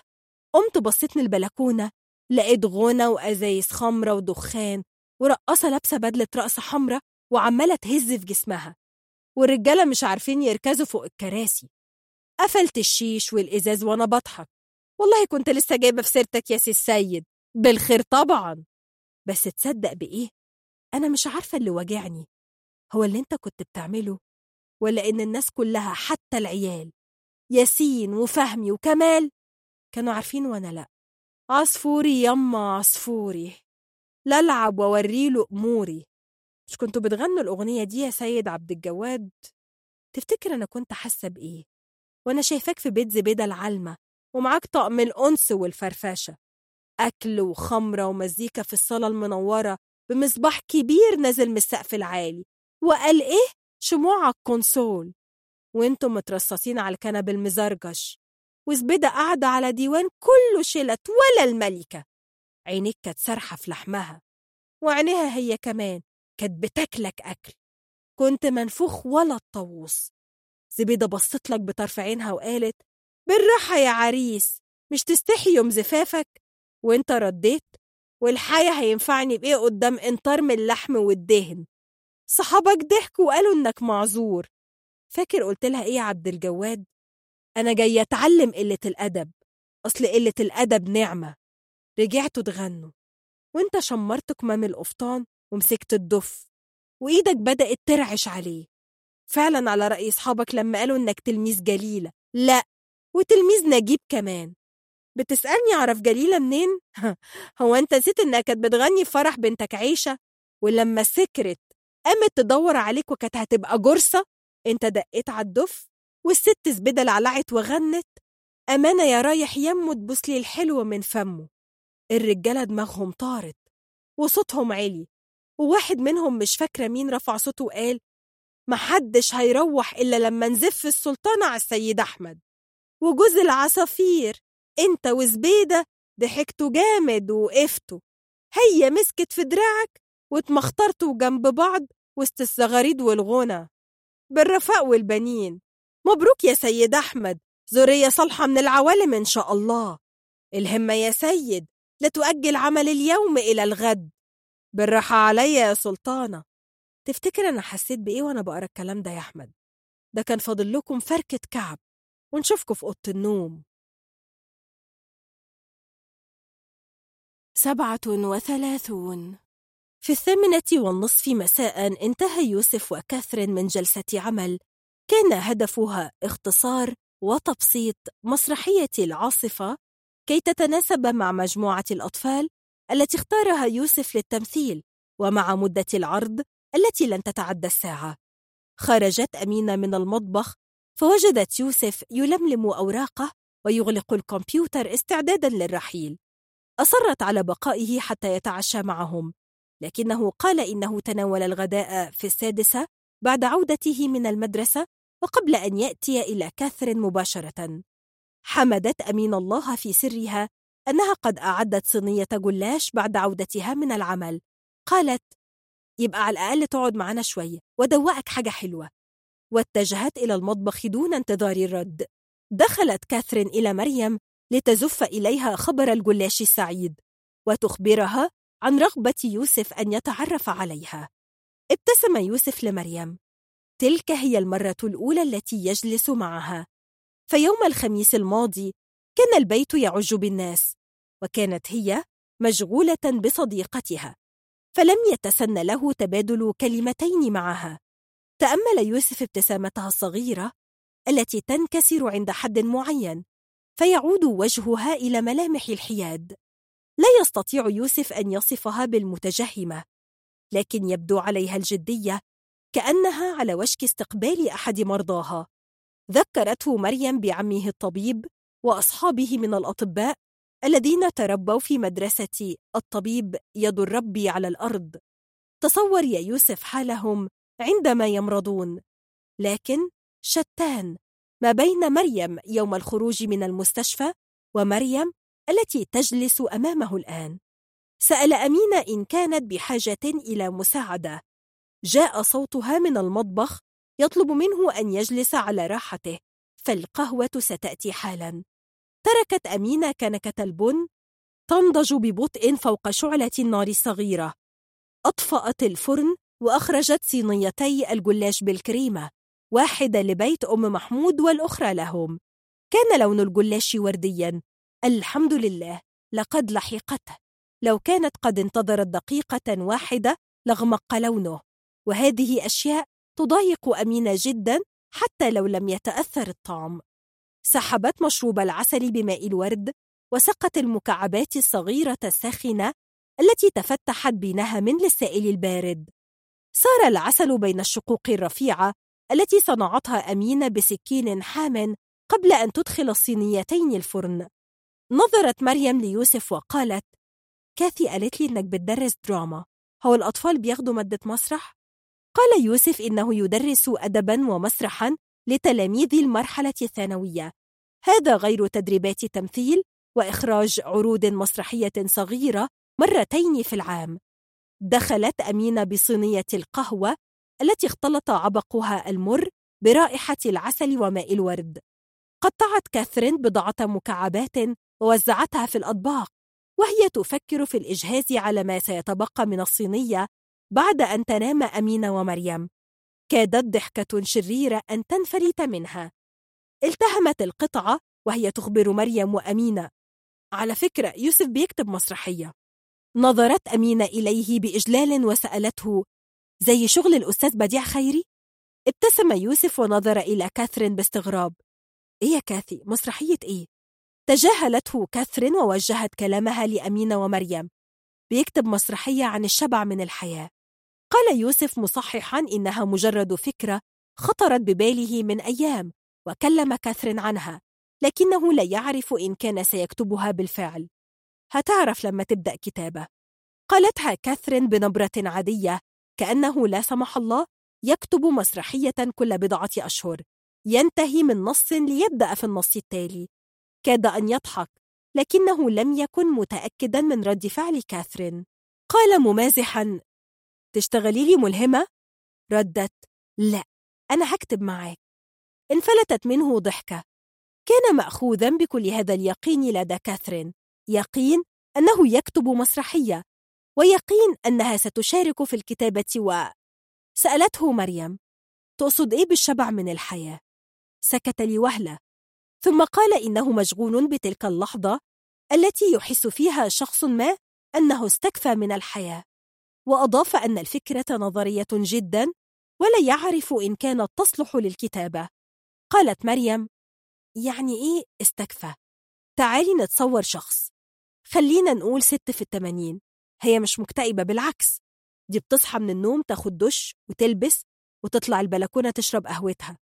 بتقرأ وتسمع مزيكا. بس المشكلة إنها بقت منتظرة الموت. مش عارف إن كانت دي مشكلة أصلا. يمكن ولادها هم اللي مش فاهمين. أنا شخصيا مش فاهم. لمعت عينا كاثرين وهي تقول طيب دي مش أفكار نظرية؟ أنت عندك شخصية اكتبها. أجاب يوسف كأنه يغلق باب الحديث ما عنديش حدوتة. ممكن تبدأ باللحظة اللي الست واقفة عندها وترجع بينا لورا. يعني الحدوتة بالعكس. لم يكن يوسف يعرف أن كاثرين لو وضعت شيئا في دماغها فلن يستطيع الشيطان نفسه أن يوقفها. قال بتشكك يمكن. تنقلت مريم بعينيها بينهما تتابع لعبة القط والفأر وتساءلت في سرها كيف لكاثرين أن تكون شخصا مختلفا في غضون شهور؟ الفارق ليس في ظهور يوسف ولا في المسرحية التي تفكر في كتابتها معه. ربما هو التصديق. تلك النظرة في عينيها التي تقول أنا أصدق كل كلمة تخرج مني. أصدقها لدرجة أنها قد تتحول إلى حقيقة في أي لحظة. هذا شيء جديد على كاثرين. أو ربما مريم هي التي لم تلحظه فيها منذ خمسة أشهر. التفت يوسف إلى أمينة. وانت إيه رأيك يا أمينة هانم؟ نظرت أمينة إليه مبتسمة. بتضحكني لما بتقولي هانم. انت فعلا هانم. المؤسف إن عصر الهوانم زيك وزي أمي ذهب مع الريح. كتر خيرك يا ابني. احمر وجه أمينة. فكلمات الإطراء لا تزال تخجلها. عايزة أعرف رأيك. بص يا يوسف. أنا مش فاهمة يعني إيه حد يشبع من الحياة. أنا بحس إن كده زي زي ما يكون بيعصى ربنا. ابتسم يوسف. إزاي؟ يعني ما ينفعش حد يقول كفاية نشكر ربنا أنا استكفيت؟ عندك مثلا النساك والزهاد دول كانوا ناس شبعانة من الحياة لأنهم عايشين مستوى تاني للوجود. في الزهد بيلاقوا حياة وفي الوحدة بيدخلوا عالم كبير جواهم. دول بقى ما كانوش قريبين من ربنا؟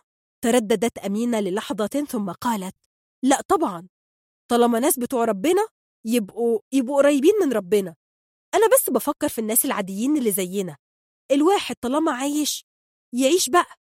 ضحك يوسف. لا اشرحي لي دي يا أمينة. طالما عايش يعيش طالما انت صحيت الصبح وفيك نفس عيش. بص حواليك واحمد ربنا على النعم اللي عندك. وبص جواك وحاول تفهم. أصل الفهم نور يا يوسف وكل ما تفهم أكتر تعيش أحسن. وبعدين يا أمينة تبص على الناس اللي حواليك وتاخد بالك منهم. الناس هم زينة الحياة الدنيا. فكرك أنا بحس بإيه لما أشوف كاتي مرتاحة وبتضحك؟ أصلها زمان ما تأخذنيش في الكلمة دي يا كاتي. كانت كبة كده. نظر إليها يوسف بتمعن. واختفت من داخله مسحة السخرية من نفسه ومن حوار مسرحية. سألها وانت إيه اللي بيبسطك يا أمينة؟ ما أنا لسه بقولك اللي بيبسطني إن اللي حواليا يبقوا مبسوطين. وهي دي حاجة قليلة. سكتت لحظة ثم أردفت. إنما موضوع الشبع من الحياة ده أنا مش فاهماه خالص. قالت كاثرين وهي تلتهم قطعة أخرى من الجلاش. تعرف يا يوسف حلو إنك ترجع بينا في حياة الست دي. نفسي أشوفها وهي بتحب أول مرة وهي بتجرب الفقد أو بتسأل عن الموت والزمن.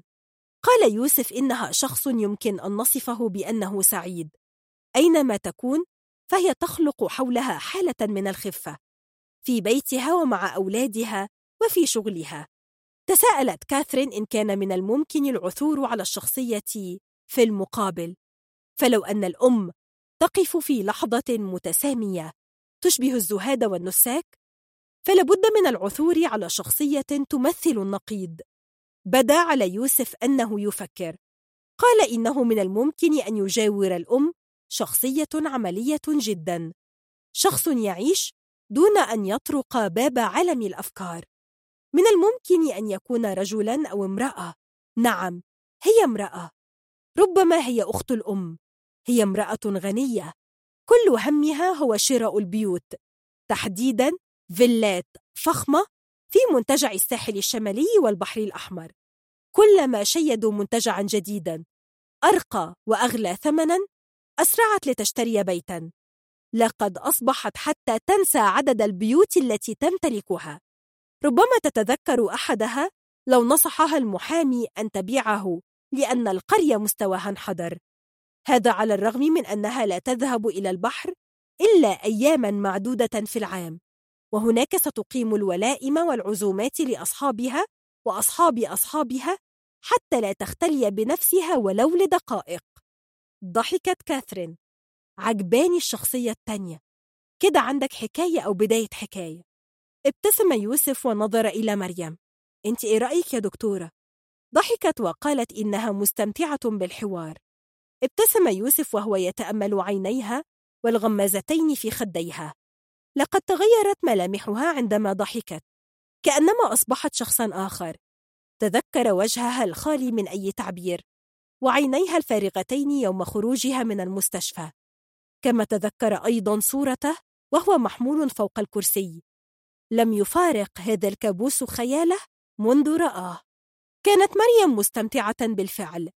ليس فقط لأن تلك هي المرة الأولى التي تشهد فيها مولد حكاية لكن أيضا لأنها لا تصدق وجود أمينة وكاثرين في حياتها. شعرت أنها شخص محظوظ. ليس لأن هذه هي أمينة زوجة أحمد عبد الجواد فهي لم تكن تحبها في الرواية ولا لأن هذه هي كاثرين أرنشو التي لم تحبها مريم مثلما أحبت بطلات أخريات. ولكن لأن هذه هي أمينة وتلك هي كاثرين. أحست مريم بالاستغراب. لقد قالت لنفسها إنها شخص محظوظ. كانت ضاضة قد قالت لها منذ أيام إنها تعيش في الماضي. لكنها مخطئة. فمريم قد أقفلت في وجه الماضي كل الأبواب فلا هي عاشت فيه ولا عاشت حاضرها أيضا. لقد نفت نفسها خارج الزمن. لا تعرف مريم ما الذي ذكرها الآن ببيت الروضة. عندما تعود إليه هل ستجد في انتظارها مريم التي تصاحب الكوابيس ومضادات الاكتئاب؟ مريم الجافة كعود حطب ميت القاسية. مثل ناهد أمها نظرت إلى يوسف وهو يساعد كاثرين في لملمة فناجين القهوة والأطباق والعودة بصينية الجلاش إلى المطبخ وابتسمت. يا لهوي! شقت الصرخة لحظة الصمت التي خيمت على صالة بيت السيدة زينب. تجمدوا في أماكنهم. كانت صرخة قريبة وملتاعة. يا لهوي يما الحقوني يا ناس! هبت أمينة من كرسيها كالملسوعة. ده صوت أم محمود! يا ستار يا رب! أعوذ بالله! يا ستار اندفعت كالسهم نحو الباب وفي ذيلها كاثرين ويوسف.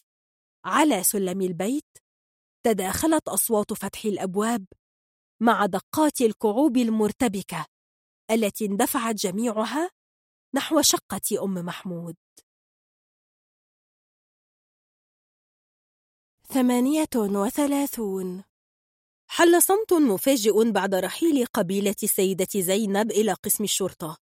أم محمود في المقدمة ووراءها جيش عرمرم من البشر. أم حنان والحج مصطفى صاحب القهوة وابن أخيه طالب الهندسة وكثر وأمينة ويوسف. وجدت مريم نفسها في صالة البيت وحدها. اختفت الجلبة فجأة كما ظهرت فجأة. وحل محلها فراغ ثقيل كأنما كان منذ دقائق. كلام يوسف عن المسرحية ومشاكسة كاثرين له وفلسفات أمينة مجرد هلاوس. جلست بلا حراك. كأن انسحاب الجمع من العمارة قد أوقف الزمن. كأن لا شيء سيحدث في فترة غيابهم. بما يعني أن تتجمد مريم كتمثال شمعي للأستاذ سيد قشطة فوق الكنبة. لم تعرض الانضمام إليهم ولا حتى عزومة مراكبية دارت الزوبعة من حولها وهي واقفة لا تعرف ماذا تفعل بنفسها وما الذي بإمكانها أن تفعله. كما أن أمينة لم تكن لتوافق على نزولها. على بسطة السلم وقفت أم محمود تولول. يا لهوي! قبضوا على الواد! يا خربتك يا سعاد! يا خربتك يا سعاد! ظلت تخبط على رأسها بجنون. وجسدها النحيل يتقلص وينتفض فهمت مريم من بين الصرخات أن لمحمود سيرة ذاتية لا بأس بها في الخناقات مع أمناء الشرطة لكن أن يصل الموضوع إلى خناقة مع ضابط؟ أف! إن قنبلة الصراخ والهرج والمرج التي انفجرت منذ دقائق تكفي لإيقاظ الموتى شعرت مريم كأن جسدها قد أصبح إسفنجة هائلة الحجم امتصت طنا من التوتر فثقلت وأقعدتها. تحول التوتر إلى أسراب نمل تتحرك بهمة في نصف جسدها الأيسر كما أنها في حقيقة الأمر تشعر بالاستفزاز. لقد تحركت أمينة وكاثرين كأنهما تعرفان بدقة ما يتوجب فعله. مبدئيا سيذهب الجميع إلى القسم بربطة المعلم وسيوقظون أي محام من المعارف كي يلحق بهم هناك. وبعدها ربنا يسهل. رمت أمين الشال فوق كتفيها وشدت حقيبتها بعد أن تأكدت أن المحفظة موجودة في مكانها وليست منسية فوق رخام المطبخ. ونزل يوسف مسرعا وهو يهاتف شخصا على الموبايل. شيء طبيعي أن تتصرف أمين بهذا الشكل فهي تشعر أنها مسؤولة عن شعب بأكمله. لكن كاثرين بس كفاية يا مريم. إن سؤالا واحدا جديدا كفيل بتفجير دماغك الذي كاد أن ينفجر منذ أسابيع. ومن أين لهم بتلك الفكرة الثازجة؟ هذا اليقين الأهبل أن ذهابهم سيغير من أي شيء. شاب فقير بائس. تشاجر مع ضابط بائس يعاني من شعور كذب بالعظمة في دولة وقحة. تدهس ناسها من أول القاع وانت طالع. فانفتحت بوابات الجحيم. بس كده. هل هذا شيء صعب الفهم؟ وماذا تقترحين يا حكيمة العصر والأوان؟ أن يجلسوا جميعا على مؤخراتهم بجانبك على الكنبة. يشاركونك التحليل والتنظير وإصدار الأحكام بخصوص مصير الولد؟ اعتمل الغضب داخلها. نعم. إنها غاضبة من أمينة. تستفزها كل تلك الثقة التي لا تقل ولا تتأثر بما حولها. دون كيشوت مصري غبي يحمل سيفه الخشبي ويجري إلى قسم شرطة سيدة زينب كي يحارب طواحين الهواء. كانت منذ قليل تشعر أنها مستمتعة كما أخبرت يوسف وأنها محظوظة وكانت. ثم تلك النقلة العبثية التي صاحبت خبر القبض على محمود. ابني فئدن ولد الحرام. لا تزال حيطان البيت تردد عويل أم محمود. كأن أحدهم قد ركل مريم بعنف في دماغها. تدوء كاس المر يا كفرة إلهي يحرق قلوبكم على عيالكم يا ولاد الأحبة. أحست مريم للحظة أنها انفصلت عن نفسها فأصبحت مريمين. إحداهما تجلس فوق الكنبة تلف في دوامة أفكارها والأخرى تتأمل ما يحدث بهدوء ودون انفعال يستهويها تحديدا موضوع النقلة المفاجئة هذا التحول في مسار الحدث حتى سرعة الوقت اختلفت اختفى البطء اللطيف الذي صاحب زيارة يوسف وحل محله الفزع والجري الملتاث إلى القسم هل للخوف زمن مختلف؟ هل يبطئ الزمن مع الخوف؟ أم تتضاعف سرعته؟ اتجهت إلى المطبخ لتحضر كوب ماء الساعة الآن الواحدة والنصف صباحا. ومريم تشعر بوزن الصمت في جنبات البيت. إنه صمت سخيف. لا يشبه سكون بيت السارن الذي يبدو كهمهمة خافتة أو كنداء غير مفهوم. أنهت كوب الماء وصبت كوبا آخر. ما كل هذا العطش في عز الشتاء. في بيت سارنت شعرت مريم أيضا بالعطش عندما أفاقت وكان للماء طعم. لا تعرف مريم متى أحست أنها قد فقدت اتزانها توقف مفعول الجاذبية الذي كان يثبتها في شرنقة ترى العالم من وراء جدرانها السميكة بعيدا وباهتا وغير قادر على إيذائها هل حدث هذا مع زيارة بيت سارنت أم مع مجيء أمينة وكاثرين؟ كيف ذهبت مريم إلى بيت سارنت وهي ليست شخصية في رواية؟ هل يعني هذا أن هناك من يسطر حكايتها في هذه اللحظة مثلما كان يوسف وكاثرين يفكران في حكاية المرأة التي شبعت من الحياة؟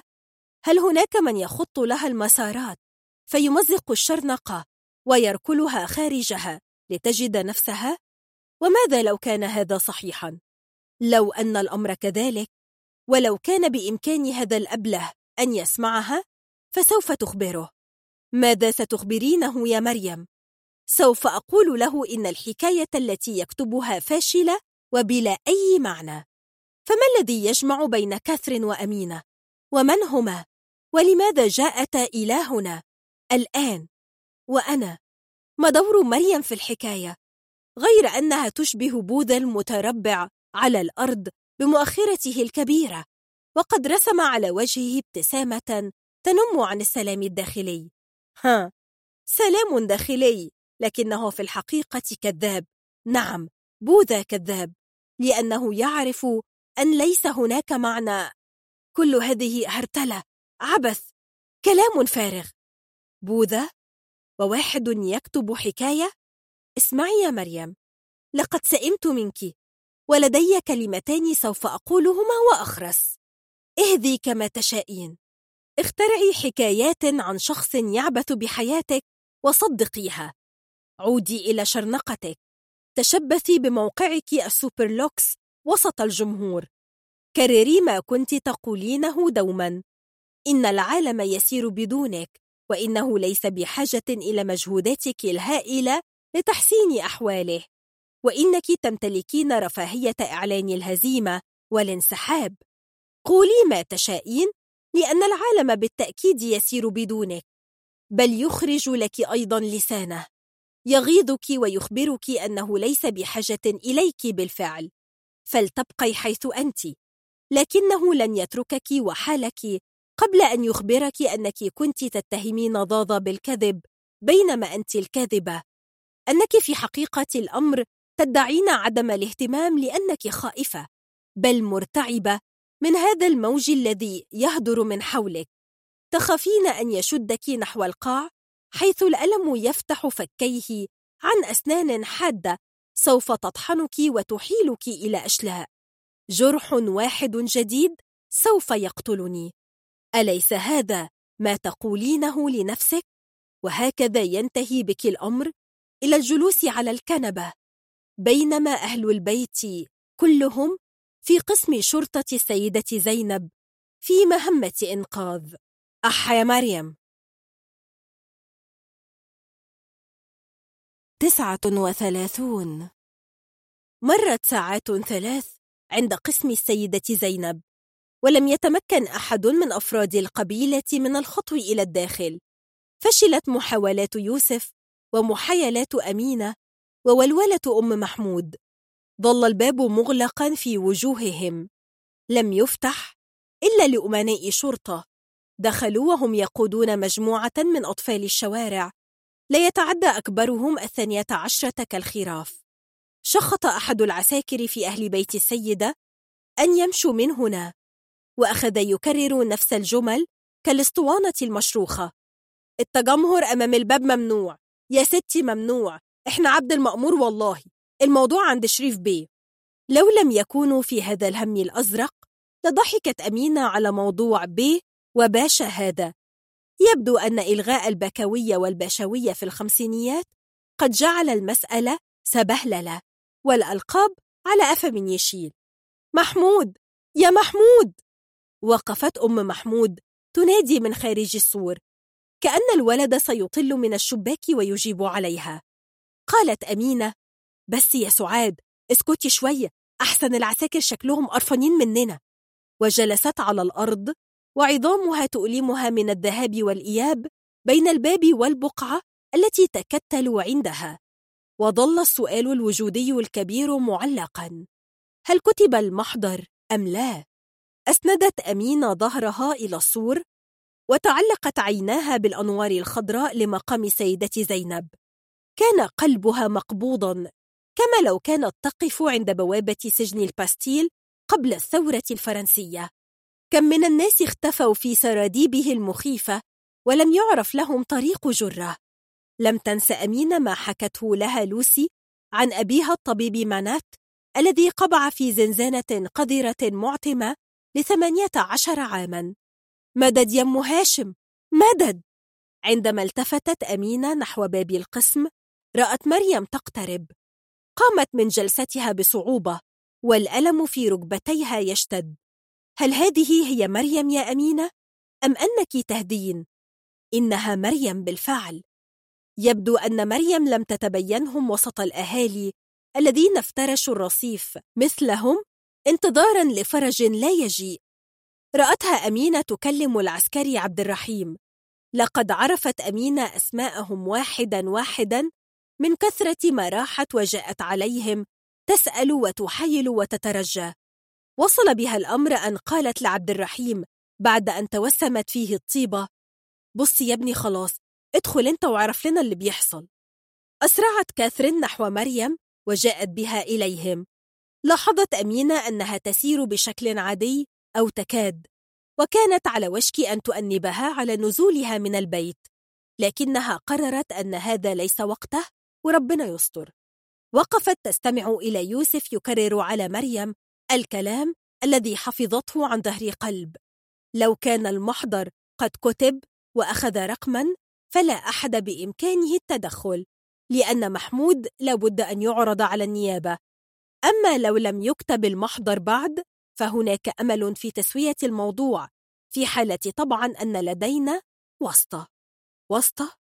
أمينة لا تصدق أن الواسطة هي المعجزة التي ينتظرونها كي لا ينتص محمود حكما بالسجن لمجرد أن كلامه لم يعجب سعادة الباشا. سجن مرة واحدة. محمود! أنت يا واد يا محمود! عادت أم محمود للنداء وذهبت أم حنان إليها تحاول تهدئتها. هو إيه اللي حصل بالضبط؟ كان على مريم أن تعرف التفاصيل قبل أن تحاول الدخول ومقابلة الضابط. تبادلت الألسنة حكي القصة التي نقلها إليهم الحاج تهامي جارهم في الحارة وصاحب محل الكباب في الميدان والذي شهد مع باقي العاملين في المحل ما حدث. بدأ الأمر بكمين مروري في شارع بورسعيد.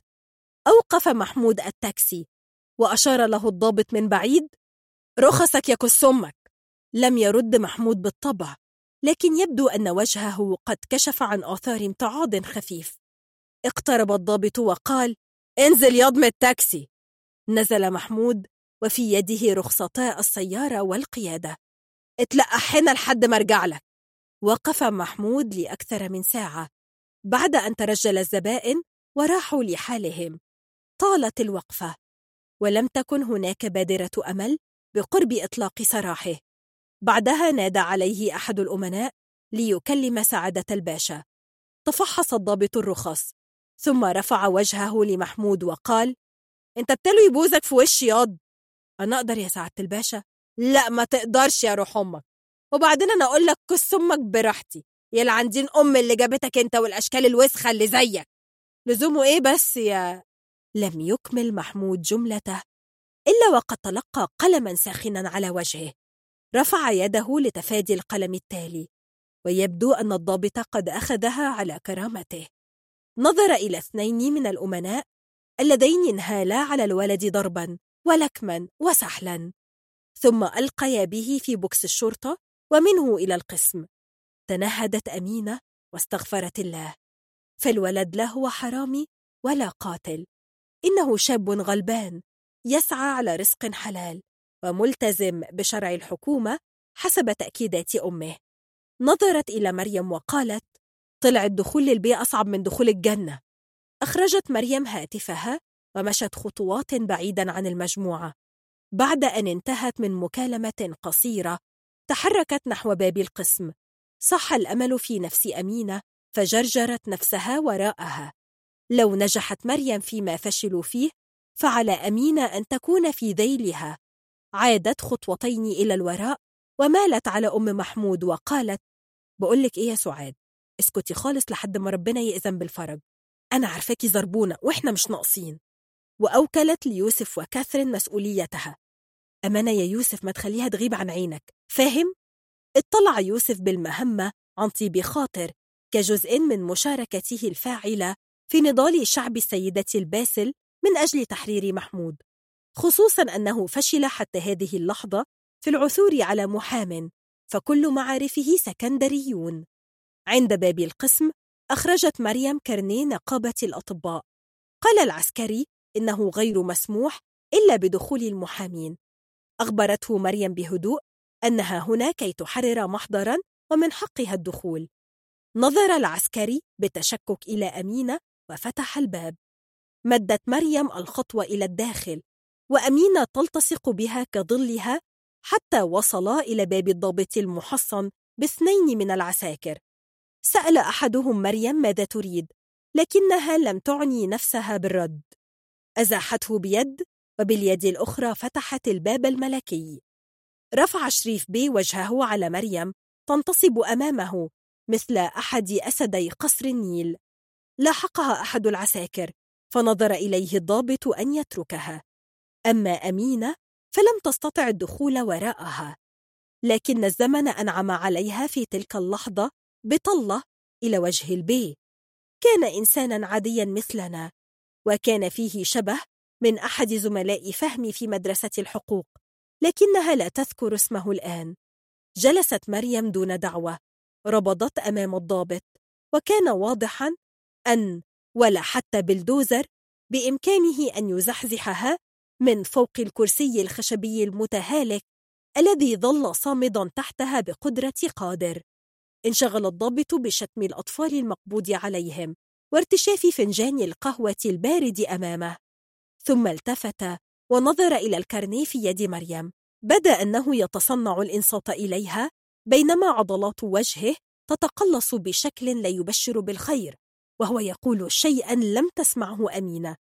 اشتد الألم أسفل ظهرها فاستندت إلى الحائط. ولم تلبث أن انتفضت على شخطة عالية خرمت أذنها. التفتت لتجد الضابط قد فط من وراء مكتبه تاركا مريم والأطفال وراءه وخرج إلى الطرقة وهو يجعر. لم تكن أمينة متأكدة إلى من يوجه ماسورة السباب التي احتوت تشكيلة معتبرة من الشتائم تطول الدين والآباء والأمهات لكنها رأت مريم تهب واقفة وتنطلق وراءه وقد انتفخ صدرها واحمر وجهها وجحظت عيناها فبدت كالوحش الكاسر. من حقي أعرف المحضر اتكتب ولا لأ حتى لو مش من أهله وأهله مرميين على الباب بره لو عايز تتكلم معاهم. وقع قلب أمينة في قدميها. ربنا يستر أنت العليم يا رب. جرجرت نفسها كي تلحق بمريم. بينما سرعة المشهد تتضاعف إلى الدرجة التي أصبح من الصعب عليها أن تتبين ما يحدث بدقة. كان الضابط يمد الخطوة بغضب نحو باب القسم ومريم تلاحقه وتجأر. في الخارج انفلتت أم محمود من حصار يوسف وكاثرين عندما رأته. ألصقت وجهها في قضبان الباب الحديدية وانفجرت كطلقات مدفع ألماني. ابني فين يا سعادة البي؟ وديته الواد فين؟ وقف الضابط قبل الباب بخطوات وأشار نحو الولية دي اللي عاملة دوشة؟ أن تغور الآن من هنا. تعلقت أم محمود بالقضبان كأن عفريتا قد لبسها. استطال جسدها واخشن صوتها. آه ما هي الأحبة تلهيك وتجيب اللي فيها فيك؟ بقت الحكاية دلوقتي الولية اللي عاملة دوشة مش اللي أنتوا بتعملوه في ولاد الناس؟ أنا مش ناسية المرة اللي فاتت يا سعادة البيه. تكتل العساكر عليها وجرجروها بعيدا عن الباب. ضربت السخونة رأس أمينة فتشوشت رؤيتها. الألم يعصر ظهرها وركبتاها تغذلانها وترفضان الصمود. بدا لها كأن كل ما حولها السور وأنوار المسجد القريبة ووجه مريم الغاضب وصراخ سعاد يغطس فجأة. في كتلة من الضباب الكثيف. أربعون. بيت السيدة زينب 2 ديسمبر سنة 2010 الساعة 11 وربع بالليل. رؤوف رؤوف كمال أحمد عبد الجواد. أنا جسمي مدشدش ودماغي زي اللي اتهرست تحت وبور زلط. ما دقتش طعم النوم بقالي يومين. نفسي أرقد على الكنبة وأنام كتير. ومحدش يصحيني. كاتي ومريم دخلوا يناموا. كاتي كان بقالها يومين صاحية. طلعت على المدرسة دغري بعد ليلة امبارح الغبرة. ومريم ربنا يستر عليها. والله ما أنا فاهمة إيه اللي نزلها من البيت لوحدها. كويس إنهم ناموا عشان محدش يسألني. مالك؟ اهدي كده يا أمينة. دماغي عمالة بتكر مع نفسها في اللي حصل. على ستة الصبح كان يوسف وكاتي مشوا عشان يلحقوا أتوبيس المدرسة. لما الساعة جت تسعة كنا متكومين على الرصيف زي اللي خارجين مضروبين في خناقة. جسمي كان واجعني بس كنت فقت شوية بعد ما أم حنان شربتني عصير. برفع وشي ناحية الشارع شفت راجل جاي علينا من بعيد والشمس في ظهره. أنا انتفضت من مكاني. بسم الله الرحمن الرحيم. زي ما كنت شفت أحمد عبد الجواد. قلت لنفسي عبد الجواد إيه يا أمينة في الغلب ده؟ أنت تعبانة من البهدلة وقلة النوم وبتهلوسي. الخضة زي ما جت بسرعة راحت بسرعة. وقف يسلم على مريم واتكلموا على جنب شوية. كان معاه راجل تخين فهمت إنه المحامي. بعدها دخل البيه صاحب مريم من باب الاسم. أيوة كان بيه. هيئته. البدلة الرمادي والقميص الأبيض والنضارة الذهبي الرفيعة أنا ومريم مشينا وراهم بخطوة. وشفته هو بيدخل على المأمور عدل زي ما يكون البيت بيته. لقيت الظابط شريف بيه اللي شتمنا ومرمط بكرامتنا الأرض واقف خطوة ورا المأمور بيبص على البيت بتاعنا بأدب من بتاع زمان. بقى هو الموضوع كده. حسيت بالغيظ والغل بس قلت لنفسي مش وقت فلسفة يا أمينة المهم تفرك في وش محمود وأمه. وكله كوم والمحامي كوم تاني. أعوذ بالله قلبي اتقبض لما شفته رغم إني معرفوش. يمكن ريحه فكرني بالهلباوي. الله يرحمه كانت سيرته زفرة. كان لما واحد يتخانق مع التاني يقول له والله لا أقتلك وأجيب الهلباوي. أصله كان قادر لسان وحجة وبلاغة يعمل اللي على مزاجه لو قاتل يطلعه براءة ولو بريء ممكن يقصف عمره زي ما شنق فلاحين دون شوي الغلابة منه لله. وإيه بس اللي جاب الراجل ده للهلباوي؟ قطع وقطعة سيرته. والله ما أنا عارفة بقى أهي الفكرة اللي جت في دماغي. البي والمحامي خرجوا من هنا واتكلموا مع مريم كلمتين ومشوا. مريم قالت لنا يلا على البيت يا جماعة إحنا هنروح. محمود هيتعرض على النيابة النهاردة وهيخرج بكفالة. وإحنا مروحين ميلت عليا وقالت إن المأمور قال لرؤوف لو تعرف الناس دي يبقى قول للولد يلم نفسه ويحفظ أدبه. قال إيه؟ الناس بقت بتطول علينا وهبة الشرطة هي هبة الدولة زي ما أنت عارف يا رؤوف بيه. وقعدت تبرطم وتسب وتلعن في البلد واللي جابوها. لما وصلنا البيت قبل أذان الظهر كنت هقع من طولي من كتر التعب. لكن مش عارفة إيه اللي خلاني أروح لمريم أسألها مين الراجل ده؟ ابتسمت ابتسامتها دي اللي مش بفهمها قوي وقالت إنها كانت بتحبه زمان. هو رجل أعمال واصل زي ما انت شفتي كده يا أمينة له علاقات بكبارات البلد ملوش في السياسة بس أصحابه وزراء ورجال الأعمال اللي بيشتغل عندهم الوزراء. قالت لي إنها بتتكسف من نفسها لما تفتكر إنها حبت راجل عكسها في كل حاجة بس اللي حصل حصل وسابوا بعض من سنين. ومن ساعتها ما تكلموش امبارح لما جت الاسم وشافت إننا مش عارفين حتى ندخل لقت نفسها بتكلمه وطلبت منه يبعت لنا محامي. قالت لي إنها ما تصورتش إنه هيجي بنفسه ولا كانت تتصور أصلا إنها تطلب منه خدمة. أنا سكت شوية. قبل ما أفكر هقول إيه لقيت الكلام طلع على لساني. هو اسمه إيه يا مريم؟ رؤوف. أيوة. رؤوف إيه؟ رؤوف جواد. قلت لها. رؤوف كمال عبد الجواد؟ بصت لي زي اللي بتقول لي إيه اللي بتقوليه ده يا أمينة؟ قلت لها تاني بهدوء كأني بفهمها اسمه رؤوف كمال أحمد عبد الجواد. مريم فضلت بصالي وأنا بصلها وإحنا مش لاقيين حاجة نقولها. والله ما أنا عارفة اليوم ده عدى عليا إزاي لا عرفت أكل لقمة ولا عيني غفلت. دخلت المطبخ ونزلت كل اللي في الدواليب وقعدت أنظف البرطمانات وأطلع الحلل النظيفة وأدعكها بالسلك الألمونيا. لما مريم وكاتي ناموا اترميت على الكنبة وأنا مش قادرة أخد نفسي. راسي كانت تقيلة وسخنة. قمت جبت الكراس عشان أكتب. يمكن الكرب يزول. بسأل نفسي ليه مش فرحانة يا أمينة؟ ده كان غاية المراد إنك تلاقي مدافن العيلة. مش حد من العيال بشحمه ولحمه. ده أنتي أول ما وصلتي في مايو اللي فات كنتي بتتلفتي حواليكي كأنك هتقابلي حد منهم. كنت فاكرة إن لو ده حصل الدنيا هتبقى مش سايعاني من الفرحة. مالي بقى حاسة كأني زي الفرخة الدايخة. سبحان الله. ده أنا شفت ابن كمال. وبعدين يا أمينة هتعملي إيه؟ هتروحي تقولي له مثلا بص بقى يا رؤوف يا ابني أنا جدتك اللي سنة 1919 وقت ما الإنجليز نفوا سعد باشا كان عندي 40 سنة يعني النهاردة بحساب السنين اللي تعرفوها أبقى داخلة على 130 ولما يقول لي ده انت شكلك قد يا نينا ولا يسألني كنت فين ال 66 سنة اللي فاتوا؟ ضحكت. همي بكي وهمي يضحك صحيح. الساعة واحدة ونص الصبح. قمت عملت كوباية نعناع أخضر فتحت الشباك أخد نفس هوا ورجعت للكراس. أنا هديت شوية وفكرت ومش لاقية السبب لقبضة قلبي. بالعكس ده أنا شفت ابن كمال. يعني كمال اتجوز. أخيرا أخيرا إزاي يا أمينة؟ ده اتجوز من أكتر من ستين سنة. طب كمال لسه عايش؟ عايش إزاي؟ ده يبقى عدى المية سنة. مش عارفة إيه اللي فكرني باليوم الهباب اللي قريت فيه الحكاية. يومها كنت بسأل هو أنا الست اللي في الرواية ولا أنا أمينة؟ أصل في حاجات كتير ما اتقالتش. طب اللي ما اتكتبش يبقى ما حصلش. وصوت جوايا يرد عليا ويقول لي هو في كاتب في الدنيا يقدر يحط حياة بني آدم في كتاب؟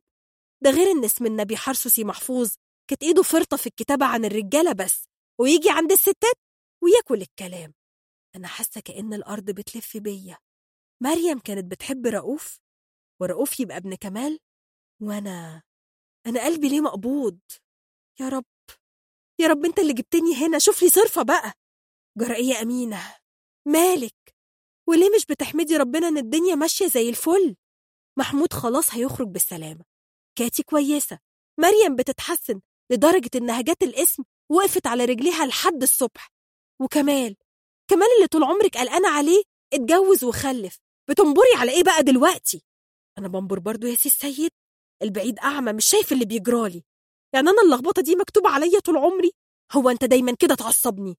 خلاص يا أمينة هخرس. ما أنت أصلك كبرتي وبقيتي تسافري لوحدك في نصاص الليالي طبعا مش عايشة سنين من غير راجل. شكلك نسيتي نفسك يا أمينة. جاتك إيه يا سي السيد؟ ضحكتني. أنت مستكتر عليا أعيش صلبطولي. امال كنت أجيب عليك راجل تاني؟ ما عرفتيش يا أمينة؟ أصلك كنت في حتة ما فيهاش رجالة. لو كان اخص عليك راجل ناقص الحق عليا إني بتكلم معاك. كفاية عليك كده النهارده. أنا هقوم أدخل السرير. يمكن أقدر أسكت دماغي وأنام. واحد وأربعون. صحت كاثرين على صوت الشيخ عبد الجبار وهو يصرخ في ميكروفون الجامع مذكرا الناس أن الصلاة خير من النوم. الصلاة خير من النوم. جزت على أسنانها. إنها الرابعة إلا الربع فجرا. وما هذا إلا الإنذار الأول قبل إنذار آخر يتلوهما الأذان.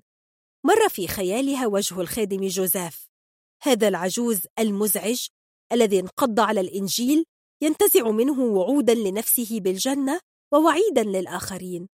كان هو المسؤول الأوحد عن جلسات التعذيب المعروفة بموعظة الأحد والتي كانت بديلا عن ذهابها هي وهثكليف إلى الكنيسة. يجلسان على أقوام القش في سندرة البيت يرتجفان من البرد ويستمعان إلى جوزيف يزأر كالأسد الحبيس وهو يتوعد الضالين بالجحيم أو يزعق فيهما بلكنة يوركشاير العتيدة التي تقدم الكلمات وعروق رقبته تنبض بشكل مضحك. إن السيد قد دفن للتو ويوم السباث لم ينتهي بعد والإنجيل لا يزال صوته في آذانكم بينما أنتم تلهون هكذا. اخص عليكم. اجلسوا أيها الأطفال الملاعين. اقرأوا كتابا جيدا وفكروا في أرواحكم. عليك اللعنة. أنت يا جوزيف. لا أزال أذكر حاجبيك المرفوعين دوما كعلامتي استفهام وعينيك الصغيرتين وهما تحدجان في بغضب. رفع عبد الجبار من صوته بالأذان وعلى نباح جوقة الكلاب في الحارة استعدادا لليوم الجديد. حلمت كاثرين هذه الليلة بهثكليف إنها المرة الأولى التي تحلم به منذ مايو الماضي. كاثرين في الساعات الأخيرة قبل موتها. هاثكليف يقبض على ذراعيها ويعوي في وجهها. الأسوة بتعلمها منك. الأسوة والزيف. دق الموبايل برسالة من يوسف. قامت من السرير وفتحت النافذة. فتدفق هواء ديسمبر ورائحة أشجار المسك إلى الغرفة. فتحت الرسالة. كتبت النهاردة مشهد في المسرحية. مش مصدق نفسي يا كاثي. أنا كتبت مشهد في المسرحية وذيل يوسف الرسالة بصورة الوجه المذهول التي تضحكها لكنها لم تبتسم متى ستخبرين يوسف من أنت؟ سكتت يتعطل دماغها عن العمل كلما عاد إليها هذا السؤال ألن تخبريه؟ دارت في أرجاء الغرفة وهي تشعر بالغضب لماذا يعود إليها هذا الحلم الآن؟ هذا الاختناق وانغلاق صدرها والألم الذي تحسه في لحمها كأنه يذوب في نيران الجحيم. اهدئي يا كاثي تذكري أنك هنا في غرفتك في هذا البيت الصغير. أمينة ومريم تنامان في الغرفة المجاورة. بل إن أمينة الآن قد صحت بالتأكيد من أجل صلاة الفجر. تذكري أنك بعد ساعات ستكونين في المدرسة. وأن مسرحية العاصفة سوف تعرض اليوم على مسرح المدرسة وسوف القسوة والزيف. لا يزال صوت هيثكليف المتحشرج الباكي يتردد في أركان الغرفة. كان قد تسلل إلى غرفتها في بيت لانتون. إنه اللقاء الأخير بينهما. رفعت يدها بصعوبة تلمس وجنته وشعرت بحرارة أنفاسه تلسع وجهها. كان يعوي كذئب جريح. لكرهتيني يا كاتي لخنتي قلبك. ما عنديش ولا كلمة تريحك. تستاهلي اللي انت فيه. أنت اللي قتلتي نفسك. أيوة بوسيني وعيطي. وطلعي من قلبك الحب والدموع عشان هما اللي هيعذبوكي. هما اللي هيكونوا لعنتك. كنت بتحبيني؟ طب بأي حق سبتيني؟ بأي حق؟ جاوبيني. عشان الانجذاب الساذج للينتون؟ عشان البؤس والمهانة اللي كنت هتشوفيهم معايا؟ عشان ما كانش فيه حاجة ممكن تفرقنا؟ لا ربنا ولا الشيطان نفسه؟ قمتي انتي انتي بنفسك عملتيها؟ أنا يا كاتي ما كسرتش قلبك انتي اللي كسرتيه انتي كسرتي قلبي معاه يا خسارة إن أنا قوي هو أنا عايش ليه؟ وهعيش إزاي لما أنتي آه يا رب هو في حد يقدر يعيش وروحه في القبر؟ أخرجت كاثرين رأسها من شباك غرفتها المطل على الحارة وملأت صدرها من الهواء البارد. التقطت الموبايل وأسرعت خارج الغرفة. فتحت رسالة يوسف وأعادت قراءتها. لقد بدأ في كتابة المسرحية. تسارعت دقات قلبها وشعرت في صدرها بموجات حماس صغيرة. المسرحية لم تقل ليوسف إنها في الأسبوع الماضي بدأت تخط ملحوظات على الورق. كانت تفكر في الشخصية في ملامحها وتجاعيد وجهها ونظرة عينيها وهي تجلس في شرفتها تنظر إلى السماء. كتبت عن تصورها للذكريات التي تمر برأسها والأماكن التي تذهب إليها في أحلامها. لقد حكى لها يوسف عن أمه كثيرا. لكن الأمر ليس سهلا. صعب أني أغفر. عاد صوت هيثكليف يتردد في رأسها. هذا الوغد. لماذا يأتيني الآن؟ في الحلم كانت تموت بين يديه. صدرها ينغلق. الروح تنازع كي تتحرر منها وهو يشدها. يدخلها إلى حضنه ويعصر جسدها بين ذراعيه. خرجت منها الكلمات بصعوبة وهي تبكي. سيبني سيبني بقى. لو أنا غلطت فأنا بدفع حياتي تمن الغلطة. كفاية. أنت كمان سبتني لكن أنا مش هلومك أنا مسامحاك. مسامحاك. فجأة انخفض صوته. لم يعد يعوي. صار يئن. صعب إني أغفر وأنا ببص للعيون دي وأحس بالإيدين اللي بتموت بين إيديا. بوسيني تاني بس بلاش أشوف عينيكي. أنا مسامح اللي عملتيه فيا. أنا بحب اللي قتلني لكن اللي قتلك أنتي أسامحه إزاي؟ دخلت كاثرين إلى المطبخ لتأتي بزجاجة مياه وتعد قهوتها هيثكليف هل لا تزال السرنتات يمارسن الألاعيب الماكرة فيجذبنها إلى جحيم الأحلام؟ ضحكت إنها لم تر أي سرنت في حياتها ربما هن لسن إلا نسج خيال الإغريق المغرمين بالحكايات في أيامها الأولى في بيت السيرينات دخلت إلى المكتبة وأخرجت موسوعة الأساطير. يقول أوفيد إن السيرينات هن رفيقات بريسيفون التي غفلنا عنها فاختطفها رب الجحيم هاديس. استشاطت أمها ديميتر غضبا وعاقبتهن على الإهمال في حماية ابنتها بأن حولتهن إلى طيور. أصبحن أشباحا. يحترفن اختطاف البشر كي يتذوقوا نفس المصير وهن أيضا يصحبن الموت في رحلتهن إلى حيث تعيش الأرواح. لم تصدق كاثرين هذا الكلام إلا في يوم مشمس كانت تروم فيه التلال مع حصانها وسمعت صوتا ناعما ممطوطا يناديها كاتي تعالي إلي عودي مرة أخرى. لكزت براون فجرى في اتجاه الصوت. حتى وصل إلى البحيرة في قلب الغابة. لم تعثر يومها إلا على ظلها الذي عاد معها إلى البيت مطأطئ الرأس. اسمعي يا كاثرين في بيت سارنت كان لديك نسيج الوقت الممل الممتد حولك بلا نهاية كي تطرزيه بخيوط الأوهام الملونة. صدقت أن السرنتات هن من ينادينك أن تعودي إلى هيثكليف.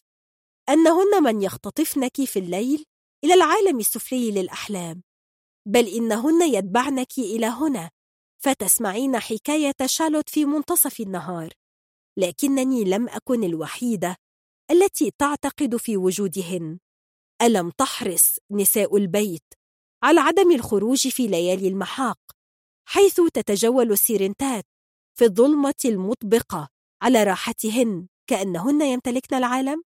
ألم يحرصن على غلق كل الأبواب والنوافذ حتى لا يتسرب منها صوت الأغنيات؟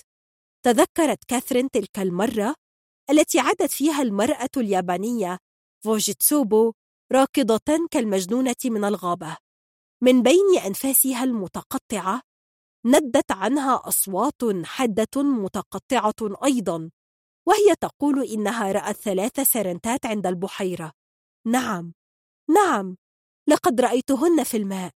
كن عاريات. يضحكن ويرقصن ويقفزن فوق السطح في دوائر مثل سمك فضي كبير. وأنا تسمرت في مكاني يا كاثرين. كأن الأرض أصبحت صمغا سائلا تحت قدمي. لم أستطع رفع عيني عنهن. جسدي. لم أفهم ما كان يحدث في جسدي. شعرت برعشة غريبة. كأنني أذوب وأتحول أنا أيضا إلى صمغ سائل. تملكتني الرغبة أن أخلع ملابسي وأقذف بنفسي في الماء وأصبح جزءا من التيار. لكن الرعب الرعب هو ما جعلني أفلت من الصمغ بمعجزة ولم أشعر بساقي اللتين انطلقتا تسابقان الريح إلى هنا. ضحكت كاثرين وهي تغسل فنجان القهوة وتجففه. كانت تضحك على وجه فوجيتسوبو الذي هربت منه الدماء.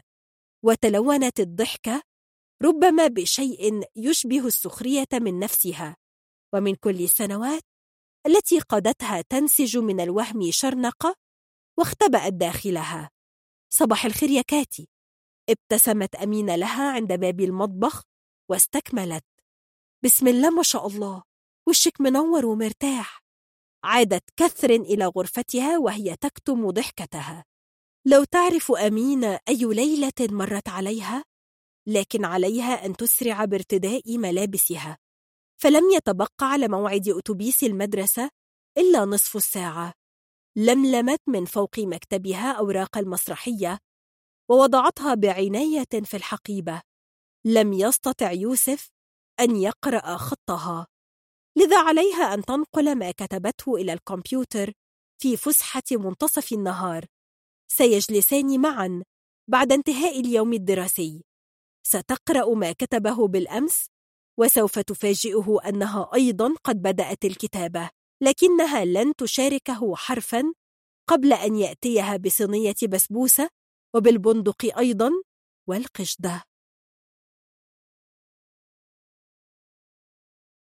اثنان وأربعون. هل أنت فعلا في الطريق لمقابلة رؤوف؟ مريم لا تصدق نفسها. لقد ضربت رقم التليفون كأنها مريم أخرى. مريم لم تسأل نفسها عن مشاعرها في تلك اللحظة. وما إذا كان بركان الغضب والمرارة لا يزال يفور داخلها. ضربت الرقم وعندما سمعت ألو ردت بصوت حاولت أن تجعله محايدا. أنا كنت عايزة أشكرك يا رؤوف بخصوص موضوع محمود. أكيد عز الدين المحامي بلغك إنه خرج بكفالة والمحضر اتحفظ. جاء صوته ودودا. أنا ما عملتش حاجة. عموما أنا سعيد إني شفتك رغم أن المناسبة ما كانتش سعيدة. مرت وهلة صمت قصيرة ربما ثوان. لكنها بدت لمريم طويلة جدا. خافت ألا تنفذ ما عزمت عليه. سوف تخبره أنها تريد مقابلته. فعلا؟ لقد طق في دماغها فجأة أنها تريد أن تقابل رؤوف. ستجلس معه بمحض إرادتها وهي التي كانت على يقين أنها لو قابلته صدفة في أي مكان لا. ينفع عزمك على فنجان قهوة؟ قالتها أخيرا وشعرت بعدها أن مجرى صغيرا للهواء قد انفتح في صدرها. الغريب أنه هو من بدا عليه الارتباك. فضح صوته نبرة توتر خفيفة. مسكين. لابد أنه توقع دشا من البهدلة والتهزيء كعادتها معه في سنين العلاقة الأخيرة. تذكرت تلك المرة حين جن جنونها فظلت تصرخ فيه كفاية كفاية رؤوف أنا بكرهك. بعدها توقفت عن الاتصال به. ولم يحاول أن يعيد المياه لمجاريها كالمرات السابقة. لا شك أنه قال بركة يا جامع. وكسر وراءها زيرا محترما. في السادسة بعد الظهر من مساء الخامس والعشرين من ديسمبر نزلت مريم من التاكسي عند كورنيش الزمالك. رأت سيارته المرسيدس موديل 2011 تقف أمام البوابة. كان سوادها يضوي تحت شمس ما قبل الغروب. تعتقد مريم أنه يحب المرسيدس أكثر من أبنائه. ليست هذه السيارة تحديداً ولكن الموديل الأحدث الذي يشتريه قبل أي أحد آخر. مشت الكبري الحديدي المؤدي إلى المركب وفي أثناء صعودها إلى المطعم في الدور الثاني شعرت بالتوتر يتسحب ببطء إلى رقبتها. دخلت إلى المطعم. ورأته في الركن الأيسر الملاصق للنيل. جلس مرتاحا كأنه في حديقة بيته. كان يرتدي بلوفر سماوي اللون من المهير الناعم أبرز لون بشرته النحاسي وعضلات جسده المشدود التي لا تفصح عن بضع سنوات بعد الستين. جلست وهي تداري صوت تنفسها إثر الخطوات المعدودة التي مشتها. كان الألم قد تمكن من رقبتها. أهلا يا مريم. نظرت إليه. وأدركت أنها لا تزال تشعر بانجذاب نحو هذا الرجل. معقول؟ أبعد كل ما كان. لقد قفشت مريم جسدها. ينتبه لرائحة عطره وانسياب أصابع يديه. أحست كأن جسدها يمتلك عقلا مستقلا عنها. ولديه رأي لا يحظى بالضرورة برضاها فحاولت أن تستحضر قناع الأطباء إيه أخبار الشغل؟ المستشفى؟ العيادة؟ قالت إنها أغلقت العيادة وتركت المستشفى وليس لديها أدنى فكرة إن كانت ستعود للطب معقول؟ ليه؟ معرفش يعني بطلت شغل؟ ده كان كل حياتك يا مريم قالت يمكن هي دي المشكلة إني معرفتش أعمل حياة واستغربت البساطة التي خرجت بها الجملة. صمتت. وكان الصمت يا للغرابة مريحا. أحست أن لا شيء يجبرها على أن تتكلم على الرغم من أنها هي التي طلبت اللقاء. ولا شك أن رؤوف يتوقع أن تخبره شيئا. رشفت القهوة ولم تكن بنفس قوة قهوة أمينة التي يبدأ مفعولها مع الرائحة. تسلل إلى شفتيها ظل ابتسامة. بعد فترة من الصمت قالت أنا عايزة أشكرك. إنك رفضت إننا نخلف. يعني نتجوز ونخلف. نظر إليها ولم ينطق. كان حدسه صادقا. فها هي مريم؟ تعود إلى توبيخه. لماذا كنت تظن يا رؤوف أن الزمن كفيل بعلاج الجراح؟ مريم تعرف جيدا أنه لم يكذب عليها أو يمنح وعودا فارغة. كان واضحا من أول لحظة. فاستقرار بيته وراحة ابنه وابنته هما الأساس. لكنه أحب مريم. وإلا ما احتمل عصبيتها ونوبات اكتئابها الطويلة. ولا صبر على إلحاحها وحصارها له. لا ينكر أن في أوقات زياح غمة الاكتئاب كانت تصبح مريم أخرى. امرأة خفيفة الظل وذكية. لا يمل من الكلام معها ولا من سماع حكاياتها. في مريم شيء ناعم سر ربما. لكنه فشل في الإمساك به كما فشل في احتوائها. هو أنت ليه عمرك ما قلت لي إنك حفيد أحمد عبد الجواد؟ انتبه على سؤالها ونظر إليها باستغراب. ما علاقة جده بموال التوبيخ الذي أحضرته خصيصا لسماعه؟ حاول مداراة ضيقه في إيه يا مريم؟ علاقة جدي بإنك سعيدة إن ابن الكلب اللي هو أنا رفض يتجوزك لم ترد استكمل أنا المفروض أعمل إيه؟ أجيب منادي يلف البلد ويقول إن أنا حفيد أحمد عبد الجواد اللي هو شخصية في رواية كتبها واحد من أصحاب أبويا من أيام الجمالية العالم مثلا منتظر المعلومة الخطيرة دي وليه بتسألي؟ اكتشفت الموضوع بالصدفة واتضح لي إني عاشرتك 8 سنين وما عرفتكش. ما تعرفينيش إزاي يا مريم؟ أنت بتتكلمي على جدي اللي عمري ما شفته مش أنا. سكتت مريم. كانت تحاول الإمساك بخيوط أفكارها المتشابكة. قالت تعرف يا رؤوف إني طلبت قبلك وأنا مش عارفة هقولك إيه؟ يمكن كنت فاكرة إني هقول الكلام اللي أنت عارفه واللي عمره الحقيقة ما أثر فيك خالص. هقولك إن أنت أناني. كنت تجوزني يا أخي. أخلف عيل وأطلقك ومش عايزة من وشك حاجة. لكن دلوقتي عايزة أقولك إن إحنا عشنا مع بعض سنين. وأنا عمري ما قلتلك عن نفسي حاجة حقيقية. هل عمري حكيت لك عن ناهد؟ لم تكن مريم بحاجة لأن تحكي له شيئا. كان واضحا أن العلاقة مصدر توتر دائم وأنهما قطعته. لا أنا قصدي حاجة حقيقية. هل قلت لك إني بكرهها؟ إني فضلت أكرهها حتى بعد ما تخصصت طب نفسي وفهمت إنها مريضة؟ يعرف الأطباء أن السيكوباتية هي من أصعب الأمراض النفسية لأن ليس لها علاج حتى الآن عدد لا بأس به من السفاحين سيكوباتيون إنهم يقتلون دون إحساس بالذنب أو أي تصور عن ألم الآخرين بل على العكس فهم يشعرون بمتعة وهم يعذبون الضحايا قبل القتل لديهم خلل في المخ يجعل الجزء المسؤول عن حسابات المكسب والخسارة أضعاف حجمه عند الناس الطبيعيين. أما الجزء المسؤول عن المشاعر والضمير والإحساس بالآخر فهو ضامر. يبدون بشرا لكنهم فصيل مختلف. في أحد الأبحاث سألوا سجينا سيكوباتيا بعد إطلاق سراحه. لو أنك متأكد أنك لن تسجن فهل ستقتل مرة أخرى؟ رد بكل ثقة. طبعا. أمي فصيل سيكوباتي بيقتل بسم بطيء مش متشاف غير للضحية. سكتت مريم وصدرها يعلو ويهبط. كأنها قد جرت أميالا. تلك هي المرة الأولى التي تدرك فيها أنها لم تقل لرؤوف شيئا عن ناهد وبالطبع لم تحكي قط عن ناجي ولا عن غيبوبة المشاعر التي دخلت فيها وظلت هناك حتى أثناء سنين علاقتها برؤوف. شيء مؤلم إنك تشوف إن كل حياتك ضاعت في لا شيء إن عمرك قضيته بتعاقب نفسك يمكن لأن العقاب أسهل من إنك تعيش. عاقبي نفسك يا مريم. عيشي في مستنقع مقرف مسموم بالغضب والكره. عيشي جثة بتتحلل كل يوم. شيء صعب. نظر رؤوف إليها ولم يجد شيئا يقوله. مريم ارتسمت ابتسامة شاحبة على شفتيها.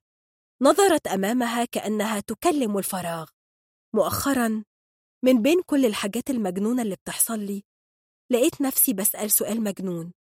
هو ينفع الواحد يمسح الشريط ويسجل عليه حاجة تانية؟ سمع صوت أمي في دماغي. بطلي تمثيل بقى. لكن صوت تاني بيقول لي مش لازم تمسحي اللي فات لكن ابدأي عيشي. أنا بس مش متأكدة يعني إيه أبدأ أعيش.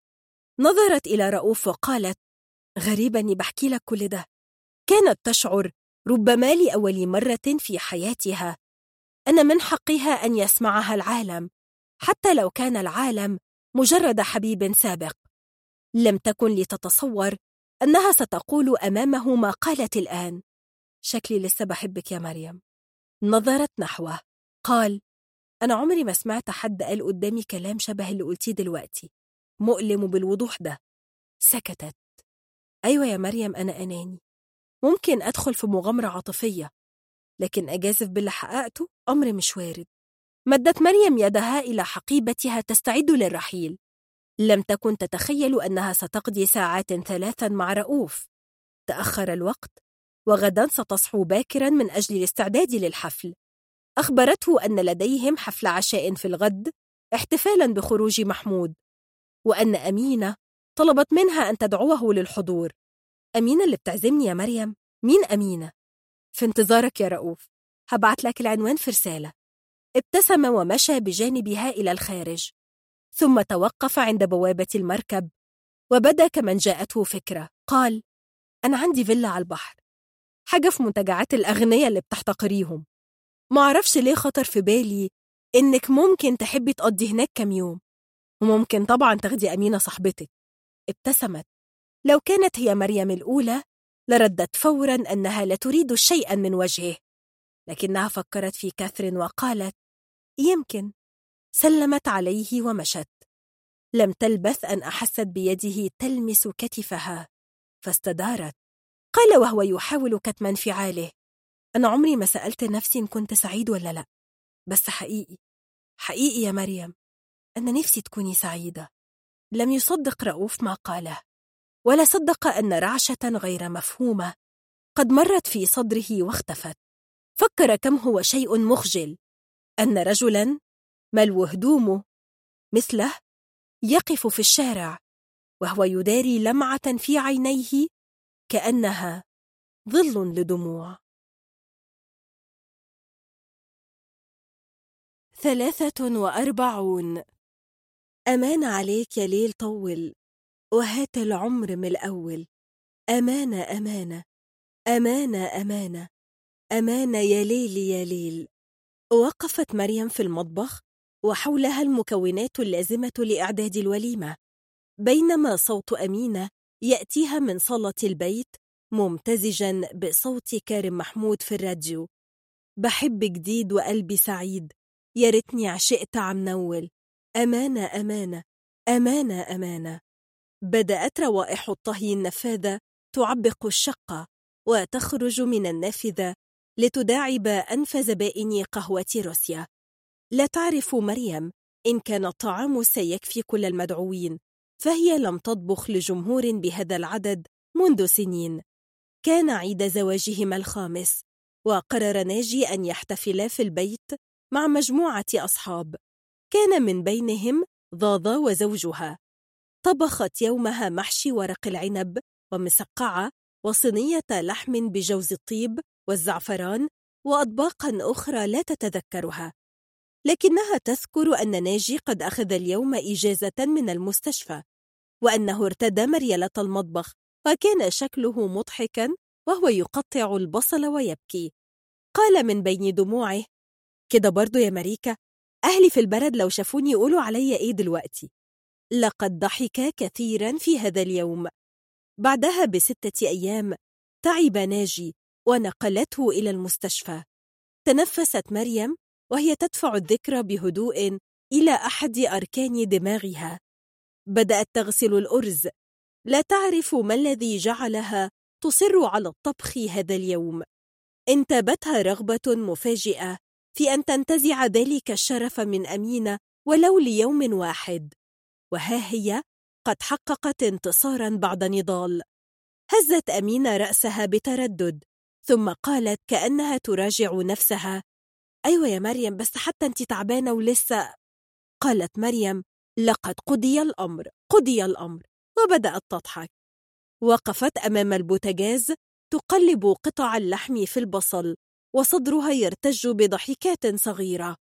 كان جزء من عقلها يتفرج عليها مستغربا. بتضحكي على إيه يا مريم؟ مش عارفة بس لما بسمع ضحكي بضحك أكتر. دخلت كاثرين إلى المطبخ وابتسمت وقالت مم الريحة حلوة قوي أخرجت زجاجة مياه من الثلاجة وأضافت فكرتيني بوقفة أمينة في مطبخ بيت السرنت ما كانتش بتحب حد يشتغل معاها إلا عزيزة أحيانا. وخرجت مسرعة لترد على هاتفها. بيت السرنت أضافت مريم الفلفل الأسود الخشن وجوز الطيب إلى اللحم وبدأت في تحضير البشاميل لصواني المكرونة.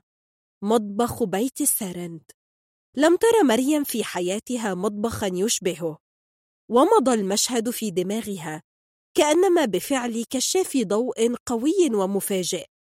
كانت قد نزلت إلى المطبخ لتأتي ببعض ثمرات التفاح التي يمتلئ بها صحن خشبي كبير بجانب النافذة. ترددت في البيت نغمات هارب لكن مريم لم ترى الهارب ولا صاحبته. وقفت عند باب المطبخ وغطت عينيها من النور. كانت الجدران جميعها من الزجاج لدرجة أن مريم أخذت بعض الوقت كي تتبين أين تنتهي حدود المطبخ وأين تبدأ الحديقة؟ كيف لم تتذكر مريم هذا المشهد من قبل؟ على الحافة العريضة للنوافذ تراصت أسس ريحان ونعناع وإكليل الجبل ونباتات أخرى لم تتعرف مريم عليها. ثم انسحب نور الشمس فجأة مع ظهور سحب ثقيلة في السماء. وسرعان ما بدأ المطر. لم تتبقى إلا بقع نور خفيفة فوق الأرض الرخامية والمائدة الكبيرة من خشب الأرو التي تتوسط المطبخ. اقتربت مريم من كومة الأوراق فوق المائدة. كان الخط رفيعا مائلا ومن الصعب قراءته. عندما لا أرى الكلمات تتلوى كحلقات الدخان من حولي أجد نفسي في ظلام مطبق. أتلاشى. بجانب الورق رأت طبقا صغيرا من الخزف الملون. كان ممتلئا حتى الحافة برماد وأعقاب سجائر. هل كانت فيرجينيا والف تكتب هنا؟ رفعت مريم رأسها فرأت غزالة تنتهي من صعود التل وتقف للحظة ثم تتلفت حولها. تلك هي المرة الأولى التي ترى فيها مريم غزالا خارج حديقة الحيوان حيث كان يصحبها أبوها وهي طفلة. تأملتها من خلف الزجاج وهي تسير كأنها تلمس الأرض برفق وكان في ذيلها طفلاها تحت الشجرة العملاقة. بدأت الغزالتان الصغيرتان في الدوران حول بعضهما بعضا وحول الجذع الضخم كأنما تلعبان ووقفت الأم تتفرج. بعد فسحة مناسبة تحركت. وكان هذا إذانا بتوقف فقرة اللعب والعودة للسير بجدية في أثر الأم. أخذت الغزالة منحنى صغيرا واتجهت إلى النافذة التي تقف مريم وراءها. رفعت رأسها تنظر في الداخل كأنما تبحث عن شيء ثم استدارت راحلة وفي ذيلها الطفلان. سمعت مريم صوت أقدام على أرض الطرقة الخشبية المؤدية للمطبخ. دخلت فيرجينيا وولف بوجه شاحب وعينين منتفختين من قلة النوم. جلست إلى المائدة وبدأت في تقليب الورق المبعثر أمامها. ودت مريم لو سألتها عما تكتب لكن فيرجينيا رفعت رأسها نحو مريم كأنها تدرك وجودها للمرة الأولى. وتحاول أن تتذكر أين رأتها. ثم بدا عليها أنها قد تخلت عن عزمها أن تتذكر وانسحبت عيناها إلى الأفق خارج النافذة. خرجت مريم إلى الحديقة. لم تدرك أنها كانت حافية إلا عندما التقى باطن قدميها بالعشب المبلل. كان كثيفا وناعما وبإمكان مريم أن تغوص فيه كأنه السحاب. شعرت بهواء الخريف يلمس جلدها وقطرات المطر تبلل رأسها. بينما بقعة شمس خفيفة تعبر سريعا فوقها وتختفي. الأخبار يا مريم مش عايزة مساعدة؟ أفاقها صوت أمينة. إنها الثانية ظهرا. ويبدو أن أمينة قد نفد صبرها من الجلوس ساعات دون شغلة أو مشغلة. اقعدي يا أمينة عايزة أسألك على حاجة. بدا على وجه أمينة القلق خير أغلقت مريم باب الفرن على صواني المكرونة والتفتت إلى أمينة وقالت في أيام بين القصرين هل عمرك تمنيتي يبقى عندك اختيار؟ ولا أنت كنت دايما مسيرة المصير محتوم؟ خبطت أمينة على صدرها محتوم؟ قصدي هل فكرتي إن في حياة بره البيت الكبير؟ إن في اختيارات تانية؟ سكتت مريم للحظة ثم استكملت كأنها ترد على نفسها. لكن أنت أصلا ما اخترتيش حاجة. كنت طيشة يا أمينة. طيشة؟ يعني كملت عدد. نظرت أمينة إليها وقالت في حاجات ما فيهاش اختيار يا مريم. زي إن ابني ينضرب بالرصاص أو إن عيشة يبقى بختها قليل. بس أنا كنت راضية. رفعت مريم مصفاة الأرز من الحوض وهي تفسر أنها لا تقصد الأشياء القدرية. قصدي تختاري. تختاري مثلا تردي مرة واحدة على سي السيد تواجهيه تقولي له إنك مش سعيدة. ومين قال إني ما كنتش سعيدة.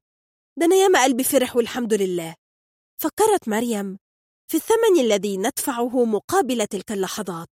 ندفعه مقدما. وفي معظم الأحيان بالتقسيط الممل عبر سنين عمرنا.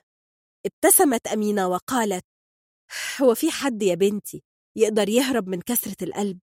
مكتوب وهنعيشه. في اللي بيرضى وفي اللي بيفضل ينبر ويزيط ويتخانق. يعني هو أنا يا مريم اخترت أروح بيت السرن ولا اخترت ولا كنت أحلم حتى إن أنا أرجع هنا تاني؟ بس دايما دايما كان في خير. أشعلت مريم النار تحت الأرز وبدأت تلملم بقايا المعركة منذ عودتها من بيت السرند وهي تفكر في الاختيار. ما الذي اختارته مريم؟ ومتى أصبحت حياتها كلها رد فعل للحظة واحدة. لقد قالت لرؤوف إن عقابها لنفسها كان أسهل من أن تعود إلى الحياة أن تعيش. لكن هل كان المطلوب منها حتى تعيش؟ أن تقول الحمد لله شكرا يا رب على القرف والعذاب وكل الأشياء التي لا أفهمها. أنا أتفهم تماما مقصدك وأعرف وهو أنت لما ما سلمتيش يا مريم؟ انبسطتي؟ رفعت وجهها إلى أمينة في صمت. أنت كده كويسة وعشتك زي الفل؟ أسلم؟ التسليم يعني الرضا باللي ملناش فيه اختيار. وبعدها اختار يا ستي. حد هيقولك لأ. يعني أنا اخترت أكمل. اخترت أعيش. ابتسمت مريم بأسى. طالما عايشين نعيش. صح يا أمينة؟ قالت أمينة وابتسامتها تتسع. اللي يعيش يا ما يشوف واللي يشوف لازم يكبر وإلا يبقى حمار. ثم انتفضت فجأة من كرسيها في اتجاه البوتاجاز. شكلك هتحرقي الرز. ضحكت مريم وهي تهدئ من النار. جرى إيه يا أمينة؟ شوية ثقة بقى. ماشي عايزة كم وقية وقية يا أمينة؟ قهقهت مريم. استكملت أمينة. عايزة قد إيه؟ بتنكتي يا أمينة؟ بقولك إيه أنا عرفت من كاتي إنك عزمتي رؤوف. ابتسمت مريم. مش لازم نشكره على مجهوداته معانا؟ يلا روحي اقعدي مع كاتي وسيبيني أخلص قالت أمينة إن كاثرين تكتب في المسرحية وشكلها منهمك. وإن بإمكانها أن تغسل الصحون و... لكن مريم ربتت على ظهرها برفق وهي تقودها خارج المطبخ. عند الباب قالت أمينة إنها ستذهب لأم محمود لاستكمال الشغل على مشروع الأطعمة وكررت على مريم التحذير الأخير. خلي بالك على تقلية الملوخية ما تحمريش التوم بزيادة. فتك بعافية يا مريم. التوم مش هفكرك بقى. استدارت مريم نحو كومة الحلل والأطباق في الحوض فعاد إليها ما قالته لأمينة. لكن أنت أصلا ما اخترتيش حاجة. كنت طيشة يا أمينة. وماذا عنك يا مريم؟ هل كنت أي شيء إلا طيشة طيلة السنين الماضية؟ فاحت رائحة المكرونة في الفرن فأسرعت إليها. كان لون الصواني قد أصبح وردياً وبقبق البشاميل السميك فوق السطح. أطفأت النار وهي تحس بسعادة غير مفهومة. أربعة وأربعون. بدأ توافد أهل حارة البرنس عزيز على بيت الست أمينة في السابعة مساء. عندما دخل محمود من الباب ترددت زغاريد النساء كما لو كن يستقبلن جنديا عاد بسلامة الله وحفظه من الحرب في بلاد الإنجليز. دخل يوسف وهو يحمل العود فأثار فضول الأطفال الذين تجمعوا حوله يتفحصونه هو والعود. شعرت أمينة أنها في فرح وليس مجرد حفل عشاء. غطت الفرحة على نبضات التوتر التي حاولت إخفاءها عن مريم وكاثرين على مدار اليوم. رؤوف. منذ الأمس وهي تشعر أنها تتطلع للقاء. ترددت عيناها على باب الشقة المفتوح ترقبا لوصوله وعلى شفتيها ابتسامة صغيرة تجيء وتختفي. كأن سحبا تمر فتحجبها للحظات ثم تعود. كان الترقب قد خفف من قبضة القلب التي صاحبتها منذ أن رأته في قسم الشرطة. لقد اشترت فستانا من أجل هذا اليوم كأنها طفلة تستقبل العيد بفرحة ملابس جديدة وحذاء جديد وضفيرة فضية وصلت إلى آخر ظهرها. الأسبوع الماضي نزلت مع كاثرين في جولة في محال شارع قصر النيل. ظلت مترددة طويلا إلى أن وافقت على فستان بسيط التصميم من القطيفة. أبرز لونه الكحلي الغامق جمال وجهها والشامة السوداء على وجنتها. وبدأ الفستان أكثر أناقة بعد أن اختارت له كاثرين شالا بدرجات من الأزرق والفضي. عندما خرجتا من المحل سألتها كاثرين عن إحساسها وهي على وشك أن تقابل حفيدها. سكتت أمينة ثم قالت مش عارفة. قالت كاثرين إنها أيضا لا تعرف ماذا سيكون شعورها لو أنها قابلت حفيدا لها أو كاثرين ابنتها التي لم ترها قط. فلقد تركت العالم وراءها بعد أن ولدت الطفلة بأسابيع. جاءت الوليدة وأمها تدور في دوامات الهذيان لا تهتم بذلك الكائن الصغير الذي يبدو متحمسا لحياة. لم تعد كاثرين ترى فيها إلا بيت المرتفعات البعيد والشمعة الموقدة في حجرتها. تنتظر عودتها وبقعا من العتمة تكبر وتتضخم لتبتلع كل شيء. شعرت أمينة بوخزة ألم في قلبها وتنهدت. أحست أمينة بيد مريم فوق كتفها فانتبهت على وقوفها بلا حراك في وسط الصالة. ابتسمت وهربت بعينيها إلى يوسف الذي سألها أي أغنية لعبد الوهاب تريد أن تسمع؟ قالت إذا كنت تعرف أغنية الجلاس يبقى سمعنا يا سي يوسف. يا جلاس الشوق فضبية وطول يا ما دبت معاك وأنا مش داري. يا مسبب ناري من الأول. دلوقتي بس طفت ناري. عندما هل رؤوف عند باب شقة السيدة زينب دق قلب أمين بعنف. تراجعت أصوات النساء والأطفال داخل البيت. خفت غناء يوسف ودندنة العود. وأحست أمينة أنها تسير ببطء فوق عشب طري وكثيف. وأن الخطوات القليلة التي تفصلها عنه هي زمن طويل. أهلا وسهلا. السيدة زينب نورت. ابتسم رؤوف وانحنى قليلا وهو يسلم على أمينة وعلى مريم. ثم ينظر إلى الشاب الذي وقف وراءه بخطوة يستحثه أن يسرع بإدخال التورتة إلى المطبخ. لقد اعتقدت أمينة للحظة أن هذا هو ابنه لكنها سرعان ما فهمت أنه ربما سائق أو مساعد له. قادته أمينة من مدخل البيت إلى ركن الصالة القريب من الشرفة وهي تشكره على المجيء وعلى الحلوى. أكد رؤوف أن لا شكر على واجب وجلس على المقعد المجاور للكنبة البلدي. سألته أمينة ماذا يشرب. أهوى سادة أكن شاكر يا أمينة هانم. في طريقها إلى المطبخ ابتسمت أمينة. إنها من ستحضر له القهوة بالطبع. ها من غيرها. لطالما تسلل أبوه وهو طفل كي يحصل على رشفات منها من يد أم حنفي. وأمينة كانت تعرف وتتغاضى عن ذلك وتتمنى من قلبها ألا يكتشف سي السيد شيئا عن هذا السر. اتسعت ابتسامتها وهي تصب القهوة في أحد فناجين طاقم الصين الجديد الذي اشترته ضمن تجهيزات بيت السيدة زينب. ورافق الفنجان كوب من الماء البارد بالزهر. عادت بالصينية وهي تتأمل رؤوف بطرف عينها.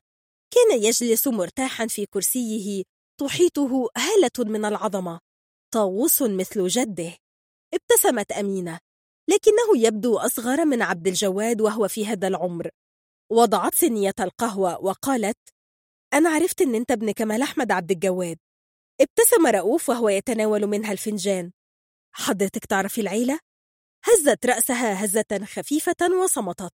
على قدر ما استعدت أمينة لهذا اللقاء وكررت على نفسها الأسئلة التي تتمنى أن تسألها إلا أن كل هذا قد تبخر الآن وترك دماغها خاويا إلا من رياح توتر خفيفة ومزيج عجيب من السعادة والارتباك. قالت أنا عرفت من مريم أن عندك ولد وبنت. هز رأسه. عمرو هانيا هذا صحيح. تزوجت هانيا منذ عامين وتعيش الآن في أمريكا. أما عمرو فهو منشغل معه في شركاته ولا يبدو متعجلا على الزواج. هذا هو حال شباب هذه الأيام. يفضلون التمتع بحريتهم أطول وقت ممكن. ابتسم رؤوف وهو يفكر أن مريم قد سألته من أيام عن جده الذي لم يعرف وها هو يكتشف صاحبة لها تعرف العائلة. وحضرتك يا أمينة هانم تعرفي مين في العيلة؟ استكملت استجوابها كأنها لم تسمع السؤال. وكمال قصدي أبوك أنا عارفة أنه كان بيكتب مقالات. ابتسم رؤوف وهو يضع فنجان القهوة أمامه. تأملت أمينة نظرة التفكير في عينيه. بدا كما لو كان محتارا فيما سيقول. لقد ترك رؤوف هذا الموضوع وراء ظهره منذ زمن بعيد من قبل حتى أن يموت أبوه. حسم الأمر مع نفسه. فكل منهما ينتمي لكوكب آخر ولا شيء بين المكانين إلا مساحات الغربة وقدر متبادل من الرفض الصامت. لم ينجح أبوه في أن يحببه في القراءة. كيف يحبها؟ وهي التي اختطفته منه على الرغم من عيشهما في بيت واحد. هل يخبر صاحبة مريم أن كمال عبد الجواد كان يكتب مقالات لا يقرأها إلا حفنة من الناس ويشك رؤوف كثيرا أن جميعهم قد فهموا ما يكتب. هل يحكي لها أنه كان يمل من كلام أبيه الذي لا يخلو من تحليل لكل شيء وفلسفة بلا طائل؟ كبر رؤوف وهو يعزي نفسه أن هكذا هو حال كل الكتاب. غارقون في عوالم وهمية لا يربط بينها وبين الواقع أي شيء. قضى كمال عبد الجواد حياته يكتب ويتكلم عن التغيير والثورة الأبدية دون أن يعني نفسه أن يفهم أحد ما يقول. الدرس الوحيد الذي تعلمه رؤوف منه هو ألا يضيع حياته هباء. عليه أن يحدد أهدافا ويسعى إليها. وكان له ما أراد. سوف يترك لأولاده ثروة ونفوذا وليس بضع مقالات في صحف توقفت من زمن عن الصدور. نظر إلى أمينة وقال باقتضاب حضرتك عارفة الكتاب لهم ملكوت. شعرت أمينة بيد مريم فوق كفها فنظرت إليها ثم دارت عيناها سريعا. متى أتت مريم؟ لم تشعر أمينة بقدومها ولم تكن لتشعر أن يدها باردة كالثلج إلا عندما لمستها مريم. كانت أمينة تتأمل وجه رؤوف وهو يفكر في أبيه. كان بإمكانها أن تقرأ ما يدور في باله. شعرت بحزن يهبط في قلبها فيثقله. ترامى إلى سمعها صوت يوسف كأنه آت من بعيد على الرغم من خطوات تفصلها عنه. يا جلاس من ساعة ما شفتك دبت في شفايفها بغير منك. دلوقتي أنا اللي حنوب عنك. واكشف عن حبي المداري. يا مسبب ناري من الأول دلوقتي بس طفت ناري. قام رؤوف واتجه نحو الشرفة ليرد على مكالمة تليفونية. ظلت أمينة تتأمله في حيرة كأنما تبحث عن شيء لا تعرفه. أمينة اشربي شوية قرفة.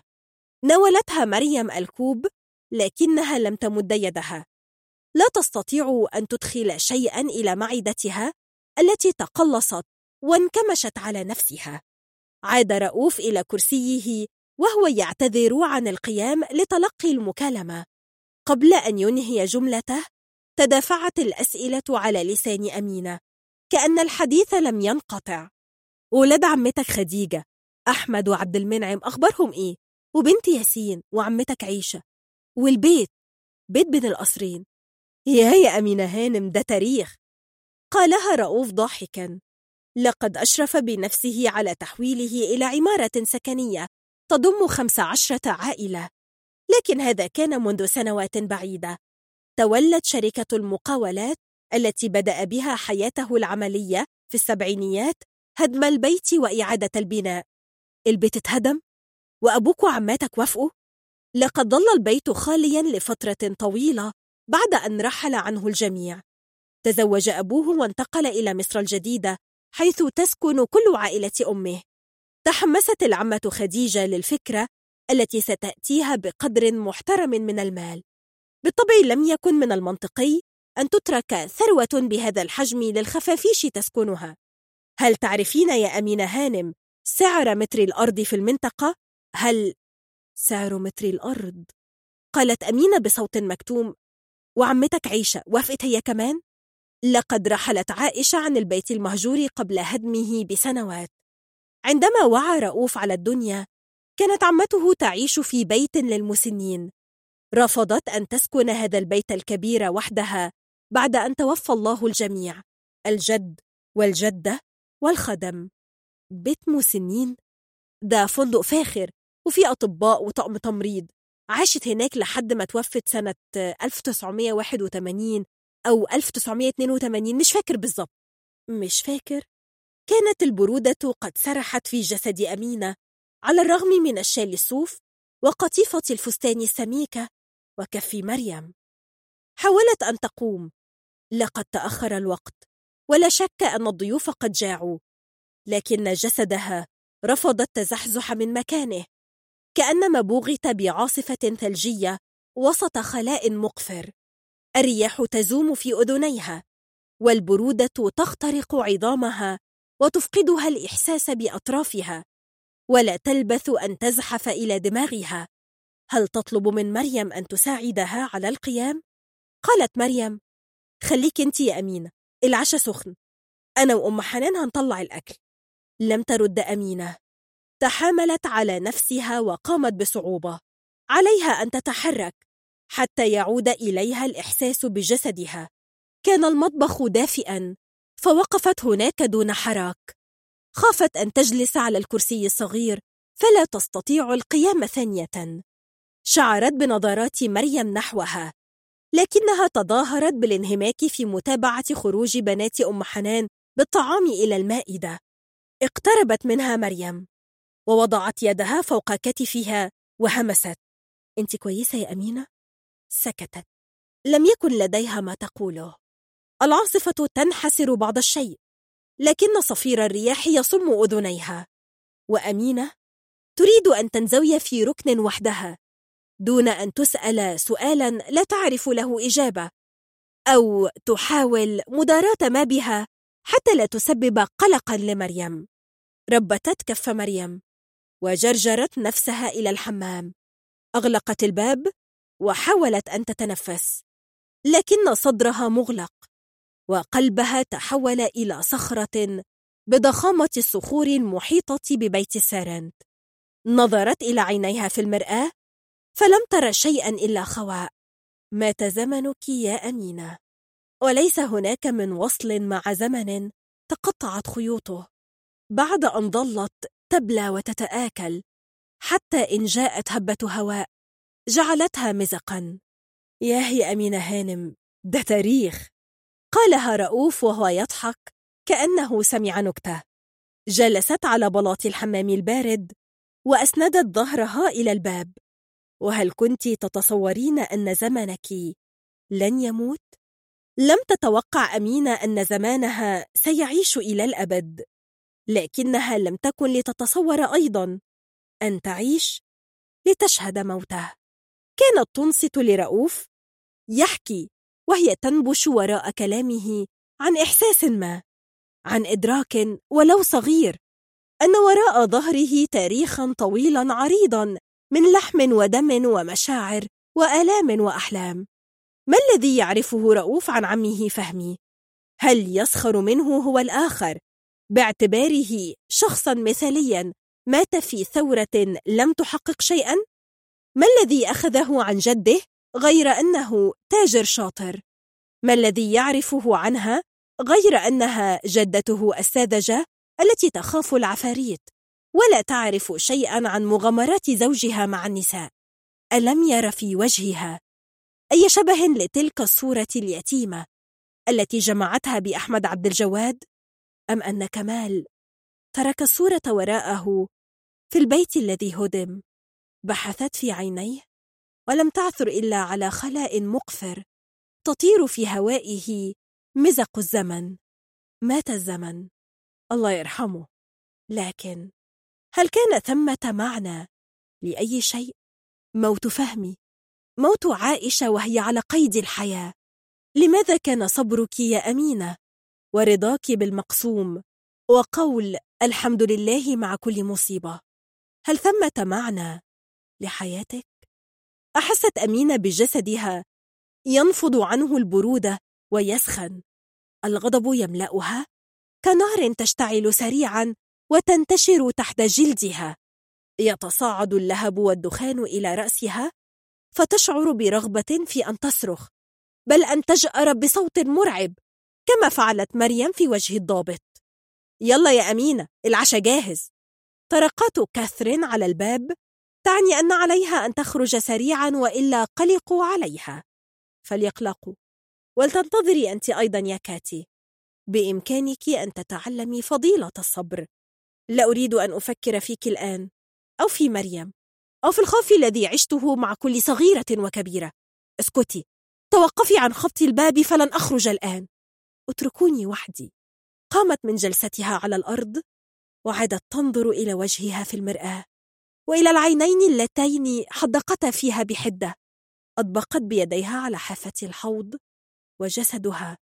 يتقلص بأنين متقطع ومكتوم بينما صوت هادئ وقوي يكبر داخلها. اغضبي يا أمينة. قولي لنفسك إنك غاضبة وإن الغضب ليس حراما. واسألي عن موت الزمن وعما إذا كان هناك معنى لكل ما كان. طقطق شرار الغضب في عينيها وفي قلبها تأججت النيران وارتفع دخانها. أصرخي يا أمينة اجأري بصرخة حادة وعالية. علها تشق طريقا من الأرض إلى السماء كي تصل إلى أسماع الله. خمسة وأربعون.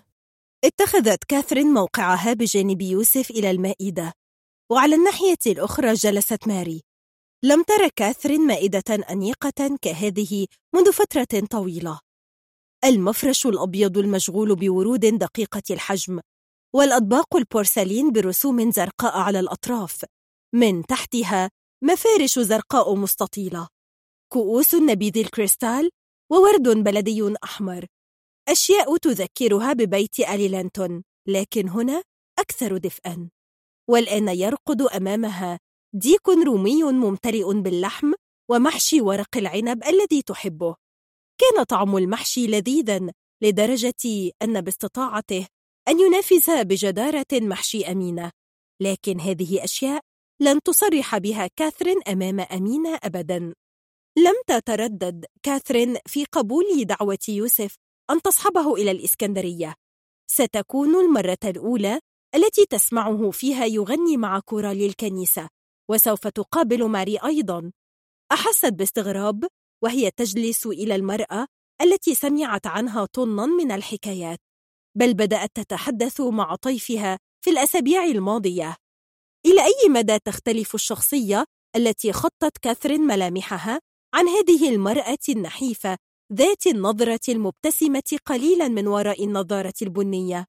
وعيناها؟ لم تفكر كاثرين أن للشخصية تلك العينين. لقد نظرت ماري إليها كأن بإمكانها أن ترى ما يدور داخلها وهو ما جعل كاثرين تمر بلحظة ارتباك صغيرة.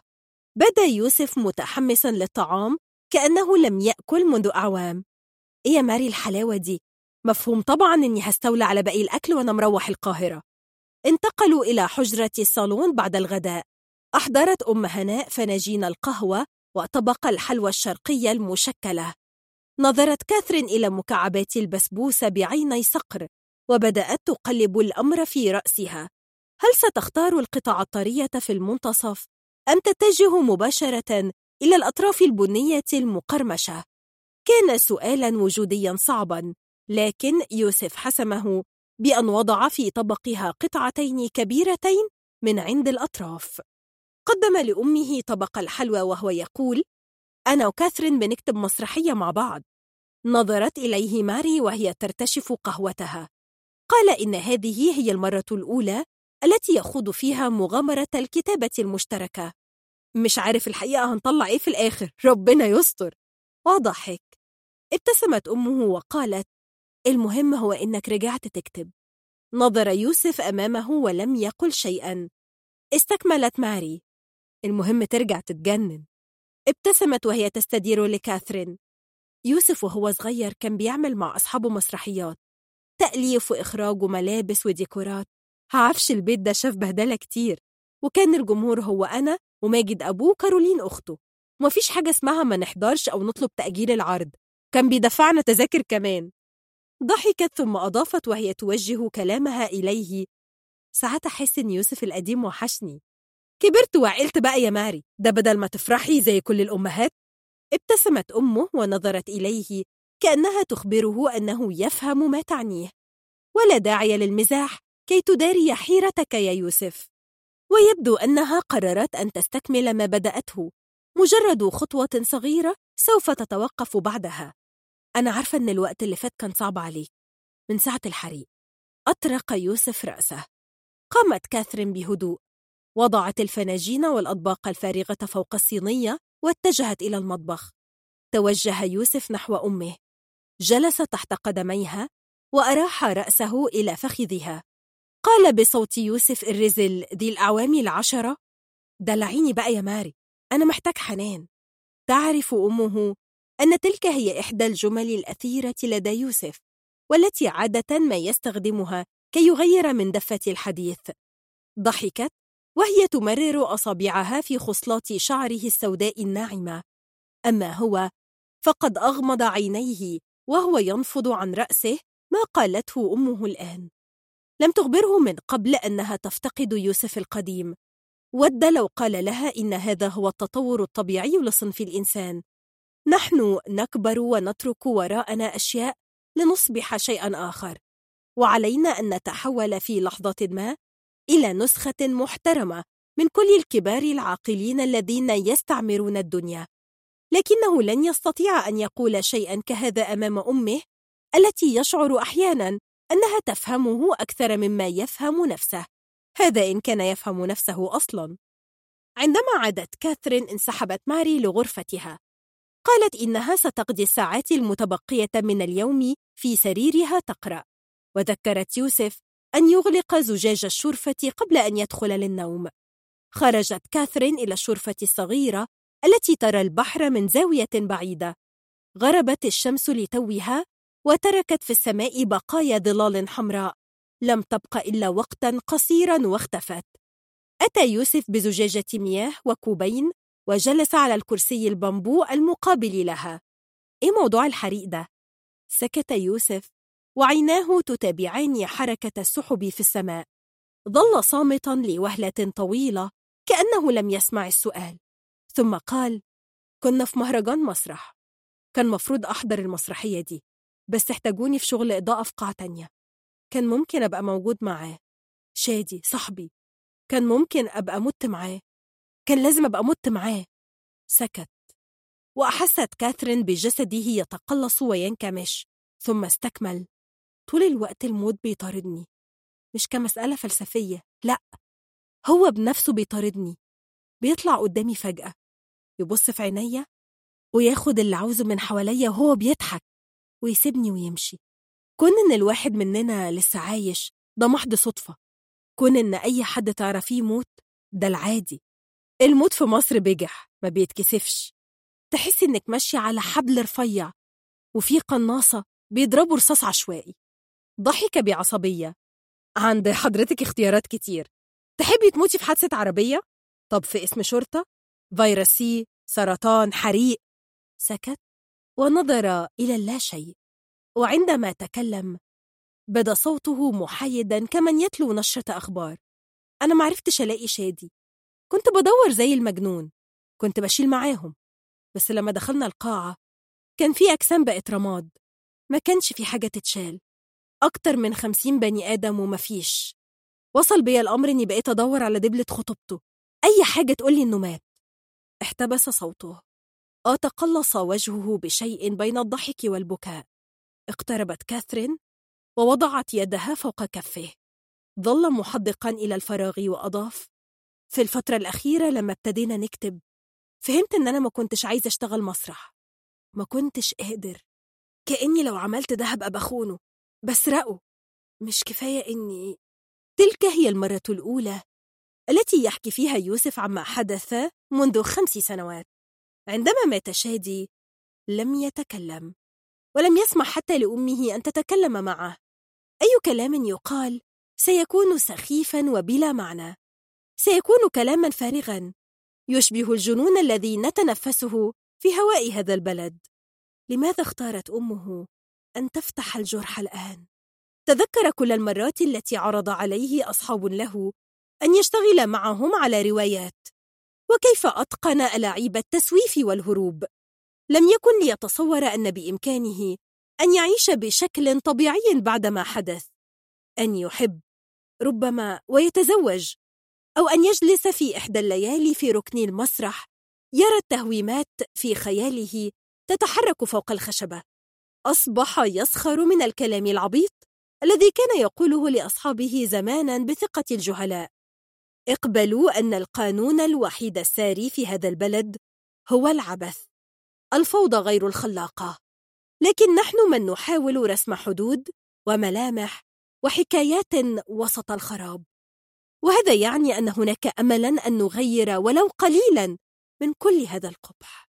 طالما أننا نخلق فنا من العدم فهناك أمل. برافو! رائع! كلام يليق بيوسف بيك وهبي في أحد أدواره الخالدة. تصفيق حاد تتلوه شخرة طويلة يا يوسف! نظر إلى كاثرين. أنا عايزة أنام معاكي دلوقتي. كان هذا هو تعريف المباغتة. سكت للحظة ثم قال ممازحا إيه كاتي النقلة الدرامية العنيفة دي؟ لكنها لم تبتسم. قبلته دون أن تنتظر ردا. ستة وأربعون. واحد وثلاثين ديسمبر 2010 بيت السيدة زينب. أربعة الفجر. الكام يوم اللي فاتوا من يوم ما قابلت ابن كمال؟ وأنا حالي ما يعلم بيه إلا ربنا. طول النهار العفاريت تمرح في دماغي. وهات يا صريخ ودوشة. بيضحكوا عليا ويطلعوا لي لسانهم. وهما بيقولوا لي إن كله في شنك. حياتك ووجعك وصبرك على الوجع في شنك يا أمينة. خليكي كده زي عبد الوهاب الذي ضيع في الأوهام عمره. ساعات أطبطب على روحي زي اللي بيدادي في عيل صغير. مش انتي يا أمينة اللي بتقولي؟ وما الحياة إلا حتة عجين؟ مالك بقى؟ قاعدة بتقلبي في عيش بايت وسايبة العجينة الخمرانة اللي مستنية الخبيز. اثبتي بقى كلبشي في حبل الإيمان ووعي يفلت من إيدك. افتكرت سؤال كمال كيف نخلق لأنفسنا إيمانا جديرا بالحياة؟ زمان كنت فاكرة إن الإيمان هو بالله وبس في بيت السرنت وأنا بتغير وبشوف ستات تانية بيتغيروا لقيت نفسي بقيت مؤمنة بالبني آدم. آه ما هو ربنا بيخلقنا كتر خيره بس كل واحد وشطارته. ولما رجعت هنا لقيتني بؤمن بالحياة اللي بتديني فرصة ورا التانية. كأنها بتقولي يلا بقى وريني هتخبزي إيه المرة دي. وش عيشة وهي عايشة غريبة وسط أغراب؟ ما بيفارقش خيالي. أبص عليه ولاقي نفسي بقع في حفرة غويطة.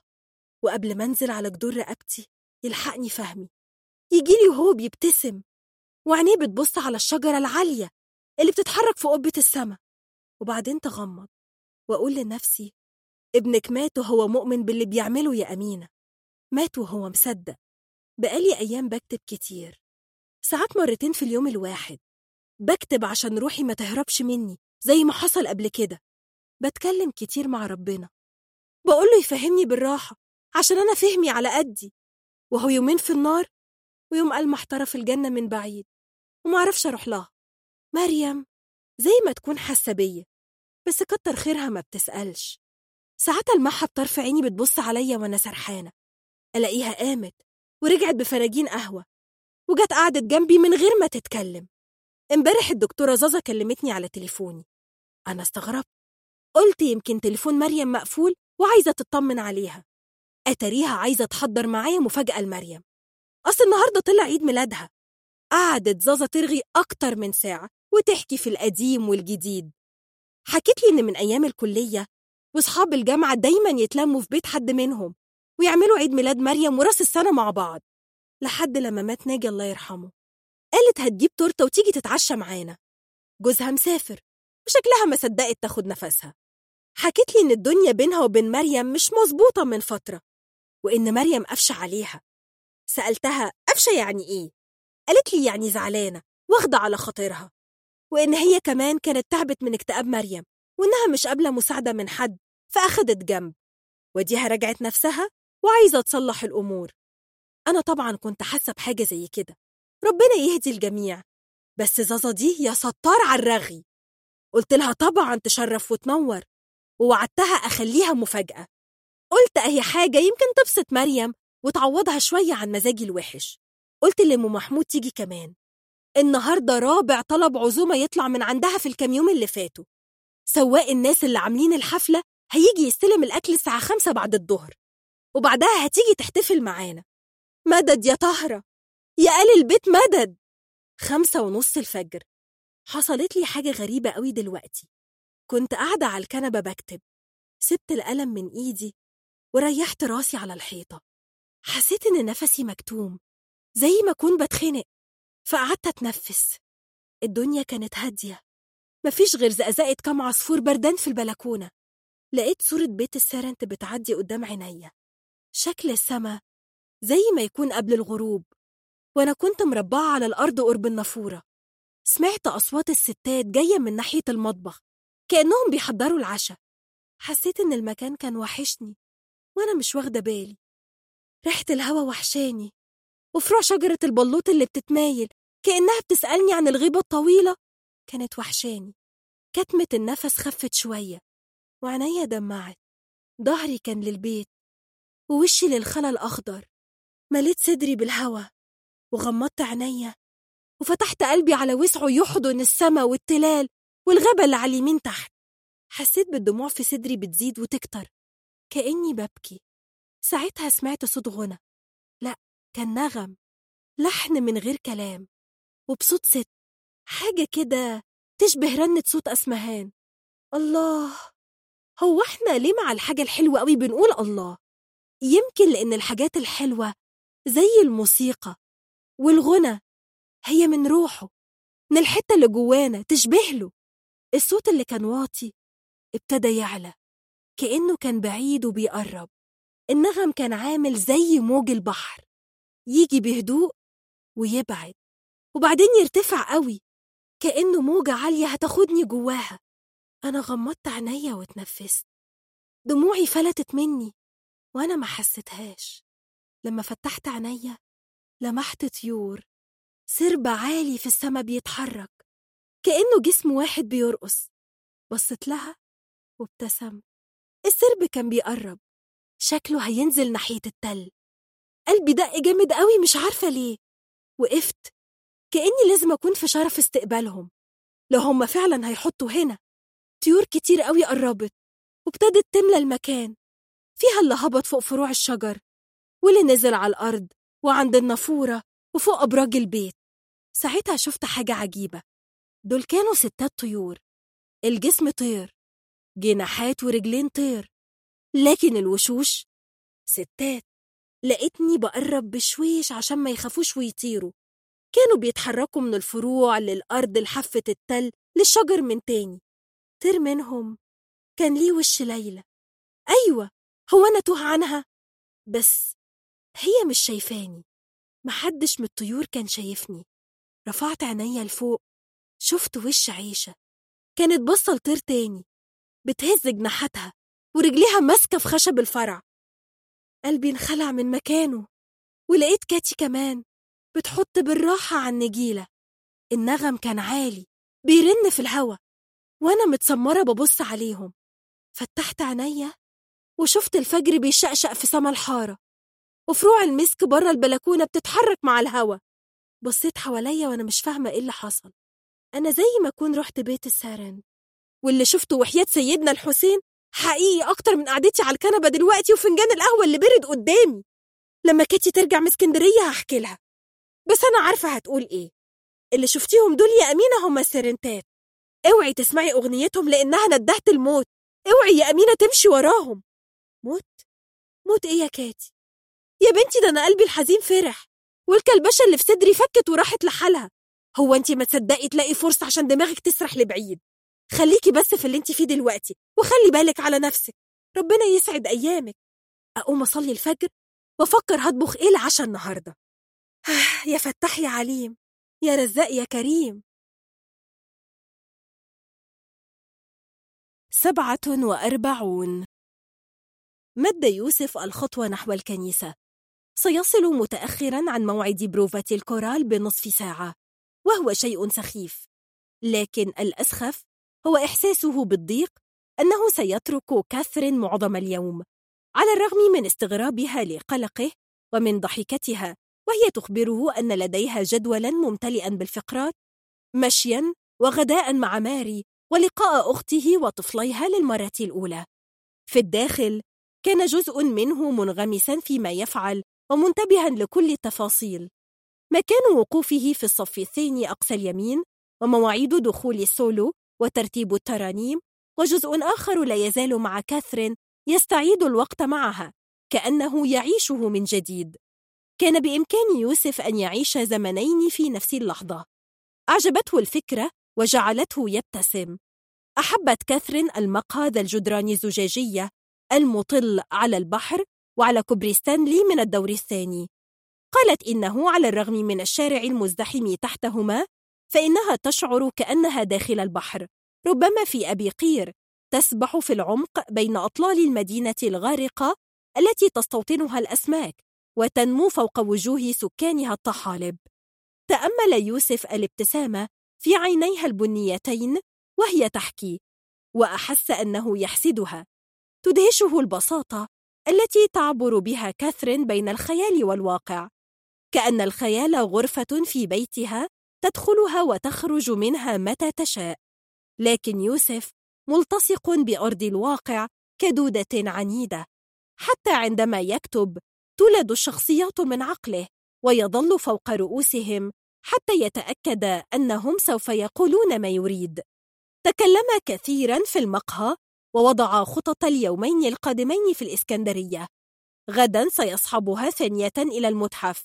تريد أن تعود للتمثال الغارق ولتلك النظرة التي تحيرها. ابتسم يوسف. المهم ترجع تتجنن. هذا ما قالته ماري بالأمس. الأمس. لم يكن يتصور أنه سيفتح الصندوق الأسود أمام كاثرين فتهب في وجهه رائحة اللحم المحترق ويسمع الصرخات الملتاعة لقلة من الناجين حملوهم في تاكسيات إلى المستشفى بعد تأخر عربات الإسعاف. لا يذكر ما الذي قاله لها لكنه يعرف أنه فقد الإحساس بجسده تماما كأنما قد أصبح خارجه يتفرج على يوسف الذي تلطخ جسده برماد الدخان واحترق كفاه وهو يحمل الجثث المتفحمة الساخنة دون أن يشعر بألم. عندما لمست كاثرين يده بدأ يهبط إلى داخل جسده ويدرك أنه في شرفة بيته. في فسحة قصيرة من البروفا خرج يوسف إلى ساحة الكنيسة حيث الهواء بارد على الرغم من ظهور الشمس بشكل متقطع. أخرج الموبايل. ووجد من كاثرين رسالتين. في إحداهما صورتها مع كارولين وهما تضحكان. وفي الأخرى أخبرته أنها كتبت فكرة مشهد بعد أن تركته. تذكر إحساسه بالخجل من نفسه عندما قرأ ما كتبته من أسبوعين. لقد استخف بها في البداية بينه وبين نفسه بالطبع. لم يكن لديه مبرر للاستخفاف وكذلك لم يكن عنده أي سبب لتصديق أن كاثرين ستكتب شيئا عليه القيمة. لا تحاول إيجاد مبرر يا يوسف. لقد قفشت متلبسا بالغرور. ابتسم. في الأيام الأخيرة يشعر يوسف باشتياق للكتابة كأنها صاحب غائب. لم يكن يدري أنه يفتقده إلا عندما عاد. يريد الاشتغال على المسرحية في الأيام المتبقية من إجازة الكريسماس وقبل العودة إلى المدرسة. لكنه يتوق أيضا للكتابة نفسها. للأيام التي كان يجلس إلى الأوراق وينتظر أن تفاجئه يداه. وماذا لو فكر في الكتابة عن الساعات القليلة الماضية؟ مر شريط الوقت أمامه فشعر أن كل شيء حدث بسرعة. ومع تتابع المشاهد كان يتبدل ويصبح أكثر من يوسف واحد. فهناك يوسف الذاهل محترق الكفين ويوسف الذي قبلته كاثرين في الشرفة فأحس أنه يمشي فوق صخور عالية مخضرة تطل على بحر. ويوسف الذي دخل إلى الكنيسة منذ ساعتين وترك جزءا منه مع كاثرين. كان سعيدا أنه سيراها في المساء. منذ الأمس وهو يشعر بخدر خفيف كأنه يمشي فوق سحابة لكنه في نفس الوقت متيقظ جدا عقله منتبه ومسام جسده مفتوحة تتنفس. لم يكن يوسف يعرف أن بإمكانه أن يشعر بمسام جسده. ليلة الأمس لم يغمض له جفن. لا هذه مبالغة. لقد أخذ يغفو ويصحو بإحساس أنه داخل حلم. مع كل حركة بسيطة منها كان يفيق. يتأمل وجهها وشفتيها المزمومتين كشفتي طفلة عنيدة. وجسدها المتكور في حضنه ويعود للنوم. في إحدى المرات شعر بها تنتفض جالسة في السرير وأنفاسها تتسارع كأنها خرجت لتوها من كبوس مد يده ولمس ظهرها فالتفتت إليه. جذبها برفق إلى صدره وربت رأسها فغفت في حضنه. دس أنفه في شعرها الأسود وأغمض عينيه. وتنفس. لا تزال رائحتها تصحبه لدرجة أنه يشم في جلده شيئا يشبه رائحة الهواء بعد المطر. استدار عائدا إلى داخل الكنيسة. كان يشعر بالخفة وبأنه في ذات الوقت أكثر رسوخا فوق الأرض كأن من حقه أن يشغل هذا الحيز بارتياح. وأحس أيضا باستغراب لهذا البراح الذي انفتح داخله. كأن بإمكانه أن يرى ما بداخل البلورة كان هناك أكثر من يوسف يتحركون ومن خلفهم فضاء أزرق بلون السماء. هو في كده؟ وكده هذا متوفر عادي في الأسواق من أجل جماهير التعساء في العالم. في التاسعة مساء دخلت كاثرين إلى الساحة أمام باب الكنيسة في صحبة كارولين وزوجها وطفليها. لقد استمتعت بيومها على أفضل وجه. بعد أن تركت يوسف كتبت ملحوظات جديدة للمسرحية وطرأ على عقلها سؤال عما سيحدث عندما تكتمل الشخصية. هل ستكون ماري؟ أم ستصبح شخصا جديدا؟ في الثالثة ظهرا تمشت على الكورنيش وهي تفكر أنها معجبة بمدى التزام وجدية الشمس في هذا الجزء من العالم. شتاء مشمس يوميا. هذه جملة تحمل في باطنها التناقص. بالطبع من وجهة نظر من عاش في يوركشاير شتاءات قد يموت فيها الناس في العراء. لو أنهم أغراب فشلوا في الاحتماء بسقف قريب. عادت إلى البيت تتضور جوعا. فأجهزت على هرم صغير من محشي ورق العنب وشريحتين كبيرتين من لحم الديك الرومي. وأنهت الوجبة بطبق من البسبوسة. ملأ بخور المسك صحن الكنيسة وتسلل إلى الساحة خارجها. لم تخطو كاثرين إلى كنيسة إلا مرات معدودة. لم تتعدى جنازات العائلة ويوم زفافها إلى إدغار. لكن هذه الكنيسة أكبر من كنيسة جامرتون وأكثر امتلاء بالتفاصيل وبالألوان. تلك الأيقونات الحزينة. وجه العذراء وهي تحتضن طفلها. المذبح المزخرف. سيكون أمامها كل الوقت لتأملها. وهي تمثل الإنصات إلى القس. لقد حاول يوسف تطمينها أن الموعظة لن تطول لكنها لا تصدقه لا يوجد قس على وجه الأرض لا يحب الكلام. الزمن عنصر مهم في حياة الإنسان. لأنه يشكل إطارا لحياته. لذلك أراد الله بواسطة التجسد أن يشابه الإنسان في كل شيء. فدخل في لعبة الزمن وصار له عمر وهو المنزه عن المادة والزمن. نحن لن نمل أبدا من محاولة فهم الزمن. الموت. هل هو زمن آخر؟ هل نعيش في الأبد المطلق؟ دون أن ندري؟ عندما كانت كاثرين تحتضر في بيت لانتون كانت متأكدة أنها ستصبح أقوى بعد الموت. لم تشك للحظة أن روحها ستعرف كيف تلتقي بهثكليف ظلت تحوم حوله ولم يقصر هو أيضا في مطاردتها لكنهما فشلا أن يلتقيا. كانت قد اتهمت هيثكليف أنه سيستكمل حياته بعد موتها. هل بإمكانه أن يتصورها هنا تستعيد حريتها من أسر زمن واحد؟ هل سيعوي في وجهها القسوة والزيف؟ هل خدعت كاثرين الزمن؟ هل كان قلبي لك أميناً؟ هل كان حبي لك وفيا؟ بدأت الترنيمة فأغمضت عينيها وفتشت عن صوت يوسف بين بقية الأصوات هل كان قلبي لك أمينا؟ هل كان حبي لك وفيا؟ هل عرفت مقدار حبك؟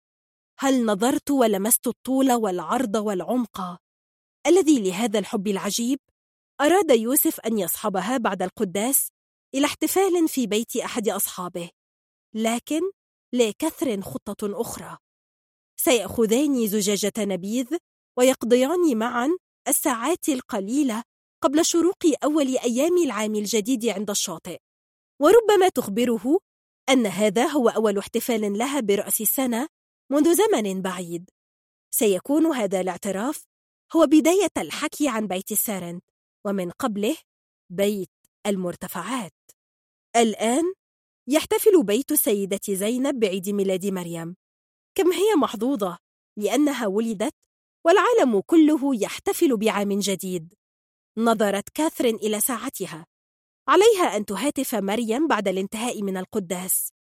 ربما من الأفضل أن تهاتفها عند وصولها إلى البحر.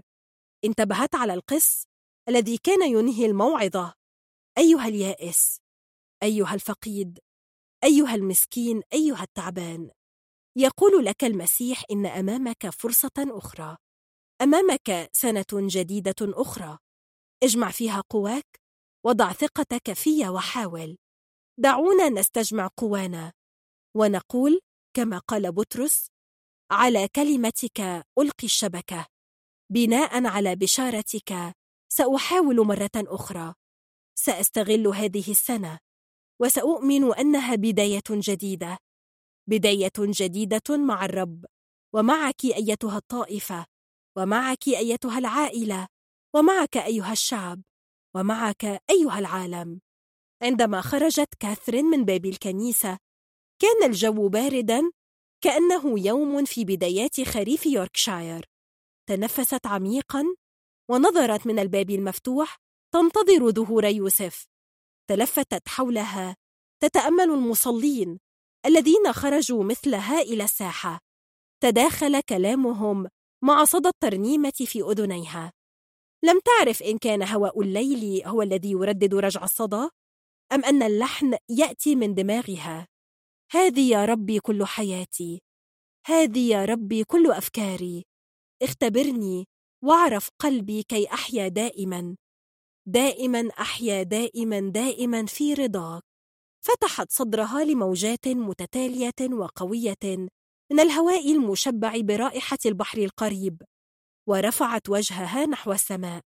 خرجت من الباب مجموعات أخرى من الناس. ولمحت يوسف يمشي في طرقة الكنيسة متجها نحوها. ثم يتوقف للسلام على امرأة عجوز وزوجها. كان شكله غريبا بعض الشيء في البنطال الأسود والقميص الأبيض ذي الياقة الصغيرة المنشى حول رقبته. لكن ذقنه الذي توقف عن حلاقته منذ أسبوعين تعجبها. سوف تطلب منه أن يطلقها. فيه شبه من الوجوه في أيقونات الكنيسة. ابتسمت للخاطر وليوسف الذي كان يخطو نحوها الآن وشعرت كاثرين في تلك اللحظة بالهواء كأنما ينضغط ويصبح أكثر سخونة. أحست به يثقل فجأة كأنه تحول إلى أحجار تحاوط جسدها وتغلق أذنيها. هل هذا صوت دوي هائل أم صوت سكون مطبق؟ لقد صم الصمت أذنيها. كأنما شكل في ثوان طبقة عازلة حولها فانكتم صوت الترنيمة وسكتت أحاديث الناس. حتى صوت الهواء توقف. ثم رأت كاثرين امرأة هرقليون. ظهر وجهها المبتسم قليلا في الهواء. بذاك الرأس الذي يغطيه إكليل الطحالب وعظام وجنتيها البارزتين وعينيها اللتين تنظران إلى شيء في الأفق والشفتين اللتين على وشك النطق بأحد الأسرار على الرغم من أن كل ما حدث لم يتعدى ثواني فإن كاثرين شعرت بالزمن يبطئ ويبطئ أكثر كأنما يفكر مع نفسه هل يتوقف أم لا؟ بينما الوجه الذي بقي في البحر لألف وخمسمائة عام يقترب منها بهدوء يزداد اقترابا حتى يصبح في مواجهتها تماما ثم شعرت بشيء كأنه موجة هائلة تغمرهما معا تلفهما معا وتهبط بهما إلى القاع ثم تندفع إلى فوق تنفلت من جسد البحر وترتفع لأعلى تفتتت الموجة. تطاير رذاذ خفيف يمتزج بدفقات الهواء التي تعلو وتدور ثم يهوي الرذاذ على مهل نحو الأسفل. كانت الكنيسة تبتعد وأنوارها تخفت كأنها تغطس في موجة كثيفة من الضباب ويصبح الهواء مالحا وأكثر برودة. ثمانية وأربعون. في الحادية عشرة من مساء أول أيام العام فتحت مريم باب البيت ونزلت مع أمينة درج السلم ببطء. كان شارع بورسعيد يضج بالحياة كأنها الثانية ظهرا. لكن أنوار المحال وأصوات السيارات والأغاني والمتسامرين على المقاهي جاءتهما كأنما عبر حاجز مطاطي سميك. عند انحرافهما يمينا إلى الدرب الأحمر بدأ الصخب يخفت في هدوء. لقد مر اليوم ببطء سلحفاة عجوز وعينا مريم لم تفارق أمينة التي ظلت جالسة في مكانها كالتمثال. لم تبكي ولم تنطق حرفا ولم تحول عينيها عن الفراغ أمامها. بدأ أنها لا تشعر حتى بوجود مريم بجانبها. في إحدى لحظات النهار تلفتت مريم حولها. صالة البيت هذه كانت بالأمس تردد ضحكة ضاضة العالية وهي تصر أن يطفئن شمعة التورتة الصغيرة مع دقات الثانية عشرة. صوت أم محمود وهي تدخل بصينية بسبوسة وتوصي أمينة أن تحفظ للآنسة الصغيرة نصيبها. فرقعة الصواريخ التي أطلقها أطفال الحارة في سماء سيدة زينب والأغاني على القهوة. تبدل الحال بعد منتصف الليل بقليل. ارتفعت نبرة ترقب وقلق وتداخلت أصوات النساء. هل تعرفين يا أمينة كم عدد كنائس الإسكندرية؟ أعطني رقم يوسف. ألم تذكر كاثرين اسم الكنيسة؟ يا أمينة لا داعي للقفز فوق الأحداث. وأنت يا ضاضة توقفي عن قراءة الأخبار على زفت الإنترنت. أغلقي هاتفك الآن. اسم كاثرين لن يظهر في الأخبار فهو غير موجود في السجلات البريطانية. هواتف كاثرين ويوسف مغلقة. ثم حل الصمت. لم يعد يسمع في البيت إلا نهنهات أم محمود الخافتة وهي تتربع على الأرض تمسك رأسها المنكسة بين كفيها. مرت ساعات الليل وجاء الفجر ومن بعده نهار أول أيام العام.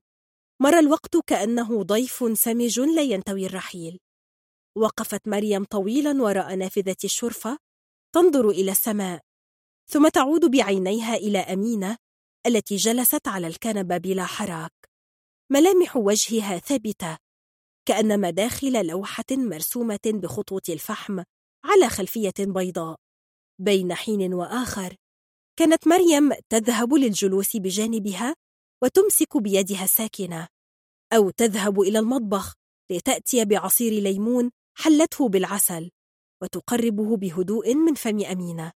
أحست مريم بقلبها ينفتح على مصراعيه كي يستقبل الحزن المندفع نحوها بقوة سيل جارف لكنها لم تنجرف.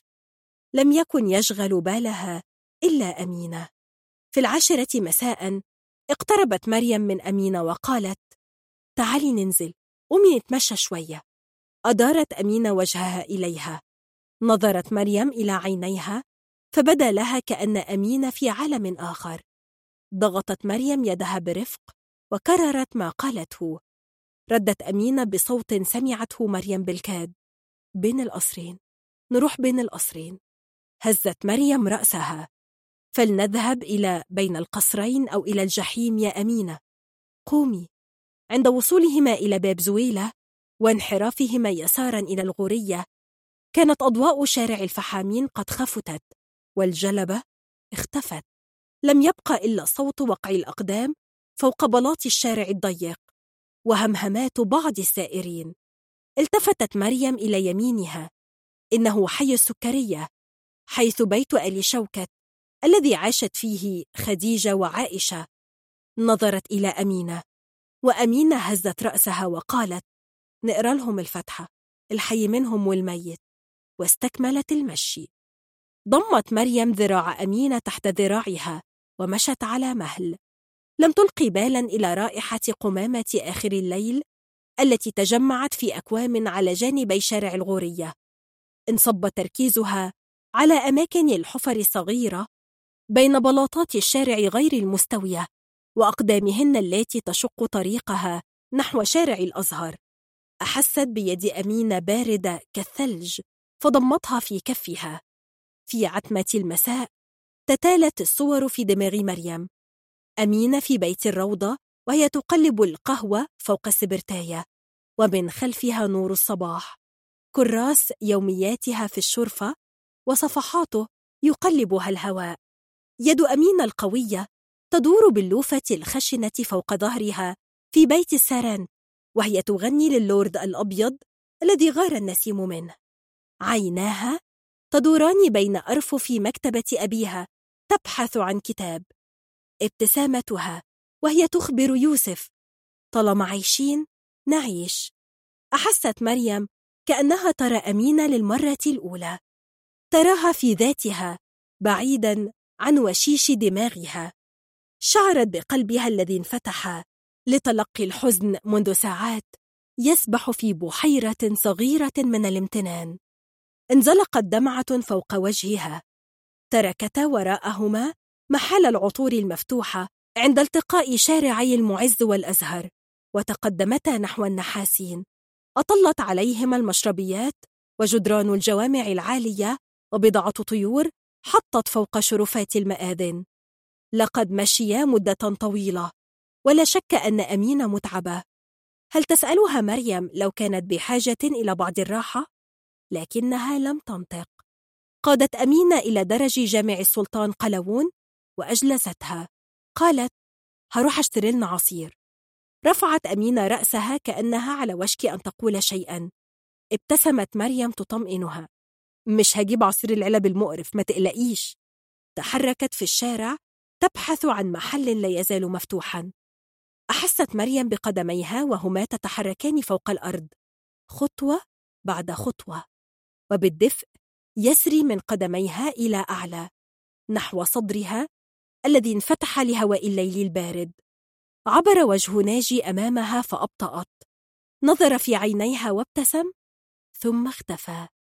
ارتعشت ابتسامة فوق شفتيها وهي ترفع يدها قليلا. مع السلامة يا ناجي. أنا أحبك. في محل العصير تردد صوت عبد الوهاب في سماعات صغيرة. طلبت مريم كوبين من عصير القصب ولم تحاول إخفاء عينيها عن العجوز الأسمر الذي وقف خلف الرخامة العريضة ينظر نحوها. كانت على وشك أن تطلب منه أن يضع العصير في كوبين من البلاستيك لأنها لن تشرب هنا.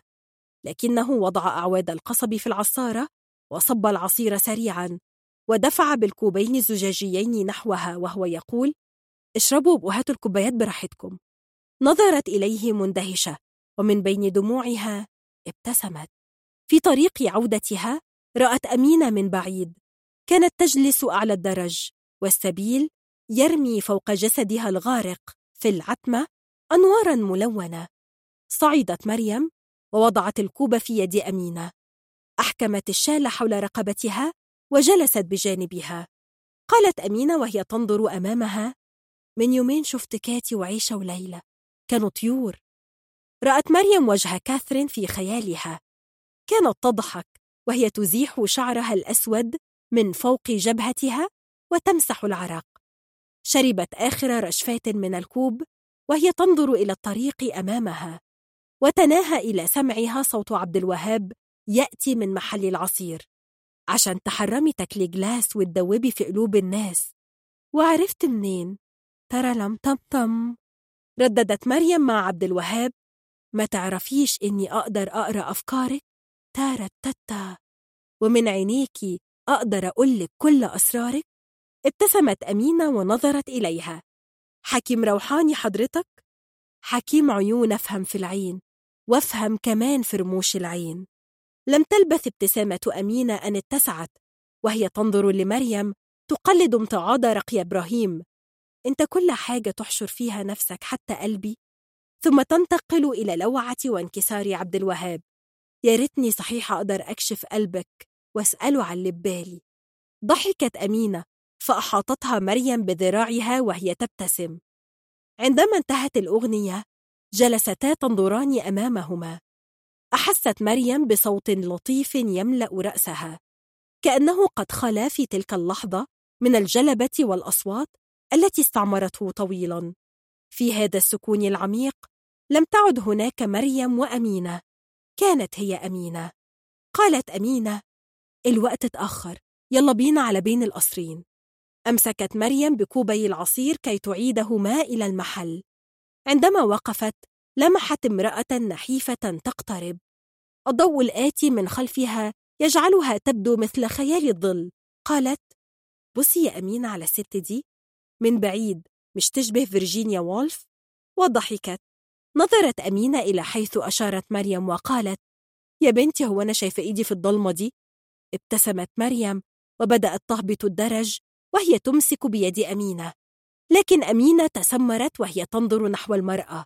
قالت تكونش هي ست فيرجينيا يا مريم؟